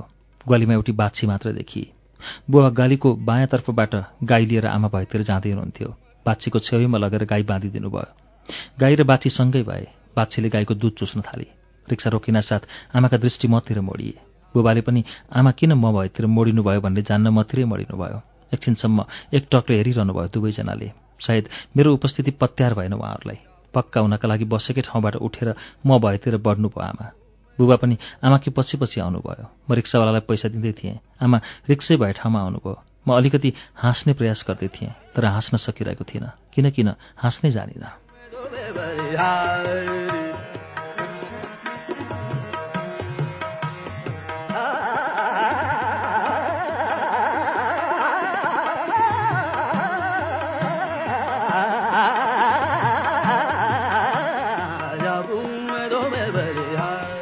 रिक्सा बिदा गरिसकेपछि बुबालाई ढोगे आमालाई ढोगे आमाका केस पहिलेभन्दा धेरै फुलेका थिए। निधारमा चाउरी थपिएका। मलाई एकटकले हेर्दै आमा चिउँडो कमाउँदै पिलपिल पिलपिल रुन थाल्नुभयो। बुबाले पनि एकछिनसम्म त अपरिचितलाई झैँ निशब्द हेरिरहनु भयो मानौ कोही परदेशी साँझमा बास माग्न आएको छ। बुबा पहिलेभन्दा कुप्रिनु भएछ। स्पन्डाइलाइटिस थियो उहाँलाई। केही बेर रोइसकेपछि आमाले आँखा चिम्म गर्नुभयो र भावनाद्र भएर सक्तो मुख बिगारी सबै आँसु बाहिर तिर्ने थार्नुभयो अनि सारीको सबकुले एकतिर आँसु पुछ्नुभयो र मेरो कपाल खेलाउँदै भन्नुभयो हिँड बाबु भित्र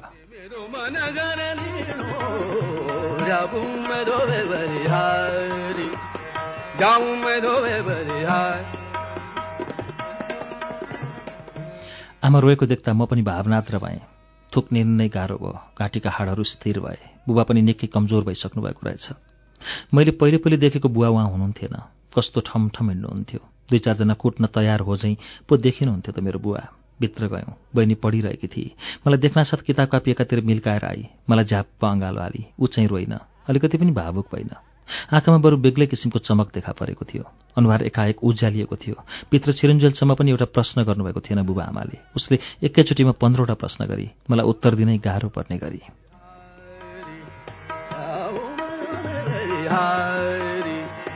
जाऊं मैं बलिहारी तूने मेरो मन बलिहारी। धेरै पछि म जीवित भएको थिएँ। मेरो निष्प्राण शरीरमा सास र चेतना पलाएको थियो। बेग्लै किसिमको ऊर्जा कुन्नी कहाँबाट सन्निहत भएको थियो? म छ्याङ्ग भएको थिएँ। कैयौँ दिनको कोमापछि होस आएको बिरामी झैँ। हो यसैलाई घर भनिन्छ जहाँ लास पनि म्युतिन्छ जहाँ मूर्तिको पनि वाक्य फुट्छ जहाँ पुगेपछि संसारमा फेरि कतै जाने लोभ जाग्दैन।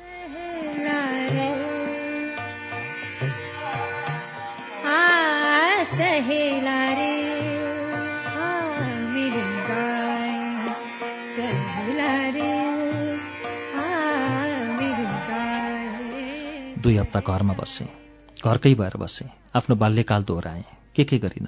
म न काठमाडौँबाट आएको भएर बसेँ न ओस्लोबाट। पुरा ग्रामीण जीवन बिताएँ जहाँको थिएँ त्यहीँको भएर बसेँ। सम्झेँ परालको कोन्युमा चढ्दै फाल हान्दै गरेको। सम्झेँ बुबालाई पनि नटेरी खेतका आली आली भागेको। एकपटक धान रोपेको बेलामा आलीबाट चिप्लेर खेतमै पछारिएको थिएँ। त्यो बेला मेरा लुगा हिलै हिलो भएका थिए। त्यस दिन खेतबाट घर फर्कँदा म कट्टुमा मात्र भएँ। एकपटक परालको कुन्युमा हाम फाल्दै गर्ने क्रममा मेरो दायाँ खुट्टा मर्केर कति दिनसम्म बेड रेस्ट गर्नु परेको थियो। पछिसम्म म तर्सिरहेँ। त्यसको कति दिनसम्म परालको कुन्यु मलाई काठमाडौँको धरहरा जस्तै लागेको थियो। आँप र लिच्ची खाएरै नसक्ने गरी फल्थे तर पनि किन किन हामीलाई चित्त बुझ्दैन थियो। अरूको बारेमा गएर आँपका चिचिला टिपेर साँधेर खानमै बढ्ता मजा आउँथ्यो। दिनभरि अमिलो ट्वाक ट्वाक पारेर साँधेको आँपका चिचिला खान्थ्यौँ। रातभरि चर्पीको बासमा हुन्थ्यो। आमा भन्नुहुन्थ्यो मासी पर्छ नखाओ।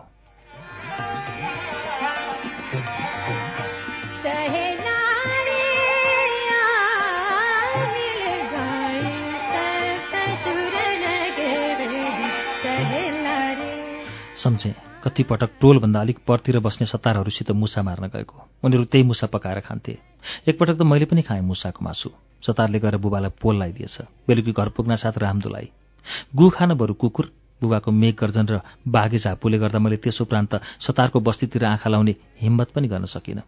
सम्झनाहरू नेगेटिभ जस्तै आउँदै जाँदै रिल जस्तै घुमिरहन्छन् बेला नको बेला।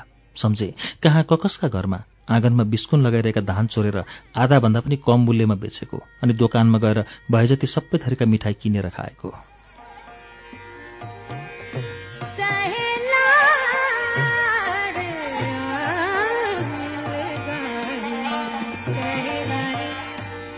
सम्झे डन्डी बिउ र आसपास खेलेको। एकपटक डन्डीले जमाएर बिउ हिर्काउँदा एउटा साथीको देब्रे आँखामै ट्वाक्कै लाग्यो। बिचरा त्यसको देब्रे आँखा आजसम्म पनि सानो देखिन्छ। पुरै दाहिने आँखा जसरी देब्रे आँखा उघार्न सक्दैन। हामी केटाकेटी नै थियौँ। बुवा मलाई र बहिनीलाई लिएर रामचोक लैजानुहुन्थ्यो त्यहाँ हाम्रो खेत थियो। मलाई स्पष्ट सम्झना त त्यस्तो केही छैन। अलिअलि रहल पहल सम्झना नेगेटिभ झैँ मस्तिष्कमा आइरहन्छ। गोरु गाडामा चढाएर खेतसम्म लानुहुन्थ्यो। म गोरु गाडामा अगाडि गाडा चलाउने मान्छेसँग बस्न रुचाउँथेँ। अनि अनावश्यक रूपमा लट्ठीले गोरुलाई पिड्थे। खेतमा पुगेपछि हामीलाई हतारो हुन्थ्यो। परालको कुन्युमा गएर चढ्ने अनि फाल हाल्ने।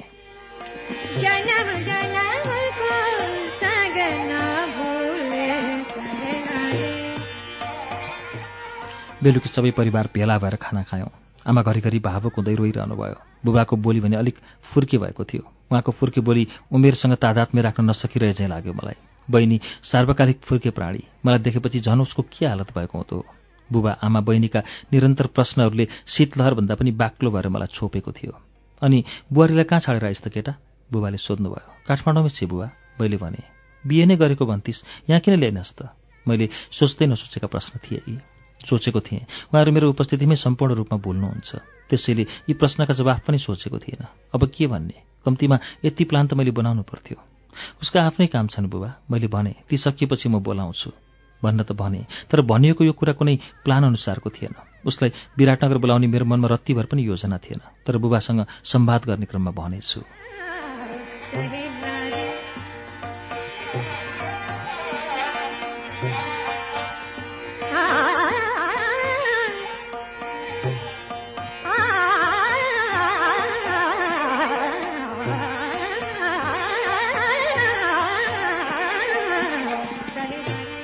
अनि सोची पनि हेरेँ म सायालाई विराटनगर किन नबोलाऊँ? बुबाले फेरि प्रश्न गर्नुभयो। बुहारीको घरमा थाहा छ कि छैन? छैन। थाहा दिनु पर्दैन? मान्दैनन्। भनिरहेका छौ आफ्नो शरीरलाई पूर्णतया मैतिर फर्काउँदै आँखा र कान चनाखो पारेर भन्नुभयो एकचोटि कुरा भएको बिहे गरेपछि बुबाको चासो झन् बढिरहेको थियो।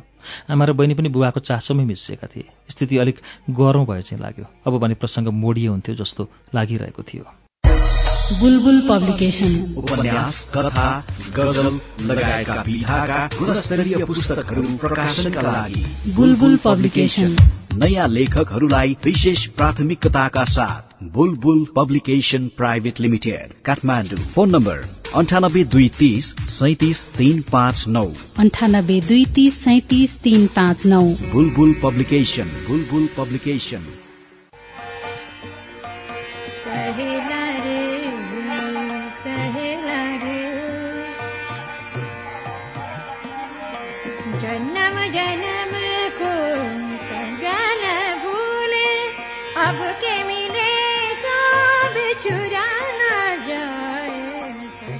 होइन बिहे अगाडि नै हो एकचोटि भनेको लुत्ते पाराले भने।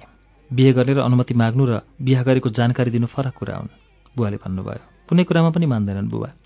पहिला थाहा त दियो अलिक उचो चोर भयो बुबाको मन त डर लाग्यो। थाहा पाए पनि मान्दैनन्। के गर्छन्? अर्को बिहा गरिदिन्छन् अरे? त्यस्तै। कस्तै? साँच्चै अर्की बिहे गरिदिन्छन्? हजुर। मलाई लिएर हिँड तिनीहरू कहाँ? म कुरा गर्छु। अहिले जाउँला गरेर जोसिएर भन्नुभयो। म चुप लागेँ। ऊ बेला धनगढीदेखि कुरा गर्न जाँदा बेइज्जत भएर त्यहाँबाट निस्कनु परेको विगत झलझली याद आयो। त्यो बेला म एक्लै बेइज्जत हुनु परेको थियो। अब आफूले नपुगेर बुवालाई पनि लगेर बेइज्जत गराउँ हुँदै हुँदैन बुबा हतार हतार भने। साया आफै कुरा गर्छ पछि एकपटक फोन नम्बर दिए म भाती पुऱ्याएर बोल्छु। हतार नगर्नुहोस् न पहिला सायासँग कुरा गरौँ मैले टार्न खोजेँ।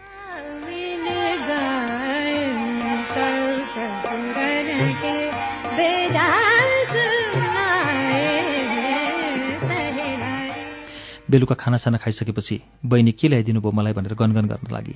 बुबा आमा र बहिनी अगाडि राखेर सुटकेस फिजाउँदा माहौल रमाइलो बन्यो। मैले सबैका लागि सपिङ गरेको थिएँ। बहिनीहरू टी सर्टहरू दिँदै गर्दा भने यो सबै तेरो भाउजूको चोइस बहिनी कम्ती दङ्ग परेकी होइन। भाउजूको चोइस भनेर होइन नयाँ लुगा पाएकामा। दङ्ग त आमा बुबा पनि पर्नुभएको थियो। लुगा फाटाले होइन त्यो माहौलले मेरो उपस्थितिले भत्केको घर पुनर्निर्माण भएकोले। आमाको अनुहार अर्कै भएको थियो। म सकुशल घर फर्केको थिएँ। वर्षौँपछि योभन्दा ठुलो उपहार उहाँहरूको लागि अर्थो के हुन सक्थ्यो? त्यो क्षण उहाँहरूका दुईजोर आँखाको मात्र फोटो खिचेर दुलाउनु अनि भित्तामा आफूले साँझ बिहान देख्ने ठाउँमा जीवनभरका लागि टाँसेर राख्नु जस्तो लाग्यो। राति सुत्ने बेलामा आमा मेरा कोठामा आउनुभयो। पटुकामा तोरीको तेल लिएर। मैले नाइ भन्दा पनि मेरो टाउकोमा ठाङ ठाङ ठोकिदिनु भयो। वर्षौँ भएको थियो। कसैले टाउकामा तेल नठोकिदिएको। सञ्च भयो। कुप्लोकै ठाउँको ठाउँ नै निधाएछु पो।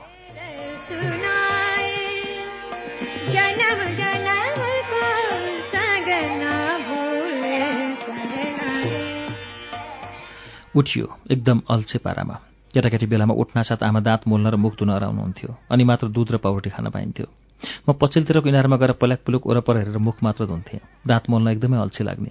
कति दिनसम्म दाँत मोल्दिनथेँ अनि एक दिन हाँस्दा पुरै पहेँलो देखिने भएपछि मात्र आमाको गाली खान्थेँ र मोल्थेँ। मलाई किन किन त्यस दिन पनि दाँत नमोल्न मन लाग्यो। इनारमा गएर बाल्टिनमा पानी उगाएर मुख चाहिँ धोएँ। भान्सामा चिया तयार रहेछ। आमाले चिया ल्याएर दिनुभयो। मैले सोधेँ दुध र पाउरोटी खान पाइँदैन आमा? बहिनी गइरहेछ पाउरोटी लिन पख्लास। आमाले भन्नुभयो दुध कुँडेमा उम्लिँदै थियो। ब्रेकफास्ट खाइसकेपछि सायालाई फोन लगाएँ। भने तिमी विराटनगर किन आउँदैनौ साया? आउनु र? उसले प्रश्न गरी बुबा आमालाई त तिमी आउँदैछौ भनेर भनिदिएँ। यहाँ चाहिँ के बाहना बनाएर आउँ त? उसले सोधी बनाउन केही? टपर मान्छे। बाहना बनाउनु पनि मलाई सोध्छौ? अहिले हो? ऊ सन्की त्यसो भए आउँदिन लौ उसलाई टपर भन्नुहुन्न थियो। सन्किहाल्थे। सरी। अनि मलाई यसो भन्न कर लाग्थ्यो। ऊ आउने भई अर्को दिन घरमा सुनाए। सबैजना दङ्ग।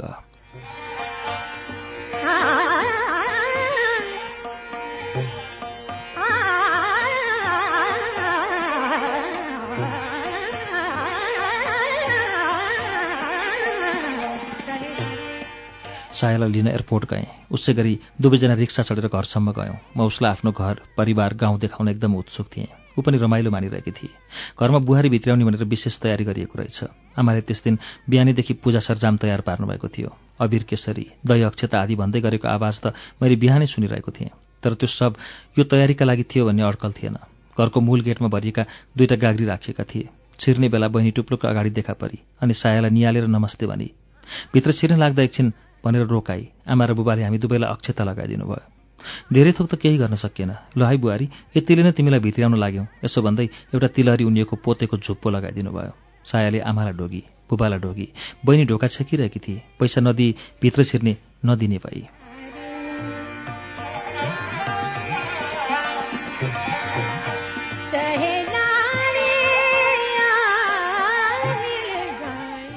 साथीका दाईहरूको बिहामा उनीहरूले गरेको देखेर हामीसँग कम गुनासो गरे कि हो यसले। बुबाले भन्नुभयो मैले चाहिँ दाईको बिहामा ढोका छेक्न पनि नपाउने भएँ भनेर कम्ती होइन।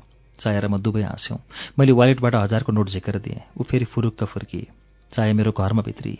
मेरी प्रेमिका श्रीमती उहिले भइसकेकी थिए। अब बुहारी भई भाउजू भई अब मेरो घरकी पनि भई। जिन्स प्यान्टमा छड्के तिलहरी चाहिँ सुहाएन है। मैले सायालाई जिस्काएँ। ऊ लजाएर हाँसी मात्र केही बोलिनँ। मैले नै निरन्तरता दिएँ। कुर्ता सुरुवालसम्म त लगाउनुपर्छ नि। तिम्रा बाजे उसले भने मैले कुर्ता लाउन छोडे कति वर्ष भयो थाहा छैन? बोली अलिक कन्ट्रोल है। मैले भने बुवा रिसाउनुला हजुरबुवाको नाम नल्याऊ। अनि कुर्ता किनिदिनु पर्दैन त? उसले लाडे पल्टिँदै भने ठिक छ। मैले भने भोलि जोगबनी जाउँला अनि किनिदेऊला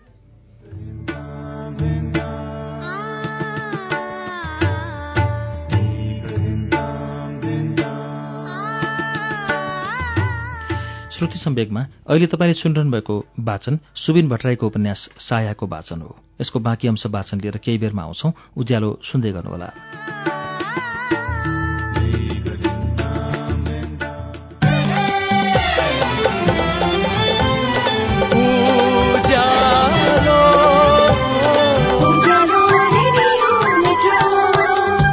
सीधा कुरा प्रश्न विचार। Ujyaalo radio network.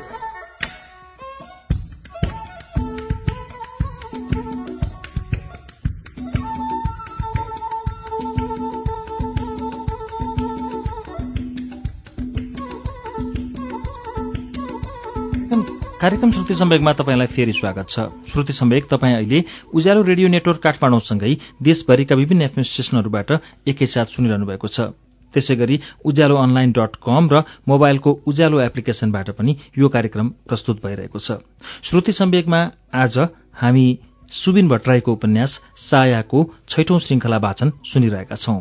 अब यसको बाँकी अंश वाचन सुनौ।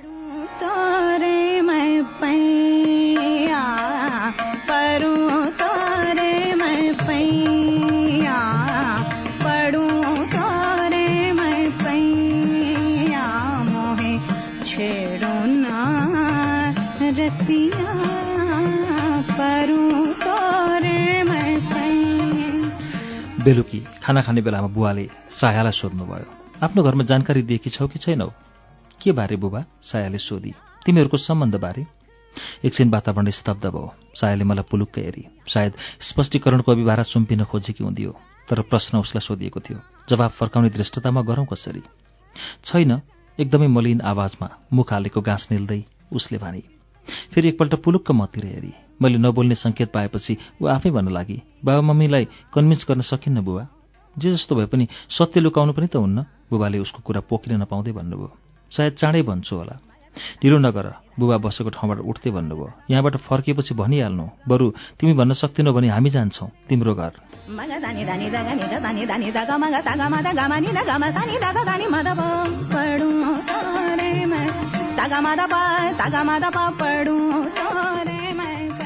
बेलुकी उसले अनुहार ठुस्स परिरह्यो। उदास उदास अनुहार बनाई। मैले सम्झाएँ उसलाई बुबाको कुराले दिक्क नमान। उहाँले हाम्रो सम्बन्धको स्थायित्व र सुरक्षाका खातिर यस्तो भन्नुभएको हो। अनि बाबासँग गएर कुरा गर्छु भन्दै हुनुहुन्थ्यो। त्यो जति असुरक्षित कुरा केही हुन सक्ला? म सम्झ होला बुवालाई त्यस विषयमा मैले भने। मैले यसो भनिसकेपछि उसको मुहारको खुम्च्याट अलिकति खुकुलियो अनि सोधेँ साँच्चै तिम्रो बाबासँग यहाँ के बाहना बनाएर आयो? साथीको बिहा भनेर आएको। को साथी भनेर सोधेन? भनिदिएँ अतीत शर्माको बिहा मुसुक्क हाँसी। पत्याइन ओठले पार्दै मैले भने नपत्याए के त?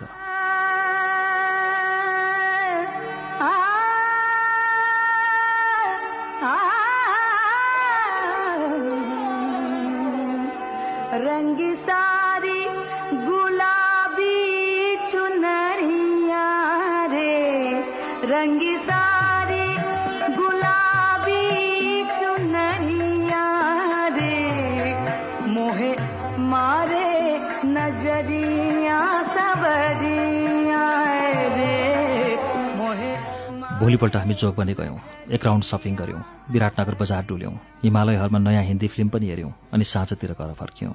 घर आइसकेपछि उसले लुगा फेरि सयपत्री फूलको जस्तो बुट्टा भएको उलनको पहेँलो कुर्ता लगाई अनि काठमाडौँबाट ल्याएको कलेजी स्वेटर सिउँदोमा पनि प्रशस्त सिन्दुर हाली जोगबनीमा एउटा चुरा पसलेकोमा छिरेर दुवै हातमा आधा आधा दर्जन चुरा पनि किनेर लगाउन भ्याइसकेकी थिए अनि निधारमा एउटा ठिक्कको रातो टिका टाँसी।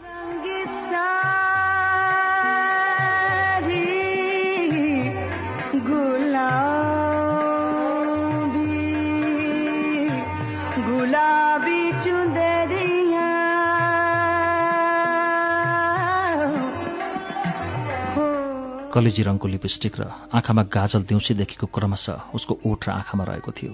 यो वेशभूषामा ऊ अलिक गाउँले नै देखिए कहाँ सेता पिँडुला र पाखुरा देखाउँदै हाफ प्यान्ट र स्लिभलेस लाउन थालिसकेकी साया गृहस्थ प्रवेश गरेकी ग्रामीण नवविवाहिता जस्तो पो देखिए साया अब स्वास्नी जस्तै लागे।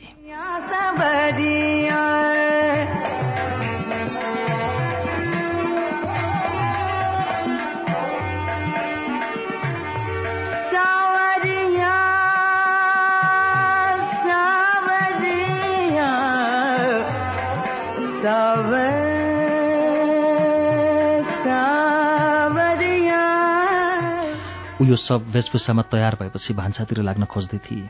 टोकैमा पुगिसकेकी मैले उसलाई आफूतिर ताने र डोकामा चुकुल लगाइदिएँ अँगालोमा कस्तै गर्दा भने युनो साया आज जीवनमा पहिलोपल्ट विवाहित हुँ चाहिँ फिल भइरहेछ। किन हो? उसले पनि मायालु हुँदै मेरो अँगालोमा खुसी खुसी आफूलाई टाँस्दै भने तिमीलाई यो सब गेटअपमा देखेर नि मैले बिस्तारै साउती जस्तै स्वरमा उसको मुख नजिकै लागेर भने त्यसपछि ऊ केही बोलिन। उसको कलेजी ओठको स्वाद मेरो मुखमा पर्न थालिसकेको थियो। एकैछिनमा मलाई धकेल्दै केही झर्किँदै भने छि कस्तो सास गनाएको तिम्रो?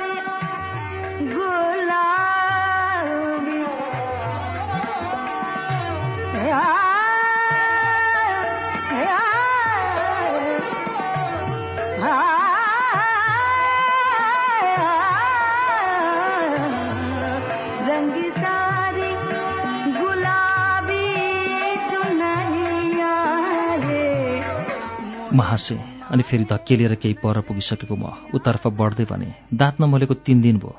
छ्या छ्या छ्या उसले नाक खुम्चाउँदै वरपर कतै थुक्न मिल्ने ठाउँ भए थुक्दियो। पुरै घिनाउँदै भने कत्रो हिम्मत हो त्यस्तो गनाउने मुखले मलाई किस गर्ने? सायाको मोबाइलको रिङटोन बज्यो। मोबाइल हेरेर उसले मतिर हेर्दै भने बाबा अनि दाहिने हातको चोरी औँला आफ्नो ओठमा लगेर मलाई भनी म चुप लागेँ।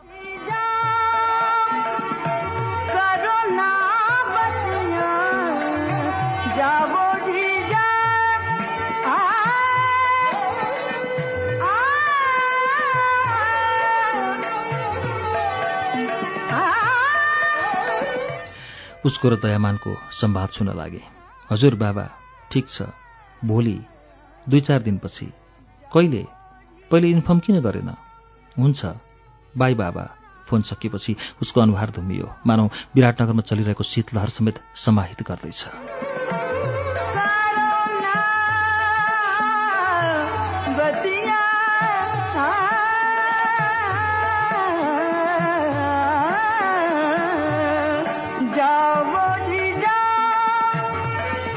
उसको अनुहारको परिवर्तित रोगन फाल हान्दै मसम्म आउन कति पनि बेर लागेन। त्यसको असरले मलाई सोध्न लगायो किन? के भो सूचना आउँदैछ अरे पर्सि काठमाडौँ। मेरो अनुहार झन् खुम्चियो। उसको भन्दा पनि बढी। सोधिहालेँ अनि बुढाले बोलाएका? इङ्गेजमेन्ट गर्नु पर्यो रे। म इङ्गेज छु भन्नु पर्थ्यो नि तिमीले। आँखा तरी मलाई। म जिस्केको थिइनँ। मेरो अन्तरात्मा बोलेको थियो। यस्तो लाग्न थालिसकेको थियो। सायाकर्कलाको पातको टुप्पोमा रहेको शीतको थोपा हो। जुन बेला पनि भुइँमा झर्न सक्छ अनि कहिले फर्किन्छौ त अब? भने दुई चार दिनमा आउँछु भनेर भने। मैले उसलाई सल्लाह दिएँ। जसरी भए पनि त्यो सुजनलाई साइड लगाउने। तर कसरी? यसबारेमा भने कुनै उपाय निस्कन सकिरहेको थिएन। उसलाई ढाडस दिँदै भने सोच्दै गरौँला।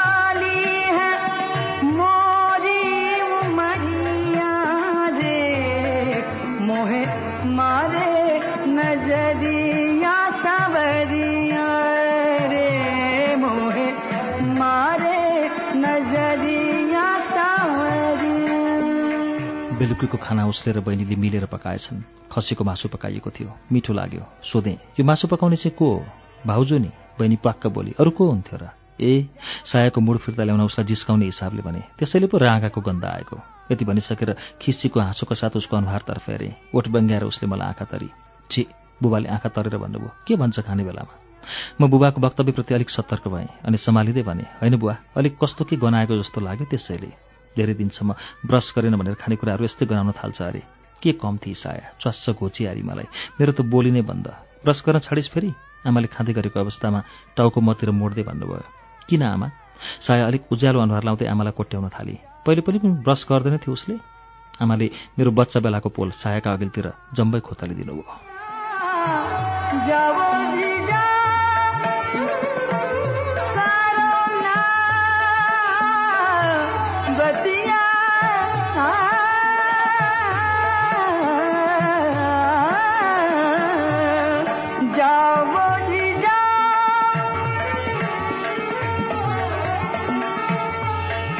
जाडो महिनामा मलाई नुहाउन मन पर्दैन थियो। शनिबार नुहाउने दिन हुन्थ्यो। नुहाउनुपर्छ भनेर म बिहानै घरबाट भाग्थेँ। त्यस दिन मलाई खोज्न बुबा र दुईजना हली खटिन्थे। शनिबार आयो कि मलाई शुक्रबारदेखि एउटा आतङ्कले छोप्थ्यो। म कुनै पनि शनिबार लुक्न सफल भइन कहाँ लुक्थेँ र? तिन तिनजना मान्छे मेरो पछि लाग्दा म कहाँसम्म चाहिँ भाग्न सक्थेँ र? मेरा साथीहरूको घर सारा आफन्तको घर बजार जहाँ गए पनि निकाल्थे। फेरि मेरा आफन्त र साथी पनि कस्ता थिए भने ती हलीलाई देख्नासाथ सबै डराइहाल्थे अनि म लुकेको ठाउँबारे हलीलाई सविस्तार बताइदिन्थे। ती दुवै हली अजङ्गका शरीर भएका राजवंशी थिए। तिनीहरूले त फु गरे पनि म जस्तो दुई चारजना केटाकेटी कम्तीमा एक दुई मिटर चाहिँ पर फालिदिन्थे होला। बुबाका विश्वासीला थिए दुवै। त्यसैले पानीमुनि गए पनि म कहिले भाग्न सफल भइन अनि पक्रेर लछार पसार गर्दै मलाई घरमा लगेर जिम्मा लगाइन्थ्यो। आमा कुट्टी कुट्टी मलाई नुहाइदिनुहुन्थ्यो। म उहाँ उहाँ रुन्थेँ।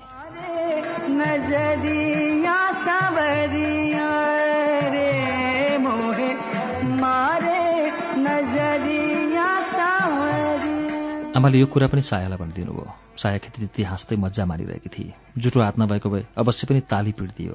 अब रिस मलाई उठ्यो। भयो नि आमा भने कहाँ बच्चा बेलाको कुरा सुनाएर साया झन् चम्किन्थे अनि अरू के के गर्थ्यो आमा भन्नुहोस् न? आमा झन्मक्ख पर्दै भन्न थाल्नुभयो। माउसीले देख्दा यो कम डराउँथ्यो। पछि ठुलो उन्जेलसम्म बाह्र तेह्र वर्षसम्म पनि पो डराउँथ्यो त। एकपटक त एउटा माउसीले फ्यात्त भुइँमा झरेछ। डरले कट्टुमै पिसाब फेरेछ। साया झन् बेजोडले हाँस्न लागि। मलाई साँच्चै रिस उठ्यो कट्टुमा पिसाब बच्चा बेलामा फेरेको थिएँ। नाङ्गै अहिले भए चाहिँ लाग्यो। फटाफट खाना खाएर चुठीवरी कोठातर्फ गएँ।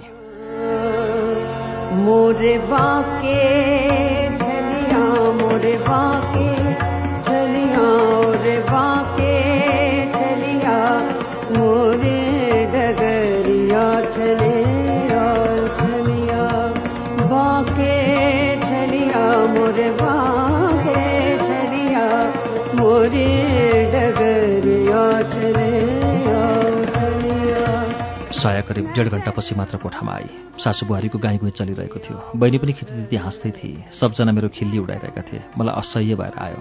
साया रहल पहल हाँसो साथ कोठाभित्र प्रवेश गरी। म एक शब्द नबोली ओछ्यानमै पल्टिरहेँ। ऊ मेरो छेउमा आएर उभिए अनि भनी रिसाको? म फेरि चुप। ऊ खाटमा थ्याच्च बसी। साँच्ची रिसाको? ऊ शेष हाँसोसहित नै बोली। हो भने ऊबाट दायाँ खाटको भित्तातिर अनुहार मोड्दै मैले भने। मैले फकाउनलाई के गर्नुपर्छ भनेर सोधेँ भने ऊ झन् भित्तैतिर परेर मेरो अनुहारमा टड्कारो हेर्दै भन्न लागि। फकाउनु जरुरी छैन भने भने म अलिक परतिर सरेँ। ऊ घुँडाले टेकेर ओछ्यानमा म भएतिर अलिक सर्दै आई र भनी मैले अहिले काउकुती लगाइदिएँ भने मलाई अहिले भने भित्रबाटै हाँस्न मन लाग्यो। तर हाँसो सक्तो रोकेँ टाउकुती नलाउँदै र हाँस उठिसकेका थियो। आन्द्रा पेट छाती जम्बै अटेस मटेस थियो हाँसोले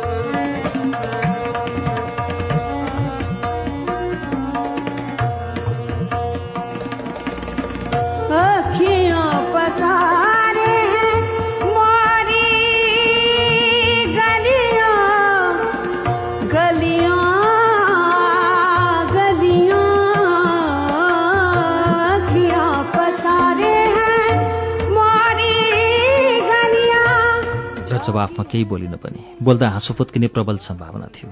तर ऊ कहाँ रोकिनेवाला थिए? लगाइदिए काउकुती। हाँसे कोठै थर्क्युन्जेल अनि केही बेरमा उसलाई पनि उत्तानो पारेर काउकुती लगाइदिए ऊ पनि हाँसी आफ्नो शरीर मेरो हत्केलाको प्रभावबाट उन्मुक्त गराउने प्रयास गर्दै निकै बेरपछि थाकियो। अनि उसको शरीरमाथि घोप्टिएर आफ्नो शरीरलाई विश्राम दिलाएँ। निकै बेरपछिको विश्राम पश्चात सायाले भने एउटा कुरा भन्छु मान है के कुरा? मैले सोधेँ। नाइ उसले भनी पहिला प्रमिस गर। पहिला भन अनि प्रमिस गरौँला। एकैचोटिमा किन मान्नु र? त्यसैले जिस्किदिएँ। उसो भए भन्दिनँ भाउ खान लागि साया। ल भन प्रमिस मान्छु। मलाई पनि धेरै भाउ खान मन लागेन किनकि मलाई आउँदैन थियो धेरै भाउ खान। कमसेकम उसको तुलनामा।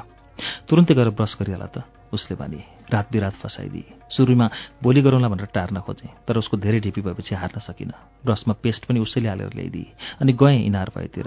ड्याममा शीतलहरले गर्दा घरको पेटी मुनतिर तिन मिटर जति परको इनार र त्यस वरपर भएका आँपका दुईटा रुख र एउटा लिच्चीको रुख पनि धमिलो देखिएको थियो। म कसैले आफूलाई नदेखोस् भन्ने हिसाबले चोर झैँ इनारबाट पानी उगाउँदै थिएँ बहिनीले पक्रिहाली के गर्न लाग्यो दादा? म अबाक। आत्मसमर्पण मुद्रामा मुखभित्र कोचिएको ब्रस देखाउँदै लरबरीको आवाजमा भने ब्रस गर्न लागे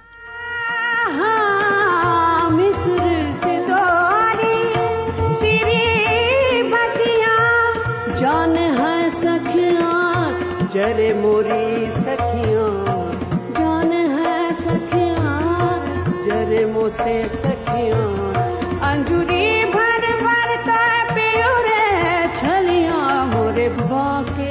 बहिनीले खिस्सी गर्न पाए कि के छोड्थे? के हो? भाउजूलाई त धेरै गनाएछ नि। यो सायाले मेरो इज्जतको हुर्मत लिएर छाड्ने भए। मन मनै भने अनि ब्रस गर्नपट्टि केन्द्रित भएँ। बहिनी आफ्नो कोठातिर गइसकेकी थिए। सबजना सुतिसकेका थिए। एउटा चुरोट जोगाएर राखेको थिएँ। छतमा गएर खाएर आएँ। कोठामा फर्केर आएपछि ऊ आफै मेरो अँगालोमा टाँसिन आई र मलाई किस गर्न लागि? र एउटा लामो किस भइसकेपछि उसको आँखामा हेर्दै भावुक भएर भने तिमीसितको किसको स्वाद रक्सी र रसबरी जस्तै लाग्छ। अलिकति नसा अलिकति मिठास।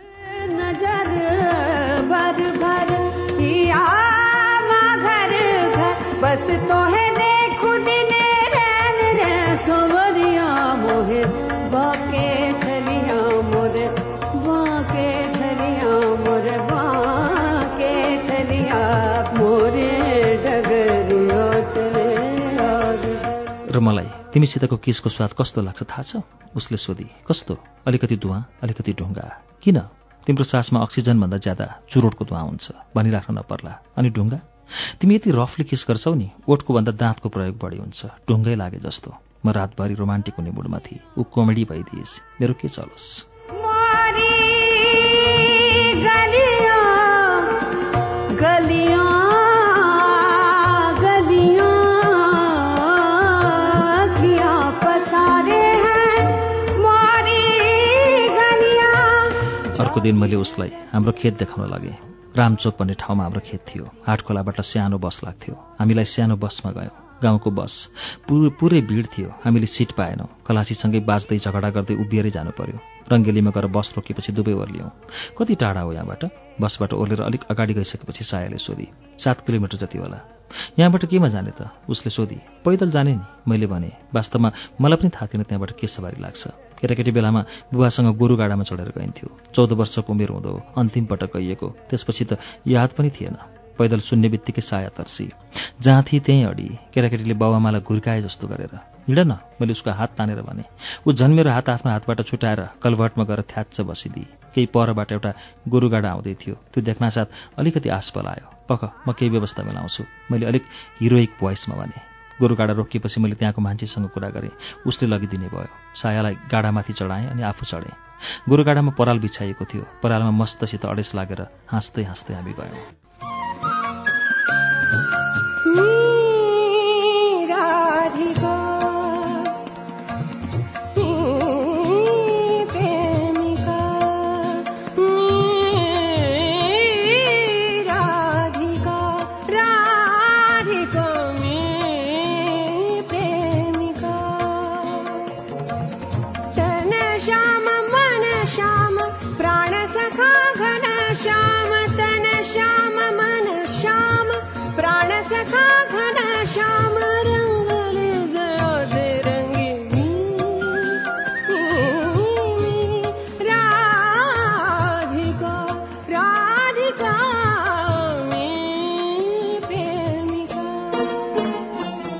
गोरुगाडा कच्ची बाटोमा हिँड्दै गर्दा हाम्रा शरीर बुरुक्क बुरुक उफ्रिरहे। कुनै कुनै ठाउँमा त हामी निफन्दाको नाङ्लोमा चामल चाहिँ गोरुगाडाबाट उछिटिन्थ्यौँ।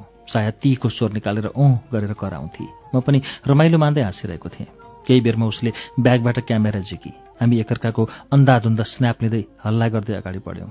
हाम्रो हल्ला सुनेर त्यो गाडा चलाउने मान्छे पनि घरिघरि पछाडि हामीतिर हेर्थ्यो। त्यसबेला सबैतिर फाफर लगाइएको थियो तर ती दिनहरूको मौसम भने साह्रै खराब। दिन प्रतिदिन शीतलहरले विराटनगरलाई छोप्दै गइरहेको थियो। घामको मुखै देख्न पाइँदैन थियो। त्यसैले रहर लाग्दो पाराले फापरबारी पनि हाम्रो दृष्टिमा लाग्नुपर्ने जति आकर्षक लाग्न सकेन।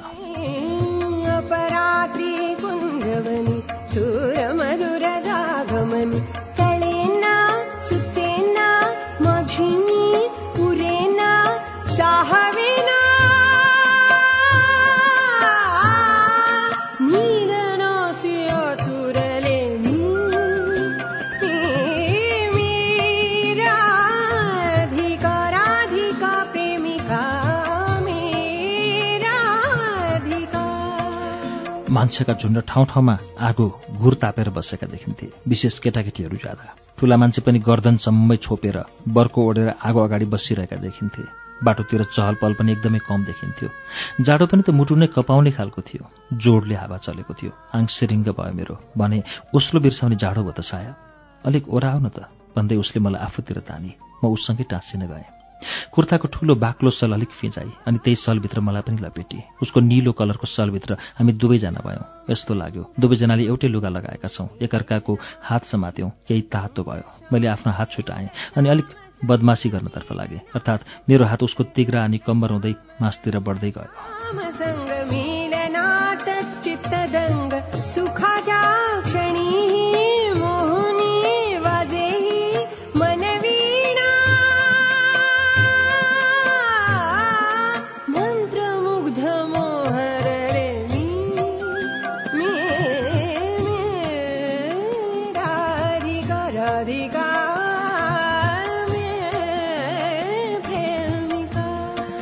ठिक उसको छातीमा पुगेपछि उसले मेरो हात झेकेर फुत्त फ्यालिदिए अनि अर्ध हाँसोमा भनी पर्वट औँला दिँदा डुडुलो निल्ने भने तिमी नै हौ।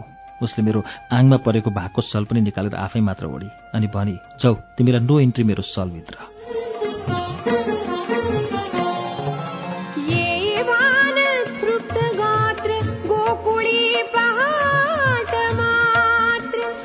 म पाइसकेको पैसा पनि खोजिएको माग्ने चाहिँ भएर अलिक पर सरी टोपले करिब सवा एक घन्टामा हामी हाम्रो खेत भए ठाउँमा पुग्यौँ। यी यही हो हाम्रो खेत। उसलाई चोरी औँलाले आफ्नो अघिल्तिर भएको खेत देखाउँदै भने कहाँसम्म हो? उसले प्रश्न गरी त्यो चाहिँ मलाई पनि थाहा छैन।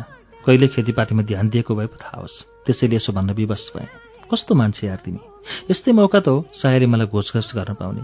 गरी आफ्नो सम्पत्तिको पनि पर्वाह नराख्ने। त्यो सब बुबाले गरिहाल्नुहुन्छ नि। नो टेन्सन मैले भने। लम्फू तिमी यति भनिसकेर ऊ ठ्याक्कै अघिल्तिर भएको एउटा आली पक्रेर हिँड्न लागि। दुई तिन मिनट हिँडिसकेपछि एउटा परालको कुन्यु आयो। ऊ त्यहाँ माथि चढी। चढिसकेपछि हात दिए मलाई। पर परसम्म मान्छेको नाउँमा चरोमुसो पनि थिएन।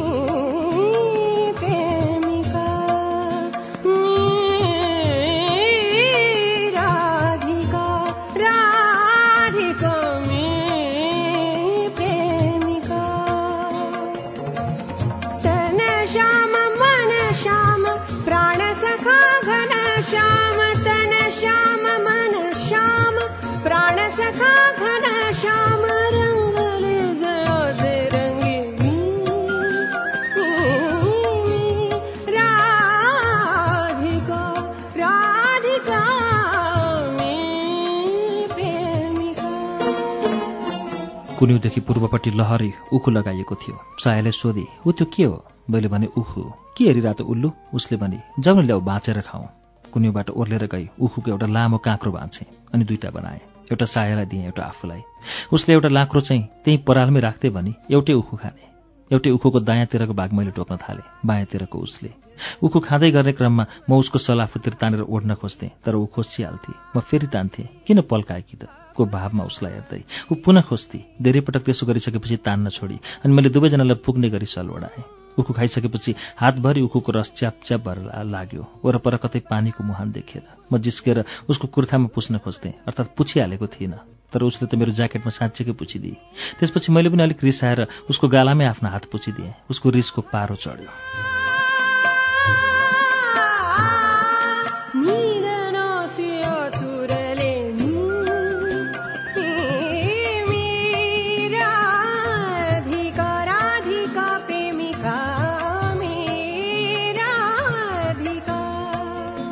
थपक्क यो सफा गर। मलाई एउटा रुखको अर्डर छाँटी। आँखा बन्द गर न त मैले भने। के बदमासी गर्न हो फेरि? उसको रिसको पारो ओर्ने नाउँ निशाना थिएन। पहिला गर न मैले अलिक ठुलो आवाज बनाएर अर्डर छाँटेँ। उसले आँखा बन्द गरी मेरो पालो उसको गाला आफ्नो जिब्रोले चाटिदिएँ जसरी गाईले आफ्नो बाछोको शरीर चाट्छ। छि फोरी! आँखा खोलेर उसले मलाई धकेली। म खित्का छोडुन्जेल हाँसेँ त्यस दिन निकै बेरसम्म हामी त्यही परालको कुन्युमा उसको निलो सलभित्र लपक्कै टाँसेर बसिरह्यौँ।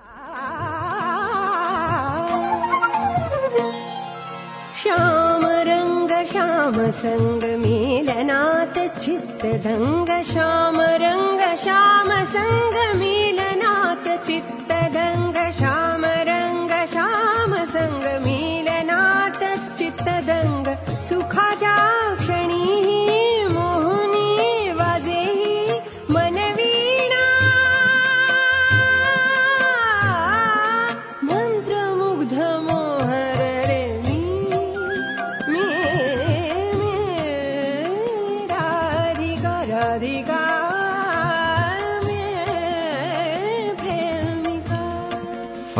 चिसो बढ्यो। शरीर भर्खरै पानीमा चोबलेर निस्केको जस्तो भएको थियो। म हल्का कामिरहेको थिएँ। सायालाई त्यति जाडो भएको देखिँदैन थियो। ढुक्क थियो। किरण भन्थ्यो केटीहरू हट हुन्छन्। त्यसैले उनीहरूलाई जाडो हुँदैन। हो जस्तै लाग्यो।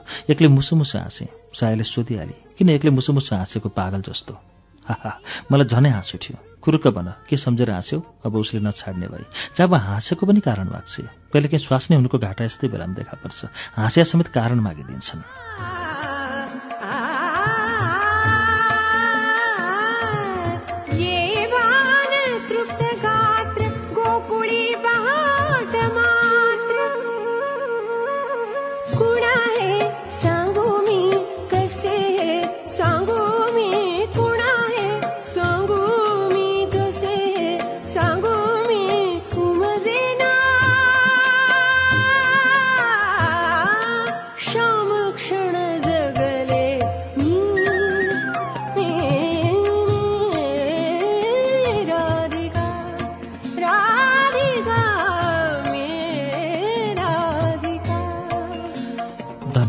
धन्न हाँसोको कारण दिनु परेन। उसको सेलफोन बज्यो।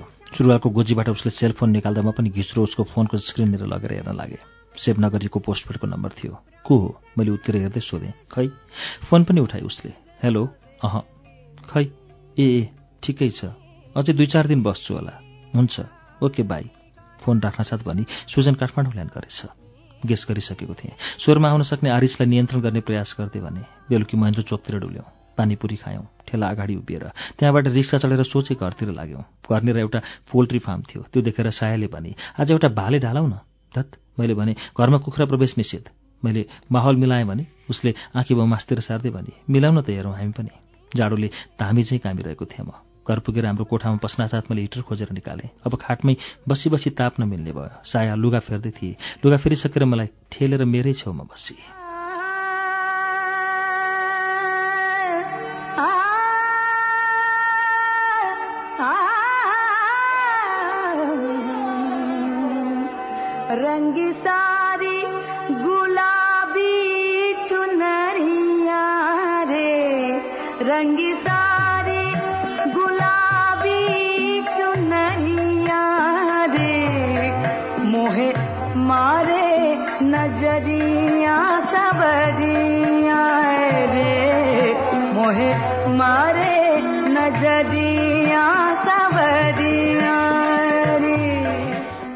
हिटर जस्ती छौ। मैले सायालाई भने के हिटर तापिरा?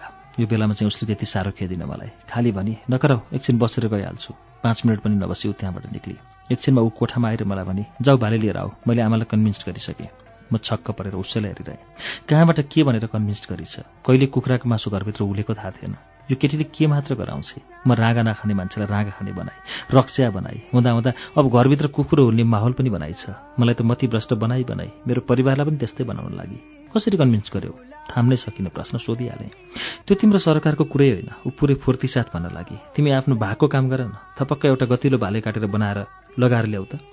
म चुपचाप उठेर हिँड्न लागेँ। तर एकपटक आमालाई सोध्न मन लाग्यो। आँखा चिम्लेर उसको विश्वास गर्न मन लागेन।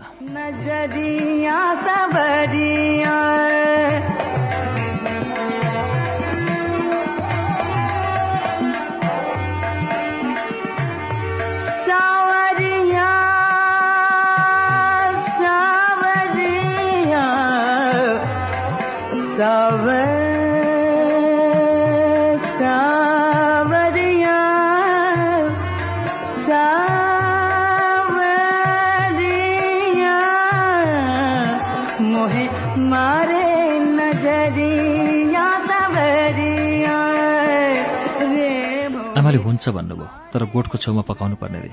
आमाले भनेपछि म पनि लागेँ। राति साया म र बहिनी गोठमा बसेर खायौँ। भातै खान परेन। सँगै भाले तिनजनाले नै सिद्धायौँ। पकाउने काम सायाले नै गरी। सायाको निर्देशनमा बहिनीले यो कङ्गालो दाउरा र फलामको झिर समेत कहाँबाट ल्याएकी थिए? साया दाउरामा मासु पकाउन तन तयार भई तर आगो फुक्न आए मरिजानु। आँखाबाट आँसु चाउँदै हातले धुवा पन्छाउँदै फुफु गर्दै फुक्ती। त्यस्तो चिसोमा आगो के बल्थ्यो? जा मट्टी तेल लिएर आइज मैले बहिनीलाई हराएँ। बहिनी खुर्र गरेर मट्टी तेल लिएर आएँ। अलिकति हालेपछि बल्ल आगो बल्यो बडो दुःखका साथ तितर बितर भएको कपाल पन्छाउँदै रातो पिरो अनुहार लाउँदै सायाले काम गरी सेकुवा पनि बन्यो फ्राइड पनि बन्यो।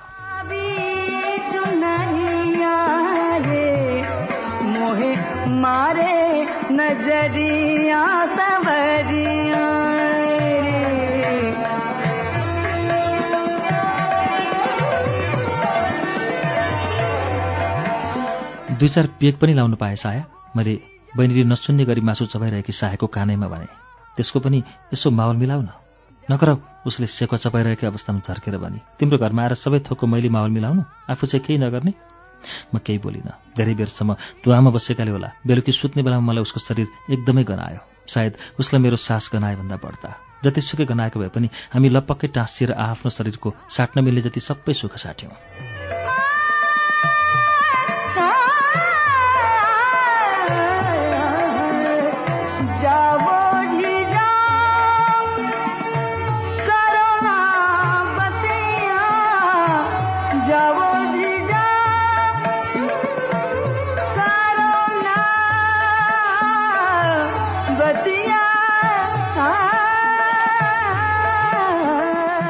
जतिसुकै गनाएको भए पनि हामी त्यसै गरी सुत्यौँ। तर मलाई सोध्न मन लागेको कुरा थियो। ओछ्यानमा सिरक खोल्दै गर्दा उसलाई सोधिहालेँ आमालाई चाहिँ तिमीले कसरी कन्भिन्स गर्यौ उसले भने भनिदिए तिमीले भन्न लगाएको भनेर। के रे?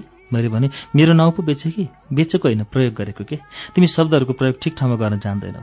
एकपटक उसलाई आँखा तरेँ। तर ऊ मुस्कुराउँदै मेरो अँगालोमा आएर मलाई पुरै पगाल्ने गरी नै भने म यी दिनहरू भविष्यमा खुब मिस गर्नेछु अतीत।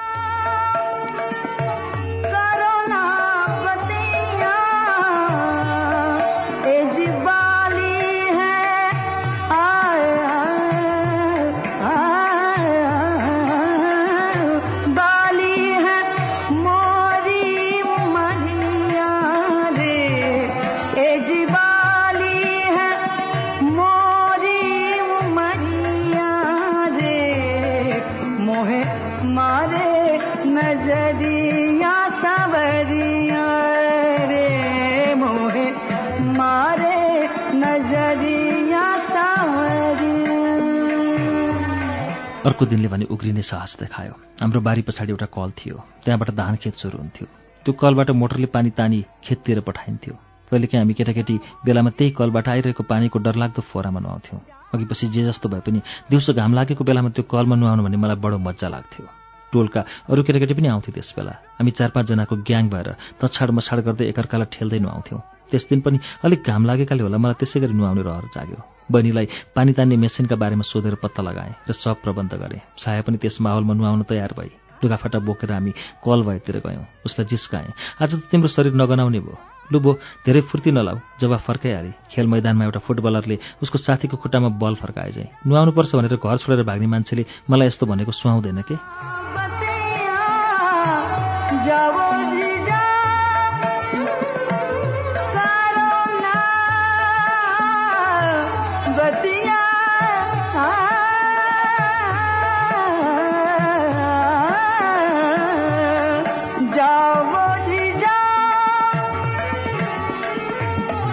केटाकेटी बेलाको कुरा झिकेर जिस्काउन नपाए है हामी आँपको बगैँचातिर पुगिसकेका थियौँ। मैले टक्क अडेर उसलाई भने जुन बेलाको कुरा भए पनि मान्छे एउटै हो क्यारे म अडिएको देखेर उसले पनि अडिदिए भने। यो त समयको उपेक्षा भइहाल्यो नि। के किन भन्ठान्ने भनेर नाकका पोरा फुलाउँदै मैले भने समय भन्नु नै के हो र? मतिर हेर्दै दार्शनिक पारामा भने हेर्दा हेर्दै आफैलाई पत्तो नदिई अघिल्तिरबाट गुज्रिने आफ्नै बैंस त हो। आजकल खुब दार्शनिक भएकी छौ। कुनै बेलाको तिम्रो रोग मुहारमा किञ्चित हाँसो सोरेर भने धेरै सङ्गत गरेर होला सरेछ म मुसु मुसु हाँसेर हिँडिरहेँ यथावत गतिमा।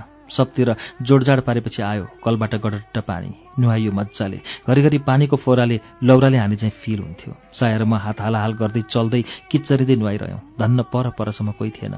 ऊ एक हातले आफ्नो छाती छोपिरहेको पेटीकोट सम्हालिरहेकी थिए अनि अर्को हात मलाई पिट्न प्रयोग गरिरहेकी थिए। नुहाउन भनेपछि मरे जस्तै लाग्ने मलाई त्यस दिन आधा घन्टासम्म नुहाइरहनु मन लाग्यो। दिउँसोको एक बज्दा हामी नुहाइ धुवाइसकेर कपडा लगाइवरी ठिक्क पऱ्यौँ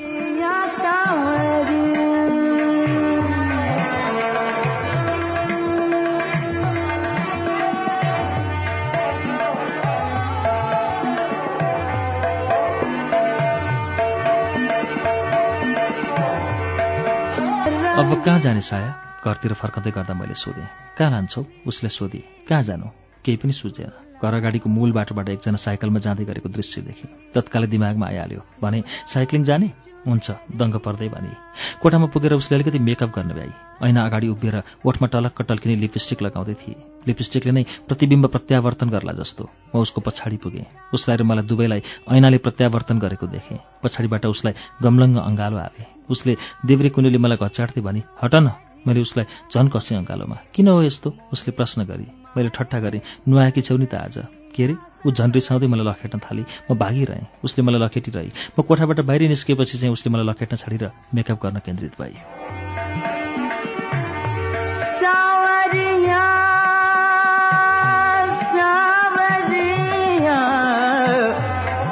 सावरिया।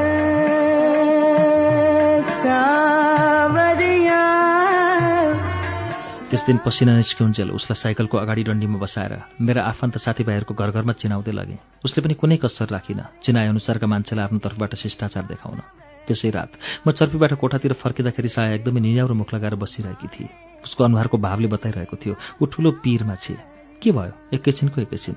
कहिलेकाहीँ मिन्स हुँदा पनि यस्तो अनुहार बनाएकी हुन्थे। सोधिहालेँ के भयो पिरियड भयो उसले होइनको भावमा टाउको हल्लाए। भयो चाहिँ के? किन यस्तो अनुहार? केही बेरमा भने बाबाको फेरि फोन आयो। फेरि के भने बुढाले? मैले भोलि नै नफर्की भएन रे। सबै ठिक चलिरहेको थियो। हामी रमाइलोको उत्कर्षमा थियौँ वात्तै झऱ्यौँ सब तिता कुरा बिर्सँदा थियौँ। फेरि कहाँबाट आउनु परेको यो सुजन भन्नेलाई? आफूलाई चरम असुरक्षाको घेराबन्दीमा पाएको भएको पाएँ। दयामान मेरो जीवनभरि असुरक्षा र त्रास मात्र भनेर पछ्याइरहने भए।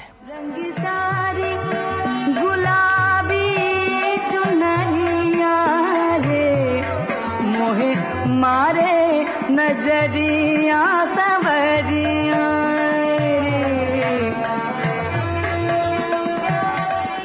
सायालाई भने अब के गर्छौ त साया? गएर सुजनसित इङ्गेजमेन्टको डेट फिक्स गर्छौ? यथा मुद्रामा मलाई आँखा तरी उसले। उसलाई सही सल्लाह दिनु थियो भने जाऊ काठमाडौँ बोली। म टिकट लिइदिउँला। बाबालाई केही नभन। जे भन्नु छ त्यो सुजनलाई नै भन। तिमीले नै भनेकी थियौ त्यो मान्छे समझदार छ भनेर होइन? त्यही गर्छु। यसैको सहमतिले हेराइले हेरी र केही बेरको घनीभूत उदासीलाई आफ्नो मुहार र आँखाबाट ओह्राली।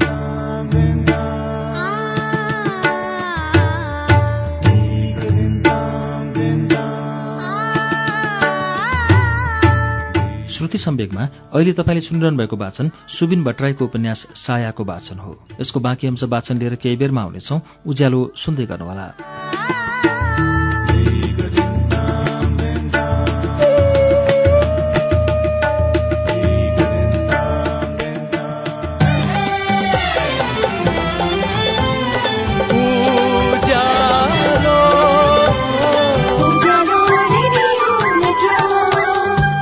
सीधा कुरा प्रश्न विचार। Ujyaalo radio network.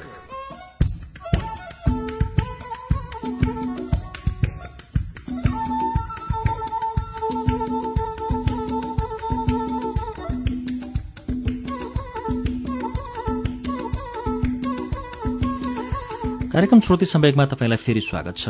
श्रुति सम्वेक तपाईँ अहिले उज्यालो रेडियो नेटवर्क काठमाडौँसँगै देशभरिका विभिन्न एफएम स्टेशनहरूबाट एकैसाथ सुनिरहनु भएको छ। श्रुति सम्वेकमा हामी आज सुबिन भट्टराईको उपन्यास सायाको सातौं श्रृङ्खला वाचन सुनिरहेका छौं। अब यसको बाँकी अंश वाचन सुनौ।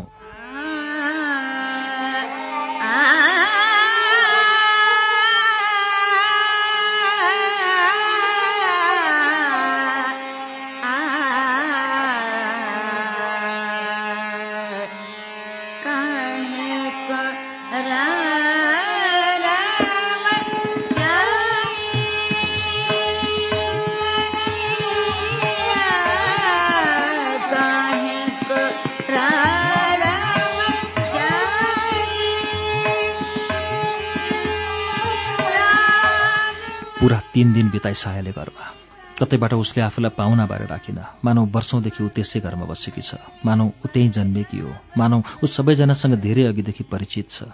कहीँ कतै लागेन। ऊ अस्ति मात्र भित्रिएकी बुहारी हो। आमा बुवा बहिनी सबैजना उसको प्रशंसा गर्ने भए। ऊ नेवार हो। मैले अन्तर्जातीय बिहा गरेको हुँ। यो कुरा सबैले बिर्सिसकेका थिए। यही त हो साया। यस्तै कारणले त प्रेम गर्थे उसलाई।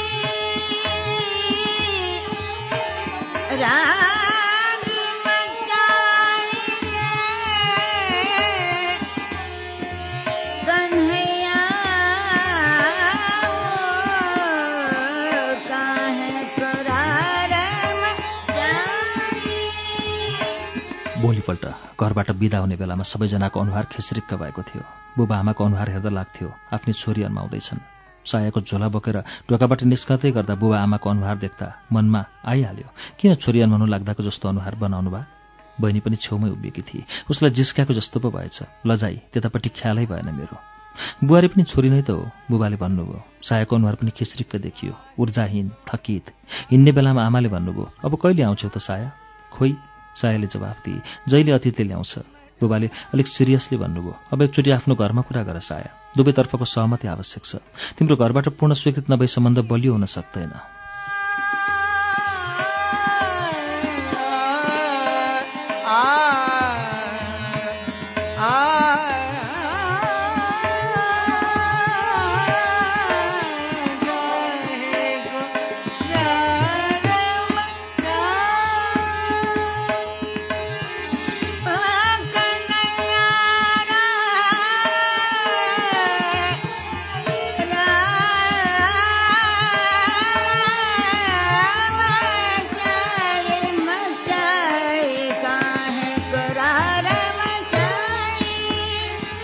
साया केही बोलिन।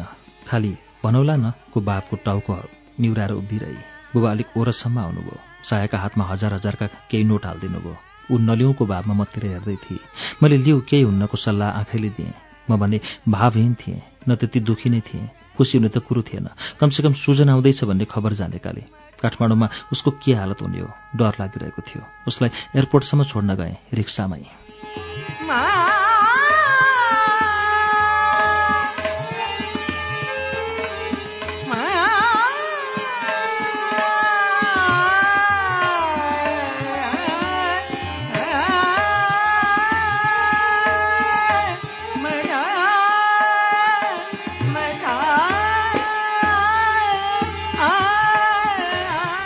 छुट्ने बेलामा हक गर्दै उसलाई भने अब काठमाडौँमा आएपछि भेटौँला। उसले पनि बडो भावुक हुँदै पनि म यी दिनहरू खुब मिस गर्नेछु अतीत।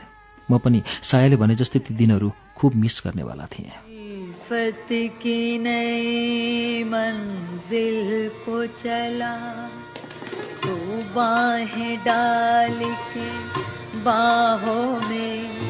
दिल तोड़ने वाले देख के चल।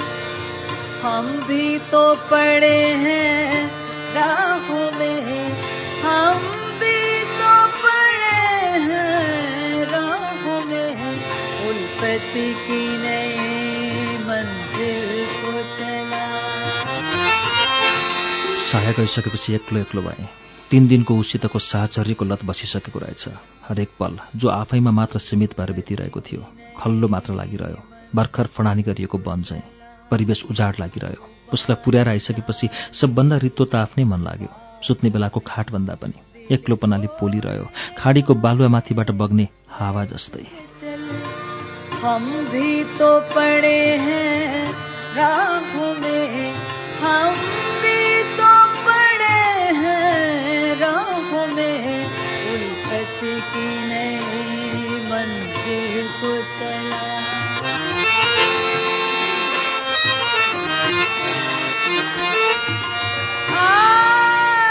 बाँकी दिन साया बिना बिताएँ।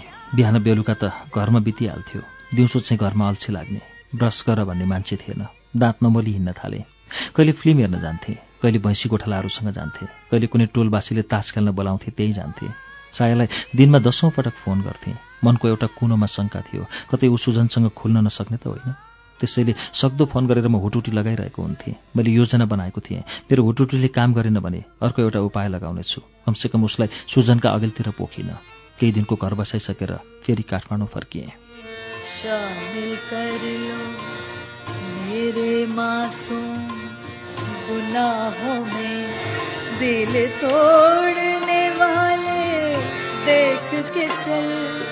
हम भी तो पड़े हैं। राहों में पड़े हैं। राहों में की नई मंजिल को चला। यो दुई हप्ता मैले घर पाएको थिएँ। ओत भुइँ सुरक्षा सबै थोक पाएँ। माया ममता स्नेह पाएँ र मैले मात्र घर पाएको थिएन। घरले पनि मलाई पाएको थियो। अब घर पनि बलियो देखियो। चर्किएको थियो नराम्ररी। अब सबै ठिक भयो। इँटा र ढुङ्गाको मेरो घर निष्प्राण चाहिँ लाग्ने घर फिक्का फिक्का लाग्ने रङ्गहीन भइसकेको घरमा नौलो रङसहित प्राणको सञ्चार भएको थियो।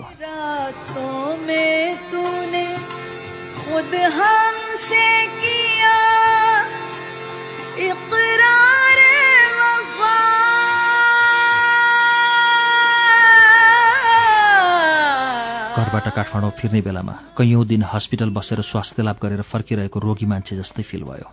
नयाँ जीवन नयाँ ऊर्जा नयाँ जोस जागर उत्साह सबै मेरो झोलीमा थियो। संसारको सबभन्दा भाग्यमानी मान्छे मै हुँ। यात्राभरि यस्तै यस्तै भाव मात्र आइरह्यो।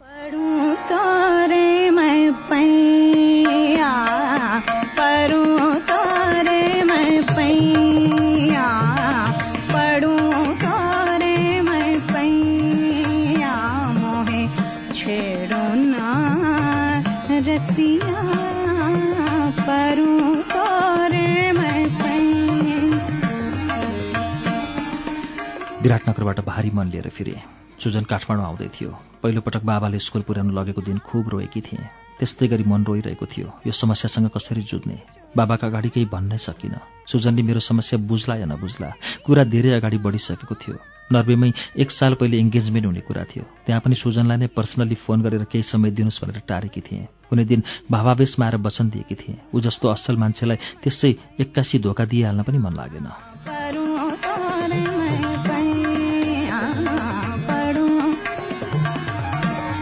दा दा गा मा गा दा नि दा नि दा गा दा रे da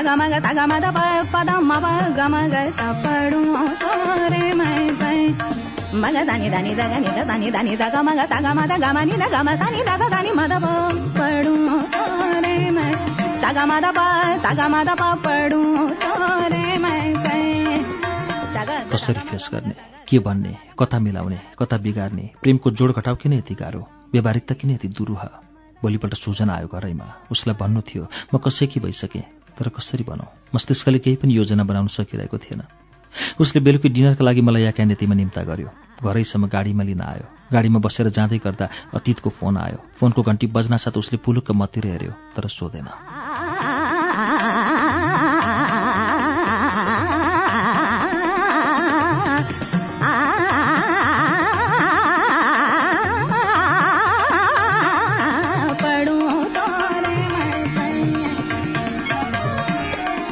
उताबाट अतीत हाई हेलो नभनी सिधै सोध्छ भन्यौ त सुजनलाई? सुजनसँगै छ। के भनौ? भने अह भन न त के हेर्छौ? ल ल। के ल ल? तिम्रो टाउको भन्न मन लाग्यो तर सुजनसँगै भएकाले भन्न सकिन। सुजनसँगै हो तिमी? उसले फेरि सोध्यो। हो हो। कहाँ हो? गाडीमा जाँदैछु। कहाँ?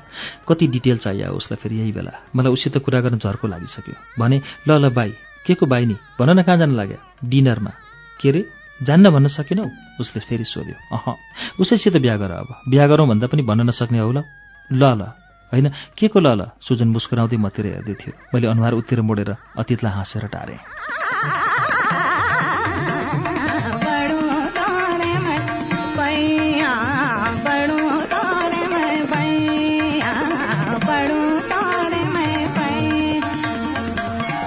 अतीतले फेरि सोध्यो कुरा गर्न अप्ठ्यारो भयो हो के? सुजनले सुनिरहेछ अब पनि मलाई रिसले साँच्चै पारो चढ्यो। त्यस्तो अप्ठ्यारो बेलामा चाहिँ ऊ झन् पुलिसले अपराधी केरकार गरे चाहिँ केरकार गर्छ मलाई। तैपनि सुजनलाई देखाउनका लागि संयमित हुनु थियो भने हो नि के भन्छ त सुजन?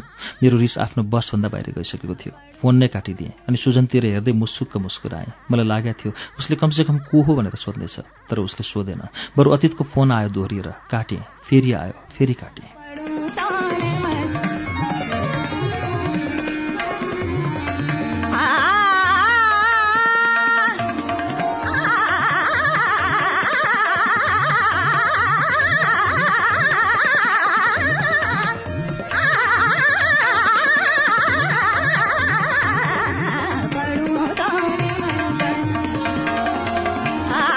फोन उठाउ न। किन काटेकी? सुजनले भन्यो। बरु डिस्टर्ब हुन्छ भने कतै साइड लगाइदिउँ गाडी? पर्दैन पर्दैन। मैले भने साथीहरू यसै झर्को लगाउँछन्। डेढजना लागेको भनेर जिस्काउँछन् कि के हो? हलुका लजाउँदै उसले सोध्यो। जबरजस्ती लाज मानिदिए। कुनै किसिमको शङ्का नगरोस् भन्नका लागि। फोन बजेको बजै छ। उसले उपदेश दिने कायदाले भन्यो। यसरी कसैको फोन रिसिभ नगर्नु राम्रो होइन नि? मैले उसले भनेको मानिदिएँ। फोन फेरि रिसिभ गरेँ। सुजनसँग डिनर जाँदा हामीलाई इग्नोर गर्नुपर्छ। ऊ सुरुमै ग्रेनेड चाहिँ पड्क्यो अतीत। कस्तो मूर्ख भएको होला यो मान्छे? किन मेरो समस्या नबुझेको होला? मेरो प्रेसर एकदमै हाई भएर आयो। सुजनसँग भएको कुरालाई एकदमै मनन गर्दै गम्भीर भएर कुरा गरेँ। त्यस्तो केही होइन। कस्तो हो त? फेरि बाउठिने कुरा गर्यो अतीतले। तिम्रो टाउको जस्तो। रिस थाम्नै सकेन भनिदिएँ। सुजनले पुलुक्क मतिर हेऱ्यो।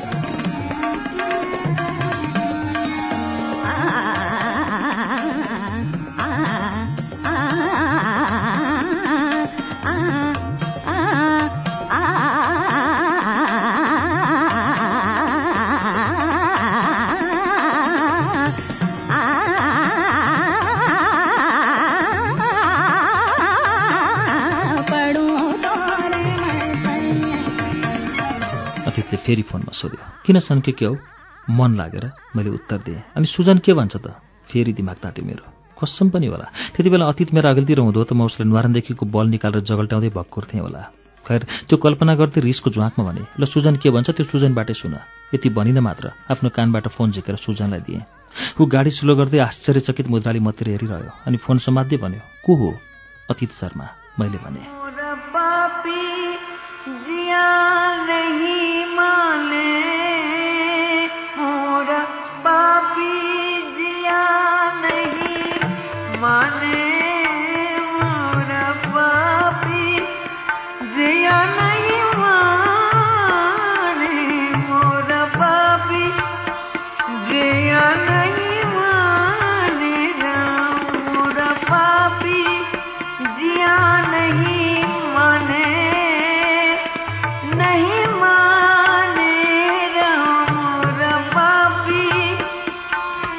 याका नेत्रीको एउटा टेबलमा हामी दुई विपरीत दिशातर्फ बसिरहेका। टेबलमा दुईटा ग्लासमा आधाउधी खाइएको रेड वाइन थियो। पर परबाट हामीलाई देख्नेहरू कपालको रूपमा सोच्दा हुन्।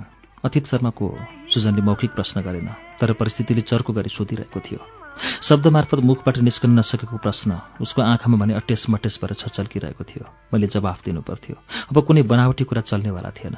उताबाट अतीत मिस्ड कल फ्याँकेको फ्याँकै थियो। यता म टिपेको टिपे भारी सन्नाटामा ओहिरिरहेको बोझिल पल मुटुले छातीलाई कस्सिएर हिर्काइरहेको थियो। हातबाट एसिडमा परेको धातु चाहिँ गलिरहेका थिए।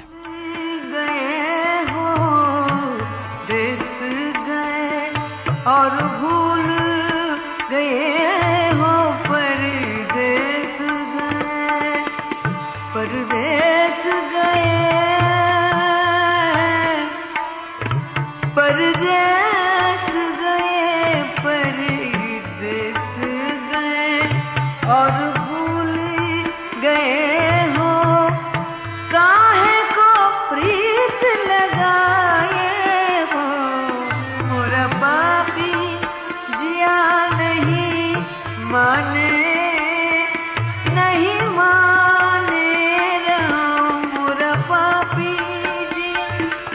समय बितिसक्दा पनि केही बोलचाल हुन सकेन।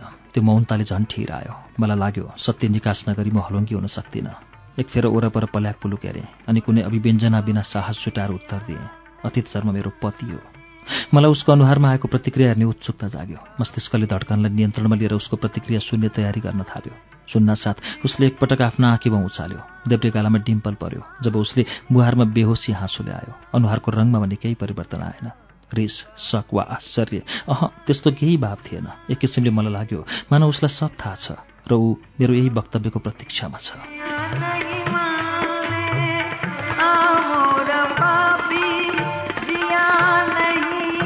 माने।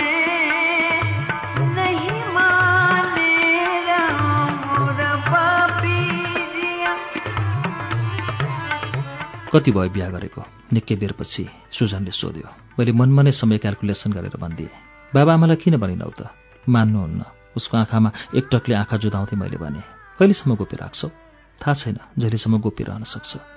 म उसको प्रतिक्रियाले अझै अगाएकी थिइनँ। ऊ अझै केही बोलोस् भन्ने लागिरहेको थियो। केही बेरपछि बोल्यो ऊ यही सब कुरा नर्वेमै भनिदिएकी भए कुरा यति अगाडि बढ्ने थिएन। म सरीको भावमा अलिकति पश्चाताप मिसिएको हेराइले उसको आँखामा आफ्नो आँखा जुदाउने यत्न गरिरहेकी थिएँ।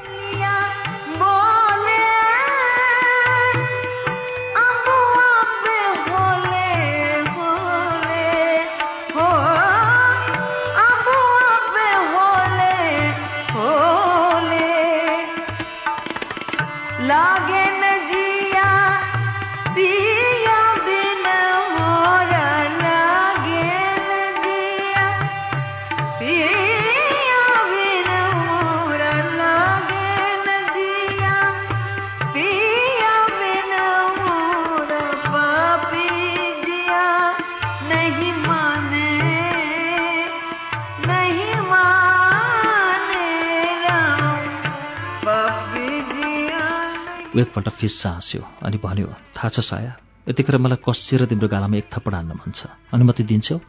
मलाई अलिकति हाँसो उठ्यो किनकि उसले पनि हाँस्दै भनेको थियो यो। मुस्कुराउँदै भने एक थप्पडले मैले तपाईँलाई दिएको धोका पखालिने भए म खुसी खुसी दिन्छु। मलाई त राख्यौ राख्यौ। बाबा आमालाई धोकामा नराख साया। एक दिन उहाँहरूले पनि थाहा पाउनुहुनेछ जसरी आज तपाईँले थाहा पाउनुभयो। तिम्रो बाबा आमालाई के जवाफ दियौ सुजनले सोध्यो मसँग। मलाई रिजेक्ट गरिदिनुहोस्।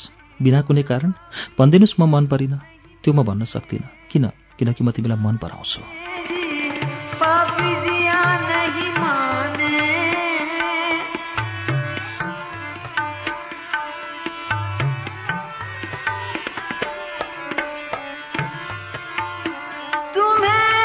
उससित आँखा जुदाउँदै फेस टु फेस कुरा गरिरहेकी थिएँ।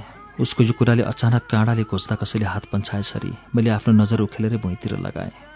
उसले कुराले मानौ आँखामा कसैले ऐनाबाट घाम रिफ्लेक्ट गरिदिए जस्तो लाग्यो। बोली बन्द। भुइँतिर हेर्दै बनिरहेँ। उसो भए ठेल्नुहोस् फेरि एकपटक। कहिलेसम्म साध्य हुन्छ यसरी ठेलेर। जहिलेसम्म सत्यको निकास हुँदैन। थाहा छैन सत्यको निकास गर्न सक्छौ या सक्दैनौ तर विश्वासघातको विकास भने राम्ररी नै गरिरहेकी छौ तिमीले।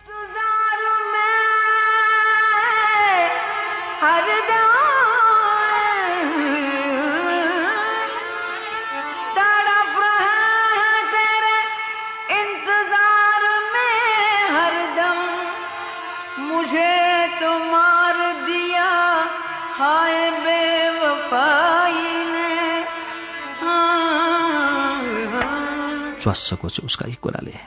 होप्सियोले जस्तै। फरक यति थियो त्यहाँ ऐया निस्केन। एउटा कुरा सोधौँ? फेरि देब्रे गालामा डिम्पल बनाउँदै सुजनले यो प्रश्न गर्यो। स्योर। अतीत शर्मासँग तिम्रो ब्रेकअप हुने चान्सेस कतिको छ? यसपालि म अलिकति खुलेरै हाँसेँ र ऊ पनि चिन्ता नलिनुहोस्। भयो भने तपाईँकै चान्स हुन्छ।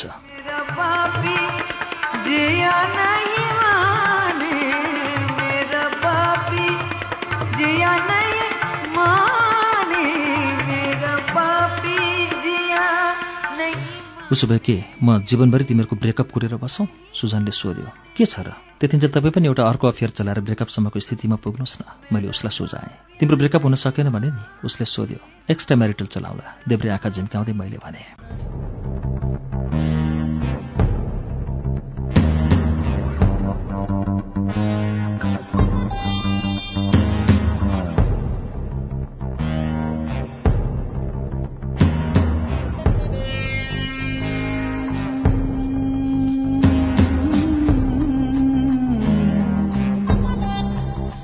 सुजनसितको इन्काउन्टर सोचेभन्दा निकै सहजतापूर्वक भयो।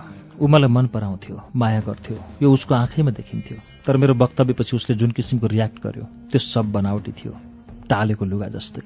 उसले घरमा के भनेर टार्छ त्यो कुर्नु थियो। डिनरमा पछि त्यस विषयमा कुनै कुरा उठेन। बाबाआमासँग कुरा गर्न भोलि आउँछु। घरको गेट अगाडि मलाई ड्रप गरिदिएर ऊ गयो। भोलिपल्ट हाम्रो ड्रइङ रुममा सुजन बाबा मम्मी र म थियो। औपचारिकता साटासाट भइसकेपछि कुराको सिलसिला कसरी सुरु हुन्छ? के भन्ने हो? कसरी भन्ने हो? उत्सुकता र डर एकैसाथ मनभित्र थुप्रियो। उसले कतिखेर कुरा सुरु गर्छ भन्ने मात्र ध्याउन्न भयो मलाई। सुजन एकपटक भुइँतिर हेर्दै भन्यो थाहा छैन के भनौँ। सत्य बोलौँ कि झुट बोलौँ? जससँग भए। एकपटक उसको सत्य शब्द सुनेर डर लाग्दो भयो। भित्रैसम्म त्यसले चिमटेको जस्तो फिल भयो।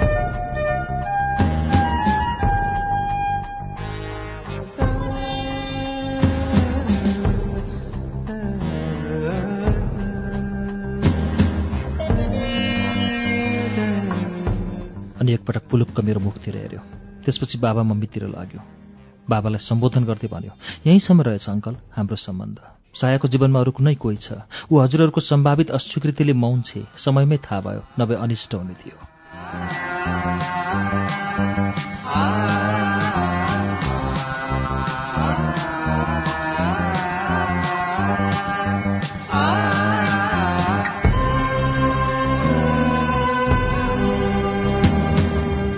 हङरङ्ग भयो यो सुनेर। उसले यो एकै सासमा भनिसकेको थियो। मानौ हिजैदेखि रटेर आएको थियो। बाबा मम्मी पनि अबाक हुनुभयो उसको कुरा सुनेर। मतिर एकदम घृणाको नजर लगाउनु भयो मेरो डर एकाएक आकाशियो त्यहाँ विद्यमान स्थितिलाई चिर्दै सुजनले मतिर हेर्दै भन्यो सरी साया तिमी जस्तै मैले उहाँहरूलाई गुमराहमा राख्न सकिनँ तर म तिम्रै पक्षमा छु। बाबु मम्मी अझै मौन हुनुहुन्छ। उसले बाबातिर हेर्दै भन्यो तर अङ्कल मेरो कारणले सायामाथि रिस नथोपर्नु होला सायाले जो चाहेकी छ उसैसँग उसको घर बसोस् भन्ने मेरो चाहना हो। र मलाई के विश्वास छ भने ढिलो चाँडो हजुरहरू पनि सायाको कित्तामा आउनुहुनेछ। बाबा मम्मी अझै केही पनि बोल्नु भएन।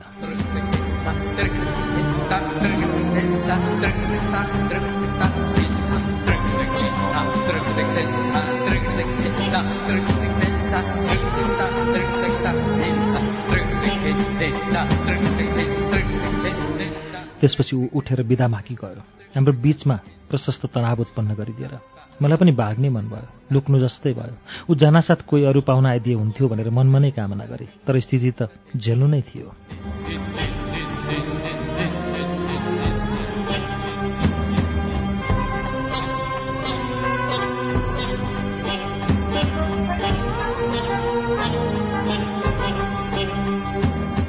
सुजनलाई पो बरु कुन रूपमा ल्याऊ? अन्यलमा फसे। घरि लाग्छ आफूले पाउन नसकेपछि उसले यो सब रिस पोख्यो म माथि। तर उसले बाबा मम्मीसँग मेरो तर्फबाट गरिदिएको मेरो डिफेन्स पनि ठिकै लागेको थियो। रिस त भरमार उठेको थियो उसँग।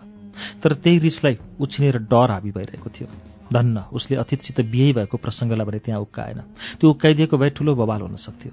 मैले स्थितिलाई सोझ्याउने हिसाबमा भने बाबा सुजनले आफ्नो विगतको तीनवटा प्रेम कहानी सुनाएर जुन निष्ठामा प्रति देखायो त्यो हदसम्मको निष्ठालाई कम्तीमा मेरो तर्फबाट पनि कायम राख्नु जरुरी देखेँ। त्यसैले सब कुरा भने।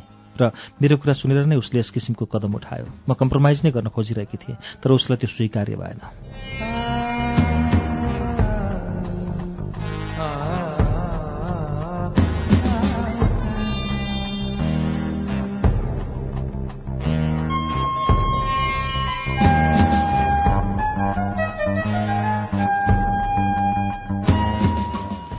भनिसकेपछि आफै भित्र उज्यालिए। मलाई लाग्यो केही हदसम्म म आफ्नो दुनो सोझ्याउन सफल भएँ।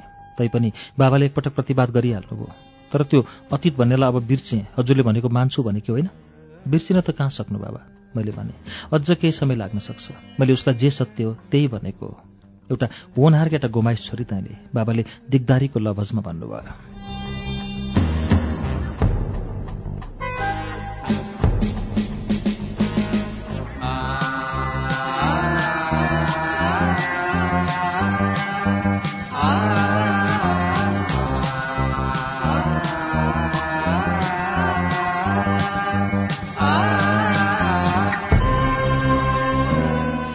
बाबाको दिगदारले मलाई पनि दिगदार बनाइदियो। उहाँलाई फकाउन भने मलाई अझ केही समय दिनुहोस् बाबा म पक्का छु उसलाई पुरै बिर्सिन सफल हुनेछु।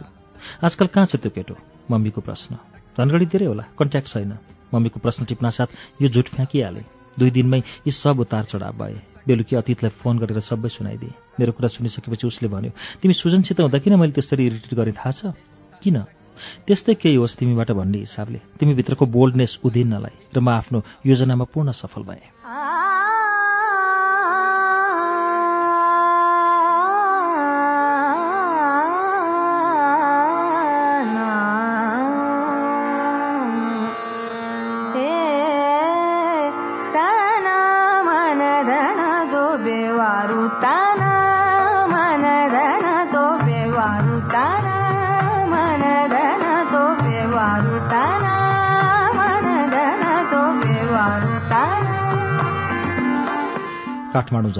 सिधै मामा कहाँ गए? अनि बेलुकीतिर सायालाई फोन आने।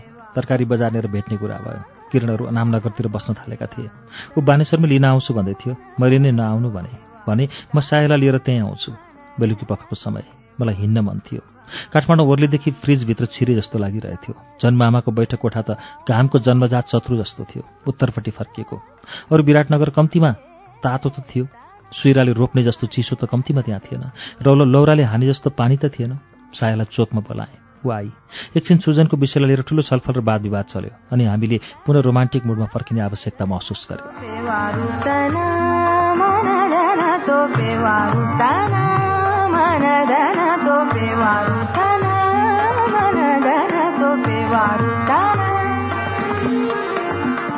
त्यो साँझमा सायासँग त्यसरी नारिएर हिँड्दा तरुण रोमान्सका दिन स्मृतिभरि कपडा पसलेले फिजाएको कपडा चाहिँ फिल्जिए एकपटक सायालाई राम्ररी निहार्न मन लाग्यो।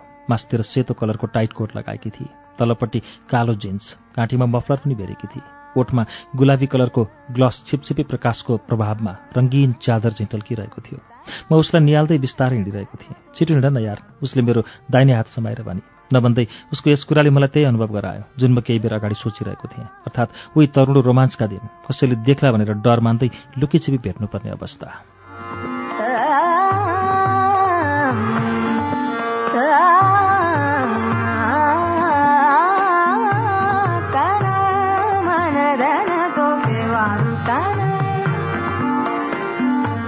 मलाई लाग्छ एक दिन हामी टाउकाभरि सेता कपाल र आँखाभरि डर लिएर हिँडिरहनेछौँ। बुढेसकालसम्म यसै गरी मैले भने वाउ उसले प्रतिक्रिया दिए। कस्तो रमाइलो। बुढेसकालसम्म यसै गरी टिनेजरको जस्तो लुकीचोरी रोमान्स गर्न पाए के खोज्छौ? तर यहाँ कमसेकम बाबा मम्मीको नजरबाट चाहिँ जोगिन पाए भयो। रोल्समा गएर कफी खायौँ। चुरोटलाई कफीकै कप्पल बनाएर। मौसम जति चिसो भए पनि मन अज्ञात न्यानोपनमा लुटुपुटु गरिरहेको थियो। तरकारी बजार भर्खर सोह्र वर्ष टेकेकी तरुणीका आँखा चाहिँ चञ्चल र आकर्षक देखिन्थ्यो। रामपान भण्डार र त्यस नजिकै टाँसिएको सैलुन पनि आफ्नो पूर्ववत चलपललाई च्यापेर यथावस्थामा विद्यमान थियो। रोल्स क्याफे वाणिज्य बैङ्क अनि त्यही नजिकै चिया बेच्ने दिदीको अखडा पनि उस्तै चहलपहलमा थियो। फरक केही थिएन फरक थियो युगको। नयाँ युगमा नयाँ परिवेशमा पुरानै ढाँचामा देखिन्थे सबै मैले विगतमा देखेका ती ठाउँहरू। तिनै सडक तिनै क्याफे त्यही चहल पहल मान्छेहरू फरक होलान्।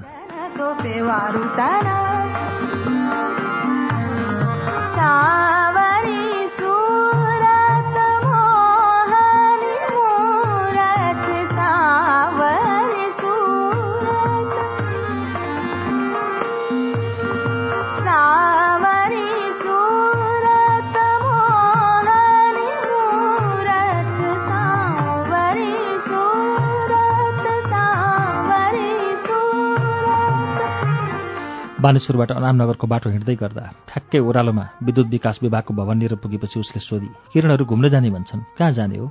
उनीहरू जहाँ भन्छन् त्यहीँ जाम्ला नि मैले भने। केही बेरसम्म ऊ केही बोलिनँ।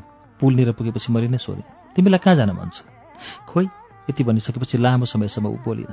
अनि निकै बेर सोचिसकेपछि भने उही पोखरा सोखरा त जाने होला नि। कति जानु हो पोखरा पनि? किरण भन्छ सायाको प्रस्तावमा। अनामनगर मण्डला थिएटर लिएर पुगिसकेपछि मैले किरणलाई फोन हाने। उनीहरू दुवैजना बाजेको सेकुवा पसलमा रहेछन्। हामी त्यहीँ गयौँ।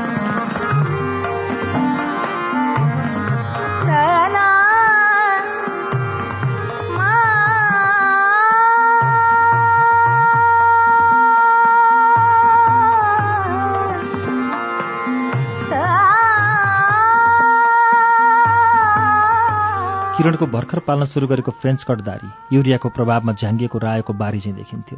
प्रतीक्षा लौकाबाट घिरौँला जस्तै दुब्लाएकी देखिन्थे भने किरणको भुँडी र चाक फर्सीको गट्टा चाहिँ आयतन लिएर फैलिएको देखिन्थ्यो। बल्ल ब्यालेन्स मिलेछ तिमीहरूको मैले जिस्काएँ हाँसोको वातावरण भयो सायाले पनि प्रतीक्षालाई जिस्काउने मौका पाइहाली। मलाई यो अप्ठ्यारो लाग्यो। यसलाई हिप्पो कुन मुखले भन्नु। यो परिवर्तनको रहस्य बताउँदैनौ? मैले दुवैतिर पालै पालो हेरेर सोधेँ। मिसेस नेपालको तयारीमा छौ कि के हो? थामी नै मन लागिरहेको थिएन। उसलाई नै जिस्काइरहनु जस्तो भइरहेको थियो। झन् उसले लाज मानेको देख्दा त मलाई थप आँट पुग्यो। नरिस है प्रतीक्षा भने जोग गर्या आजकल मलाई रिसै उठ्दैन अतीत। उसले मुस्कुराउँदै भने कहिलेकाहीँ आफूलाई रिस नउठेको देख्दा आफैसँग रिस उठ्छ बरु। त्यसपछि सबैजना हाँस्यौँ। दिव्या र अनुले चाहिँ हामीसँग सम्बन्ध विच्छेद गरेका हुन्। आँसु नियन्त्रित भइसकेपछि मैले सबैतिर हेर्दै भने दिव्यासँग हाम्रै त भेट हुन त्यति। दुई दुई थान बच्चा पाइसके के भेट होस्? प्रतीक्षाले पानीको गिलास उठाउँदै अनु आजकल अफेयरमा छे भने यो बुढेसकालमा कोसँग सल्किछे मोरी? सायाले सोधी को नि? प्रतीक्षाको उत्तर त चिन्दिनस् भन्छे खाली सोध्नै छाडिसकेँ अब त। बोलाइनस् यहाँ साया। सायाले भने भ्याउँदिन भनी प्रतीक्षाले भने तर हामीले जहाँको प्लान बनाए पनि जान्छु भनेकी छे। जाने चाहिँ कहाँ? यस विषयमा निकै बेरसम्म छलफल चल्यो। नेताहरूको सहमति केन्द्रित वार्ता जति त होइन तर पनि विभिन्न ठाउँ प्रस्ताव भए केवल पारित गर्ने बहुमत जुटिरहेको थिएन। सायाको पोखरा सोखरालाई किरणले सुरुमै लोपा खुवाइदिइहाल्यो। झुमसम खप्तड कान्द्रुक जाडोयाम भएकाले स्वतः स्थगित भए। अनि जाने कहाँ त? कतै कुनै ठाउँ पारित नभइरहेको अवस्थामा किरणले कड्केर यसो भन्यो गोवा जाउँ। प्रतीक्षाले भने नेपालमा हिमालतिर जाडो छ यतिखेर। गोवामा न्यानो छ बरु। प्रतीक्षाको यो कुरामा सुरुमै कसैले सहमति जनाउन नसके पनि विमतिको सङ्केत वा अभिव्यक्ति कसैले पनि देखाएन। र अन्तमा उसैको प्रस्ताव पारित भयो। ठाउँ तोकिएपछि अर्थ के नै बाँकी थियो र। बुलबुल पब्लिकेशन उपन्यास कथा गजल लगायतका विधाका गुणस्तरीय पुस्तकहरू प्रकाशनका लागि बुलबुल पब्लिकेशन नयाँ लेखकहरूलाई विशेष प्राथमिकताका साथ Bulbul publication private limited Kathmandu. Phone number अन्ठानब्बे दुई तिस सैतिस तिन पाँच नौ। अन्ठानब्बे दुई तिस सैतिस तिन पाँच नौ। बुलबुल पब्लिकेशन बुलबुल पब्लिकेशन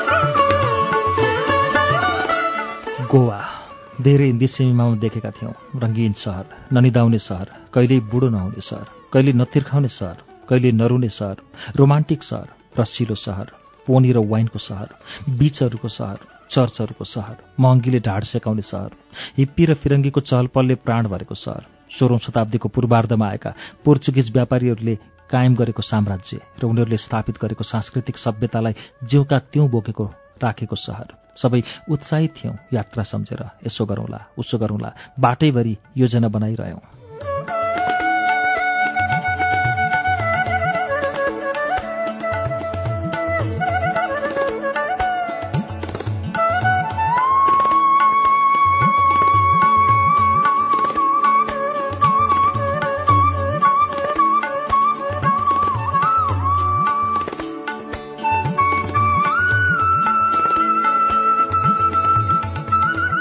बल्कुदेखि टाटा सोमोमा वीरगन्जसम्म पुग्यौँ अनि त्यहाँबाट टेम्पोमा रिक्सौल रक्सौल हिँड्यो रक्सौलबाट हाम्रो ट्रेन पहिला बिस्तारै अनि अलिक गति लिँदै। जालबाहिर देखिन थाले खेतहरू नहरहरू फाटफुट थोत्रा घरहरू रेलका जोडिएका लिकहरू बेला बेलामा आइरहने ससाना रेलवे स्टेसनहरू र मान्छेहरू अनि गुप्त रोगी फारन सम्पर्क गरे लेखिएका सेता वालहरू अनि बेला बेलामा आइरहन्थ्यो नाकै हरक्क गर्ने सुकेका आँचीका गन्धहरू। ट्रेनभित्र पनि बेग्लै गन्ध व्याप्त थियो। सानो किचन जत्रो कम्पार्टमेन्ट हामी पाँच तीनवटा बर्थ खाली साँझ पर्यो। लोकल मान्छेहरूको भिडले कम्पार्टमेन्ट भरिन लाग्यो। हामी बसेको बर्थमा अट्टाइ नअटाइ बस्नुपर्ने भयो।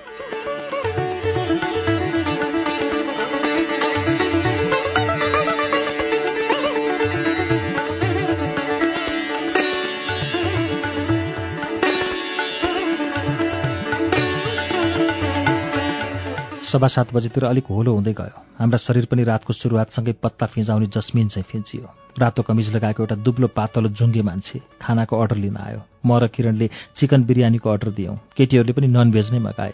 भोकले सातो जाने बेला भइसकेको थियो। बिरयानी अर्डर गरेदेखि मुखमा बिरयानीको सम्भावित स्वाद लुकामारी खेल्न थालिसकेको थियो। किरण कानमा इयरफोन ठोसेर आफूलाई एक्लो बनाइरहेको थियो। मन परेन खोसेँ। मेरो चोइसको गीत सुन्लास्। उसको ग्यालेरीमा गएर आफूलाई मनपर्ने गीत खोज्न लागे। साले पोन त राखेका छैनस् एकपटक जिस्काएँ ऊ हाँस्यो।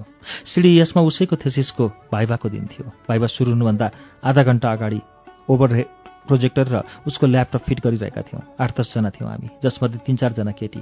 सब फिटफाट पारिसकेको अवस्था। ओभरहेडमा ल्यापटपको डेस्कटप देखिसकेको थियो। विनोदको पालो उसको डी ड्राइभ खोलेर एउटा भिडियो प्ले गरिदियो। यस्ता उटपट्याङ गर्न विनोद सिडिएसमा कुख्यात थियो। प्ले हुन थाल्यो त्यो भिडियो। सन्नी लियोनको रहेछ। विनोद च्याल मान्छे कहाँ बेपत्ता भइसकेको थियो? लाज मानेर केटीहरू तुरन्तै क्लासबाट बाहिरिए। तर केटाहरू भिडियोको आनन्द उठाउन लागे। किरण भने सम्हालिन नसक्नुको स्थितिमा थियो।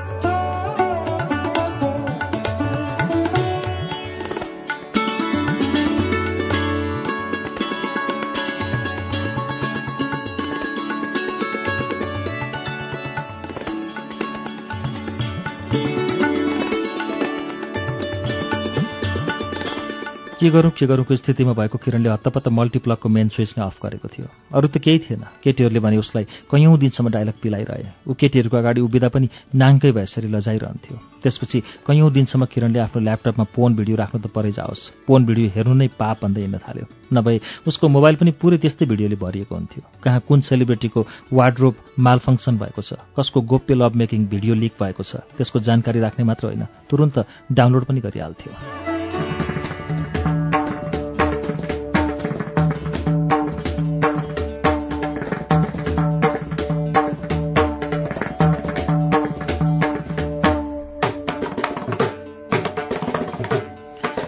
अनि यस्तो किरणको पुरानो रोग बल्झ्यो कि भन्ने आशंका साथ उसको मोबाइलको ग्यालेरीमा फोन भिडियो भए नभएको बारे जानकारी लिन खोज्नु जायज होइन।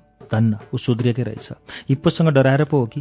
ग्यालेरीबाट ओल्ड नेपाली सङ्घ भन्ने फोल्डरबाट एउटा गीत प्ले गरे। यस्तो पनि हुँदो रहेछ। जिन्दगीमा कहिले कहिले? भारतीय रियल। भारतीय माटो अनि नेपाली गीत र नेपाली श्रोता। माहौल नै हाइब्रिड। मेरो जस्तो माया दिने। यहाँनिर पुग्दा खाना आइपुग्यो। हिप्पोको हरकत बल्ल थाहा भयो। एउटा रोटी र तिन चम्चा तरकारी बाहेक उसले केही खाइन रहस्योद्घाटन भयो। हिप्पो हिप्पो नरहनुको। खाइसकेपछि छाप्रा जङ्सनमा ट्रेन रोकियो। किरण र म ओर्लियौँ। साया पनि पछि पछि आई। त्यहाँ ट्रेन दस मिनटसम्म रोकिनेवाला थियो। अलिक कुनुतिर गएर स्मोक गर्न थाल्यो।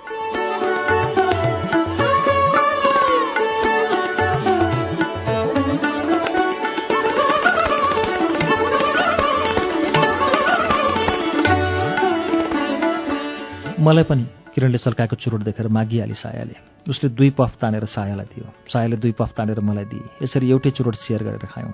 यो यस कारणले थियो कि काठमाडौँबाटै बोकेको सूर्य चुरोटको प्याकेटमा अन्तिम खेल्ने बाँकी थियो। रातको एघार बज्न लागिसकेको थियो। यद्यपि स्टेसनमा उल्लेख्य चहलपहल थियो। सबभन्दा ठूलो भूमिका त्यहाँ चारैतिर झलमल्ल फ्लोरिसेन्ट ल्याम्पको दुधिलो प्रकाशको थियो। रातो कमिज लगाएका कुल्लीहरू सुटकेस उचालेर दौडिरहेका देखिन्थे। त्यसै गरी कालो कोट र सेतो प्यान्ट लगाउने रेलवे अफिसरहरू पनि बाक्लै रूपमा देखिसकेका थिए।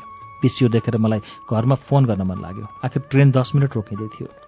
घर बसेर आइसकेपछि मलाई किन किन घरको धेरै मोह हुन थालेको थियो। काठमाडौँबाट निस्कनुभन्दा पहिले म दिनमा दुई पटक घरमा फोन लान्थेँ। उताबाट पनि फोन आइरहन्थ्यो। कुनै कसर राख्न मन लाग्दैन थियो। म भित्रको प्रेम उघारेर देखाउनलाई। म बिल्कुलै नयाँ भएको छु। घर पुगेर आएदेखि युद्ध जितेर आए जस्तै महसुस भइरहेथ्यो। र घरमा फोन गर्नु आफूले थापेर ल्याएको मेडल बेला बेलामा भित्तामा हेर्नु पुग्नु जस्तै लागेको थियो। त्यसैले पिसियोमा गएर फोन गरेँ।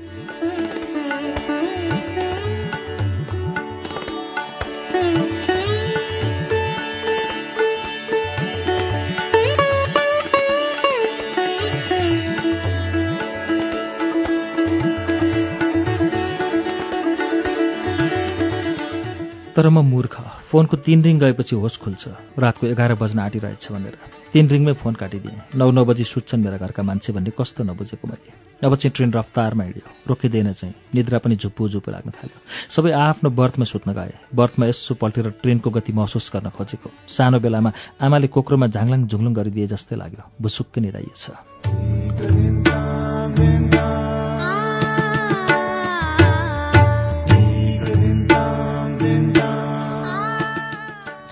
सुबिन भट्टराईको उपन्यास सायाको वाचन सुन्दै हुनुहुन्छ तपाईँ। कार्यक्रम श्रुति सम्वेकमा यो उपन्यासको वाचन बाँकी अंश लिएर केही बेरमा आउँछौ। उज्यालो सुन्दै गर्नुहोला।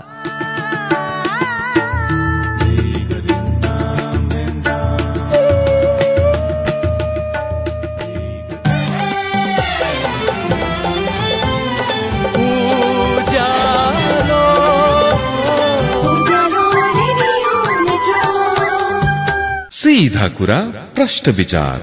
Ujyaalo radio network.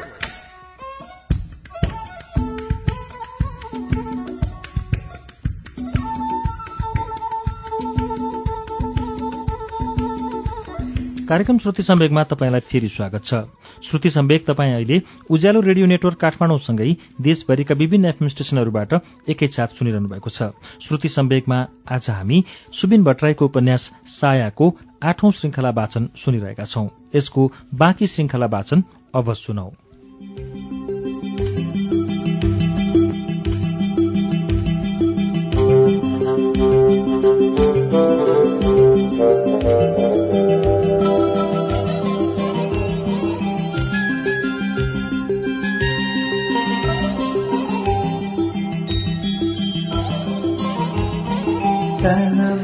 चाय गरम चाय गरम गरम समोसे कान्दाबाजी निद्रा खुल्यो।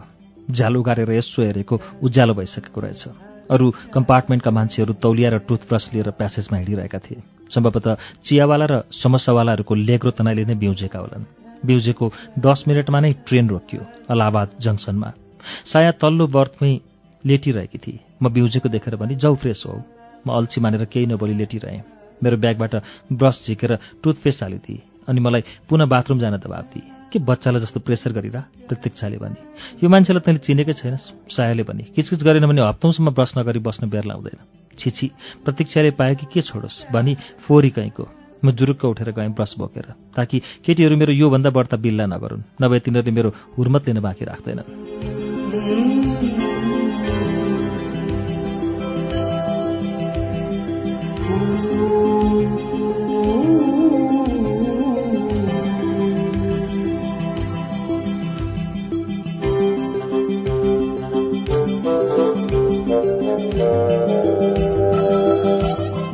खाना खाइसकेपछिको समय साह्रै पट्टाइ लाग्न थाल्यो। झ्याल बाहिरको दृश्य पनि कति हेर्नु। सबै ठाउँ एउटै जस्तो लाग्न थालिसकेको थियो। सबै पन्जाबी एउटै लागे जस्तो।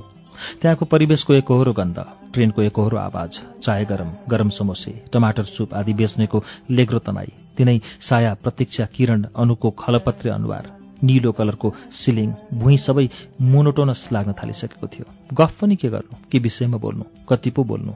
बेला बेलामा डब्बाको बाहिर निस्कने गेटमा उभिएर अझ खुल्ला रूपमा बाहिरको दृश्य पनि कतिचोटि हेर्नु। सबैतिर रुखा सुक्खा धेरै त बाँझा खेतहरू आउँथे। घरिघरि मात्र केही घर र स्टेसन। स्टेसन आउँदा मात्र मन अलिअलि पुलकित हुन्थ्यो। मृत प्राय भइसकेको मनको उल्लास स्टेसनको चलपलले मात्र जीवित बनाइदिन्थ्यो कमसेकम क्षणभरलाई। एक किसिमले ट्रेनभित्रको माहौल जेल जस्तो लाग्न आँटिसकेको थियो।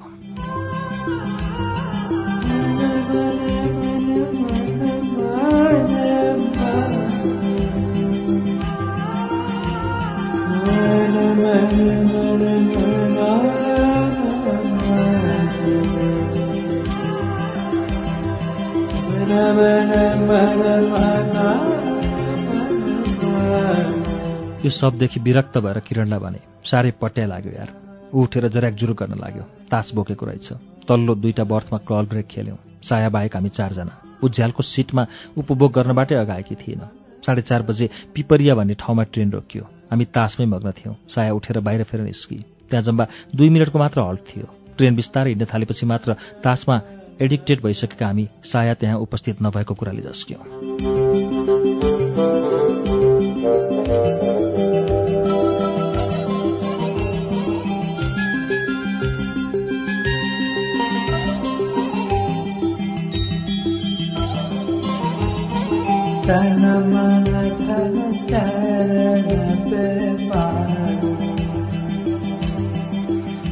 साया मेरो मुखबाट वात्त फुत्कियो।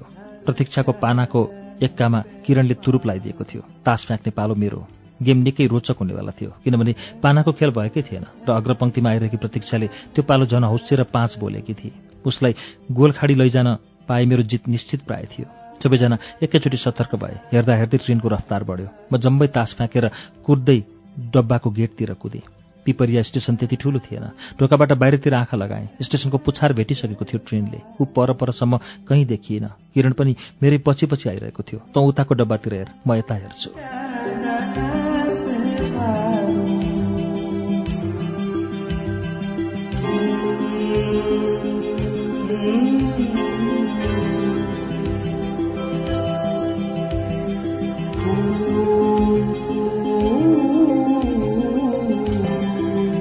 हामी विपरीत डब्बातिर उसलाई खोज्न थाल्यौँ। म दुई तिन डब्बा परसम्म गएँ तर ऊ फेला परिन। अनि फेरि आफ्नै डब्बातिर आएँ। कतै किरणले फेला पार्यो कि भन्ने आशमा। तर हाम्रो कम्पार्टमेन्टमा दुईटी केटी मात्र थिए। फेरि अर्को कम्पार्टमेन्टमा छिरेँ। लौ के गर्ने? म जन दिएँ एउटी भारतीय महिलालाई बताएँ आफूलाई लागेको समस्याबारे। उनले भनिन् चेन खिच्नुपर्छ नि? हो त है। कस्तो बुद्धिले काम नगरेको। मलाई अफसोस भइरह्यो। चाहिया बेलामा आफूलाई ज्ञान भएको कुराले पनि गद्दारी गरिदिन्छ कहिलेकाहीँ। तर अब के गर्ने? ट्रेन धेरै पर पुगिसकेको थियो। ट्रेन चेन खिचेर के गर्नु? ट्रेन फिर्ता जाने त होइन। मनको बेचैनी ट्रेनको रफ्तारसँगै बढ्दै गयो अनि ऊ भेटिएली भन्ने आश टाइटानिक जस्तै डुब्दै गयो।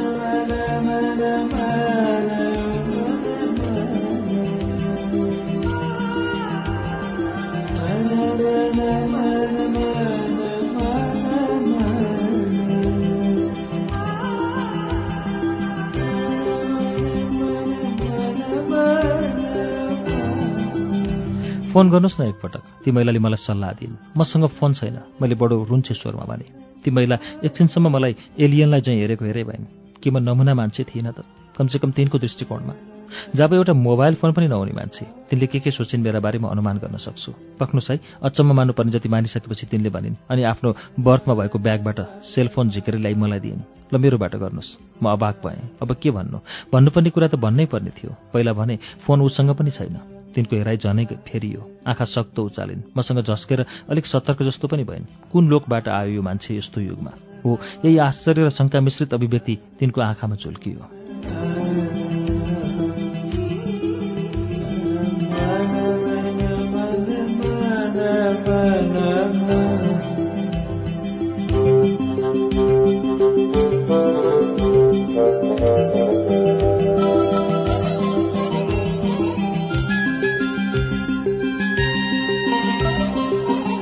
अनि मिसिएको थियो प्रश्नवाचक अभिव्यक्ति पनि। तिमीसँग फोन किन छैन?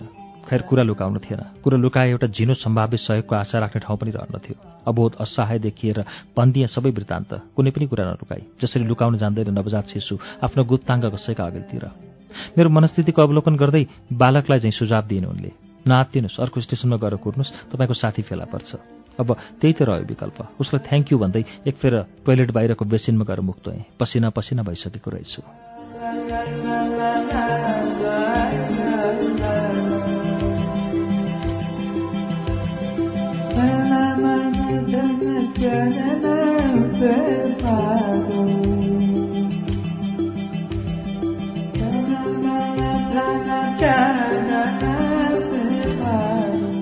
मनमा नै खुब रिसो पनि उठिरहेको थियो।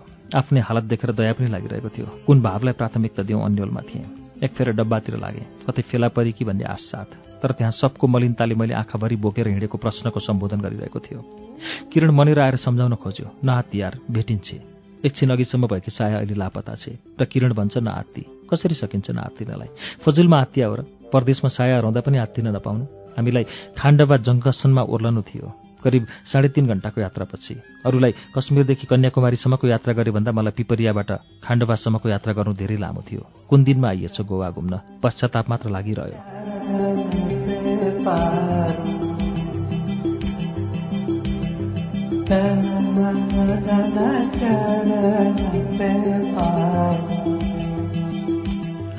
किरण प्रतीक्षा र अनुमिलेर मलाई सक्दो सान्त्वना दिइरहे। म पनि प्रयत्नरत थिएँ सक्दो सम्हालिनलाई। तर त्यसबेला मनभरि अनेक नकारात्मक सम्भावनाहरूमा सायालाई डुलाइरहे। चिन्ता र त्रासमै पौडिरहे। साढे तिन घन्टामा ट्रेन खाण्डबामा रोकियो। ट्रेनबाट एउटा ठुलो भिड ओर्लियो। मलाई लाग्यो सायद त्यसै ट्रेनको कुनै अरू नै कम्पार्टमेन्टमा लुकेर बसेकी छ र हामीलाई पुरै वाच गरिरहेकी छ। केही बेरमै हामी भएतिर ऊ हाँस्दै आउनेछ र भन्नेछ कस्तो लाग्यो त मेरो सरप्राइज? सायालाई थ्रिल मनपर्छ सरप्राइज मनपर्छ एक्साइटमेन्ट मनपर्छ। लाग्यो यसबेला पनि उसले यस्तै केही गरेकी होस्। ट्रेन आफूले बोकेर आएका प्यासेन्जरमध्ये केही प्यासेन्जर निफनेर आफ्नै बाटो लाग्यो। किरणहरू केही अगाडि बढिसकेका थिए। म भने टुवाहाँ परेर ट्रेनतिरै घुरिरहेको थिएँ।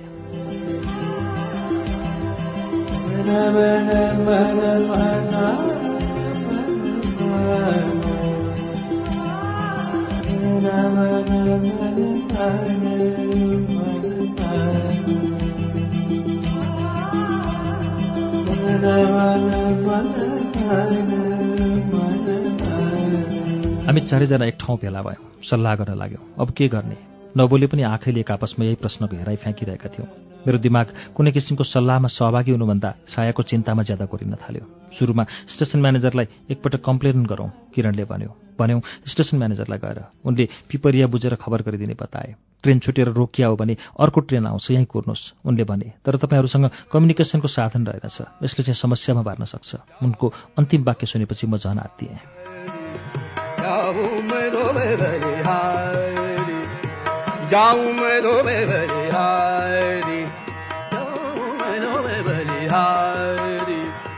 जाऊं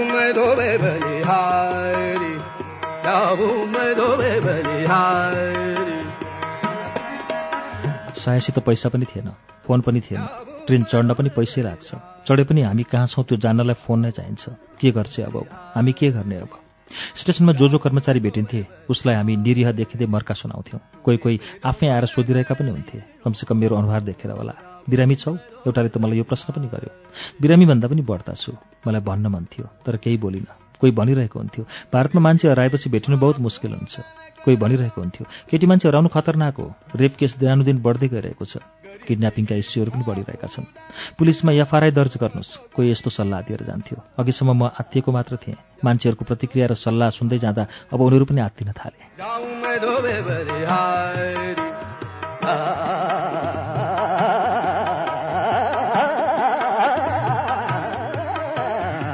जाऊं सायाको बाबालाई जानकारी दिनुपर्छ होला प्रतीक्षाले भने। मलाई सुरुमा उसको यो प्रस्ताव अलिक ठिक लागेको थिएन। सबैले प्रतीक्षाको कुरामा सहमति जनाइसकेका थिए। डर र अत्याहट यति आकाशिएको थियो कि म विवश भएँ उनीहरूको कुरा मान्न। सायाको ल्यान्डलाइनमा फोन हान्ने पहल भयो। स्टेसनको पिसिओमा गएर फोन गरी प्रतीक्षाले। कहाँ छौ तिमीहरू? साया हराएको जानकारी गराइसकेपछि बुढाले आत्तिँदै सोधे खाण्डवा जङ्सनमा। प्रतीक्षाले जवाफ दिए ध्यान दिएर सुन तिमीहरू दयामानले भने म जतिसक्दो छिटो भैरवाको फ्लाइट पक्रेर गोरखपुर जान्छु र त्यहाँबाट सबभन्दा छिटो ट्रेन पक्रेर आउँछु। भैरवामा सिम लिन्छु नम्बर घरमै छोडिदिइराख्छु मसँग सम्पर्कमा रहिरहने। प्रतीक्षाले दयामानको कुरामा सहमतिका शब्द पठाए।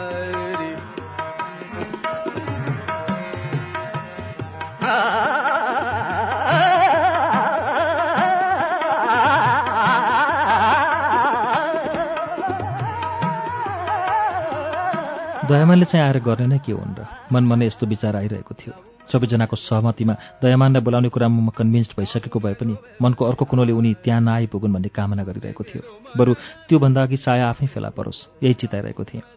दयामान आउन कम्तीमा दुई दिन लाग्थ्यो। त्यतिन्जेलसम्म के गर्ने? होटेल खोजेर बस्ने वा स्टेसनमै बस्ने? होटेलतिर लागे स्टेसनमा साया आइहाली भने छुट्ली भन्ने डर। स्टेसनमै बसौँ भने दयामानलाई कुर्न कम्तीमा दुई दिन लाग्थ्यो। दुई दुई दिनसम्म स्टेसनमा कसरी बस्ने? खैर जे जस्तो भए पनि हामीले कम्तीमा दयामान नआउन्जेल त्यहीँ स्टेसनमै बस्ने निर्णय गऱ्यौँ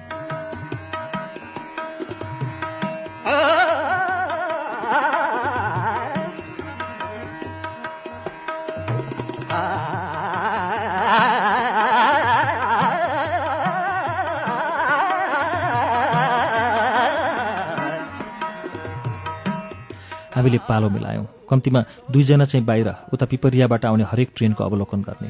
ट्रेन धेरै बेर रोकिए। एकजना बाहिरै बसेर हेरिरहने र एकजना भित्रतिर गएर खोजी गर्ने। यसरी खोजी गर्ने काममा किरण र म नै खटियौँ। प्रतीक्षाहरू झोला रुँगेर वेटिङ रुममा बसिरहे। बिस पच्चिसवटा ट्रेन पास भइसक्दा पनि सायाको कुनै खबर आएन। चिन्ता नलिनु। मैले त्यहाँको एम्बेसीमा खबर गरिदिइसकेको छु। खोजी हुन थालिसक्यो होला। दयामानले फोनमा प्रतीक्षासँग यसो भनेछन्। छोरी दयामानकी हराएकी छे चिन्ता नलिन उनी प्रतीक्षाहरूलाई भनिरहेछन्। गजब छ।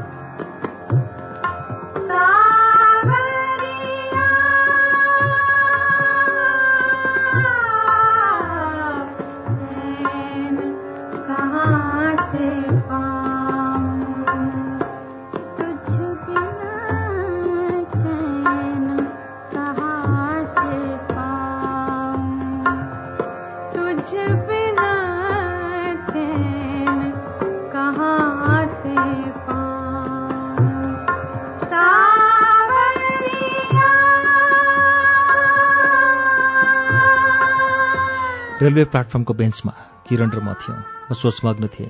एक्कासी दिमागमा एउटा कुरा फुर्यो। किरणलाई सुनाएँ। उसको अनुहार पनि मेरो कुराले एकाएक उजालियो। पहिले गर्नु पर्थ्यो उसले भन्यो अझै केही बिग्रेको छैन। मैले जुरुक्क उठ्दै भने तँ जा म यहाँ ट्रेन हेर्दै बस्छु उसले बसिरहेको अवस्थामा भन्यो त्यही ठिक होला। म फटाफट त्यहाँबाट हिँडेँ। धुइपताल प्लेटफर्म चारेँ। निकै बेरमा बल्ल फेला पारेँ एउटा साइबर। मलाई फेसबुक खोलेर सायालाई एउटा इनबक्स गर्नु थियो। कतै उसको फेसबुक खोल्नेतर्फ विचार पुग्यो भने स्थिति अलिक खुकुलो हुन सक्थ्यो। केही अनिष्ट नभएको भए। मनमा आएको अन्तिम वाक्य आफैभित्र गुन्जना साथ एकपटक फेरि भुलुक्क उम्ले जस्तो भयो मुटु।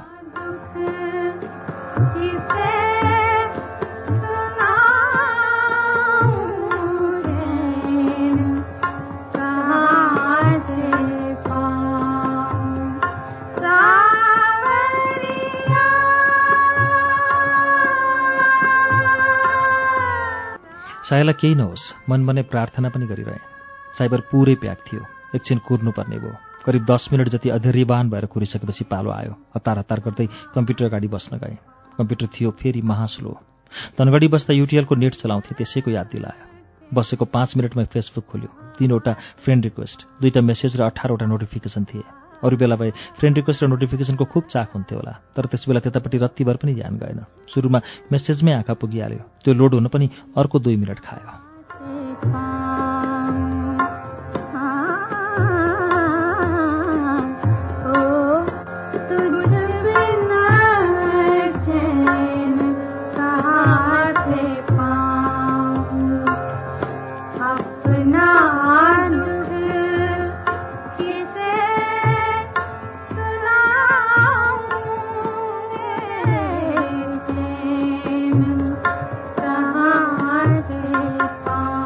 उसले लेखेकी थिए। ट्रेन छुट्यो मेरै लापरवाहीले। सरी पिपरियामा सुरक्षित छु। थाहा छैन यो मेसेज हेर्नेछौ या छैनौ? यदि हेऱ्यो भने मेरो प्लान सुन। अघिल्लो स्टेसन खाण्डमा रहेछ। म त्यहीँ झर्छु। तर तिमीहरूको रिप्लाई आयो भने मात्र। चौबिस घन्टाभित्र पनि कुनै रिप्लाई आएन भने केही व्यवस्था गरेर नेपाल नै फर्किन्छु। अँ त्यहाँ धेरै आत्तिएर घरमा जानकारी दिने मूर्खता चाहिँ गर्ने होइन।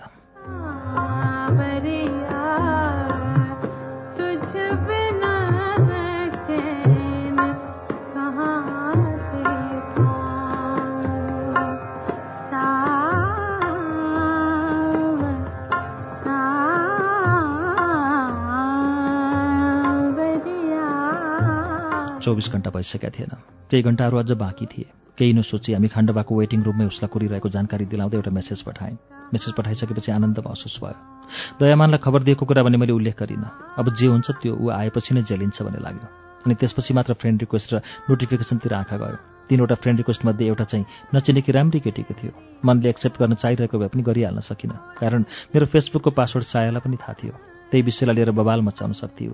एकपटक मचाएकी पनि थिए। साइबरबाट फर्कँदा मन फेरि पुलकित भयो। साइबर पसलले पनि दस मिनटमा परिवर्तन भएको मेरो मुहारको भावभङ्गी देखेर छक्क परेको हुँदो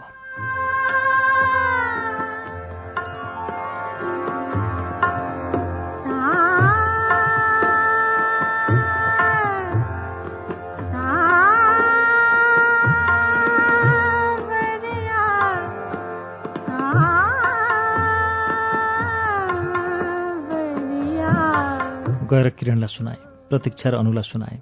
साया भेटेको खबर दयामानलाई सुनाइदिन भनेर प्रतीक्षालाई हराएँ दयामान बोर्डर क्रस गरेका रहेनछन्।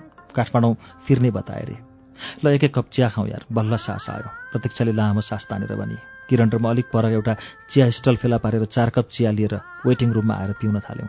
चिया पिइसकेपछि फेरि प्लेटफर्ममा गएर ट्रेन पहिलाउन लाग्यौँ जसमा साया आउन सक्थे जब जब ट्रेन आउँथ्यो सायालाई पछ्याउँदा पछ्याउँदै आँखाहरूको दौडधुप बढ्थ्यो। आँखाहरू पनि अभ्यस्त भइसकेका थिए। म्याराथनमा लास्ट हुने धावक चाहिँ खिन्न हुनलाई।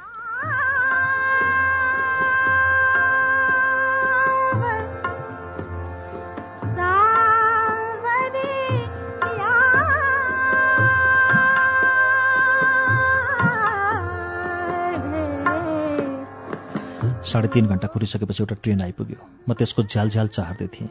यस टु कम्पार्टमेन्टबाट साया झर्दै गरेको करिब तिस मिटर परबाट देखेँ लामो सुस्केर तानेको आफैलाई पत्तो भएनछ। कस्तो उतार चढाव यो मानसिकतामा। एकैचोटि हावामा उडे जस्तो एकैछिनमा पानीमा चोबलिए जस्तो एकैछिनमा ग्रीष्म एकैछिनमा शिशिर। भएको के हो? के प्रतिक्रिया दिउँ उसलाई? ऊ हराएकामा रिसाए जस्तो गरौँ? या भेटिएकोमा खुसीले नाचौँ? या न्यु खोजौँ? या भावहीन रहौँ? उसले पनि मलाई देखिहाली। हत्तपत्त मतिर कुद्दै आएर झाप्पा अँगालो हालेर कानमा साउतीको स्वरमा भनी सरी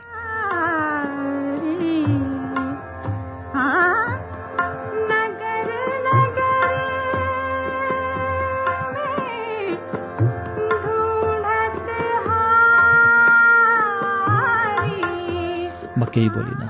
केही प्रतिक्रिया दिन लायक पनि रहेन सायद। उसलाई अँगालबाट फुत्काएर साथीहरू भएतिर लगेँ। किरण बसेको बेन्चबाट उठेर अलिक ओर आइसकेको थियो। वेटिङ रुममा सायालाई देख्न साथ अनु र प्रतीक्षा पनि एकछिन इमोसनल भए। सबैको भावुकता सकिएपछि प्रतीक्षाले सायालाई भने त हराएको खबर हामीले काठमाडौँमा अङ्कललाई समेत गऱ्यौँ सायाले मतिर पुलुक्कै हेरी प्रश्नवाचक हेराइले को जान्ने भएको बाबालाई फोन गर्न चाहिँ साया मन्द कड्की तँलाई के थाहा? हामीलाई यहाँ कम टेन्सन भयो।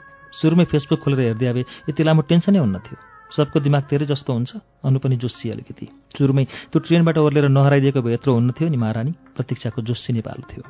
किरणले सोध्यो साँच्ची तिम्रो ट्रेन चाहिँ कसरी छुट्यो साया? त्यो छ नि? उसले भने ट्रेन कुदिरा हुन्छ अनि मान्छे ट्रेन पछि पछि कुदेर ट्रेन भेटाउन खोज्छ। फिल्मतिर मलाई त्यो दृश्य खुब मन पर्थ्यो कस्तो हुँदो रहेछ त्यो थ्रिल भनेर अनुभव गर्न मन थियो। हामी सबै एक आपसमा छक्क परेर हेर्न थाल्यौँ। तिम्रो मानसिक सन्तुलन त ठिक छ? मैले रिसाउँदै सोधेँ।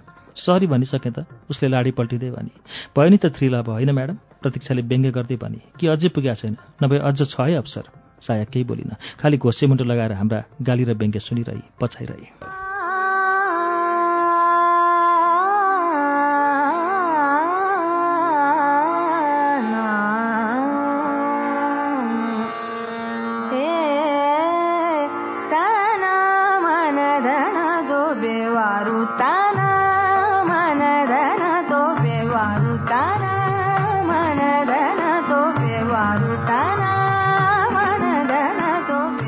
एक हप्ते गोवा घुमाएपछि काठमाडौँमा बित्ने अन्तिम साँझ सिद्धार्थ फुडल्यान्डमा एक एक कप कफी खान भेटियौँ। सबले त्यो यात्रालाई जीवनभरिकै स्मरणीय यात्राका रूपमा विश्लेषण गरे। सिद्धार्थ फुडल्यान्डबाट निस्केपछि सायालाई उसको घरसम्म छोड्न गए। साँझ चोकबाट उसको घरतर्फ जाँदै गर्दा उसलाई एक फेर भने दुई हप्ता एक्लै कसरी बस्नु साया? जसरी अरू मान्छे बस्छन् उसले अबोध केटाकेटीले झैँ सजिलै जवाफ दिए। म केही बोलिनँ। म निकै बेरसम्म नबोलेको देखेर उसैले भने जब दुई हप्ता म बिना बस्न सक्दैनौ सधैँभरि एक्लै बस्नु पऱ्यो भने के गर्छौ? त्यस्तो अवस्था सिर्जना भए अर्को बिहा गर्छु नि मैले जिस्किँदै भने। उसले साँच्चै भन्ठानी छ आँखा तरेर हेरी अनि शङ्कालु दृष्टि फ्याँक्दै भने तिम्रो त के विश्वास?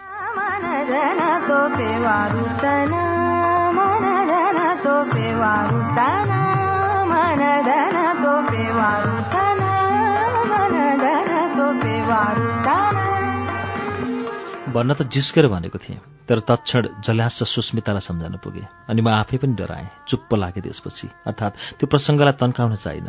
भोलिपल्ट साया मलाई छोड्न एयरपोर्टसम्म आई। छुट्ने बेलामा अन्तिम हक गऱ्यौँ। दुई हप्ताका लागि छुट्टिनुपर्ने भएको भए पनि नरमाइलो लागिरह्यो। प्रेममा एक एक पल त एक्लै बिताउन भारी हुन्छ भन्छन्। दुई हप्ता लामै समय थियो।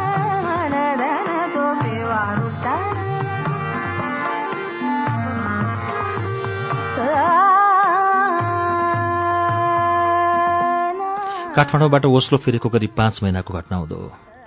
बेलुकीको पाँच बजेको थियो। मेरो नाइट ड्युटी थियो। काममा जानका लागि ड्रेस चेन्ज गर्दै थिएँ। चाया किचनमा चिया पकाउँदै थिएँ। उसको मोबाइल बज्यो। उसलाई दुईपटक मोबाइल बजेको जानकारी दिएँ। तर ऊ किचनमा पुरै बिजी भएकाले होला सुनिनँ या सुनेर पनि वास्ता गरिनँ। मैले नै गएर उसको मोबाइल हेरेँ। घरबाट उसको बाउको फोन रहेछ। मोबाइल किचनमै लगिदिएँ। ऊ कपमा चिया हाल्न लाग्दै थिए। फोन उसले समात्न साथ उसको अधुरो काम मैले नै पुरा गरिदिएँ। अर्थात् दुइटै कपमा चिया हालेँ। ऊ कोठामा गएर कुरा गर्न लागि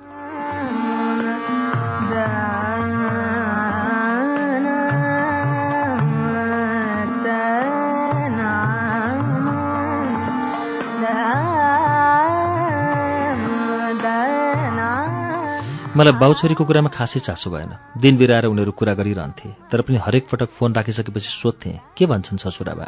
त्यस दिन पनि यो प्रश्न गरे। मेरो प्रश्नको जवाफमा उसले भने बाबा र मम्मी यहाँ आउने रे नेक्स्ट विक वाट सकले भरिएको टोन मैले भने किन? आगो लागे जस्तै फिल भयो मलाई यो सुन्दा।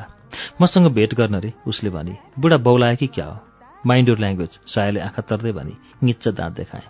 उसको बाबालाई केही भने नहुने आँखा तर्थी र यस्तै केही डाइलग पेलाउँथे पत्याउँदिन। मैले चियालाई टेबलमा राख्थेँ भने उहाँदेखि तिमीलाई मात्र भेट्न किन आउँछन् बुढा? अनि कसलाई तिमीलाई भेट्न आउनु त? होइन मैले भने त्यही एउटा मात्र कामका लागि के आउँथे र भने के।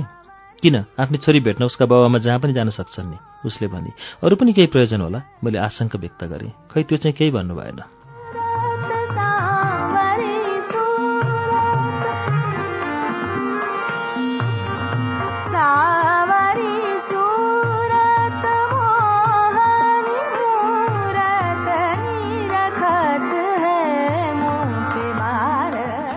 चिया सेलाउन थाल्यो। बेकार सायाका बाबामा आउने भन्दैमा कुरैमा निर्लिप्त भएर तातो चियालाई किन सेलाउन दिउँ? गफ गर्दै गरौँला यस विषयमा। अनि टेबलमा आराम साथ बाफ उडाइरहेको चियाको कप समातेर पिउन थाले। चियासँगै एउटा तातोपना घाँटी छाती हुँदै पेटसम्म पुग्यो। सायाका बाबामा नर्वे आउँदै थिए। अब के गर्ने? यो समस्यालाई कसरी फेस गर्ने? अथवा नगर्ने? अथवा अरू नै केही निकास दिन सकिन्छ कि? सायालाई भनिहाले। अब हामी के गर्छौँ? साया पनि चिया पिउँदै थिए। एक सरको चिया सुरूप पारी कप टेबलमा राखी अनि सिलिङतिर हेर्दै चिन्तामय मुद्रामा भने खै के गर्ने के? केही सुझेन।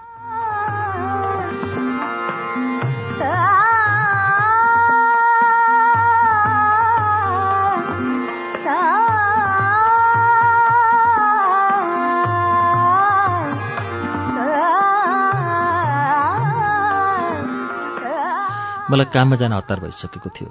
किन किन? नजाउँ नजाउँ लाग्यो। काममा जानै मन लागेन साया। कपाल कनाउँदै भने किन? सासू ससुराको स्वागत कसरी गर्ने भनेर चिन्तित भएको? म सोध्छु नि त्यो विषयमा। तिमी जाऊ अहिले। म जुरुक्क उठेर केही नबोली गएँ। अर्को भेट हुनासाथ हामी छलफलमा केन्द्रित भइहाल्यौँ। अब के गर्ने? यही प्रश्नलाई मुख्य समस्याको केन्द्र बनाइएको थियो। र समाधानका अनेकन प्रयास बुदागत रूपमा हामी एक आपसका अघिल्तिर सार्दै गर्न थाल्यौँ। ऊ खालि सोच्नमै व्यस्त भइरहेकी हुन्थे। म भने बेला बेला समाधानका फन्टु छुपाए पनि झिकिरहेको थिएँ। म भनिरहेको हुन्थेँ तिम्रो बाबामालाई त्रिभुवन विमानस्थल पुग्नु अगावै किडन्याप गराइदिउँ वा सप्तक छोडेर तिमी नै बरु एक हप्ताको लागि नेपाल जाऊ वा यहाँ सुत्ने ठाउँ छैन वा एक्जाम चलिराखेको छ। यी सब भनिरहँदा साया मलाई कर्के आँखाले हेर्थे। उसले कर्के आँखा हेरेको बखत मैले निच्च दाँत देखाउँदै हाँस्न बाहेक केही गर्न जानिनँ। सुनिँदा फन्टुस नै लागे पनि एक किसिमले मेरो भित्री मनबाट केही गरे पनि उनीहरू ओस्लो नआउन् भन्ने लागिरहेको थियो।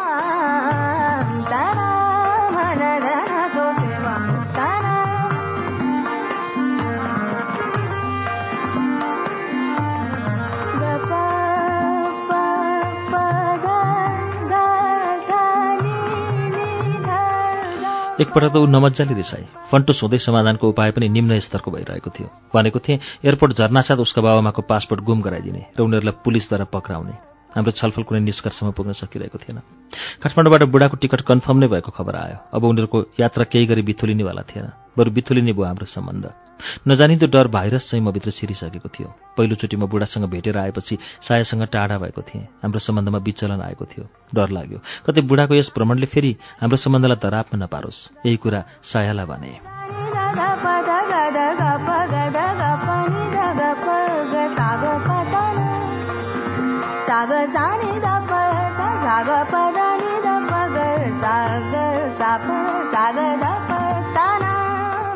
एक हप्ता त बस्ने रे उसले भने। उसलो घुमाइदिन्छु अनि उहाँहरू गइहाल्नुहुन्छ नि। कसले थाहा दिन्छ र?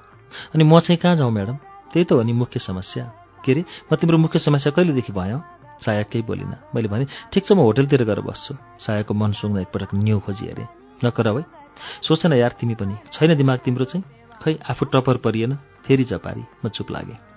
धेरै छलफल तर्क वितर्क सोच चिन्तन निर्णय अनिर्णयहरूको उल्झन पश्चात अन्तत्वगत म कञ्चन नाम गरेको साथीकोमा एक हप्तासँग पेइङ गेस्ट जस्तो भएर बस्ने निदो गरेँ। ऊ के को पेइङ भन्ने जस्तो कुरा गर्दै थियो तर मलाई त्यो ठिक लागेन। त्यसो हो भने बरु बस्दिनँ भन्दै उसलाई कन्भिन्स गरेँ। समस्याको समाधान यसरी भयो।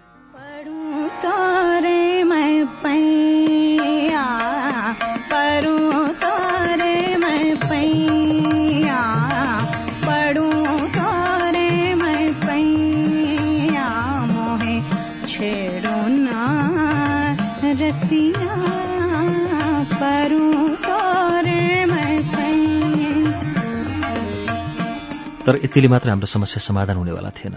उसको कोठामा मेरो उपस्थितिको सानोभन्दा सानो प्रमाण पनि रहनु भएन।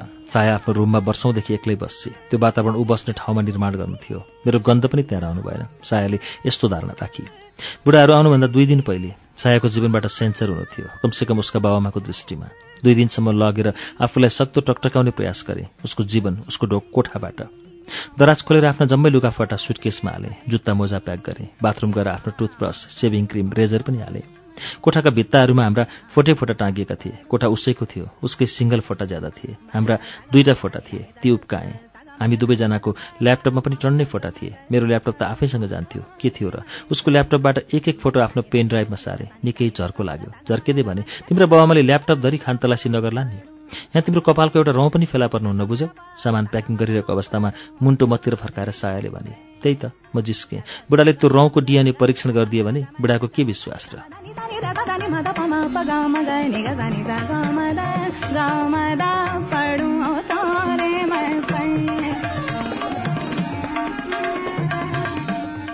सेभिङ क्रिम र रेजर प्याक गर्दै गर्दा त्यो देखाएर सायालाई अर्को पटक जिस्काएँ। यो चाहिँ छुटेर बा आमाले देख्यो भने के गर्छौ? सायाले पनि हाँस्दै भने तिम्रो टाउको फुटाउन आउँछु।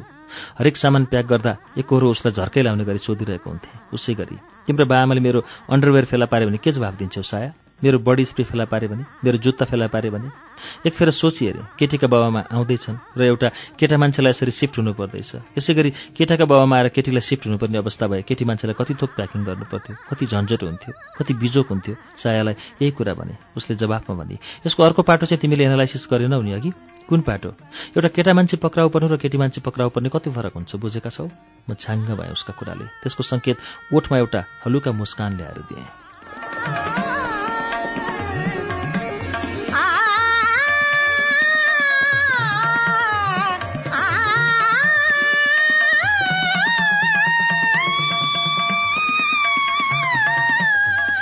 दुई दिन लगाएर उसको कोठाभरि फिन्जिएको मेरो उपस्थितिको प्रमाणलाई एउटा सुटकेस र झोलाभित्र कैद गरिदिएँ। डिजिटल नन डिजिटल सबै रुममा म उसको कोठाबाट निफनिएँ अब उसका बाउआमाले थाहा पाउने छैनन्। हामी ढुक्क भयौँ। सबै थोक प्याकिङ भइसकेको अवस्था थियो। म खाटमा पल्टिरहेको थिएँ। उसले हातमा एउटा प्याकेट बोकेर ल्याएर मलाई दिए। यो पनि लैजाऊ। राखिराख। के को प्याकेट हो यो? खोलेर हेर न आफै। यति भनिसकेर ऊ अझ पुलिसले अपराधीको घर खानतलास गरे चाहिँ खोज्न लागि। मैले त्यो प्याकेट खोलेर हेरेँ। कन्डम र आइपिलका चक्की रहेछन्। देख्न साथ म अट्टाहास हाँसेँ। कहिलेकाहीँ सुरक्षा दिने चिजले नै असुरक्षित गराइदिने हैसियत राख्दो रहेछ। आइपिल चाहिँ खाटेमा राखेर भने त्यो त तिम्रो चिज। म किन लैजाउँ? हाँसो उठ्दा उठ्दै पनि हाँसो रोकेर रिसाएको अभिनय गर्दै मतिर घुरेर हेरेँ उसले। मैले हाँसोलाई फेरि यथावत गतिमा ल्याएर त्यो आफ्नो ब्यागमा सरक्क राखेँ।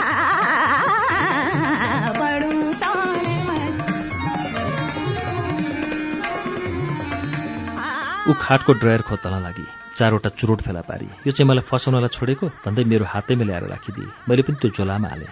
म त डरैले मर्छु होला। निधारभरि अत्याहाटका मुजा बनाएर भने कहाँ के चिजले फसाउने हो फसाउने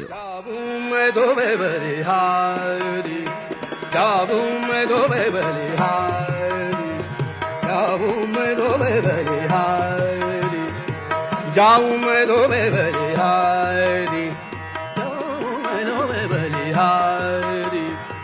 जाऊं मैं धोबे बलिहारी जाऊं मैं धोबे बलिहारी भोलिपल्ट उसका बाबुआमा दिन थियो।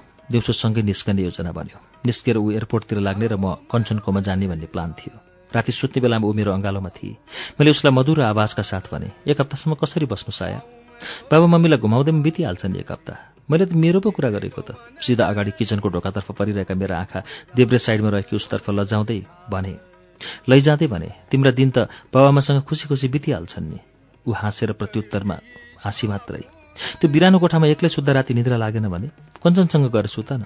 म गिए हो र केटाकेटा सुत्दैमा गिए भइन्छ र उसले भने। निद्रा लागेन भने तिमीलाई फोन गर्छु ल। अह। उसले आफ्नो शिरलाई मेरो अँगालोबाट छुटाउँदै भने मलाई फसाउने विचार छ।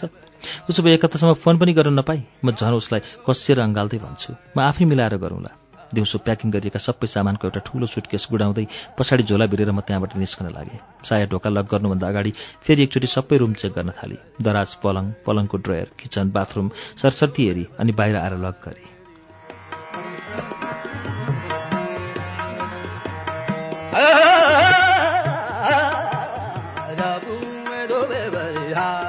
वरपर यसो हेरेँ कोही थिएन। सायालाई आफूतिर तान्दै ओठमा एकपटक किस गरेँ? अनि भने होसियारै साया तिम्रो ओठमा बा आमाले मेरो ओठको निशानी देख्लान्। साया निनाउरो मुख लगाएर उभिरही। मलाई उसको मुहारमा उदासीको अनुभूत भएको मन परेन। तत्कालै भनिहालेँ यस्तो अनुहार बा आमाको अगाडि झुकेर पनि नलाउनु। एकपटक गएर ऐना हेर त। यी आँखा तिम्रा हुँदै होइनन्। सामान र मेरो शरीर मात्र आफूबाट अलग्याएर हुन्छ। यी आँखाबाट पनि मलाई हटाऊ। एक हप्ता सही नत्र म पक्का छु। तिमी कुनै बेला पनि पक्राउ पर्नेछौ।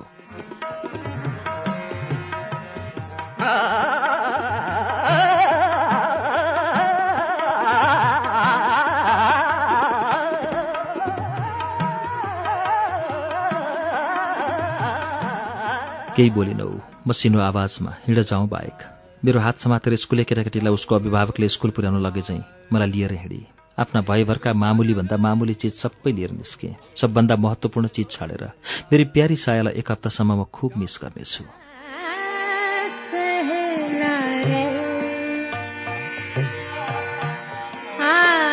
सहेला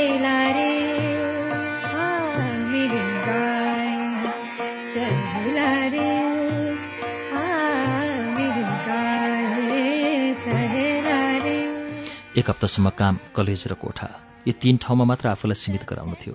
राति सुत्ने बेलामा सायालाई विशेष मिस गर्थे। फोन गर्न नपाइने उसैको उर्दी थियो। एकपटक उसले बीचमा आफै फोन गरी कस्तो हुँदैछ बाबामासँगको दिनचर्या साया? सोधेको थिएँ। हरेक पल डर मात्र लागिरहेछ अतीत। उसले भनेकी थिए हनुमान चालिसा जप्ने गर। म जिस्किदिएको थिएँ। सब ठिक हुन्छ।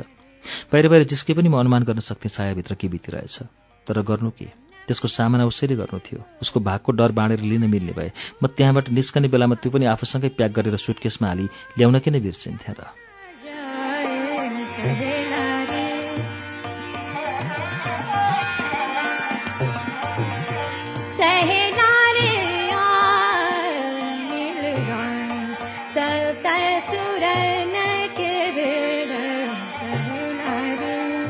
चार पाँच दिनसम्म ऊ उसका बाबामा घुमाउनु व्यस्त भई त्यो छैठौँ दिन हुनुपर्छ सायद। भोलिपल्ट उसका बाबामा फिर्नेवाला थिए। सुत्ने बेला उसको एसएमएस आयो। जे नहुनु त्यही भयो। म पक्राउ परेँ। मेसेज पढेर म आत्तिएँ। मुटु एक्कासी घनले चाहिँ हान्न थाल्यो। निद्राबाट झल्यास बिउजे। तत्कालै उसलाई फोनै गरेर धेरै कुरा सोध्न मन लाग्यो। आखिर कसरी पक्राउ परियो? केही त बाँकी थिएन मेरो त्यहाँ। सबै थोक टाकटोक उठाएर ल्याएको थिएँ। के चिजले भेद खुल्यो? कहाँ चुक्यौँ हामी? उति बेला साया डराइरहेकी थिए। अब म डराउन लागेँ। अब के हुन्छ? के गरान् उसका बाबामाले? के बितिरहेको छ उनीहरू बिच? सब जान्न मन लाग्यो तर जान्ने माध्यम थिएन। तत्कालै साहस पनि जुटेन। फोन उसले नगरौँ भनेर पहिल्यै सतर्क गराइसकेकी थिए। जान्ने भएर फोन गरिहाल्न पनि मन लागेन तर आफूभित्र एक्कासी उब्जेका प्रश्नका श्रृङ्खलाहरूलाई निकास नदिई बस्न पनि नसक्ने भए जे पर्ला पर्ला साहस जुटाएर फोन गरे।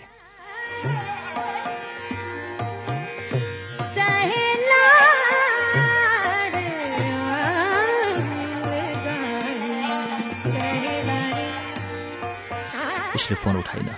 फेरि गरेँ तर फेरि पनि फोन उठेन। केही सिप्न लागेपछि एसएमएस नै गरेँ। कसरी भयो यस्तो? त्यो एसएमएसको कुनै रिप्लाई आएन।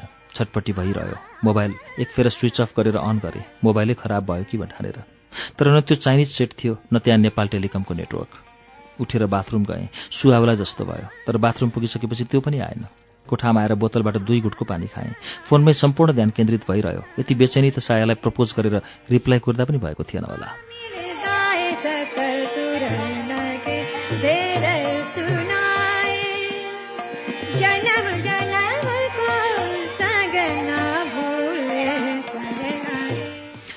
उठ्दैन एसएमएसको रिप्लाई आउँदैन। पक्कै निकै ठुलो गडबडी भएको हुँदो। आफूलाई पटक्क चित्त बजाउन सकिनँ। ढुङ्गा चबाए जस्तै फिल भयो। पहिरो मुनि थिचिए जस्तै लाग्यो। उठेर तुरुन्तै साया भए ठाउँमा जाउँ जस्तो भयो। फेरि अर्को एसएमएस पठाएँ। सबै ठिक छ त साया? रिप्लाई आएन निकै बेरसम्म। पाँच मिनट जति बाटो हेरिसक्दा पनि रिप्लाई नआइसकेपछि फेरि फोन गरेँ। फोन उठेन। के गरौँ? त्यही बेला माराला पनि छुट्टीमा थिए। नत्र उसलाई गरेर बुझ्थेँ। कतै उसको फोन उठाउँछ कि? उसलाई तुरुन्तै फोन लगाएँ। माराला सायरै मेरो फोन उठाएन। तिमी एक फोन गरेर बुझ न। उसले हुन्छ भने। अनि एकछिनमा मारालाको फोन आयो। ढिलो नगरी उठाइहालेँ। उसले भने मेरो फोन पनि उठाएन सायाले।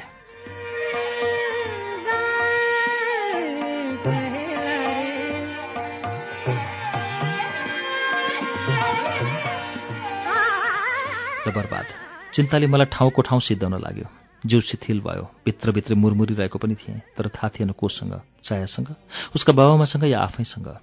जाडो सुरु भइसकेको थियो। तर मलाई भित्रभित्र पोल्न थाल्यो। गर्मीले खलखली हुन थाले। बोतलबाट फेरि घटघट आधा बोतल पानी पिएर सिद्धाएँ। मन अनेक शङ्काहरूलाई आफूभित्र प्रवेश गराउँदै खातिरदारी गरिरहेको थियो। यो निल्नु न ओकेल्नुको परिस्थितिलाई कसरी तह लगाउँ कसरी सम्पर्क स्थापित गरौँ सायासँग? केही विकल्प फेला परिरहेको थिएन। निकै बेरसम्म यसै गरी बिताएँ।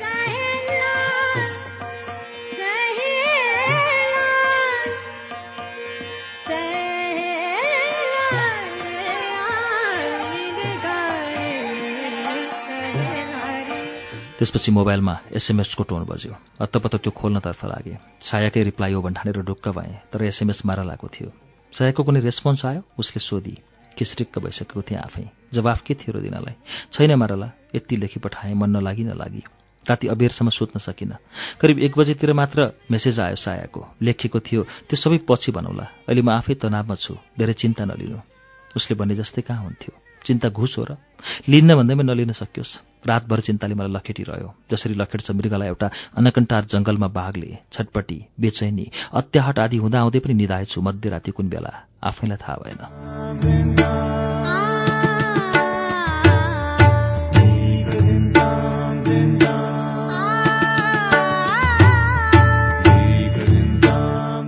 सम्वेकमा अहिले तपाईँले सुनिरहनु भएको वाचन सुबिन भट्टराईको उपन्यास सायाको वाचन हो। यसको बाँकी अंश वाचन लिएर केही बेरमा आउनेछौँ। उज्यालो सुन्दै गर्नुहोला।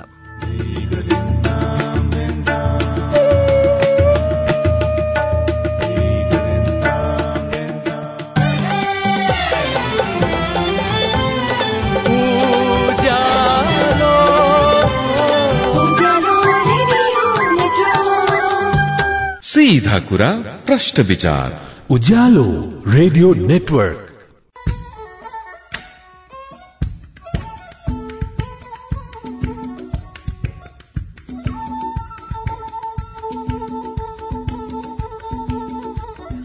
कार्यक्रम श्रुति सम्वेकमा तपाईँलाई फेरि स्वागत छ। श्रुति सम्वेक तपाईँ अहिले उज्यालो रेडियो नेटवर्क काठमाडौँसँगै देशभरिका विभिन्न एफएम स्टेशनहरूबाट एकैसाथ सुनिरहनु भएको छ।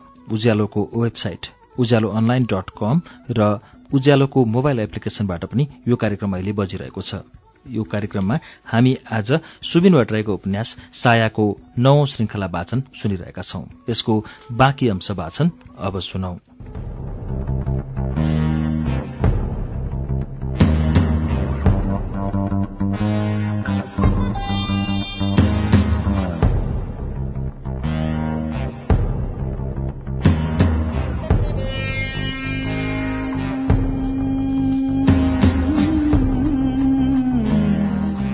सायाका बाआमा गए।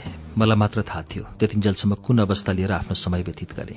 हरेक पल क्लासमा होस् या काममा ओछ्यानमा होस् या ओस्लोका सड़कमा गल्लीहरूमा चुरोटका चुस्कीमा होस् या रक्सीको रौनकको सहारामा कतै पनि त्यो मभित्र प्रविष्ट चिन्ताले क्षणभरकै लागि भए पनि मस्तिष्कबाट ओर्लेर गुण लगाइदिएन। कुनै चिजसँग हार्न सकेन त्यो चिन्ता। कुनै पनि काममा लगाव भएन। अब के हुने हो? जीवन कुन मोडमा जाने हो? यही सोचेर मेरा दिन रात साँझ र बिहान बितिरहे।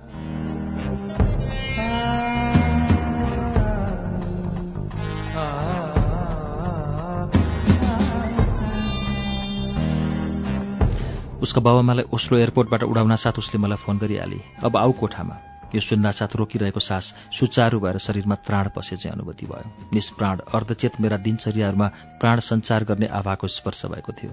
उसको फोन आउँदा म कञ्चनकै कोठामा थिएँ। सुटकेस र झोला सँगसँगै एउटा आतुरी र उद्विग्नता लिएर निस्किएँ सायाका कुरा सुन्नु थियो अनि आफूलाई पनि सुन्नु थियो। के भएर चुइयो मेरो उपस्थितिको प्रमाण?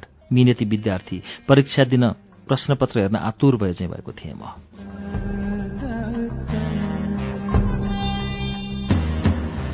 अनेकन सम्भावनाहरूलाई मस्तिष्कमा ल्याउँदै पठाउँदैमा ठिक्क भयो। कञ्चनको कोठादेखि हाम्रो कोठासम्मको यात्रा।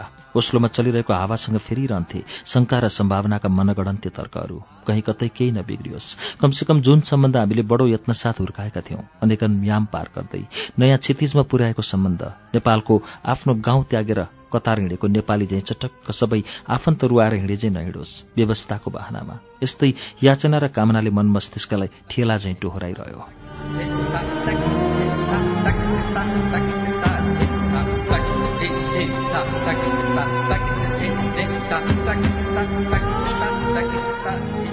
ढोका खुल्लै थियो। कोठामा छिरे। साया खाटमा टोयलेटको प्यानमा मात्रै झैँ टुक्रुक्क बसिरहेकी थिए पुग्नासाथ सुटकेस र झोला एकातिर अनि खाटमा उसैनिर टाँसिन गए र सोधिहाले मनमा उम्लिरहेको प्रश्न कसरी भो साया?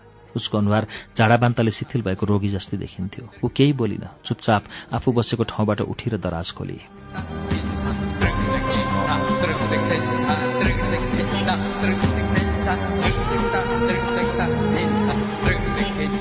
म स्तब्ध भएँ। दराजबाट जुन चिज उसले झिकेर ल्याएर देखाए त्योभन्दा खतरा चिज के हुन सक्थ्यो र उसका बाबामा? भड्किनका लागि। म अफसोस मात्र गरिरहेँ किन हामी दुईमा कसैले सम्झन सकेन त्यो चिज।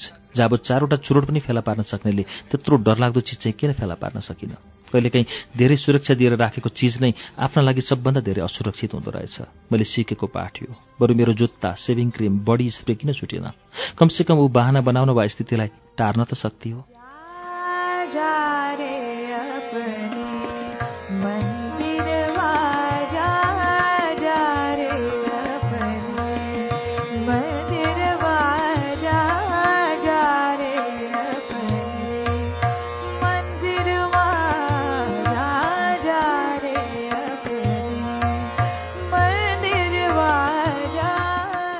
बाबा मम्मीलाई एयरपोर्टबाट रिसिभ गरेर कोठामा ल्याइसकेपछि म भित्रको डरको आयतन एक्कासी बढ्यो। डर पहिल्यैदेखि थियो। डर बाटाभरि पनि सँगै थियो। कोठामा उहाँहरूलाई प्रवेश गराउन लाग्दा भित्र हुल्नै कस्तो कस्तो लागिरहेको थियो। भित्र छिराइसकेपछि त त्यो आयतनमा झन् धेरै वृद्धि भयो। उहाँहरूलाई सुरुमा कुर्सीमा बसाएँ। मलाई के लाग्यो थाहा छ? उहाँहरू त्यो कुर्सीबाट नउठ्नुहोस्। त्यहाँबाट उठ्ने जरुरतै नहोस् तर मेरा मूर्खतापूर्ण काममा आफ्नो ठाउँमा थिएँ। जति जति उहाँहरू कोठामा मोबाइल हुन थाल्नुभयो उति उति मेरो मुटु मुहार हाउभाउमा विचलन आउन थाल्यो। बाबा टोइलेट जान उठ्नुभयो। मैले देखाइदिएँ। अलिकति अगाडि बढ्नु मात्र भएको त्यो रोकेर एकछिन भनेछु। नचाहँदा नचाहँदै मुखबाट फुत्किएछ। डर मनभित्र बरपिपलले ज्वरो हाले चाहिँ हालेर बसेको थियो। कहाँ के खुस्काउने हो दस ठाउँ च्यातिएको फरियाबाट इज्जत चुहाइरहेकी महिला केवल आफ्ना दुई हत्केलाले छोप्न कहाँ सक्थे? म भित्रको डर यस्तै थियो। एकातिर छोप्न खोज्थेँ अर्कोतिरबाट चुहिएला भन्ने डर। अर्कातिर छोप्न खोजे अर्कैतिरबाट चुहुने डर। बाबालाई सम्हालौँ या मम्मीलाई? सबभन्दा सम्हालिन सक्नु स्थिति त आफ्नै थियो। कहाँ कहाँ निषेध गरौँ? कुन कुन थोकमा उहाँहरूलाई रोकौँ?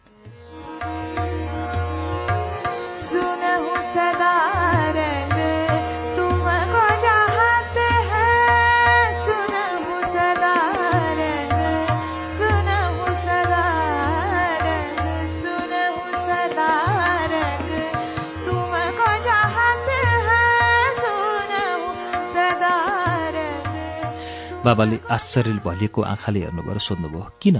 पानीको पाइपमा समस्या थियो। मैले आफ्नो अन्जानवश क्रियालाई नियन्त्रणमा ल्याउने प्रयास गर्दै भने म चेक गर्छु है अनि हत्तपत्त गरेर चेक गरेँ। सब ठिक थियो। लगेर त कस्तो डराएँ कि म।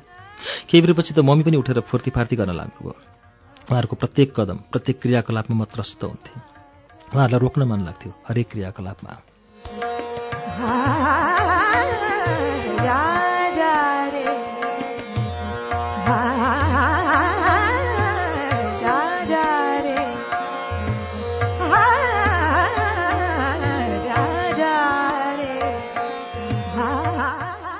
त्यसैले मैले तिन चार दिनसम्म के के गरेँ गरेँ। बिहानदेखि नै उहाँहरूलाई घुमाउन लिएर निस्केँ। मम्मी खाना खाएरै जाउँ भन्नुहुन्थ्यो। समय थोरै छ मम्मी म भन्थेँ। एक हप्तामा मैले हजुरहरूलाई घुमाउनु पर्ने ठाउँ घुमाइदिन सकिनँ भने मलाई ठुलो अफसोस रहनेछ।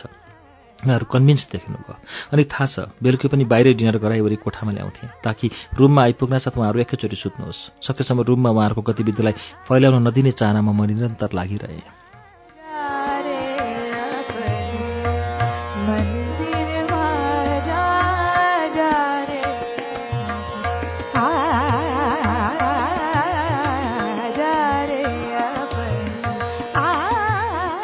तयारी गर्दा पनि कत्रो डर। तर हिजो मेरो पोल खुल्नु नै रहेछ सायद। सब संयोग सब घटनाहरू मेरो पोल खुलाउन उद्यत थिए। दिउँसभरि उहाँहरूलाई घुमाइवरी घर ल्याइसकेपछि हामी लगभग सुत्ने तर्खरमा थियौँ। बाबालाई राति सुत्ने बेलामा कफी खानु पर्थ्यो। म किचनमा कफी बनाउन लागेँ। फर्कने दिन भएकाले उहाँहरूले टन्न सपिङ गर्नुभएको थियो। सपिङ अस्ति अस्ति पनि गर्नुभएको थियो। उहाँहरूले सपिङ गर्नुभएका सामान म बेलुकी कोठामा आइसकेर आफ्नै दराजमा थन्काइदिन्थेँ। हिजो मम्मीले रुमबाटै कराएर सोध्नुभयो दराजको साँचो दिए त नानु? सामान थन्काइदिउँ मेरो होस् त्यति नै बेला कहाँ गएको हेर त? भनेछु पलङको ड्रयरमा छ हेर्नुहोस्।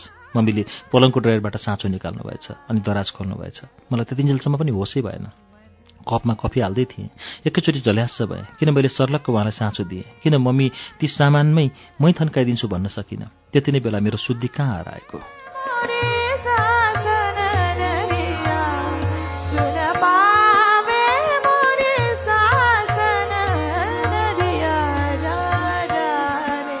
अनि त्यो स्थितिबाट झल्यास साथ म कपमा हाल्दै गरेको कफी पनि अपुरो छोडेर डराउँदै कोठामा गएँ।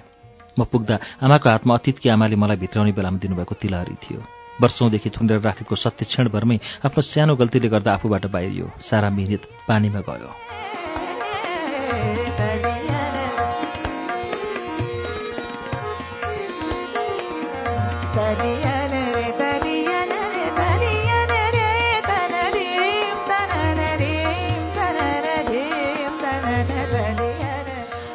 यो के हो? मम्मीले तुरुन्तै सोधिहाल्नुभयो। उसै त उहाँहरू आएदेखि डरै डरको माहौलले यसै कमजोर भइसकेकी थिएँ। त्यो अवस्थामा त झन् कसैले मलाई गुच्चुकमै हाने जस्तो फिल भयो। पुक्लुकै ठाउँको ठाउँ ढल्छु जस्तै भयो। दिमाग यति हदसम्म गएर निकम्मा हुन्छ भन्ने मैले सोचेकी नै थिइनँ। सायद डरले म भित्रका सारा ऊर्जालाई नष्ट गरिदिएका थिए। केही त बोलौँ केही त बाहना बनाऊ केही स्पष्टीकरण त बनाऊ भन्ने सूक्ष्म चेत म भित्र नभएको होइन। तर डरले गर्दा त्यो केही सक्रिय हुन सकेन।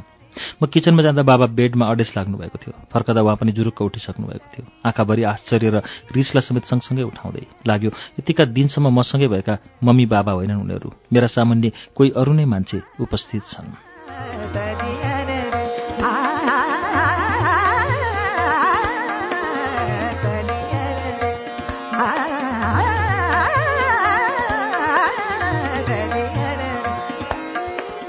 मम्मीको प्रश्नको जवाफ दिनै सकिनँ। बाबाले पनि रातो पिरो आँखा बनाउँदै सोध्नुभयो कसको हो यो? केही बाहना बनाउन सकेको भए त हुन्थ्यो नि अघि। मेरो होइन अरू कसैले राखिदिएकी हुँ भन्न पनि सकिनँ मैले। त्यसो भनेको भए उहाँहरू सायद पत्याउनु पनि हुन्थ्यो कि? तर पनि मेरा आँखाहरूले मलाई साथ दिन थिए होला। ठिकसँग आँखा पनि जुदाउन सकिरहेको थिएन। आत्मसमर्पणको मुद्दा लिएर मुद्रा लिएर र मन दुवैलाई लत्तो छाडेर मौन उभिरहेँ जहाँ उभिएकी थिएँ ठिङ्ग त्यहीँ। चार पाँचचोटि सोधिसक्नु भएपछि मैले नडाँटी भन्थेँ अतीतसँग भएको बिहाको कुरा। रेड ह्यान्ड पक्रिएको अपराधी पुलिसका अघिल्तिर के भनोस् सब थोक निथोरेरै भनिदिए।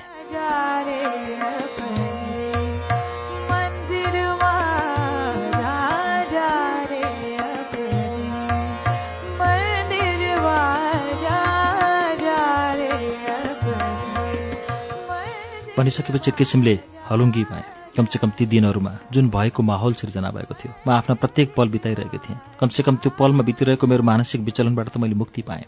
गलेर फत्रक्क भइसकेकी थिएँ। प्रत्येक क्षण त्रासको गरुङको भारी बोकेर हिँड्दा त्यो बोझ बिसाउने अवसर त मिल्यो। नभए म उसै कमजोर भइसकेकी थिएँ। खानु न पिउनु सुत्नु न जाग्नु भएकी थिएँ। मुटुको दुखदुखीलाई नर्मल स्थितिमा ल्याउन त सफल भएँ। एउटा बोझबाट मुक्ति पाएकी थिएँ। अर्को बोझलाई मन मस्तिष्कमा थुपारेर हिँड्ने शर्तमा। एउटा अल्पकालीन समस्या निवृत्तिका लागि अर्को दीर्घ समस्याद्वारा सङ्क्रमित हुने साहस गर्दै। समस्या भन्ने चिज यस्तै रहेछन्। खाली ठाउँ देख्नै नहुने। मान्छे कुनै पनि क्षण समस्याहीन भएर हिँडेको हुँदैन। सायद मान्छेको अवचेतन समस्या नपाली बस्नै सक्दैन मान्छे।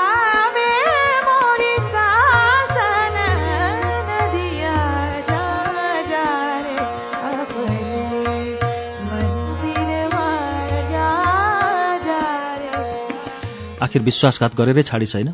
मद्वारा सत्य अनावरण भइसकेपछि पहिलो प्रतिक्रिया बाबाको यसरी आयो।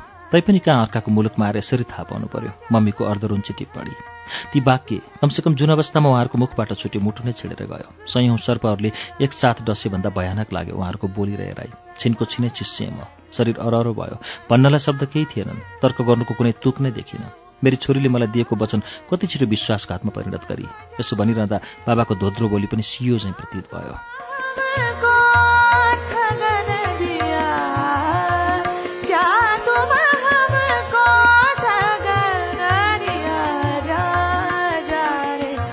म तल परेँ। वास्तवमा मैले विश्वासघात त गरेकी नै थिएँ। विश्वासघातको प्रतिरक्षा केले गर्नु? प्रेमलाई तेर्स्याएर आफूलाई माथि पार्नु?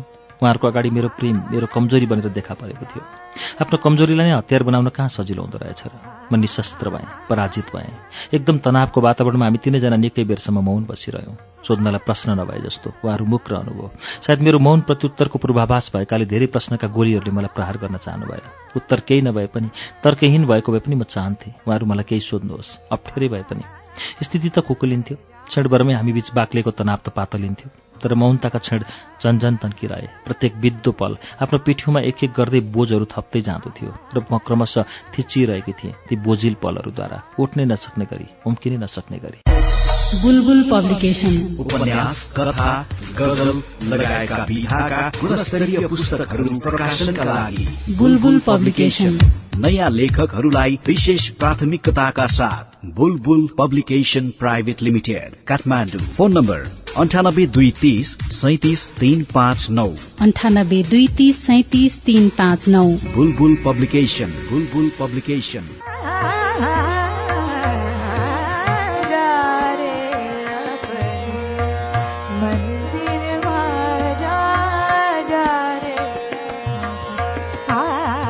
निशब्द रात बिताइसकेपछि सम्वादहीनतामै अधिक पल बिते बिहान उठेर नुहाउने जाँगर पनि चलेन। ननुहाइकनै उठेर चिया पकाएँ। कुनै सम्वाद नसाटिकनै चिया खाइयो। उहाँहरूलाई एयरपोर्ट पुर्याउनु थियो।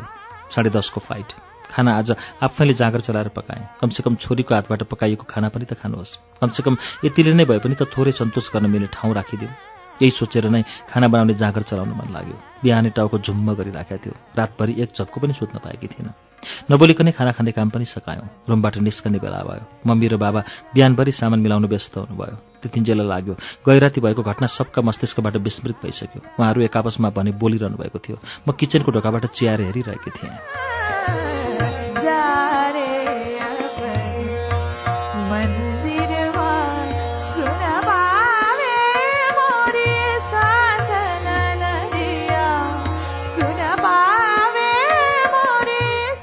एयरपोर्टसम्म जाँदा पनि हामीले नबोलेरै काम चलायौँ। छुट्टिने बेलामा भने बाबाले मात्रै हेर्दै भन्नुभयो काठमाडौँ पुगेर फोन गरौँला आफ्नो ख्याल राख्नु। मलाई लागेको थियो बाबा त्यति बेला गए रातिकै कुरा लिएर केही भन्न लाग्नु भइरहेछ। तर त्यो विषयमा पुनः दोहोरिएर कतै कहीँ केही कुरा उठेन। कुरा उठेर कतै किनारा लागेको भए हुन्थ्यो भन्ने चाहना मैले राखिरहेकी थिएँ। तर त्यो कुरा कसैले उठाएन। त्यो कुरा मात्र होइन। हामी बिच अरू नै कुरा पनि केही पनि उठेन। उड्नुभयो उहाँहरू। हेर्दा हेर्दै मेरो आँखा अघिल्तिरबाट। छोरी भेट्न आएका मम्मी बाबा फर्कने बेलामा उसको विश्वासघातको नमिठो थप्पडसहितको उपहारसहित मेरो पोल्टोमा प्रशस्त ग्लानी र छोप भरिदिँदै।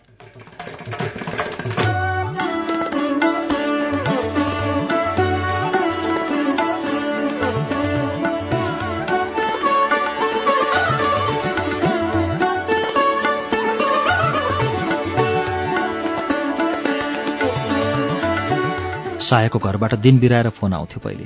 नर्वेबाट फर्केपछि उनीहरूको फोनै आउन छोड्यो। ऊ भने बारम्बार फोन गरिरहन्थे। उसको फोनको जवाफमा उनीहरू राम्ररी बोल्न पनि छाडे। ऊ आफैमा हराउन थाली। छायाको तनाव बढ्दो थियो तर उसको तौल घट्दो थियो। दुब्लाएर टाट पल्टी आँखाको डिलमा डार्क सर्कल बस्न थालेको थियो। खाना खान्न थिए। राति अबेरसम्म अनितो बस्ती। यो सब देखेर मेरो पनि तनाव बढ्यो। तनाव भन्नु मात्र मानसिक। यो कुनै भाइरसभन्दा कम हुन्छ र सङ्क्रमण हुनु यसको धर्म। बस्न सकिनँ म यो सङ्क्रमणबाट। तैपनि म उसलाई सम्झाउन खोज्थेँ। यो के साया? म त सँगै छु नि तिमीसित। मैले अलिकति सम्झाउँदा उछेड भर्ला केही सम्हालिन्थेँ पनि तर केही समयपछि ऊ आफ्नै खिन्न मुद्रामा फिर्ता हुन्थे। अनि मैले उसलाई फेरि सम्झाउनु पर्थ्यो। मोबाइलको ब्यालेन्स सकिएर रिचार्ज गरे चाहिँ बेला बेलामा दुई चार मोटिभेसनल स्पिच दिनु पर्थ्यो उसको मुड रिचार्ज गर्न। वास्तवमा संसारमा अर्कालाई सल्लाह र सुझाव दिनु जस्तो सजिलो काम केही होइन होला। म यो सजिलो कामको फाइदा यसै बेला उठाइरहेको थिएँ।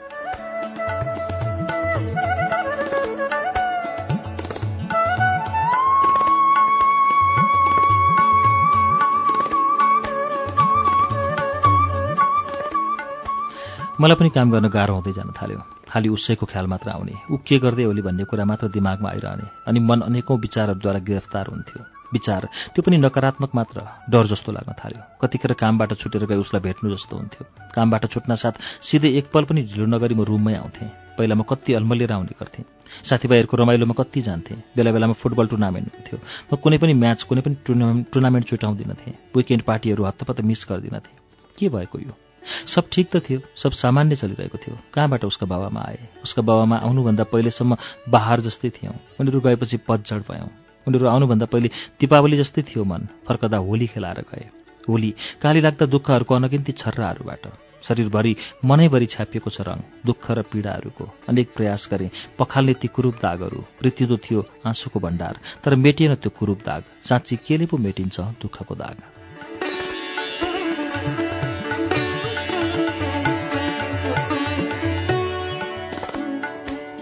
बाबामाका लागि छोराछोरी र छोराछोरीका लागि बाबामा लक्षण हुनुपर्ने नि। उनीहरू त अलक्षिने वायु जस्तै भएर आए र हाम्रा झोलीभरि तुसारो भरिदिएर गए। हामी फुल्न खोजिरहेका एक जोडी फुल दिनानुदिन पत्र पत्र झर्दै गयौँ हाँगा हाँगा नुहाउँदै गयौँ हेर्दा हेर्दै लत्रक्क मुर्जायौँ अनेकन नकारात्मक विचारहरूको सङ्क्रमणले कुपोषित भयो हाम्रो मनस्थिति र कुपोषण क्रमशः फैलिँदो थियो उसको शरीरभरि मनैभरि आँखैभरि। साया प्लिज म भन्थेँ यसरी हरेस नखाऊ। अलिकति त आशा राख। बाबा बिरामी हुनुहुन्छ अतीत। खुब हुन्छन् बिरामी। मलाई ज्वाक चल्यो यसै। कराएँ रिसको जोकमा। त्यो काइते बुढो। तिमीलाई इमोसनल ब्ल्याकमेल गर्ने षड्यन्त्र गर्दैछ बुझौ खबरदार साया। बुढाका यस्ता किसिमका कुराको जालमा फस्ने होइन त्यहाँ। वास्तवमै यो कुराले मेरो प्रेसर एकाएक बढेको थियो। कसरी पत्याउँ बुढोको कुरा? छोरीले आफू अनुकूलको बिहा गरिन भन्दैमा बुढालाई बिरामी भएको नाटक गर्नुपर्ने। के अपराध गरेकी हो उसले? हामी उनीहरूको समाजमा गएर कुनै हालतमा हस्तक्षेप गर्ने थिएनौँ। इज्जत मान प्रतिष्ठा बुढा आफैसँग राखुन् न। किन तोड्न खोज्छन् बारम्बार हाम्रो सम्बन्ध? कस्तो धराप बुढोको मान प्रतिष्ठा। जब एउटा सम्बन्धले तोडिने सम्बन्ध त्यो पनि नेपालको कानुनले पास गरेको सम्बन्ध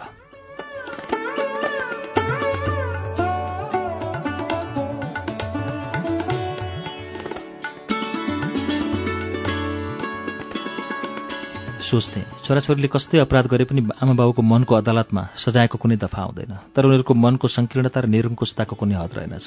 साया या नखाएर नसुतेर फुक्कीढल भइसकी। खोइ त्यसको प्रभाव उनीहरूलाई। खोइ माया। खालि आफ्नो कथित इज्जत जोगाउन छोरीको आरोग्यताको बलि चढाइरहेछन्। दिन बिते हप्ता बिते महिना बिते तर बितेर सकिएन ती पल जहाँ हामीले बिर्सन थालेका थियौँ हाँस्नलाई। उता दयामान बिरामी भएको नाटकको खबर सायमालाई बेला बेला दिइरहन्थे। म रिस व्यङ्ग्य र उपेक्षाले भरिएको आँसुले प्रतिक्रिया दिन्थेँ। हाम्रा दिनचर्यामा कुनै सुधार आउन सकेन। ऊ झन्झन प्रताडित हुँदो थिए। म पनि आफ्नो ठाउँमा बेदीर्ण हुन्थेँ।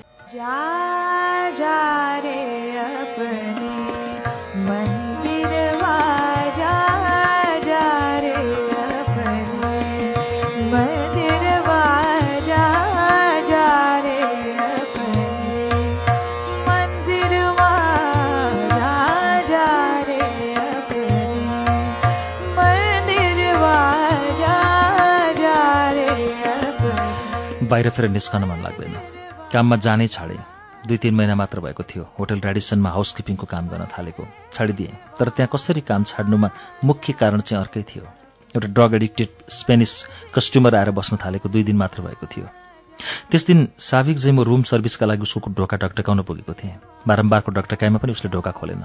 शङ्काले मनलाई आफ्नो नियन्त्रणमा लियो। अरू स्टाफहरूलाई सुनाए। फेरि आएर ढकटक गऱ्यौँ। खुलेन ढोका। अन्तमा केही नलागि ढोका फोड्न विवश भयौँ। त्यो स्पेनिस मरिसकेको थियो। सोफामा देब्रेतर्फ ढल्किएको।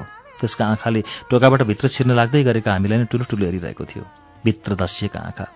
ती दिनहरूमा सायाका आँखा पनि भित्र धसिएका थिए। एक क्षणलाई ती आँखा सायाकै लागे। मानौ साया मलाई हाम्रो रुममा छिर्ने बेलामा ठुलो हेरिरहेकी थिए। मुटु अचानक आन्द्रातिर झरे जस्तो भयो। हातखुट्टा थरथर काँप्न थाल्यो।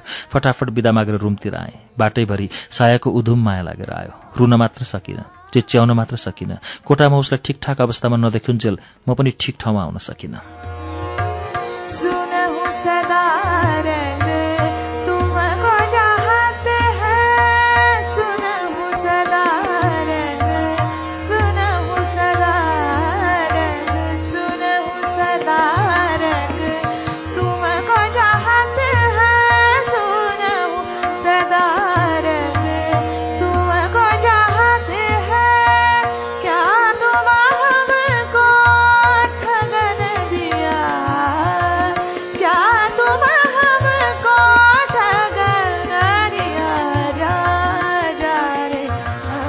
त्यसपछि त्यहाँ काम गर्ने मन लागेन।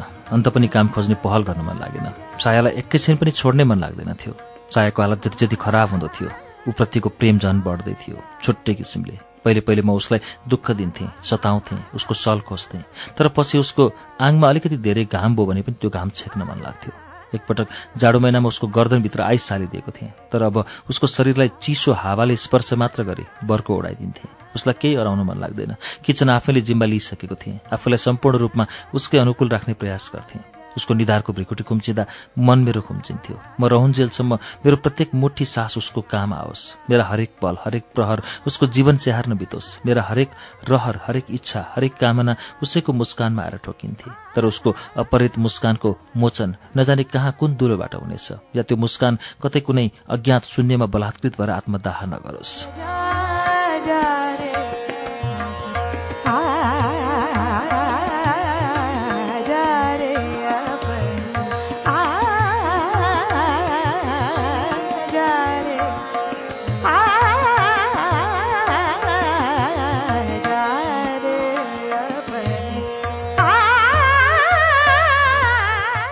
हरेक दिनको सुरुवातसँगै मेरो बिहानी निराशाका बादलले प्रकाशहीन बनाइरहन्थ्यो। चाया हाँस्दिनथी बोल्दिनथी। मन सधैँ अशान्त हुन्थ्यो दिगदार लाग्थ्यो। अनेक सिप लाएर बनाएको खाना खाइदिन्नथी। मुखैमा लगेर कोच्याएर खुवाउनु पर्थ्यो तैपनि परैबाट हातले रोक्थे उसको स्याहार सुसारमै आफ्नो धेरै समय बित्न थाल्यो। एक दिन त रिस पनि उठ्यो। मसरुम सुप बनाएको थिएँ। उसको अगाडि बटुका लिएर खुवाउन लागिरहेको थिएँ। ऊ जिद्दी बच्चाहरू जस्तो मुख ट्याप्प गरेर नखाने भन्दै बसिरहे। प्रयास गर्दा पनि खान मानिन। मलाई घोर रिस उठ्यो। एक थप्पड लगाइदिएँ। मेरो थप्पडको कुनै रेस्पोन्स दिएन उसले। खालि ट्वाललाई हेरिरहे र एकछिनमा दुवै आँखाको कापबाट आँसुको एक जोडी धर्सो जारी। मलाई चरम पश्चाताप दिलाउँदै मेरो कमलो मनलाई छिया छिया बनाउँदै उसलाई कहाँ दुख्छ? के चल्छ उसको मनभित्र? मलाई केही थाहा थिएन। कतिपटक रुँदै सोधेँ उसलाई कहाँ दुख्छ साया तिमीलाई? कहाँ पोल्छ? के के हुन्छ? तर ऊ मान्छे कम र रोबोट ज्यादा भएकी थिए। केले सञ्चालित छ उसको रोबोट चाहिँ मन मस्तिष्क? म बुझ्दिन थिएँ।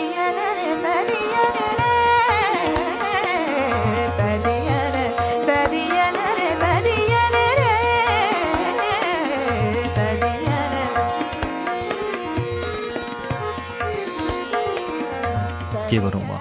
कहाँ कसलाई गुहारौँ? थुप्रै साथी थिए वरपर तर पनि एकदमै एक्लो फिल हुन्थ्यो। केही कुरा आफ्नो लाग्दैन केही कुरा ठिक लाग्दैन। हरेक कुराप्रति वितृष्णा मात्रै छ। मान्छे कसै गरी पनि खुसी छैन। सब दुःखी देख्छु म जस्तै। को होला र खुसी? सबैलाई सोध्न मन लाग्छ। लाग्छ खुसीको कुनै कारखाना नै हुने भए पनि संसारका सब मान्छे त्यहाँ काम गर्न नपाएर दुःखी हुन्थे। चाहे त मरिरहेकी नै थिए। लाग्थ्यो प्रत्येक पल म पनि मरिरहेको छु।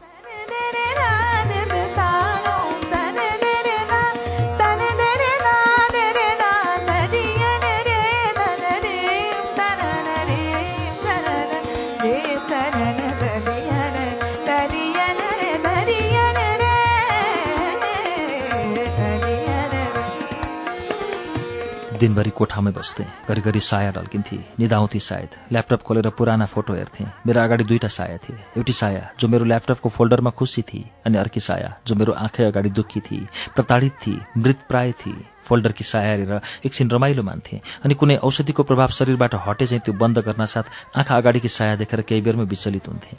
पुराना यादहरूको सहाराले जीवनमा अलिकति रङ घोल्ने प्रयास गर्थे तर यादहरूले पनि पोल्न थालेका थिए। चहराउन थालेका थिए। साँच्ची यादहरू पनि कति धारिला दिनका दिन आउँछन् र छाती चिरेर जान्छन्।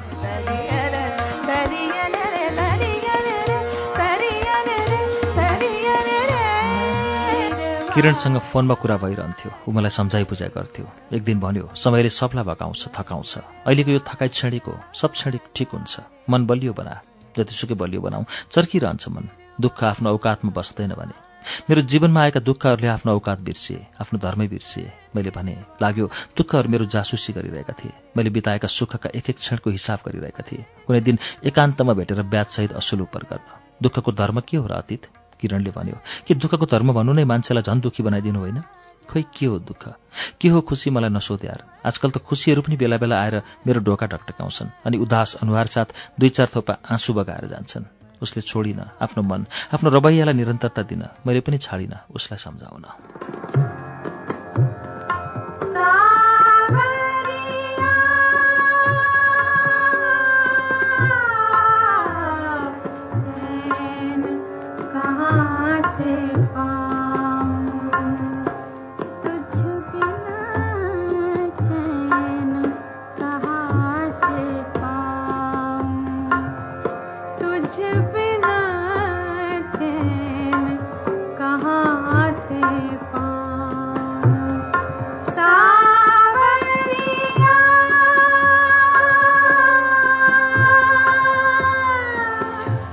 उसले छोडिन।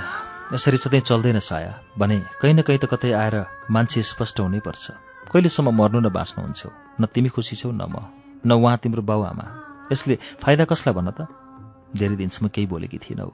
त्यस दिन बोल्ने आवश्यकता महसुस गरिछ भनी ठिक भन्यो अतीत यसरी सधैँ चल्दैन। त्यसैले अब एउटा अर्को निर्णय लिनुपर्छ। म काठमाडौँ फिर्न चाहन्छु।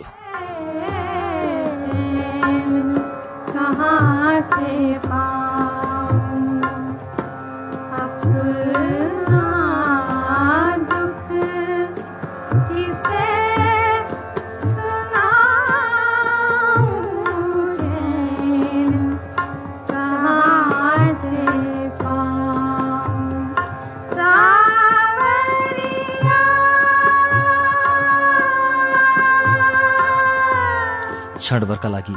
उसको यो कुरा सुनेर म फतक्क भएँ। उसको त्यस किसिमको प्रस्तावलाई मनले सहजै स्वीकार्ने कुरै थिएन। सोधिहालेँ के गर्छौ त्यहाँ गएर? बाउको इमोसनल ब्ल्याकमेलका अघिल्तिर घुँडा टेक्छौ हो अतीत अब त्यही गर्छु। कति सजिलैसित भने कि? अनि म? मैले रुन्चे बोलीमाथि नियन्त्रण गर्ने प्रयास गर्दै भने म चाहिँ यहाँ एक्लै छौँ। मरौँ यहाँ यो बिरानो सहरमा? बडो भावुक हुँदै भने रुन मात्र सकिरहेको थिइनँ म तर भित्रभित्रै भक्कानिएको थिएँ। अब योभन्दा बढी भावनात्मक प्रहार भए मलाई सङ्कोच र अप्ठ्यारो हुने छैन पोखिनलाई।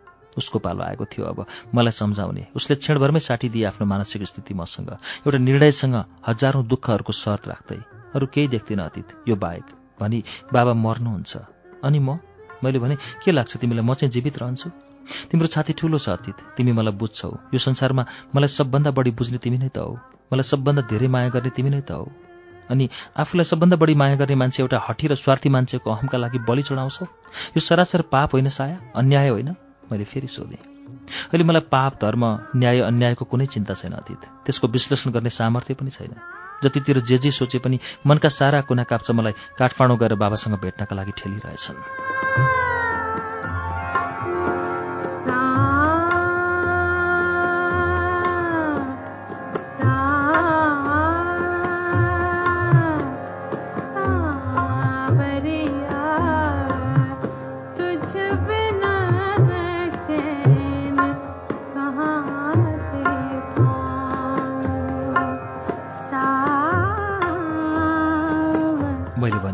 अनि तिम्रो बाउले जे भने पनि मान्छौ? ढुक्क छु अतीत। म त्यहाँ सुली चढ्न जाँदैछु। मैले पनि यति स्वार्थी बन्नु हुँदैन कि आफ्नो एउटा निर्णयका लागि पिताको प्राणको जिम्मेवारी लिऊ। तिमी कति सोझी साया। तिम्रो बाबामाले जे देखाउँछन् जे बुझाउँछौ त्यही मात्र बुझ्छौ अघि। त्यस्तो होइन अतीत। म त्यही बुझ्न खोज्छु अर्थक बुझ्न चाहन्न। लाग्दैन हामी धेरै पर पुगिसकेका छौँ। फर्कन सम्भव छैन भन्ने चाहिँ बुझ्दैनौ तिमी? मैले फेरि सोधेँ। एउटा उचाइमा पुगेपछि झर्नु नै पर्दो रहेछ अतीत। जति नै माथि पुगे पनि गुरुत्वाकर्षणले मान्छेलाई तर झालिहाल्दो रहेछ। के खोट थियो र हाम्रो प्रेममा साया? मैले फेरि उसलाई सोधेँ कि हामी कहिले नफर्कने शून्यमा गएर विलिन हुन सक्दैनथ्यौँ? सक्थ्यौँ होला तर केही निष्ठुर प्रभावहरू धरतीमै रहेछन्। जान दिएनन् अतीत हामीलाई त्यो शून्यसम्म।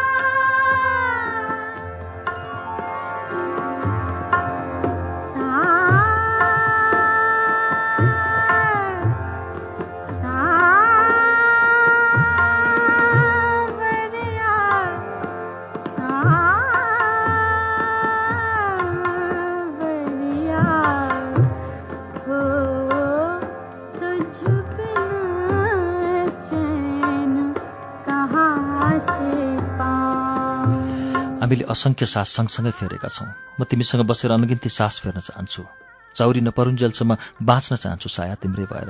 एक दिन बानेश्वर चोकमा तिम्रो घर अगाडिबाट गुज्रिँदा आँखाभरि डर र टाउकाभरि सेता कपाल लिएर टिनेजर चाहिँ हिँड्नुपर्ने त्योभन्दा तिमीले नै भनेकी होइन। यस्तो पाए के खोज्नु भनेर? यति भनिसकेपछि बोल्ने ताकत नै हरायो मेरो। विचार शून्य भएँ किन साया बेला बेला यस्तो कदम उठाउँछे? किन विचलित हुन्छे ऊ घरिघरि? मेरो अवस्थालाई निहाल्दै ऊ बोल्दै थिए तर अतीत यसको माने यो होइन हामी बिछोड हुनेछौँ। बाचा गरौँ। हामी हाम्रो स्थितिलाई लिएर कहिले रुने छैनौँ। म तिमीलाई हरेक दिन फोन गर्छु जहाँ गए पनि। जुनसुकै अवस्थामा भए पनि तिमी पनि मलाई निरन्तर फोन गर्नु। अहिले अलग अलग त कहिले साथसाथै तडपियौँ हामी हाम्रो प्रेममा। अब आजबाट प्रण गरौँ। हामी जीवनभरका लागि एकअर्काको हुन नसके पनि यो दुःख भन्ने चिजलाई झोकिएर पनि हाम्रो जीवनमा प्रवेश हुन दिने छैनौँ। बाचा गरौँ। कुनै पनि दिन हाम्रो नबितोस्। जुन दिन हामी फोनमा नबोलेका हौँ। सधैँ एक आपसकै समीपमा छौँ भनेर अनुभूति गर्नेछौँ हामी। म तिमीलाई मेरो जीवनको हरेक घटना अपडेट गराइरहनेछु। तिमी पनि त्यस्तै गर्नु। एउटै सहरमा रह्यौँ भने लुकीचोरी भेटिरहनेछौँ। अझ म त भन्छु मिलेसम्म जहाँ भए पनि एकअर्कालाई भेट्ने अवस्था सिर्जना गरिरहँ बाछा गरौँ। हामी सेतै फुलुन्जेलसम्म चौरी परुन्जेलसम्म सम्पर्कमा रहिरहँ। कहिल्यै बिर्सने प्रयास नगरौँ। समाजले जायज सम्बन्ध रुचाउँदैन भने नाजायज सम्बन्ध नै सहित। उसले रुँदै भनी भावावेशमा थिए सायद। व्यवहारिकता आदि बिर्सेकी हुँदियो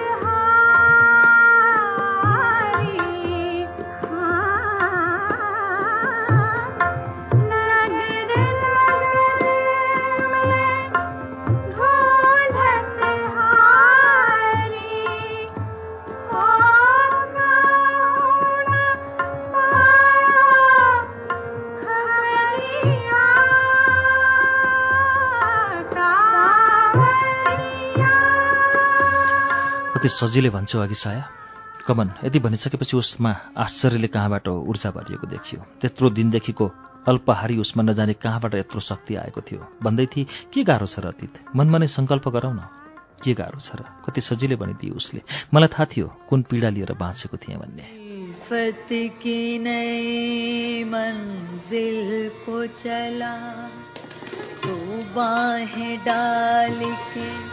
बाहों में दिल तोड़ने वाले देख के चल। हम भी तो पड़े हैं राहों में। हम भी तो पड़े हैं राहों में। उल्फती की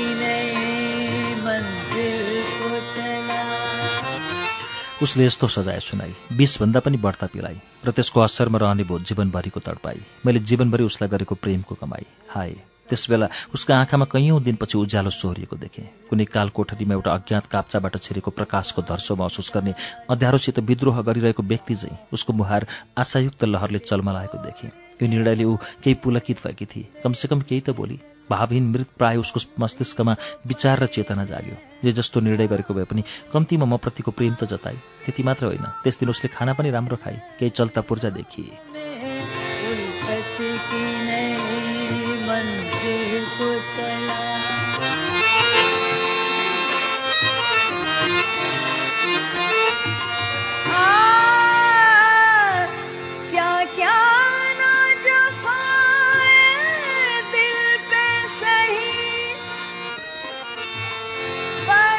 साया अर्धमृत स्थितिबाट बिउजिएकी थिए। कति महिनापछि ऊ पुरानो अवस्थितिमा फिर्ता भएकी थिए। योभन्दा खुसी योभन्दा आशा म के गरौँ? तर उसको निर्णय त्यो निर्णय पनि त सजिलो कहाँ थियो? म कुन हालतबाट गुज्रिनेछु? ऊ मेरो जीवनमा नभएपछि त्यो म बयान गर्न पनि सक्दिनँ।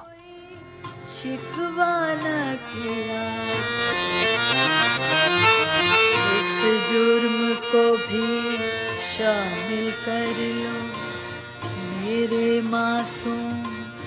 गुनाहों में दिल तोड़ने वाले देख के चल। हम भी तो पड़े हैं राहों में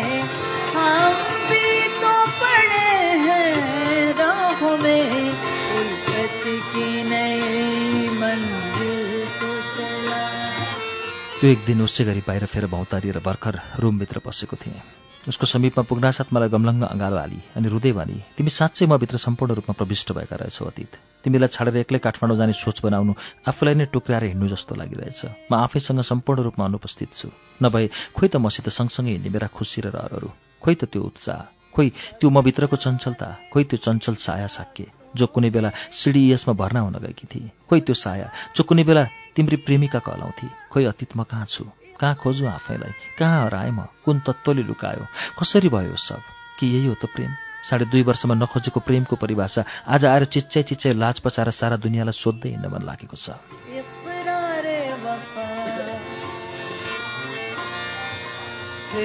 आज है क्यों? हम बेगाने, तेरी बेरहम निगाहों में दिल तोड़ने वाले देख के चल। हम भी तो पड़े हैं राहों में, हम भी तो पड़े हैं राहों में। उल्फत की नई मंजिल को चला। अतीत बिना साया अपूर्ण हुन्छ तिमी मसँग अलग छौ र यसरी एउटै चिजबाट आधा भाग टुक्राएर लैजान खोज्दा कहाँ भेट्छौ त आफूलाई सम्पूर्ण रूपमा? मैले भने मेरा कुरा सुनेर उसले आँसु पुस्दै सम्हालिने प्रयास गरी। म पनि सम्पूर्ण भरिएको थिएँ। रुनु पनि कति। एकपटक रोएर जीवनभरिको भाग पुर्याउनु पाएँ। आजै रोएर सकिदिने थिएँ। यता धेरै दिनदेखि आँखाहरूले पनि याम फेरेको थियो। मानौ रुनु नै यसको धर्म हो। कहिलेकाहीँ लाग्थ्यो आँखाहरू हेर्न कम रुन ज्यादा भनेका हुन्।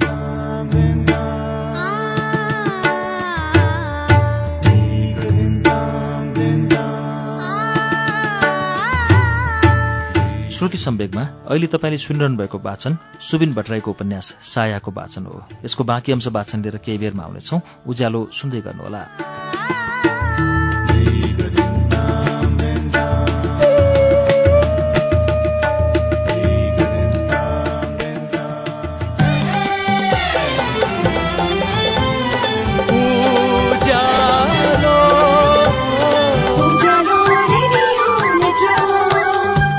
सीधा कुरा प्रश्न विचार। Ujyaalo radio network.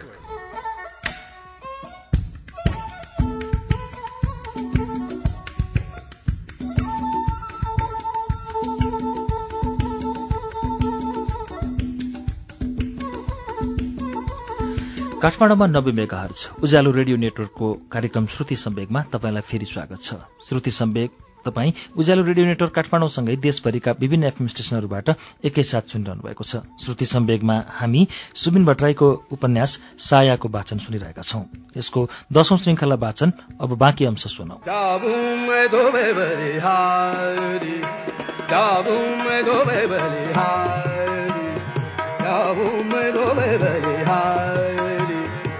जाऊं मैं बलिहारी उसको अपनात्व छाडेर यो पराई सहरमा सपथोक पराई लाग्थे। नभए आफै बिरानो भइसकेको थिएँ। कम्तीमा आफ्नै लागि। हामी जीवनभर गलत धारणा बनाएर बाँचिरहेका हुन्छौँ। आफ्नै महत्ताको आत्मरतिमा सुन्निएको मान्छेलाई मोटाएँ भनेर फुर्किए चाहिँ अनावश्यक फुर्किन्छौँ। आफूलाई सम्पूर्ण रूपमा बिर्सिन आँट्दा उद्दर्पण बनेर देखा परे। मेरो सिङ्गो अस्तित्वलाई प्रत्यावर्तन गराउँदै खिसकेको थियो। रङ्ग उडिसकेको थियो। उसको प्रवेशले म टलक्क टल्किएको थिएँ जसरी टल्किन्छ बिहानीको प्रभावमा सुन्दर सगरमाथा। मेरो अस्तित्वलाई गोचर गराइदिने तत्त्व मेरो जीवनबाट लुप्त हुँदै थियो। म हुनुको आभास दिलाउने कोही मेरो जीवनबाट चुडिएर जाँदै थियो।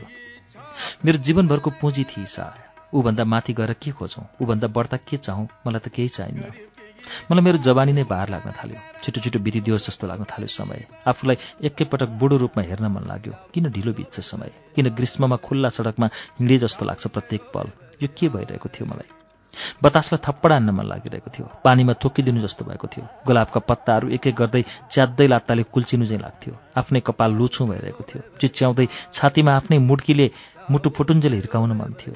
मिल्ने भए अझ त्योभन्दा बढी अघि बढेर खसाइदिन्थे आकाश जुन र ताराहरू। खसाइदिन्थे सूर्य। पगालिदिन्थे जम्मै धरती। न रहन्थ्यो बाँस न बस्थ्यो बाँसुरी। न रहन्थ्यो छाती न रहन्थ्यो चोट। न रहन्थ्यो घाउ न रहन्थ्यो दुखाइ।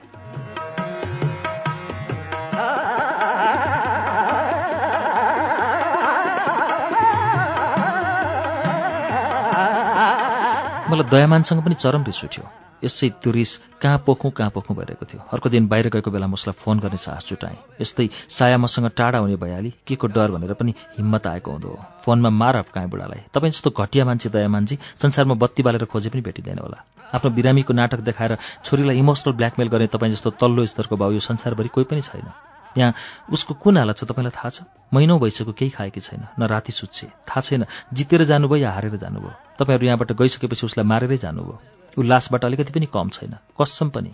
भोलि सायालाई केही भइहाल्यो भने म तपाईँलाई पनि छाड्दिनँ। सेम अन यो दयामान। अन्तिम वाक्य चिच्याएर भने वरपर दुई तिनजना मान्छे थिए। म तेरो फर्की फर्की हेर्दै थिएँ। यति भनिसकेपछि रिस थोरै शान्त भइसकेको थियो। मोबाइल कसिएर समातेको थिएँ। त्यो मोबाइल दयामानको गर्दन भइदिए अझ बेसरी समात्दो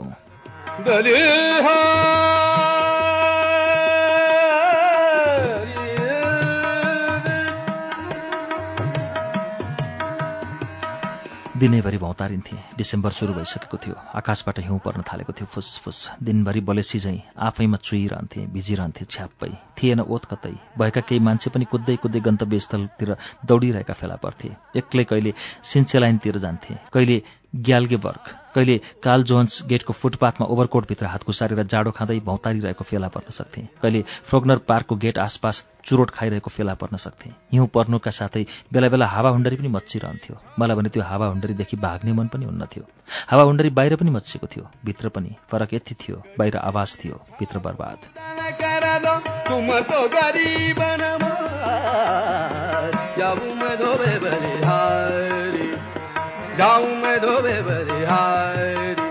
साया खाना खान थालेकी थिए अलिअलि बोल्न थालेकी थिए किचनको काम पनि सुरु गरिसकेकी थिए। यी चिजहरूलाई प्रगति माने मेरो जीवनमा खुसी हुने ठाउँ पनि प्रशस्त थिए। कहाँ कुन अवस्थाबाट आइपुगेकी थियो यहाँसम्म मलाई थाहा थियो। केही दिन अझ बितेको भए उसलाई हस्पिटलाइज गर्नुपर्ने स्थिति आउँथ्यो। उसले एउटा निर्णय गरेकी थिए। त्यसैले दिएको अल्पकालीन ओखति थियो त्यो। र मलाई यो पनि थाहा थियो त्यसको प्रभावले ऊभित्रको पीडालाई जीवनभरि किमार्थ थ्याक्न सक्दैन। ऊ पुनः प्रताडित हुन्छ। तर उसलाई भोलि जीवित देख्न आज मर्न दिनुहुन्न मैले बुझेको यति हो। त्यसैले उसको निर्णयको गुलाम भएँ र म आफ्नै प्रेमको मलाम गएँ। टिकट कहिले ल्याइदिन्छौ अतीत? ऊ काठमाडौँ जाने हतारो देखाउन थाली। उसलाई सम्झाइ बुझाइ गर्न छोडिसकेको थिएँ। टिकटका लागि बुझ्न हिँड्ने भन्दै रुमबाट निस्केँ। टिकट मिल्नु के गाह्रो थियो र? बुझिसकेपछि दिनभर एल्बिन अप ग्यालरी एन्ड आर्ट क्याफेमा कफी र चुरोट पिउँदै बिताएँ। छाया बिना बाँच्नुको अभ्यास गर्नु थियो। दिनभरि कोठामै बसेँ। उसँग झन् माया मोह बढ्ला भन्ने पिर झन् आसक्त भइएला भन्ने भए। त्यसैले दिउँसो सक्दो बाहिर बिताउँथेँ। कतिपटक रुममै हुँदा पनि उसलाई इग्नोर गर्ने सक्दो प्रयास गर्थेँ। खाटमा सुत्दा करिब दुई फिटको ग्यापमा सुत्न थालेका थियौँ हामी। बाहिर निस्कँदा पनि नसम्झने हजारौँ प्रयास गरेँ। तर म कति मूर्ख? के कसैलाई नसम्झने हजारौँ प्रयास गर्नु भनेको उसैलाई सम्झनु होइन। कुनै चिजबाट कोही भाग्छ भने उसले त्यही चिजलाई मात्र ध्यानमा राखेको हुन्छ।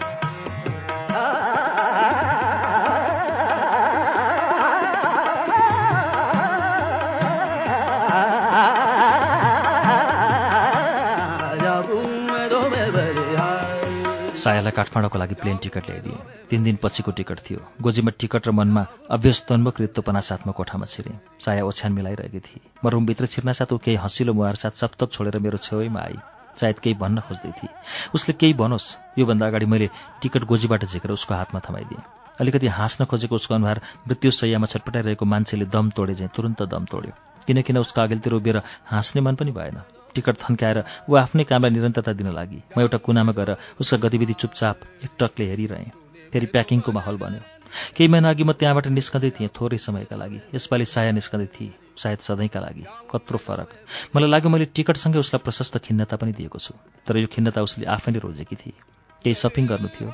जानुभन्दा एक दिन अघि मलिन आवाजमा भने तयार पर। उसलाई भनेर आफू पनि तयार पर्न लागे। सपिङका लागि ओस्लो सिटी सेन्टर र बिपोटन गयौँ। आकाशबाट हिउँ झरिरहेको थियो। सडक सबै सेताम्बे थिए। सिरोटोले बाटैभरि हानिरह्यो। मलाई न्यास्रो फिल भइरह्यो। पहिले पहिले चाहिँ उसलाई अङ्गालोमा कसेर हिँड्ने मन थियो। तर अब आफ्नो पन्जाबाट उम्किसकेको मान्छेको मोह किन गर्नु? हामी प्रेमको एउटा ठुलो संसारमा खुसी खुसी कैद थियौँ। अब त्यो ढोकाबाट ऊ एक्लै निस्केर उठ्दैछ। मलाई फगत एक्लै छाडेर।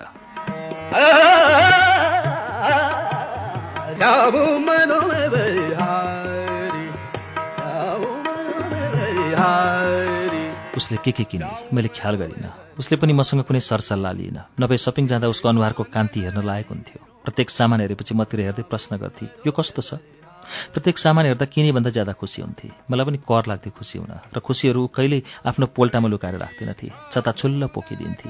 सायाको साथ हुन्जेल मैले कहिल्यै खुसी खोज्दै हिँड्नु परेन। हाँस्नलाई कहिले बाहना खोज्नु परेन कहिले रुनु परेन कहिले विचलित हुनु परेन। वास्तवमै साया मेरो जीवनको सह थिए। अब नभएपछि मेरो सह मेरो लक्षण सारा स्वरार पटार गरेर लैजान्छे बिल्डिङनिर पुगेपछि सायाले मलाई भने आज अन्तिम दिन सेलिब्रेट गरौँ न अतीत। मलाई फिक्का आँसु उठ्यो। तर त्यसमाथि नियन्त्रण गर्दै भने बिछोडको सेलिब्रेसन? पुलुक्क मात्रै हेरी सायाले हामी उल्लेवल स्टेडियममा पुगिसकेका थियौँ।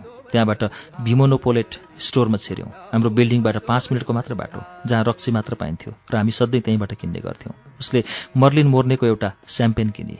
रुममा पुगिसकेपछि मर्लिन मोर्नेको बोतलबाट उसले गिलासमा अलिकति स्याम्पेन खनाई। भावुक हेराई मेरो आँखामा ठक्काई। त्यस रात उसले मलाई पिलाउनु पिलाई।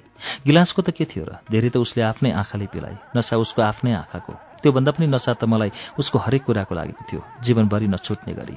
राति मातेर टिल्ल टिल्ल भइसकेपछि साया एक्कासी आएर मलाई हक गर्दै रुन थाले। म पनि नरोइकन रहन सकिनँ। धेरै दिन भएको थियो। सायालाई छोएकोसम्म रहेनछु। उसको स्पर्शको अनुभूति नै बिर्सिन आँटेछु।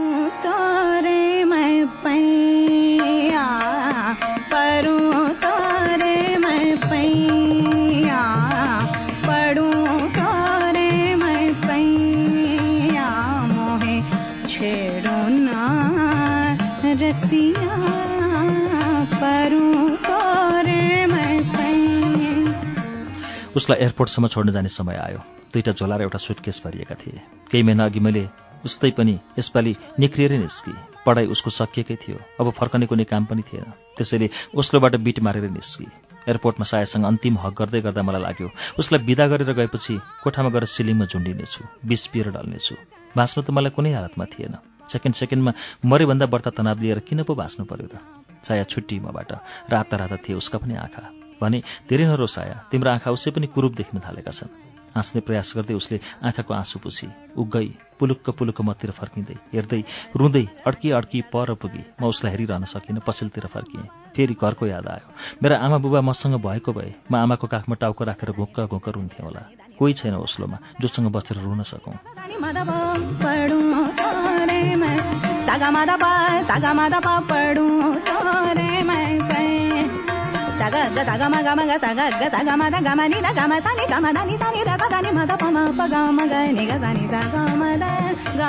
घरमा फोन लगाएँ आमाले उठाउनु भयो आमा यति नै भनेर म उहाँ उहाँ रुन थालेँ के भयो नरो बाबु त आमाले सोध्नुभयो मैले केही भन्नै पाएको थिइनँ आमा आफै पनि रुन थाल्नुभयो साया गई आमा थाम्नै सकिनँ यो कुरा भनी छाडेँ भन्ने कुनै योजना पनि थिएन केटाकेटी बेलामा फलानाले मेरो खेलौना खोस्यो भने जस्तै गरी रोएँ पुरै पिल्पिलिएर रोएँ जति जति बेला जीवनमा ठुलो सङ्कट पर्छ तब आमा चाहिँदो रहेछ बुबा चाहिँदो रहेछ। थाहा छैन आमा बुबामा के छ? उनीहरूको काखमा कुन जादु छ? के ओखती छ?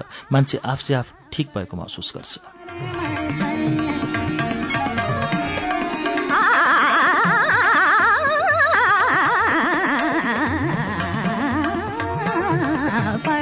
आमाको तिर्सना अझै पुगेको थिएन। फोन राखेर कोठामा आइसकेपछि ढोका थुनेर आमा आमा भन्दै चिच्याएर रोएँ। यसले कम्तीमा पासो लागेर मर्ने विचार चाहिँ मनबाट हरायो। यही होला सायद। आमा बाबुको मायाको चमत्कार। काठमाडौँ ल्यान्ड गरेपछि सायाको फोन आयो। म एयरपोर्टबाट आएर जहाँ जसरी ढलेको थिएँ त्यहीँ रहेछु। काम साम कतै पनि गइन। किचनमा पनि छिरेको रहेनछु। मुखमा एक थोपा पानी पनि छिरेको रहेनछ। नुनिला आँसुले दुवै गालाका साइडलाई कटकटाउँदो बनाएको रहेछ। अर्धबेहोस अवस्थामा एकै ठाउँमा लडिरहेँ। यादमा डुबुल्की मार्दै।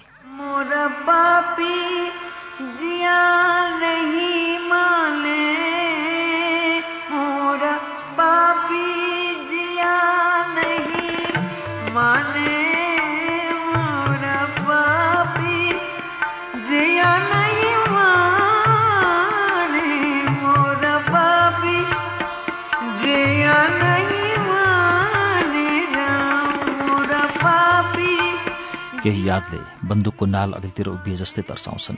केही यादले साउन भदौको आकाश जस्तै वर्षाउँछन् जति गरे पनि जोर नचल्ने मरेर जान्छ मान्छे बरु यादहरूले जिउँदै जलाउँछन्। विस्मृतिको पथमा पनि उसको स्मृतिका ठूला खाडल मात्र थिए। एउटै कुरा मात्र गरिरहेको थिएँ। उसलाई मैले याद गर्नुहुन्न तर मेरा प्रयास कति विफल हुन्थे र ती आफ्नो दुर्बलताको झ्याली पिट्दै मेरा सामुन्ने यसरी प्रतिबिम्बित हुन्थे मानव म तिनका होइन ऐनाका सामु उभिएको छु।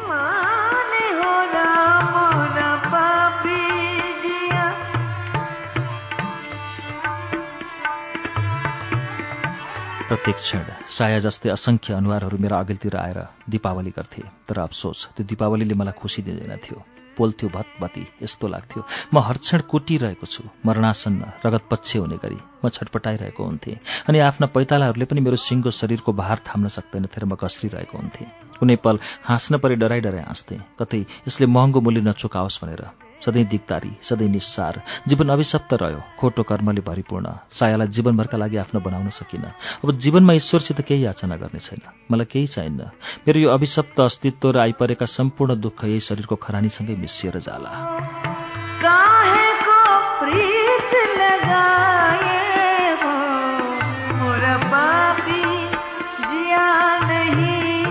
लगाए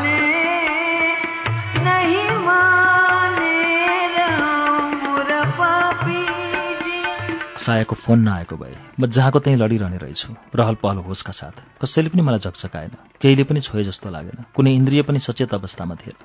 उसको फोन काटिसकेपछि उठेर बाथरुम गएँ मुख धोएँ आफ्नै अनुहार पाकेर कुन लागेको फर्ची जस्तो लाग्यो। किचनमा गएर एक कप कफी बनाएर खाएँ बोक थिएन। तर पेट बराएर एकदमै खोक्रो महसुस भयो। कफी खाइसकेपछि घाँटी घाँटीसम्म उलुक्क भयो। कोठामा बस्न मन भएन निस्केँ बाहिरतिर। कुनै योजना नलिकन स्याटले हानिरह्यो र हिउँ टाउकामाथि बर्सिरह्यो कहाँ पुग्नु थियो र? कोही भेटिएला भन्ने आश थिएन। भेटिए पनि लुक्दो हुँ। कसैका अगाडि मुख देखाउन मन थिएन। आँखा जुदाउन मन थिएन। बोल्ने हिम्मत थिएन। एक्लै हुँदा त आवाज पनि बेकामको लाग्ने। चेतनाको औचित्य नै नरहने।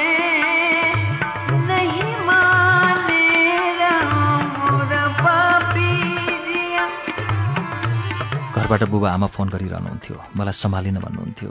अरू सब थोक सम्हालिन्थ्यो मन सम्हालिन्नथ्यो। त्यो झन् लथालिङ्ग छरप्रष्ट हुन्थ्यो। अझ यसो भनौँ सम्हाल्न मन पनि थिएन। वास्तवमा मलाई अब ठिकठाक अवस्थामा फर्किन मन पनि थिएन। थाहा छैन यो स्तरको निष्प्रियता के को द्योतक हो। आफै जटिल बन्दै गइरहेको थिएँ कमसेकम आफ्नै लागि। वर्षौँ ननुहाउने जोगीको कपालको लट्टा जस्तै जेलिँदै गइरहेको थिएँ आफैमा। कहिलेकाहीँ लाग्थ्यो ठुलो भूकम्प आइदिए हुन्थ्यो। कम्तीमा सायाको ध्यानबाट मस्तिष्क मोडिन्थ्यो होला। मनको चोट शरीरमा सरे पनि हुने। खप्नै नसक्ने स्थितिमा पुगेको थियो मनको चोट।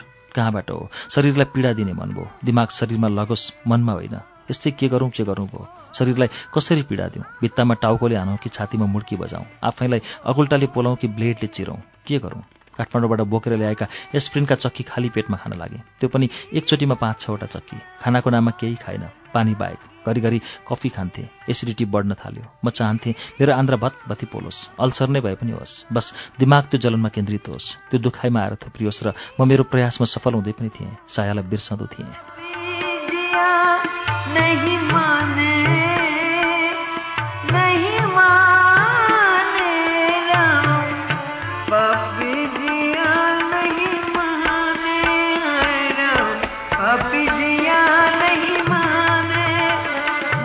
काठमाडौँ पुगेको पाँच दिनपछि मलाई फोन गरी। त्यो पाँच दिनसम्म कुनै सम्पर्क हुन सकिरहेको थिएन न मैले उसलाई फोन गरेँ न उसले गर्ने आवश्यकता महसुस गरेँ। साया केटिएम कलिङ आफ्नो मोबाइलमा यस्तो देखाउन साथै खै किन हो? मन अन्यलग्रस्त विचारको उहापोहमा निर्लिप्त हुन पुग्यो। अलिकति रोमाञ्चकता अलिकति भय अलिकति विस्मात अलिकति कुतूहल खै कस्ता कस्ता भाव सबै एकैसाथ आए। मनको एउटा सानो कुनाले भन्यो किन गरेकी होला फोन? नगरेकी भए हुन्थ्यो। बेकार मेरो घाउ बल्झाउन खोज्छे। अर्को मन सब कुरा बिर्सेर फुर्किरहेको थियो। आहा सायाको फोन भन्दै। सायद ऊ नर्वे फिर्ता आउँछ होली भन्दै फुर्किरहेको थियो।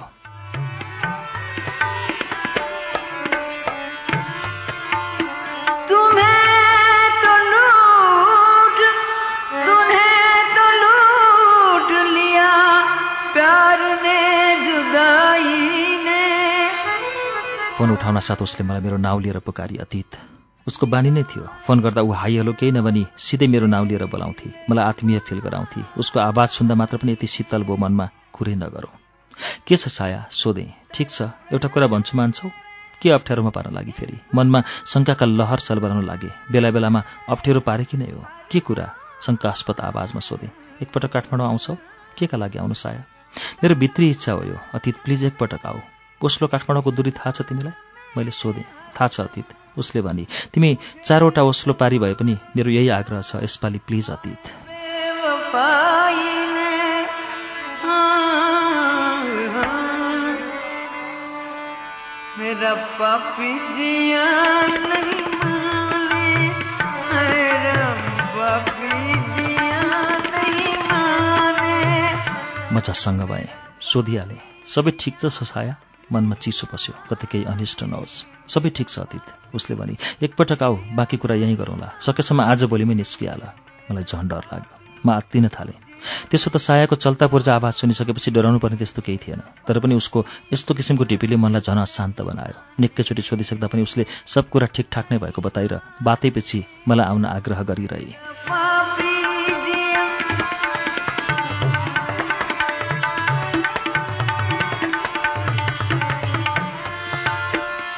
उसले धेरै करकाप गरेपछि आउँछु भने फ्लाइट पर्सिपटललाई निश्चित गरे। त्यतिन्जेलसम्म खाली पेटमा एस्प्रिन खान मन लागेन। अलिकति अन्न मुखमा हाले। कम्तीमा काठमाडौँ पुग्ने शक्ति त चाहियो। उसै पनि एस्प्रिन सकिने अवस्थामा पुगिसकेको थियो।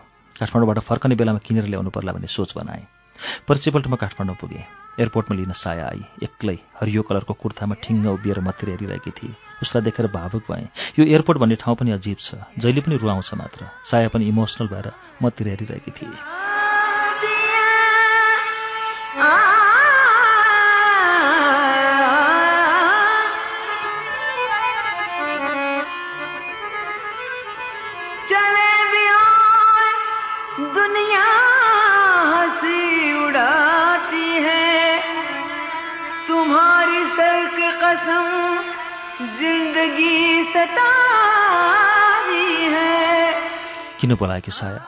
त्यहीँनिर सोध्न मन थियो। तर पुग्दा नपुग्दै के सोध्नु भनेर सोध्न मन लागेन। बोल्ने मुड पनि थिएन। रिङ्गट लागिरहेको थियो।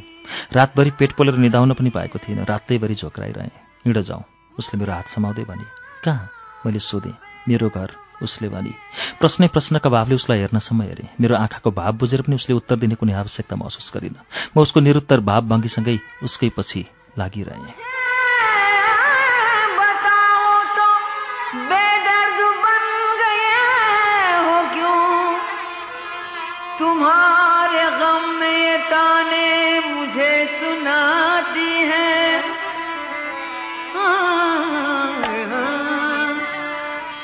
गाडी आफैले ड्राइभ गरेर ल्याएकी रहेछ। अगाडिको सिटमा बसेँ। निकै बेरसम्म दुवै चुपचाप चुपचाप। म आधा उधी बिरामी जस्तो मान्छे। एस्प्रिनले भित्रभित्रै डढाएर शिथिल भइसकेको थिएँ।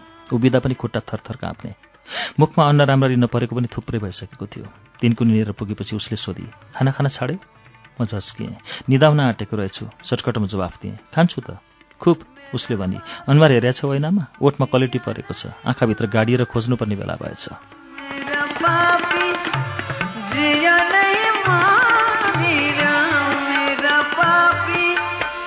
त्यसपछि भने केही संवाद भएन। गाडी एकैचोटि उसको घरमा पार्क भयो। म उसको पछि लागेँ बिस्तारै वाक वाकी लागिरहेको थियो। केही अगाडि बढिसकेपछि ऊ एकछिन टक्क अडिँदै मतिर हेरी भन्न लागि आऊ न।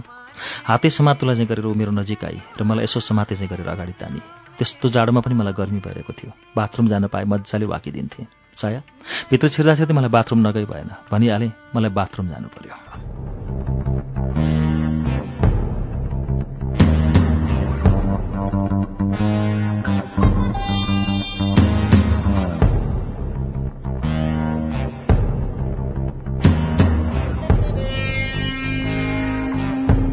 उसले मलाई बाथरुमतर्फ इसारा गर्दै जान भने बाथरुम छिर्नासाथ मैले उलुक्क भमिट गरेँ। चुकुल लगाउने धैर्य पनि भएनछ अमिलो गयो। सायरे विचार गरिरहेकी रहेछ। भित्रै छिरेर मेरो टाउको थिचिदिन लागि। कनी कनी दुई तिन पटक गरेपछि अनुहार अलिकति उज्यालियो।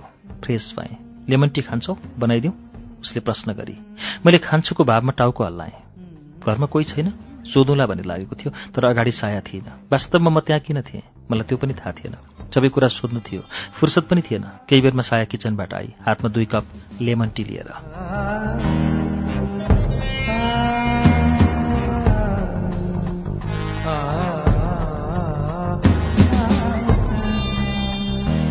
घरमा कोही छैन? मैले सोधेँ। हुनुहुन्छ उसले भने। बाबा माथि बेडरुममा हुनुहुन्छ। आराम गरिरहनु भएको छ। मम्मी पनि माथि बाबासँगै हुनुहुन्छ। के भएको बाबालाई? दोस्रो प्रश्न। हार्ट एट्याक भएको थियो। बेड रेस्टमा हुनुहुन्छ। कहिले? यो पनि सोध्नु नै थियो। म ओस्लोमा हुँदा नै चियाको कप टेबलमा राखेँ। मलाई मेरो अर्को प्रश्नको उत्तर पनि पाए चाहिँ लाग्यो। म ओस्लोदेखि सायाको बाउलाई हेर्न आएको रहेछु सायद।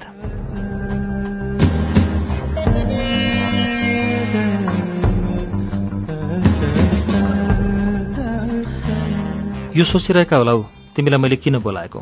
उसले पनि चियाको कप टेबलमा राख्दै भने मैले होको भावमा टाउको हल्लाएँ। बाबाले नै भेट्न खोज्नुभयो तिमीलाई। नजर भुइँतिर लैजाँदै भने हिँड माथि। ऊ उठी।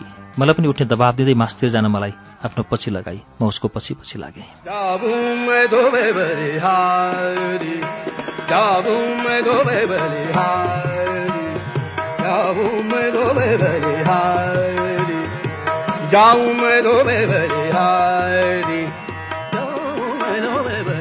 कोठामा दयामान खाटमा ब्ल्याङ्केट ओढेर ढल्किरहेका थिए। चाहेकी आमा छेउमा सोफामा पल्टिरहेकी थिइन्। मलाई देख्न साथ दुवैजना जरेकजुरुक गर्न लागे। आँखा जुत्ने बित्तिकै दुवैलाई पालैले नमस्ते गरे। सायकी आमाले आफ्नो अघिल्तिरको सोफा देखाउँदै बस्न भनिन्। म निसङ्कोच बसेँ। धनगढीबाट पहिलोपल्ट दयामानलाई भेट्न आउँदाको स्थितिमा चाहिँ सोफा भाँचिएला कि भनेर सतर्क भई बस्न आएन। निकै हिम्मत पलाएछ।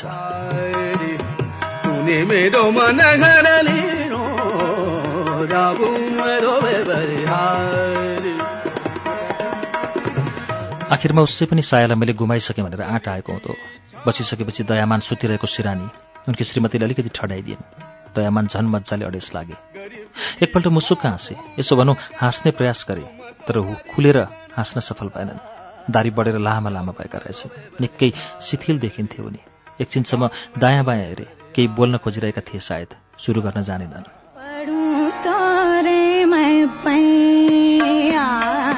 पढूं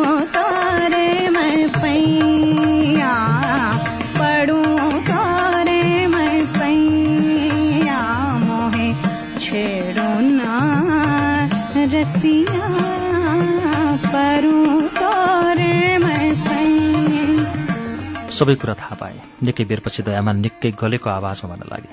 धनगढीमा बिहा पनि भइसकेको रहेछ। ओस्लोमा सँगै बस्ने कुरा पनि सबै थाहा भयो। सायाको सिमुन्टो लगाएर सोफामा बसिरहेकी थिए। सायाकी आमा पनि लगभग आफ्नै छोरीकै पोजिसनमा थिइन्। बुढा भन्दै गए यति सबै कुरा भइसकेपछि हामीले त्यस्तो धेरै आपत्ति गर्ने ठाउँ पनि छैन। अब यहाँको सोसाइटी हाम्रो नातो नालो सबैसँग विद्रोह गर्ने खालको हिम्मत त मसँग छैन। सायासँग पनि बुझेँ। बाहिरतिरै सेटल हुने भने त्यसो हुँदा ठिकै होला। आखिर हामी हाम्रा सन्तानका दुश्मन होइनौँ।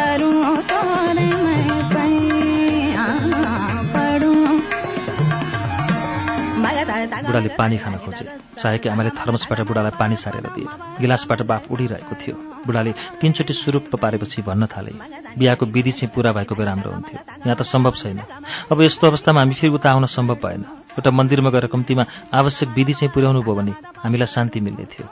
म बुढाका कुरा चुपचाप सुनिरहेको थिएँ। प्रतिक्रिया के दिने? केही सुझिरहेको थिएन।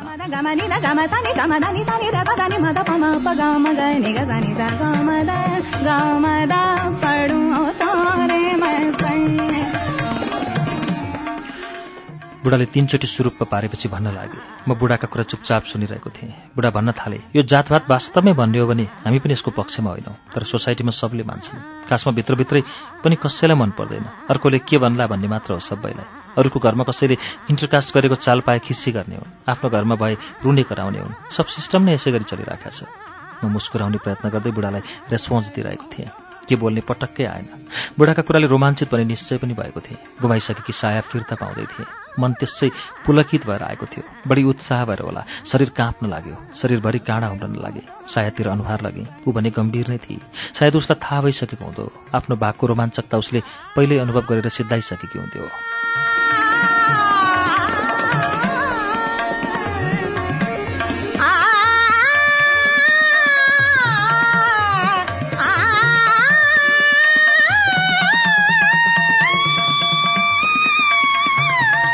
एउटा काम चाहिँ गर्न अनुरोध गर्छु। मिल्छ भने मात्र भन्नुहोला।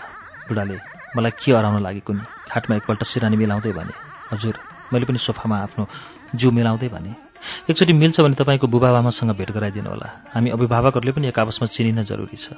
मैले हुन्छ भने बुढाका भन्ने कुरा सकिए। मलाई सायाले आफ्नो रुममा लिएर गई। बुढाबुढीकै आदेश अनुसार।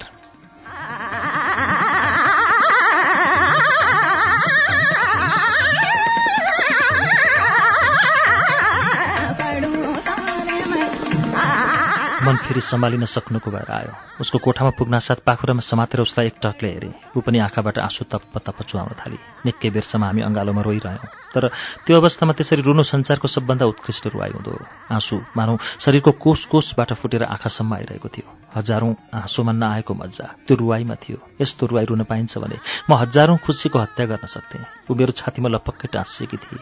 उसको तातो आँसु बगेर मेरो छातीलाई भिजायो। त्यसरी भिज्नु पनि मजा आयो। साया मसँग टाँसिएर रोइरहेकी थिए। पहिलोपल्ट मलाई उसलाई रोक्न मन लागेन। पहिलोपल्ट मलाई लागेन म उसको आँसु पुछिदिउँ मोरे बाके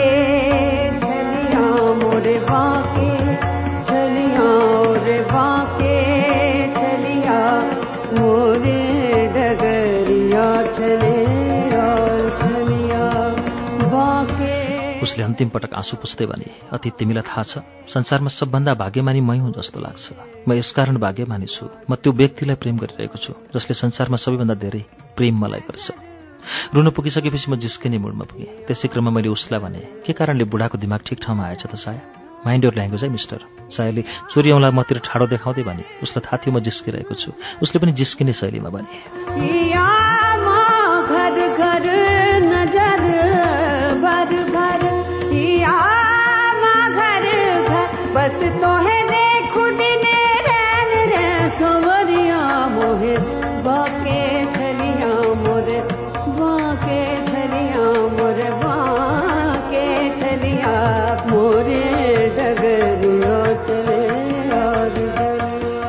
ठिक छ मैले थप फन्नी हुन खोज्दै भने हाम्रो आदरणीय पूजनीय प्रिय स्नेही ससुराज्यूमाथि यत्रो परिवर्तन आउनुको रहस्य के रहेछ त म्याडम? ऊ मुसुक्क मुस्काई अनि भने त्यो त मलाई पनि थाहा छैन तर बाबा अस्ति मसँग रुनुभयो। म पनि खुब रोएँ। गोहीका आँसु उनकी बुढाका? प्याच्च फुत्किहाले मुखबाट। उसले सिरियसली आँखा तरी म मेरो बाबालाई चिन्दिनँ र तिमीले त्यसो भनिराख्नुपर्छ। आँखा तर्दै भने उसले सरी कान समाति टोकाले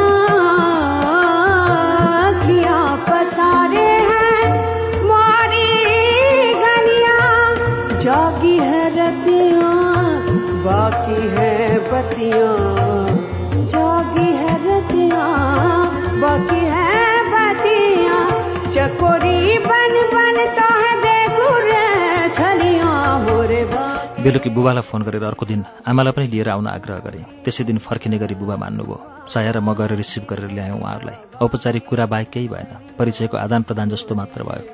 बुहारूसँग समय पनि धेरै थिएन। बेलुकी साया र नै गएर उहाँहरूलाई विदा गऱ्यौँ। दुई दिन ससुराली घर बसेपछि हामी ओस्लो फिर्यौँ। सायाका आमा बाबाको कुरा मान्नलाई केही साथीहरू भेला पारेर विधिपूर्वक बिहा पनि गऱ्यौँ र बुढाबुढीलाई भिडियो पनि पठाइदियौँ।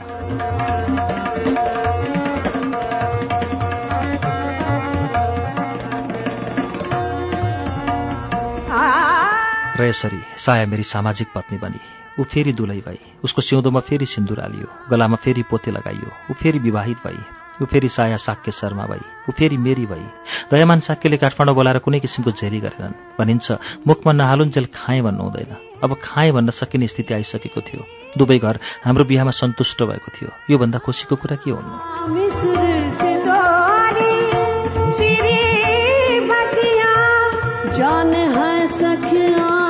जरे मोरी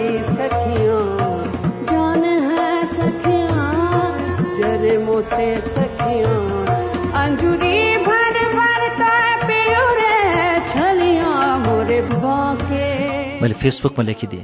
अतीत शर्मा इज म्यारिड टु साया साक्य फिलिङ ह्याप्पी सायाले पनि रिलेसनसिप स्ट्याटस चेन्ज गरी निच्च दाँत देखाएको स्माइली सहित अनि दुवैले आआफ्नो प्रोफाइल पिक्चर पनि चेन्ज गर्यो।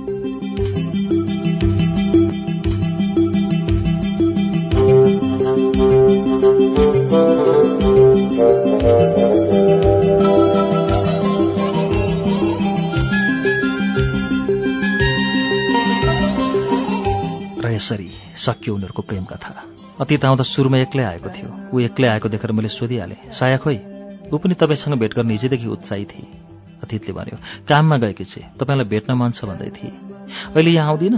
खिन्न हुँदै सोधे तपाईँलाई टाइम दिइसकेको हुनाले म चाहिँ टाइममै आएको। उसले भन्यो नभए सँगसँगै आउनेवाला थियौँ। ऊ आउँदै होली।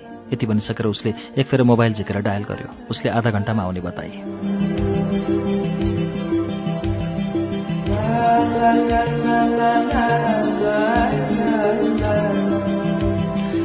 हामीले एक एक कप कफी र एक एक कप हट लेमन पनि खान भ्यायौँ चुरोटलाई पनि हामीले कफी र हट लेमनको कम्पनीबाट छुटाएनौँ। आधा घन्टामा साया पनि आई। साया पहिलेभन्दा अलिकति दुब्लाएर होला। अलिक अग्ली देखिए ऊ मलाई देख्नासाथ परैबाट आफ्ना सेता दाँत देखाउँदै आई। बस्दै गर्दा उसलाई जिस्काएँ। के हो? जिरो फिगर बनाउने लहर चल्यो कि के हो तिमीलाई? खुब उसको यस्तो उत्तर आयो। अब अर्कोचोटि भेट्नुभयो भने मोटाएर ढोइ बनेको देख्नु होला। किन त्यस्तो? केही स्पेसल छ र? प्रेग्नेन्ट छे अतिथि मेरो कानमा सुटुक्क भन्यो एक फेर हाँस्यौँ।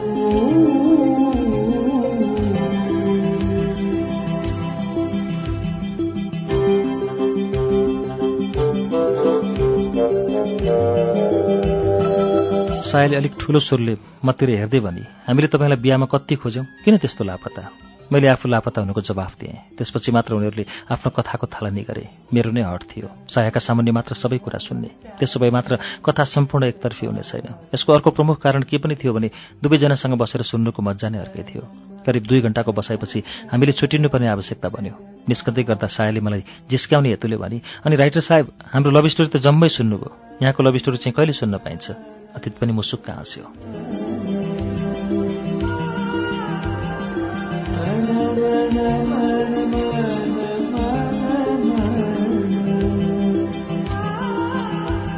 धेरैका प्रेम कथा सुन्दा सुन्दा अभ्यस्त भइसकेको म। आफ्नो प्रेम कथा सुनाउने हैसियत राख्न सक्दिनथेँ। म प्रेममा थिइनँ। प्रेम गर्नु र प्रेमका कुरा लेख्नु फरक फरक अनुभव रहेछन्। साँच्चैकै घिउ खानु र घिउ खाएको हात सुँग्नु जस्तै।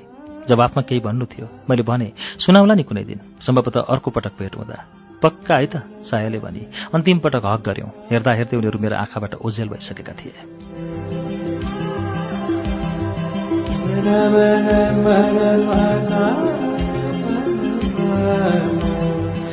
धेरैका प्रेम कथा सुनियो केहीका लेखियो सबै आफ्ना प्रेम कथालाई खतरा भन्छन्।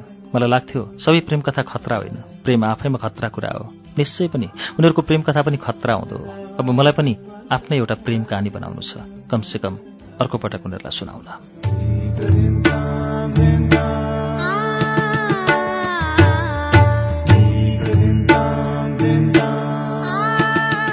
सायाको एघार श्रृङ्खला लामो वाचन दुई सय सत्ताइसौँ पृष्ठमा आएर अब पूरा भएको छ।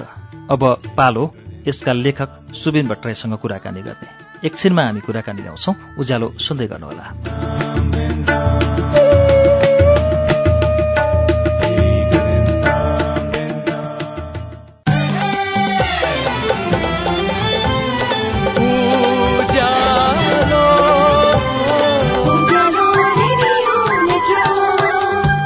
सीधा कुरा प्रश्न विचार। Ujyaalo radio network.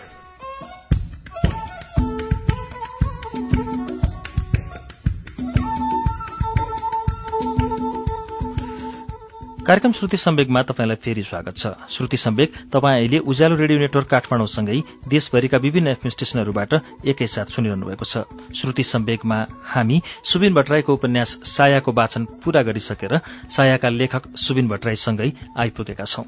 तपाईँले यो कार्यक्रम उज्यालोको मोबाइल एप्लिकेशन युजेवाईएएलओबाट सुन्न र डाउनलोड गर्न पनि सक्नुहुन्छ। हामी आजको कार्यक्रममा सायाका लेखकसँग अब कुराकानी अगाडि बढाउँछौं सुबिनजी तपाईँलाई स्वागत छ हाम्रो कार्यक्रममा। धेरै धेरै धन्यवाद। हाम्रो एघार श्रृङ्खला लगाएर सायाको वाचन पूरा भइसक्दा तपाईँले पक्कै पनि सुन्नुभयो होला भन्ने मलाई लाग्छ। केही श्रृङ्खलाहरू सुन्न भ्याउनु भयो होला। मैले अधिकांश श्रृङ्खलाहरू सुने र त्यही सायाको वाचन सुनेरै आनन्दको निन्द्रा पनि पर्यो भनौँ शुक्रबार शुक्रबार। रमाइलो लाग्यो मलाई। सायाको लेखिसक्नको लागि तपाईँलाई कति समय लागेको थियो? मलाई तिन महिना पुरा लाग्यो। मलाई हजुर तिन महिना चाहिँ मैले पुरा भनौँ न फुल टाइम नै जस्तो लेखेँ। दिनभरि जस्तो बसेर दिनभरि जस्तो बसेर अफिस टाइम बनाएर दसदेखि चार बनाएर बिचमा अब एकछिन एकछिन एकछिन ब्रेक गऱ्यो होइन। जस्तो अफिसमा काम गरेँ त्यस्तै गरेर। शनिबार चाहिँ छुट्टी राखेँ आफैलाई त्यो हिसाबमा तिन महिना लाएर लेखिसकेँ। अनि अब लेख्छु भन्ने बित्तिकै दिमागमा वार वार फुर्थ्यो जस्तो एउटा प्लट चाहिँ बनाइन्छ के लेख्ने भन्ने चिजमा चाहिँ अगाडि नै हामी क्लियर हुन्छौँ। त्यो क्लियर भइसके पछाडि कुन च्याप्टरमा कति शब्द खर्च गर्ने त्यो एउटा प्लान बन्छ। त्यो प्लान बनिसके पछाडि हामी त्यो भनौँ न आज आज म के लेखिरहेको छु होइन? जस्तो भोलि के लेख्ने भन्ने चिज अब बेलुका सुत्ने बेलामा बिहान उठ्ने बेलामा अथवा यता घुम्दा डुल्दा त्यो बनिरहेको हुन्छ दिमागमा बिस्तारै बिस्तारै। त्यही चिजलाई अलि पोख्दै जाने हो र चाहिँ किताब तयार हुने हो। समर लभ लेखिरहँदाखेरि म पछि साया पनि लेख्नुपर्छ भन्ने रहेछ ठाउँ छोड्नु भएको थियो कि मैले ठाउँ छोडेकै होइन। मैले समर लभ एउटा कम्प्लिट किताब भनेर लेखेको। त्यो किताबको इन्डिङ चाहिँ अब मैले पढेका लभ स्टोरीहरूमा प्रायः कि ह्याप्पी इन्डिङ हुन्छ कि ट्रेजिक इन्डिङ इन्डिङ हुन्छ। मलाई दुवै इन्डिङ गर्न मन लागेन। समर लभ न ह्याप्पी थियो न ट्रेजिक काइन्ड अफ ट्रेजिक चाहिँ थियो तर ह्याप्पी त भन्नै मिलेन होइन। तर मैले चाहिँ ओपन इन्डिङ भनेर राख्न खोजेको थिएँ। त्यो ओपन इन्डिङ नै अब पाठकहरूलाई कौतूहल त्यसले चाहिँ बढिदियो त्यसले गर्दा नै पाठकहरूले चाहिँ यसको भाग दुई निकाल्नुपर्छ भन्ने आग्रह गर्नुभयो र मैले सायासम्मको यात्रा तयार गर्नु पर्यो समरलभभन्दा अगाडि फर्किँदा तपाईँको कथा कि पात्र भन्ने कथा सङ्ग्रह पनि छ। त्यति बेला लेख्दैदेखिबाट म यस्तो यस्तो बनाउन सक्छु म यहाँसम्म पुग्छु भन्ने भिजन लिएर सुरु गर्नु भएको थियो। थिएन थिएन। यत्रो भिजन त कहाँ लिन सक्नु? यो जुन ठाउँमा आइपुगेँ त्यो ठाउँको बारेमा कल्पना पनि म गर्न सक्ने अवस्था त्यो बेलामा थिएन। त्यो बेलामा खालि एउटा किताब चाहिँ म मैले निकाल्नुपर्छ एउटा चाहिँ ननिकाली त म मर्दिनँ भन्ने लागेको थियो र एउटा कथाकी पात्र कथा सङ्ग्रह मैले निकालेँ।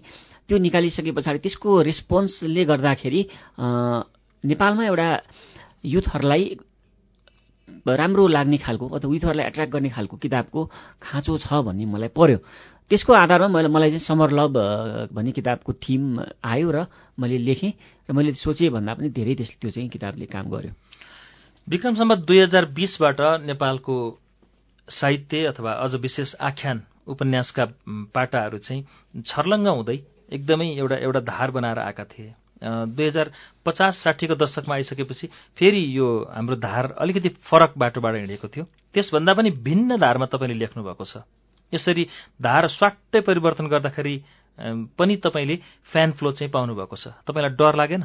मलाई डर लागेन। मलाई डर किन लागेन भने मैले चाहिँ नि त्यो किताबबाट त ठुलो आशा राखेर अथवा चाहिँ नि यसले त ठुलो देश देशमा यो देशमा चाहिँ नि सबैले पढ्छन् यत्रो ठुलो हिट हुन्छ भन्ने चिज त्यो राखेको भए चाहिँ त्यसले अप्ठ्यारो हुन्थ्यो किनभने मान्छेलाई चाहिँ नि धेरै आशा गर्दाखेरि र नपाउँदाखेरि चाहिँ त्यसले चाहिँ एकदम दुःख दिन्छ मान्छेलाई पीडा हुन्छ। मैले त्यत्रो धेरै आशा राखेको तर मैले समर लभ लेखिरहँदाखेरि मलाई के चाहिँ लागेको थियो भने यो किताबले एउटा तहल्का चाहिँ मचाउँछ। एउटा किसिमले एउटा हुइम चाहिँ लिएर आउँछ। देशमा चाहिँ नि अलिक पढ्ने मान्छेहरू चाहिँ बढ्छन्। किताबलाई एप्रिसिएसन एकदम मिल्छ भन्ने चाहिँ मलाई लागेको थियो। तर लेभल त्यसको कतिसम्म जान्छ भन्ने चाहिँ मैले जस्तो अहिले गएँ नि त्यो त्यो हिसाबको चाहिँ मैले कल्पना कहिले पनि गरिनँ। फ्यान फ्लो राम्रो भइदियो होइन? फ्यान फ्लो राम्रो भयो तर तपाईँले भने जस्तै पठन संस्कृति पनि विकास भयो। त्यति हुँदाहुँदै पनि यो आम मूलबाट हुन्छ नि साहित्यको त्योभन्दा बाहिर गयो भन्नेहरू पनि छन् त्यसमा। बाहिर जाँदाखेरि मूल बाटोलाई छोडेको महसुस चाहिँ तपाईँलाई भएको छ कि छैन? ओहो मैले छोडेँ मूल बाटो म त गोरेटोतिर पो लागेँ अथवा अर्को बाटोतिर लागेँ जस्तो महसुस भएको छ कि छैन? मैले नयाँ बाटो बनाएँ भन्ने चाहिँ मलाई लाग्छ। र त्यसमा मलाई अलिकति पनि पछुतो पनि छैन। अलि मलाई मैले किन त्यो अरू नै पुरानै बाटोमा म जान सकिनँ भन्ने मलाई लागेन। मलाई जहिले पनि एउटा कुराले आकर्षित गरिरह्यो। पछिल्लो समयमा साहित्यकार अमर नेौपानेले एउटा भनाइ उहाँले भन्नुभएको छ। पहिलोचोटि साइकल बनाउने वैज्ञानिक हुन्छ दोस्रोचोटि साइकल बनाउने मिस्त्री हुन्छ भनेर उहाँले भन्नुहुन्थ्यो। मलाई यो कुराले एकदम छोएको थियो। पुरानो कुरा नै रिपिट गर्ने हो भने त मिस्त्री भइन्छ। आफ्नो बाटो आफैले बनाउनुपर्छ केही नयाँ चिज गर्नुपर्छ। वैज्ञानिक हुने हो भने धेरै ठुलो एप्रिसिएसन पाउने हो भने मान्छेहरूलाई चाहिँ नि धेरैभन्दा धेरै मान्छेहरूलाई चाहिँ नि आकर्षित गर्ने हो भने र सफल हुने हो भने। यो चिज चाहिँ गर्नु पर्थ्यो र मैले गरेकोमा अहिले एकदम मलाई खुसी पनि छु। म खुसी पनि छु किन यस अर्थमा भने धेरै पाठकहरू अहिले लेखक भएका छन्। र उहाँहरूले चाहिँ यो मेरो बाटो भनौँ न मैले कोरेको बाटोमा म पनि तपाईँ जस्तै लेखक हुन चाहन्छु। म पनि यसरी लेख्न चाहन्छु। मलाई सल्लाह दिनु सुझाव दिनुहोस् भनेर उहाँहरू आउनुहुन्छ। भने त्यो बाटोमा अरू पनि आउन खोज्दै हुनुहुन्छ र उहाँहरूलाई मैले एकदम हृदयदेखि स्वागत पनि गरिरहेको छु प्रशंसा त अब धेरै नै छ। मैले आफैले पनि मेरो फेसबुक पेजहरूमा पनि तपाईँको प्रशंसा गरेर आइरहेको छ। आलोचना तपाईँलाई कस्ता कस्ता आएका छन्? आलोचना प्रशंसा दुइटै बटुलेको लेखक तपाईँ। मैले आलोच प्रशंसा पनि एकदमै धेरै प्रशंसा पनि पाएको छु प्रशंसामा। आलोचनामा आलोचना पनि एकदम निकृष्ट पनि पाएको छु। व्यक्तिगत लान्छना चरित्र हत्यासम्म पनि पुगेको छ आलोचनाको स्तर। भने म आलोचनाहरूलाई चाहिँ स्वस्थ आलोचना छ भने त म त्यसलाई एकदम गम्भीर रूपमा लिन्छु। मैले त्यो सुधार्नु पर्ने रहेछ है यहाँनिर म अगाडि बढ्नको लागि यसो नगरी हुँदैन भन्ने लाग्छ। तर कतिपय आलोचनाहरू चाहिँ व्यक्तिगत एकदम रिस साध्नको लागि अथवा चाहिँ मेरो सफलतासँग चाहिँ ईर्ष्या गर्नेहरू त्यो खालको आलोचक पनि मैले देखाएको छु। उनीहरूको कुरालाई चाहिँ म एकदम सामान्य रूपमा व्यवस्था गरिदिन्छु। तपाईँलाई अब आलोचनाकै प्रसङ्ग उठ्दाखेरि मैले यहाँ सुबिनजी आउँदै हुनुहुन्छ भनेर फेसबुकमा स्ट्याटस राख्ने बित्तिकै धेरै कमेन्टहरू छन् प्रशंसा आलोचना दुवै छन् फेरि यसमा पनि। पहिलो आलोचना नै परेछ निरज दालको। पुस्तकको स्तर किन खस्किएको? सेलिब्रिटी भएपछि त झन् बढ्नुपर्ने होइन र समरलभ भन्दा साया र साया भन्दा मनसुन भनेर तपाईँलाई आरोप लाउनु भएको छ। निरजी निरजी भन्नुभयो होइन नाम? निरजी यहाँलाई धेरै धेरै धन्यवाद। यहाँले चाहिँ किसिमको धारणा आफ्नो चाहिँ विचार चाहिँ व्यक्त गर्नुभयो। अब के हुन्छ भने हेर्नुहोस् होइन मैले चारवटा किताब लेखेको छु। चारवटा किताबका अलग अलग पाठकहरू छन्। कसैलाई कथाकी पात्र मनपर्छ कसैलाई समरलभ मनपर्छ कसैलाई सायद त कसैलाई मनसुन अहिले। भनेपछि अब धेरै किताब किताबको सङ्ख्या बढ्दै जाँदाखेरि पाठकहरू पनि कुन किताब मनपर्ने भन्ने चिज चाहिँ एउटा हुँदो रहेछ। जस्तो अब धेरैलाई चाहिँ समरलभ पनि मनपर्छ किनभने त्यो एउटा त्यसले मानक बन्यो मेरो करियरमा। भने सायाका पाठकहरू छुट्टै छन्। आलोचना आलोचना गर्ने पाठकहरू पनि छुट्टै छन्। मनसुनका प्रशंसकहरू पनि छन् मनसुनका आलोचकहरू पनि छन्। अब यहाँलाई चाहिँ अब त्यो माथिबाट तल खस्किँदै खस्किँदै खस्किँदै गएको जस्तो पनि लागेछ। अर्को एउटा ह्युमन साइकोलोजी म मैले बुझेसम्म हामीलाई प्रायः पुराना कुराहरू नै बढी मनपर्छन्। पुराना अतीतमा हामीलाई रम्न मनपर्छ। हामीलाई चाहिँ पुरानो यो ठाउँ यो बेलामा सन् उन्नाइस सय असीमा यस्तो थियो। भन्दाखेरि त्यसले आनन्द दिन्छ। दुई हजार पन्ध्र हामीलाई मन पर्दैन सोह्र मन पर्दैन। भनेपछि हामी बढी पुराना अतीतमा बढी रमाउन खोज्ने हिसाबमा त्यो भइरहेको हुन्छ। मलाई लाग्छ अर्को पुस्तक आइसकेपछि यहाँलाई मनसुन पक्कै पनि मन परेछ जसरी मनसुन आएपछि धेरै पाठकहरूलाई साया अहिले मन पर्न थालेको छ। धन्यवाद। मैले तपाईँको यी यी प्रश्नहरूलाई यहाँ पाठकका प्रश्न अथवा श्रोताका प्रश्नसँगै मलाई आफ्नो प्रश्न पनि जोड्न मन लाग्यो। तपाईँले युरोपको यति राम्रोसँग व्याख्या गर्नुभएको छ जानुभएको थियो आफै? म समर लभ लेख्नुभन्दा अगाडि अथवा साया लेख्नुभन्दा अगाडि युरोपमा गएको थिइनँ पछि गएँ। अनि साया लेख्नुभन्दा पछाडि पुग्नु भएको पछाडि पुगेँ म तर सायामा त यस्तोसँग लेख्नु भएको छ कि तपाईँले पुगेको जस्तो? त्यो अनुभव कसरी लिनुभयो? त्यो चाहिँ त्यसलाई पनि एउटा रिसर्च भन्न सकिन्छ होइन? जस्तो कि बाहिर त अहिले साथीहरू धेरै हुन्छन्। प्लस हामी अहिले इन्टरनेटको सुविधा छ युट्युब भिडियो हेर्छौँ हामी विकिपेडिया गुगल आदि इत्यादि सबै चिजहरूबाट र साथीहरूसँग सँगको निरन्तर सम्पर्कबाट यी चिजहरू सम्भव भएको हो। ए तपाईँ नपुगिकन नपुगिकन हजुर। अर्को मलाई सोध्न मन लागेको कुरा जस्तो हामी सिनेमामा हेर्दा पनि हिरोले ढिसिम ढिसिम मारेपछि हामीलाई स्वाद लाग्छ आफैले मारे जस्तो लाग्छ र हामी मनोरञ्जन गरेर मजाले तिन घन्टा बिताउँछौँ। उपन्यासमा पनि पाठकले पनि त्यसै गरी आफूलाई प्रतिस्थापन गर्छ कुनै पात्रमाथि भने। लेखकले पनि प्रतिस्थापन गरेपछि मात्रै राम्रोसँग लेख्न सक्छ कि जस्तो मलाई लाग्छ? तपाईँले भनौँ न समरलभ र सायाको कुरा गर्दा तपाईँले आफूलाई कुन पात्रको रूपमा त्यहाँ प्रतिस्थापित गर्नुभयो? समरलभ र सायामा म अधिकांश रूपमा अतित शर्मा बनेर लेखेको छु मैले। मेरो व्यक्तित्व पनि अतित शर्मासँग धेरै मिल्छ जस्तो लाग्छ धेरै ठाउँमा म भ्रमण गर्दाखेरि पाठकहरूले भन्नुहुन्छ त्यो कथामा पढेको अतित शर्मा ठ्याक्कै तपाईँ जस्तै लाग्यो मलाई। त्यो भन्नुहुन्छ किनभने त्यो म भनेर मैले लेखा हुन्छ प्रथम पुरुषमा उहाँहरूले चाहिँ लेखक भनेर बुझ्नुहुन्छ। सायद त्यो भएर भएर पनि होला उहाँलाई। तर स्वभाव जस्तो अन्तर्मुखी हुने स्वभाव अनि त्यो प्रेमप्रतिको आसक्ति त्यो टाइपको चाहिँ व्यक्तित्व ममा धेरै छ जस्तो लाग्छ। र मैले मलाई लाग्छ त्यो अतित शर्मा भन्ने पात्रमा मैले धेरै न्याय गरेको छु। अनि लेखक पात्र नि? लेखक पात्र त एउटा काल्पनिक पात्रको रूपमा अब आफू पनि लेखक भएको हुनाले त्यो लेखक बनाइदिनु आफू लेखक हुँदै छिनमा लेखक बन्दै छिनमा त्यो लेखक हुनलाई त्यो मेरो अहिले अहिलेको करियर बाटो सजिलो भयो होइन? तर अतीत शर्मा हुनलाई चाहिँ त्यो करियरलाई पर राखेर एउटा सुबिन भट्टराई मात्रै बनेर सोच्दाखेरि म अतीत शर्मा हुन सक्छु जस्तो लाग्छ। समरलभ र साया पढिसकेपछि मैले अनुभव गरेको। अब ठ्याक्कै कुन शब्दमा भन्नुभयो भने त म भन्न सक्दिनँ तर समरलभ भन्दा पछि लेखिएको सायामा चाहिँ तपाईँले भोक्याबुलरी नै आफूमा ग्रोथ गरे जसरी एकदम बढी शब्दहरू त्यहाँ नभएका र अलिकति ट्रेन्डभन्दा बाहिरका मिठा हुने गरी शब्दहरू प्रयोग गर्नुभएको देखेँ मैले। मलाई मलाई त्यस्तो लागेको मात्रै हो कि साँच्चीकै नै बढी अध्ययन गर्नुभएको अध्ययन त गरेको केही पनि होइन किनभने समरलभ र सायाको दूरी त्यति धेरै छैन। समरलभ निस्केको डेढ वर्षमा साया निस्किन भ्यायो। त्यो डेढ वर्ष पनि पुरै छ महिना मात्रै चुप लगाएर बस्यो छ महिनापछि लेख्न सुरु गरिहाल्यो। यो भोकाबुलरी त्यो फ्लो त्यो राइटिङको यहाँले कुरा गरौँ त्यो राइटिङ म मसँग अलरेडी छ। पहिल्यैदेखि छ मसँग म म भनौँ म प्लस टू पढ्दैदेखि अथवा एसएलसी दिएदेखि नै त्यो मेरो त्यो स्तरको भाषा थियो मसँग। मैले खालि अहिले किताबहरूमा समरलममा होस् मनसुनमा होस् अलिक प्रयोग म गर्दिनँ। त्यो त्यो स्तरसम्म म अलिक पुगिहाल्दिनँ। किन भन्दाखेरि त्यो स्तरले सबै पाठकलाई तान्न सकिँदैन। पाठकहरूलाई सिम्पल कुराहरूले नै बढी छुन्छ। म अहिले मनसुनमा पनि अब भनौँ न मैले के अनुभव छ जस्तो मैले मनसुन लेखेँ लेख्दाखेरि पहिलो ड्राफ्ट एकदमै भारी किताब बनिदियो त्यो। यति फिलोसफिकल बनिदियो यति त्यो मान्छेहरूको मनोविज्ञानमा बढी खेल्यो बढी लामा लामा वाक्यहरू भए एकदम हार्ड शब्दहरू भए भोकेबुलरी एकदम भयो त्यसलाई मैले तिनचोटि चारचोटि लिएर सिम्प्लिफाई गरेँ। भन्नुको माने मलाई चाहिँ नि त्यो स अलिक गम्भीरभन्दा पनि अलि सरल तरिकाले लेख्न मनपर्छ। किनभने त्यसले धेरैभन्दा धेरै पाठकहरूलाई कनेक्ट गर्न सकिन्छ जस्तो लाग्छ। म फेरि फेसबुकतर्फै तपाईँलाई आएको प्रश्नमा लाग्छु। समरलभ र सायाको पुस्तक म किन्न चाहन्छु तर कसरी? प्लिज बताइदिनुहुन्थ्यो कि भन्नुभएको छ? यो त ठाउँ खुलाउनु भएको छैन। एकदम ठाउँ खुलाउनु भएन एकदम सजिलो क्वेसन सोध्नुभयो। नेपालका जुनसुकै पुस्तक पसलमा जानुहोस्। यहाँले समरलभ साया पाउन सक्नुहुन्छ।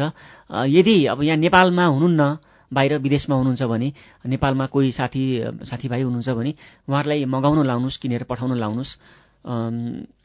त्यही नै मुख्य उपाय हो। अब धेरै विकटमा हुनुहुन्छ भने कुनै पुस्तक पसलेलाई फेरि मगाउन लाउनुहोस् अलिकति सुगम ठाउँबाट। यो बाहेक अरू त विकल्प पनि छैन। यहाँ अब मैले मनसुन पढेको छैन तर मनसुनका प्रश्नहरू पनि आएका छन् यहाँ। पहिला त एउटा गुनासो सुनाइदिनुहोस् है भनेर सुनाइदिनु के अरे? लेख्नु भएको छ। नवीन नेपालले जति सुबिन दाईले मन जित्नुभयो त्यति मन मनसुनले जितेन मेरो गुनासो सुनाइदिनु भन्नुभएको छ। नवीनजी यहाँलाई धेरै धन्यवाद। मनसुन अब के के हुन्छ भने किताब यति धेरै चारवटा पाँचवटा किताब आइसक्यो यति धेरै पाठकहरू भइसक्नुभयो। अब यहाँलाई मैले छुन सकिनँ म क्षमा माग्न चाहन्छु। अर्को किताबमा म पक्कै पनि मिहिनेत गर्नेछु। सँगै यसलाई यसलाई नै जोड्ने पूरक प्रश्न नितु बिकाको छ। मनसुनको दोस्रो भाग पनि लेख्नु भयो हुन्थ्यो नि प्लिज प्लिज यो क्वेसन नि सोधिदिनुहोस् न। यहाँलाई पनि धेरै धन्यवाद। मनसुनको दोस्रो भाग लेखिँदैन। यहाँले कथामा अलिकति ट्रेजेडी आयो भने अर्को त्योमा लगेर जबरजस्ती मिलाउनु पर्छ भन्ने छैन। किनभने प्रेम सधैँ सुखमा मात्रै पनि अन्त्य हुँदैन। प्रेम दुःखमा पनि अन्त्य हुन्छ। हामीले नै समाजमा देखेका छौँ कति पात्रहरू कति व्यक्तिहरू जसले जसको प्रेम चाहिँ अ, एकदम अप्ठ्यारो ठाउँमा गएर अन्त्य भएको छ। मैले किताबको सुरुमै पनि भनेको छु नि यहाँले त्यो पढ्नुभयो भने थाहा हुन्छ। कसैका प्रेम कहानी फुल्छन् कुना कन्दरा कसैका प्रेम कहानी रहन्छन् आधा अधुरा। यहाँले बुझ्नुभयो होला यो कथाको आशय।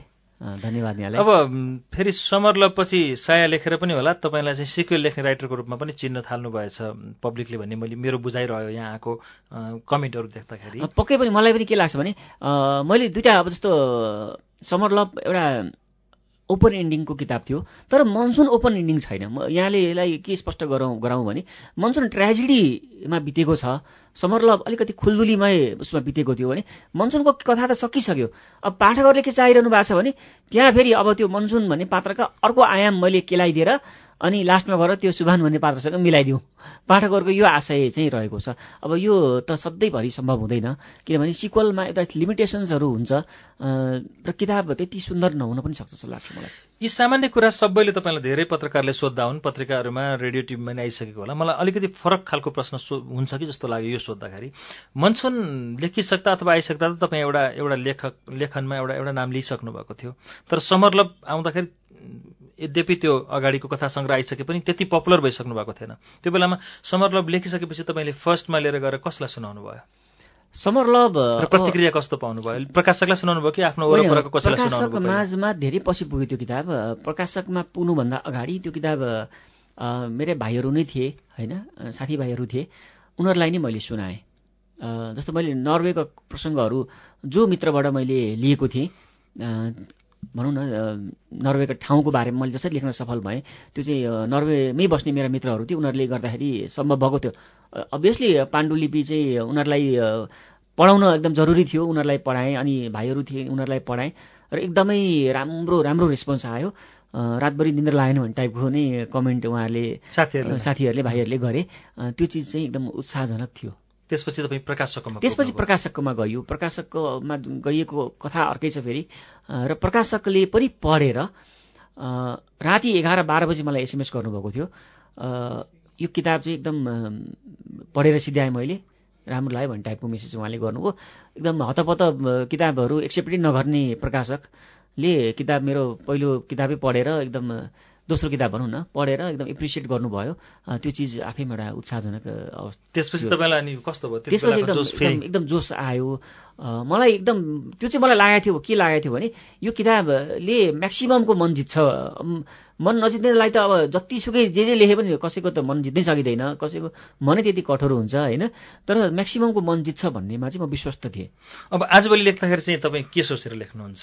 आजभोलि चाहिँ अलिकति अब के रहेछ भने नि पाठकहरू धेरै भएपछि अलिकति प्रेसर हुँदो रहेछ। त्यति बेला मेरा पाठकहरू नै चमरलभ लेख्ने बेला मेरा पाठकहरू खासै थिएनन्। कथाकी पात्रमा कति नै पाठक थिए र होइन? तर एकदम निर्बन्ध भएर लेखियो। अब चाहिँ के हुन्छ भने मेरो त अब लाखको सङ्ख्यामा पाठकहरू हुनुहुन्छ। लाखौँको सङ्ख्यामा। भने मेरो पाठकहरूलाई यस्तो चिज मनपर्छ है। मेरो पाठक चिज पाठकहरूलाई यस्तो चिज मन पर्दैन है। भनेर म एकदम सिलेक्टिभ राइटिङमा लागेको छु अहिले। कृष्ण आचार्यले तपाईँलाई सोध्नु भएको छ यो सोध्नु कि यति मिठो शब्द कसरी सोच्नुहुन्छ? अब कृष्णजीलाई धेरै धेरै धन्यवाद होइन? यहाँले चाहिँ मेरो लेखाइलाई एकदम मिठो भनिदिनु भयो यो चाहिँ नेचुरली आएको चिज हो जस्तो लाग्छ मलाई। मैले त्यति धेरै मिहिनेत गरेर साहित्यको अध्ययन गरेर साहित्यको ब्याकग्राउन्डबाट आएको मान्छे पनि होइन म साइन्स पढेको साइन्सको विद्यार्थी। मैले साहित्य पढ्नै पाइनँ कहिले पनि मेरो युनिभर्सिटी लेभलसम्म हुँदाखेरि। अलिअलि चाहिँ बाल्यकालमा चिटपुट किताबहरू बाहेक यो चाहिँ निरन्तर अध्ययन हुनुपर्छ मिहिनेत गर्नुपर्छ आफूले। कतिपय अवस्थामा लकले पनि काम गर्छ। तपाईँले घुम्नुपर्छ मान्छे चिन्नुपर्छ समाज चिन्नुपर्छ। यो चिजहरूले तपाईँले तपाईँभित्रको लेखकलाई निखार्छ।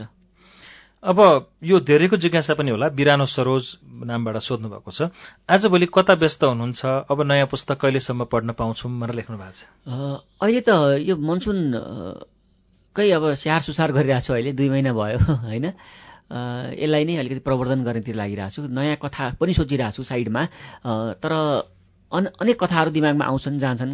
मलाई आफैलाई पहिला टच गर्नु पऱ्यो छुनु पऱ्यो मलाई जबसम्म कुनै कथाले मलाई छुँदैन त्यो कथा म लेख्दै लेख्दिनँ यहाँहरूसँग पनि सम्पूर्ण पाठकहरूलाई म यो यहाँबाट अनुरोध गर्न चाहन्छु। यहाँहरूसँग पनि केही कथाहरू छन् भने कृपया मसँग सम्पर्क राख्न सक्नुहुन्छ। मलाई छोयो भने म यहाँको कथाहरू पनि किन नलेखौँ त? प्रेमकै हो अब लेख्ने। प्रेम त हुनुपर्छ जस्तो लाग्छ मलाई। किनभने पाठकहरूको अपेक्षा अघि पनि मैले भने नि मेरा पाठकहरूलाई के मनपर्छ र के मन पर्दैन त्यो रुचि चाहिँ मैले पहिल ल्याएर त्यसै अनुसारले काम गर्नुपर्ने हुनसक्छ।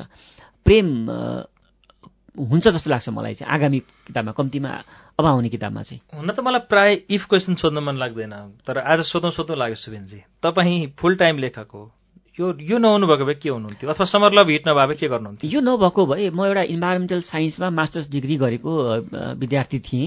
म सायद नेपालमा त मैले अनगिन्ती ठाउँहरूमा आवेदन दिँदा पनि मलाई इन्टरभ्यूको लायक पनि सम्झेन धेरै सङ्घ संस्थाहरूले। म कतै कुनै अरू नै देशमा चाहिँ म सेटल्ड भइ भइसकेका हुन्छु हुन्थेँ होला जस्तो लाग्छ। तपाईँको घरको परिवार तपाईँले यो पेसा रोजेर सन्तुष्ट हुनुहुन्छ त बुवा आमा? बुवा आमाहरूको हकमा चाहिँ एकदम टाइम लाग्ने रहेछ। अहिले राम्रो भइरहेछ भनौँ न। पहिला चाहिँ लेखेर पनि हुन्छ भन्ने टाइपको कुराहरू आउँथे। उहाँहरूले चाहिँ नि एक दुई वर्ष अगाडिसम्म पनि लोकसेवा लडे हुन्थ्यो। फलान ठाउँमा चाहिँ फर्म भरे हुन्थ्यो भन्ने चाहिँ गर्नुहुन्थ्यो भने अहिले मलाई लाग्छ उहाँहरू एकदम सन्तुष्ट हुनुहुन्छ। अहिले उहाँहरूले त्यो किसिमको कुराहरू मसँग गर्नुहुन्न। तर भविष्यमा चाहिँ अब रिटायर भएर पेन्सन आउने कुराहरू पनि चाहिँ त्यो त्यो कुरा गर्नुहुन्छ होइन। अब यो पेसामा त रिटायर भएर पेन्सन आउने भन्ने त हुँदैन। तर किताबहरूको रोयल्टीले चाहिँ एकदम कालान्तरसम्म चाहिँ पुगिरहेको छ भन्ने एउटा सोच उहाँहरूले बुझिसक्नु भएको छ। परिवारको कुरालाई ल हामीले एकछिन बिर्स्यौँ होइन? जेनेरेसन ग्यापले गर्दा पनि त्यो भयो होला। तपाईँ आफूलाई चाहिँ पुगिरहेको छ त यसले? मलाई मजाले पुगिरहेछ अब मान्छेको सन्तुष्टि कतिसम्म हुन्छ भन्ने चिजले यो चाहिँ निर्भर रहन्छ होइन? अब आवश्यकताहरू इच्छाहरू महत्त्वकाङ्क्षाहरू त कहिले पनि पुरा हुँदैन मान्छेको। एउटा पुरा भयो अर्को आउँछ अर्को पुरा भयो अर्को आउँछ। तर आजको मितिसम्म चाहिँ म सन्तुष्ट छु। मेरो महत्त्वकाङ्क्षाका धेरै छ पनि छैन। सामान्य जीविकोपार्जन गर्नको लागि लेखनले मलाई दिएकै छ जस्तो लाग्छ। ठ्याक्कै त तपाईँले अहिले भन्न दिमागमा छैन मेरो अर्को प्लट म अहिले मनसुन नै सुमसुमाएर बसिया छु भन्नुभयो। तपाईँ बढीमा कति समयमा तपाईँ अर्को किताब पढ्न पाउँछन् होला त पाठकले? मैले पाठकहरूलाई चाहिँ अर्को साल भनेको छु होइन। अर्को साल भनेको यो अहिले त्रिहत्तर साल है। मलाई लाग्छ चौहत्तरभित्रमा चाहिँ पाठकहरूको हात हातमा मेरो किताब पुगिसक्छ। त्यतिको। ग्यापमा हुँदो रहेछ। त्यतिको ग्याप डेढ वर्ष चाहन्छु मलाई लाग्छ एउटा किताब। फुर्नुपर्छ मुड चाहिन्छ। मुड चाहिन्छ। मलाई मुड एकदम चाहिन्छ। तर दिमागमा पहिला कथाको प्लट आइसकेको छ भने चाहिँ मैले अघि पनि भनेँ नि मलाई मैले तिन महिना चाहिँ ढोका थुनेर बसेँ भने एउटा पाण्डुलिपि लिएर म निस्किन्छु। अब लगभग हामी अन्त्यतिर छौँ सुबिनजी। यो यो तपाईँसँगको कुराकानी सुनिसकेपछि अथवा यो दस भागदेखिबाट पालै पालो कुरेर साया सुनिसक्नु भएको कति साथीहरूले चाहिँ यो सकिसकेपछि तपाईँसँग सम्पर्क गर्न खोज्नुभयो भने मलाई यहाँ अहिले कार्यक्रम चल्दा चल्दै पनि कति फेसबुक र ट्विटरमा प्रतिक्रिया आइरहेको छन् तपाईँलाई कसरी भेट्न सकिन्छ भनेर। तपाईँलाई भेट्न वा सम्पर्क गर्न के गर्नु पर्यो? म चाहिँ बढीभन्दा बढी सोसियल मिडिया चलाउँछु। र त्यसबाट मैले सक्दो जवाफ दिइरहेको हुन्छु पाठकहरूलाई। मलाई फेसबुकमा यहाँले खोज्न सक्नुहुन्छ सुबिन भट्टराई। स्पेलिङ सहित। S U B I N B H A double T A R A I फेसबुकमा। सुबिन भट्टराई भनेर सर्च गर्नुभयो भने मेरो पेज आउँछ। त्यो पेजमा यहाँले मेरो प्रोफाइल पिक्चर र मनसुनको कभर देख्नुहुन्छ पक्कै पनि। त्यो पेजमा म उपलब्ध छु। ट्विटरमा मलाई खोज्न चाहनुहुन्छ भने सुबिन भट्टराई वान मेरो ह्यान्डल स्पेलिङ सुन्नुहोला। S U B I N B H A double T A R A I one मेरो ट्विटर ह्यान्डल र म इन्स्टाग्राममा पनि एकदम एक्टिभली छु।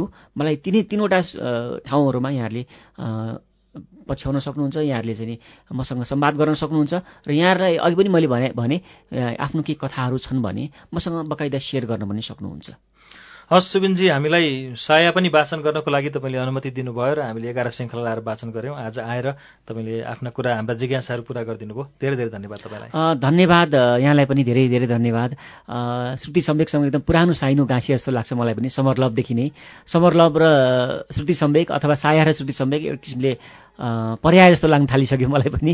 आशा छ अब भविष्यमा मनसुन पनि यही कार्यक्रम मार्फत अ, पाठकहरू माझ पुग्नेछ धन्यवाद।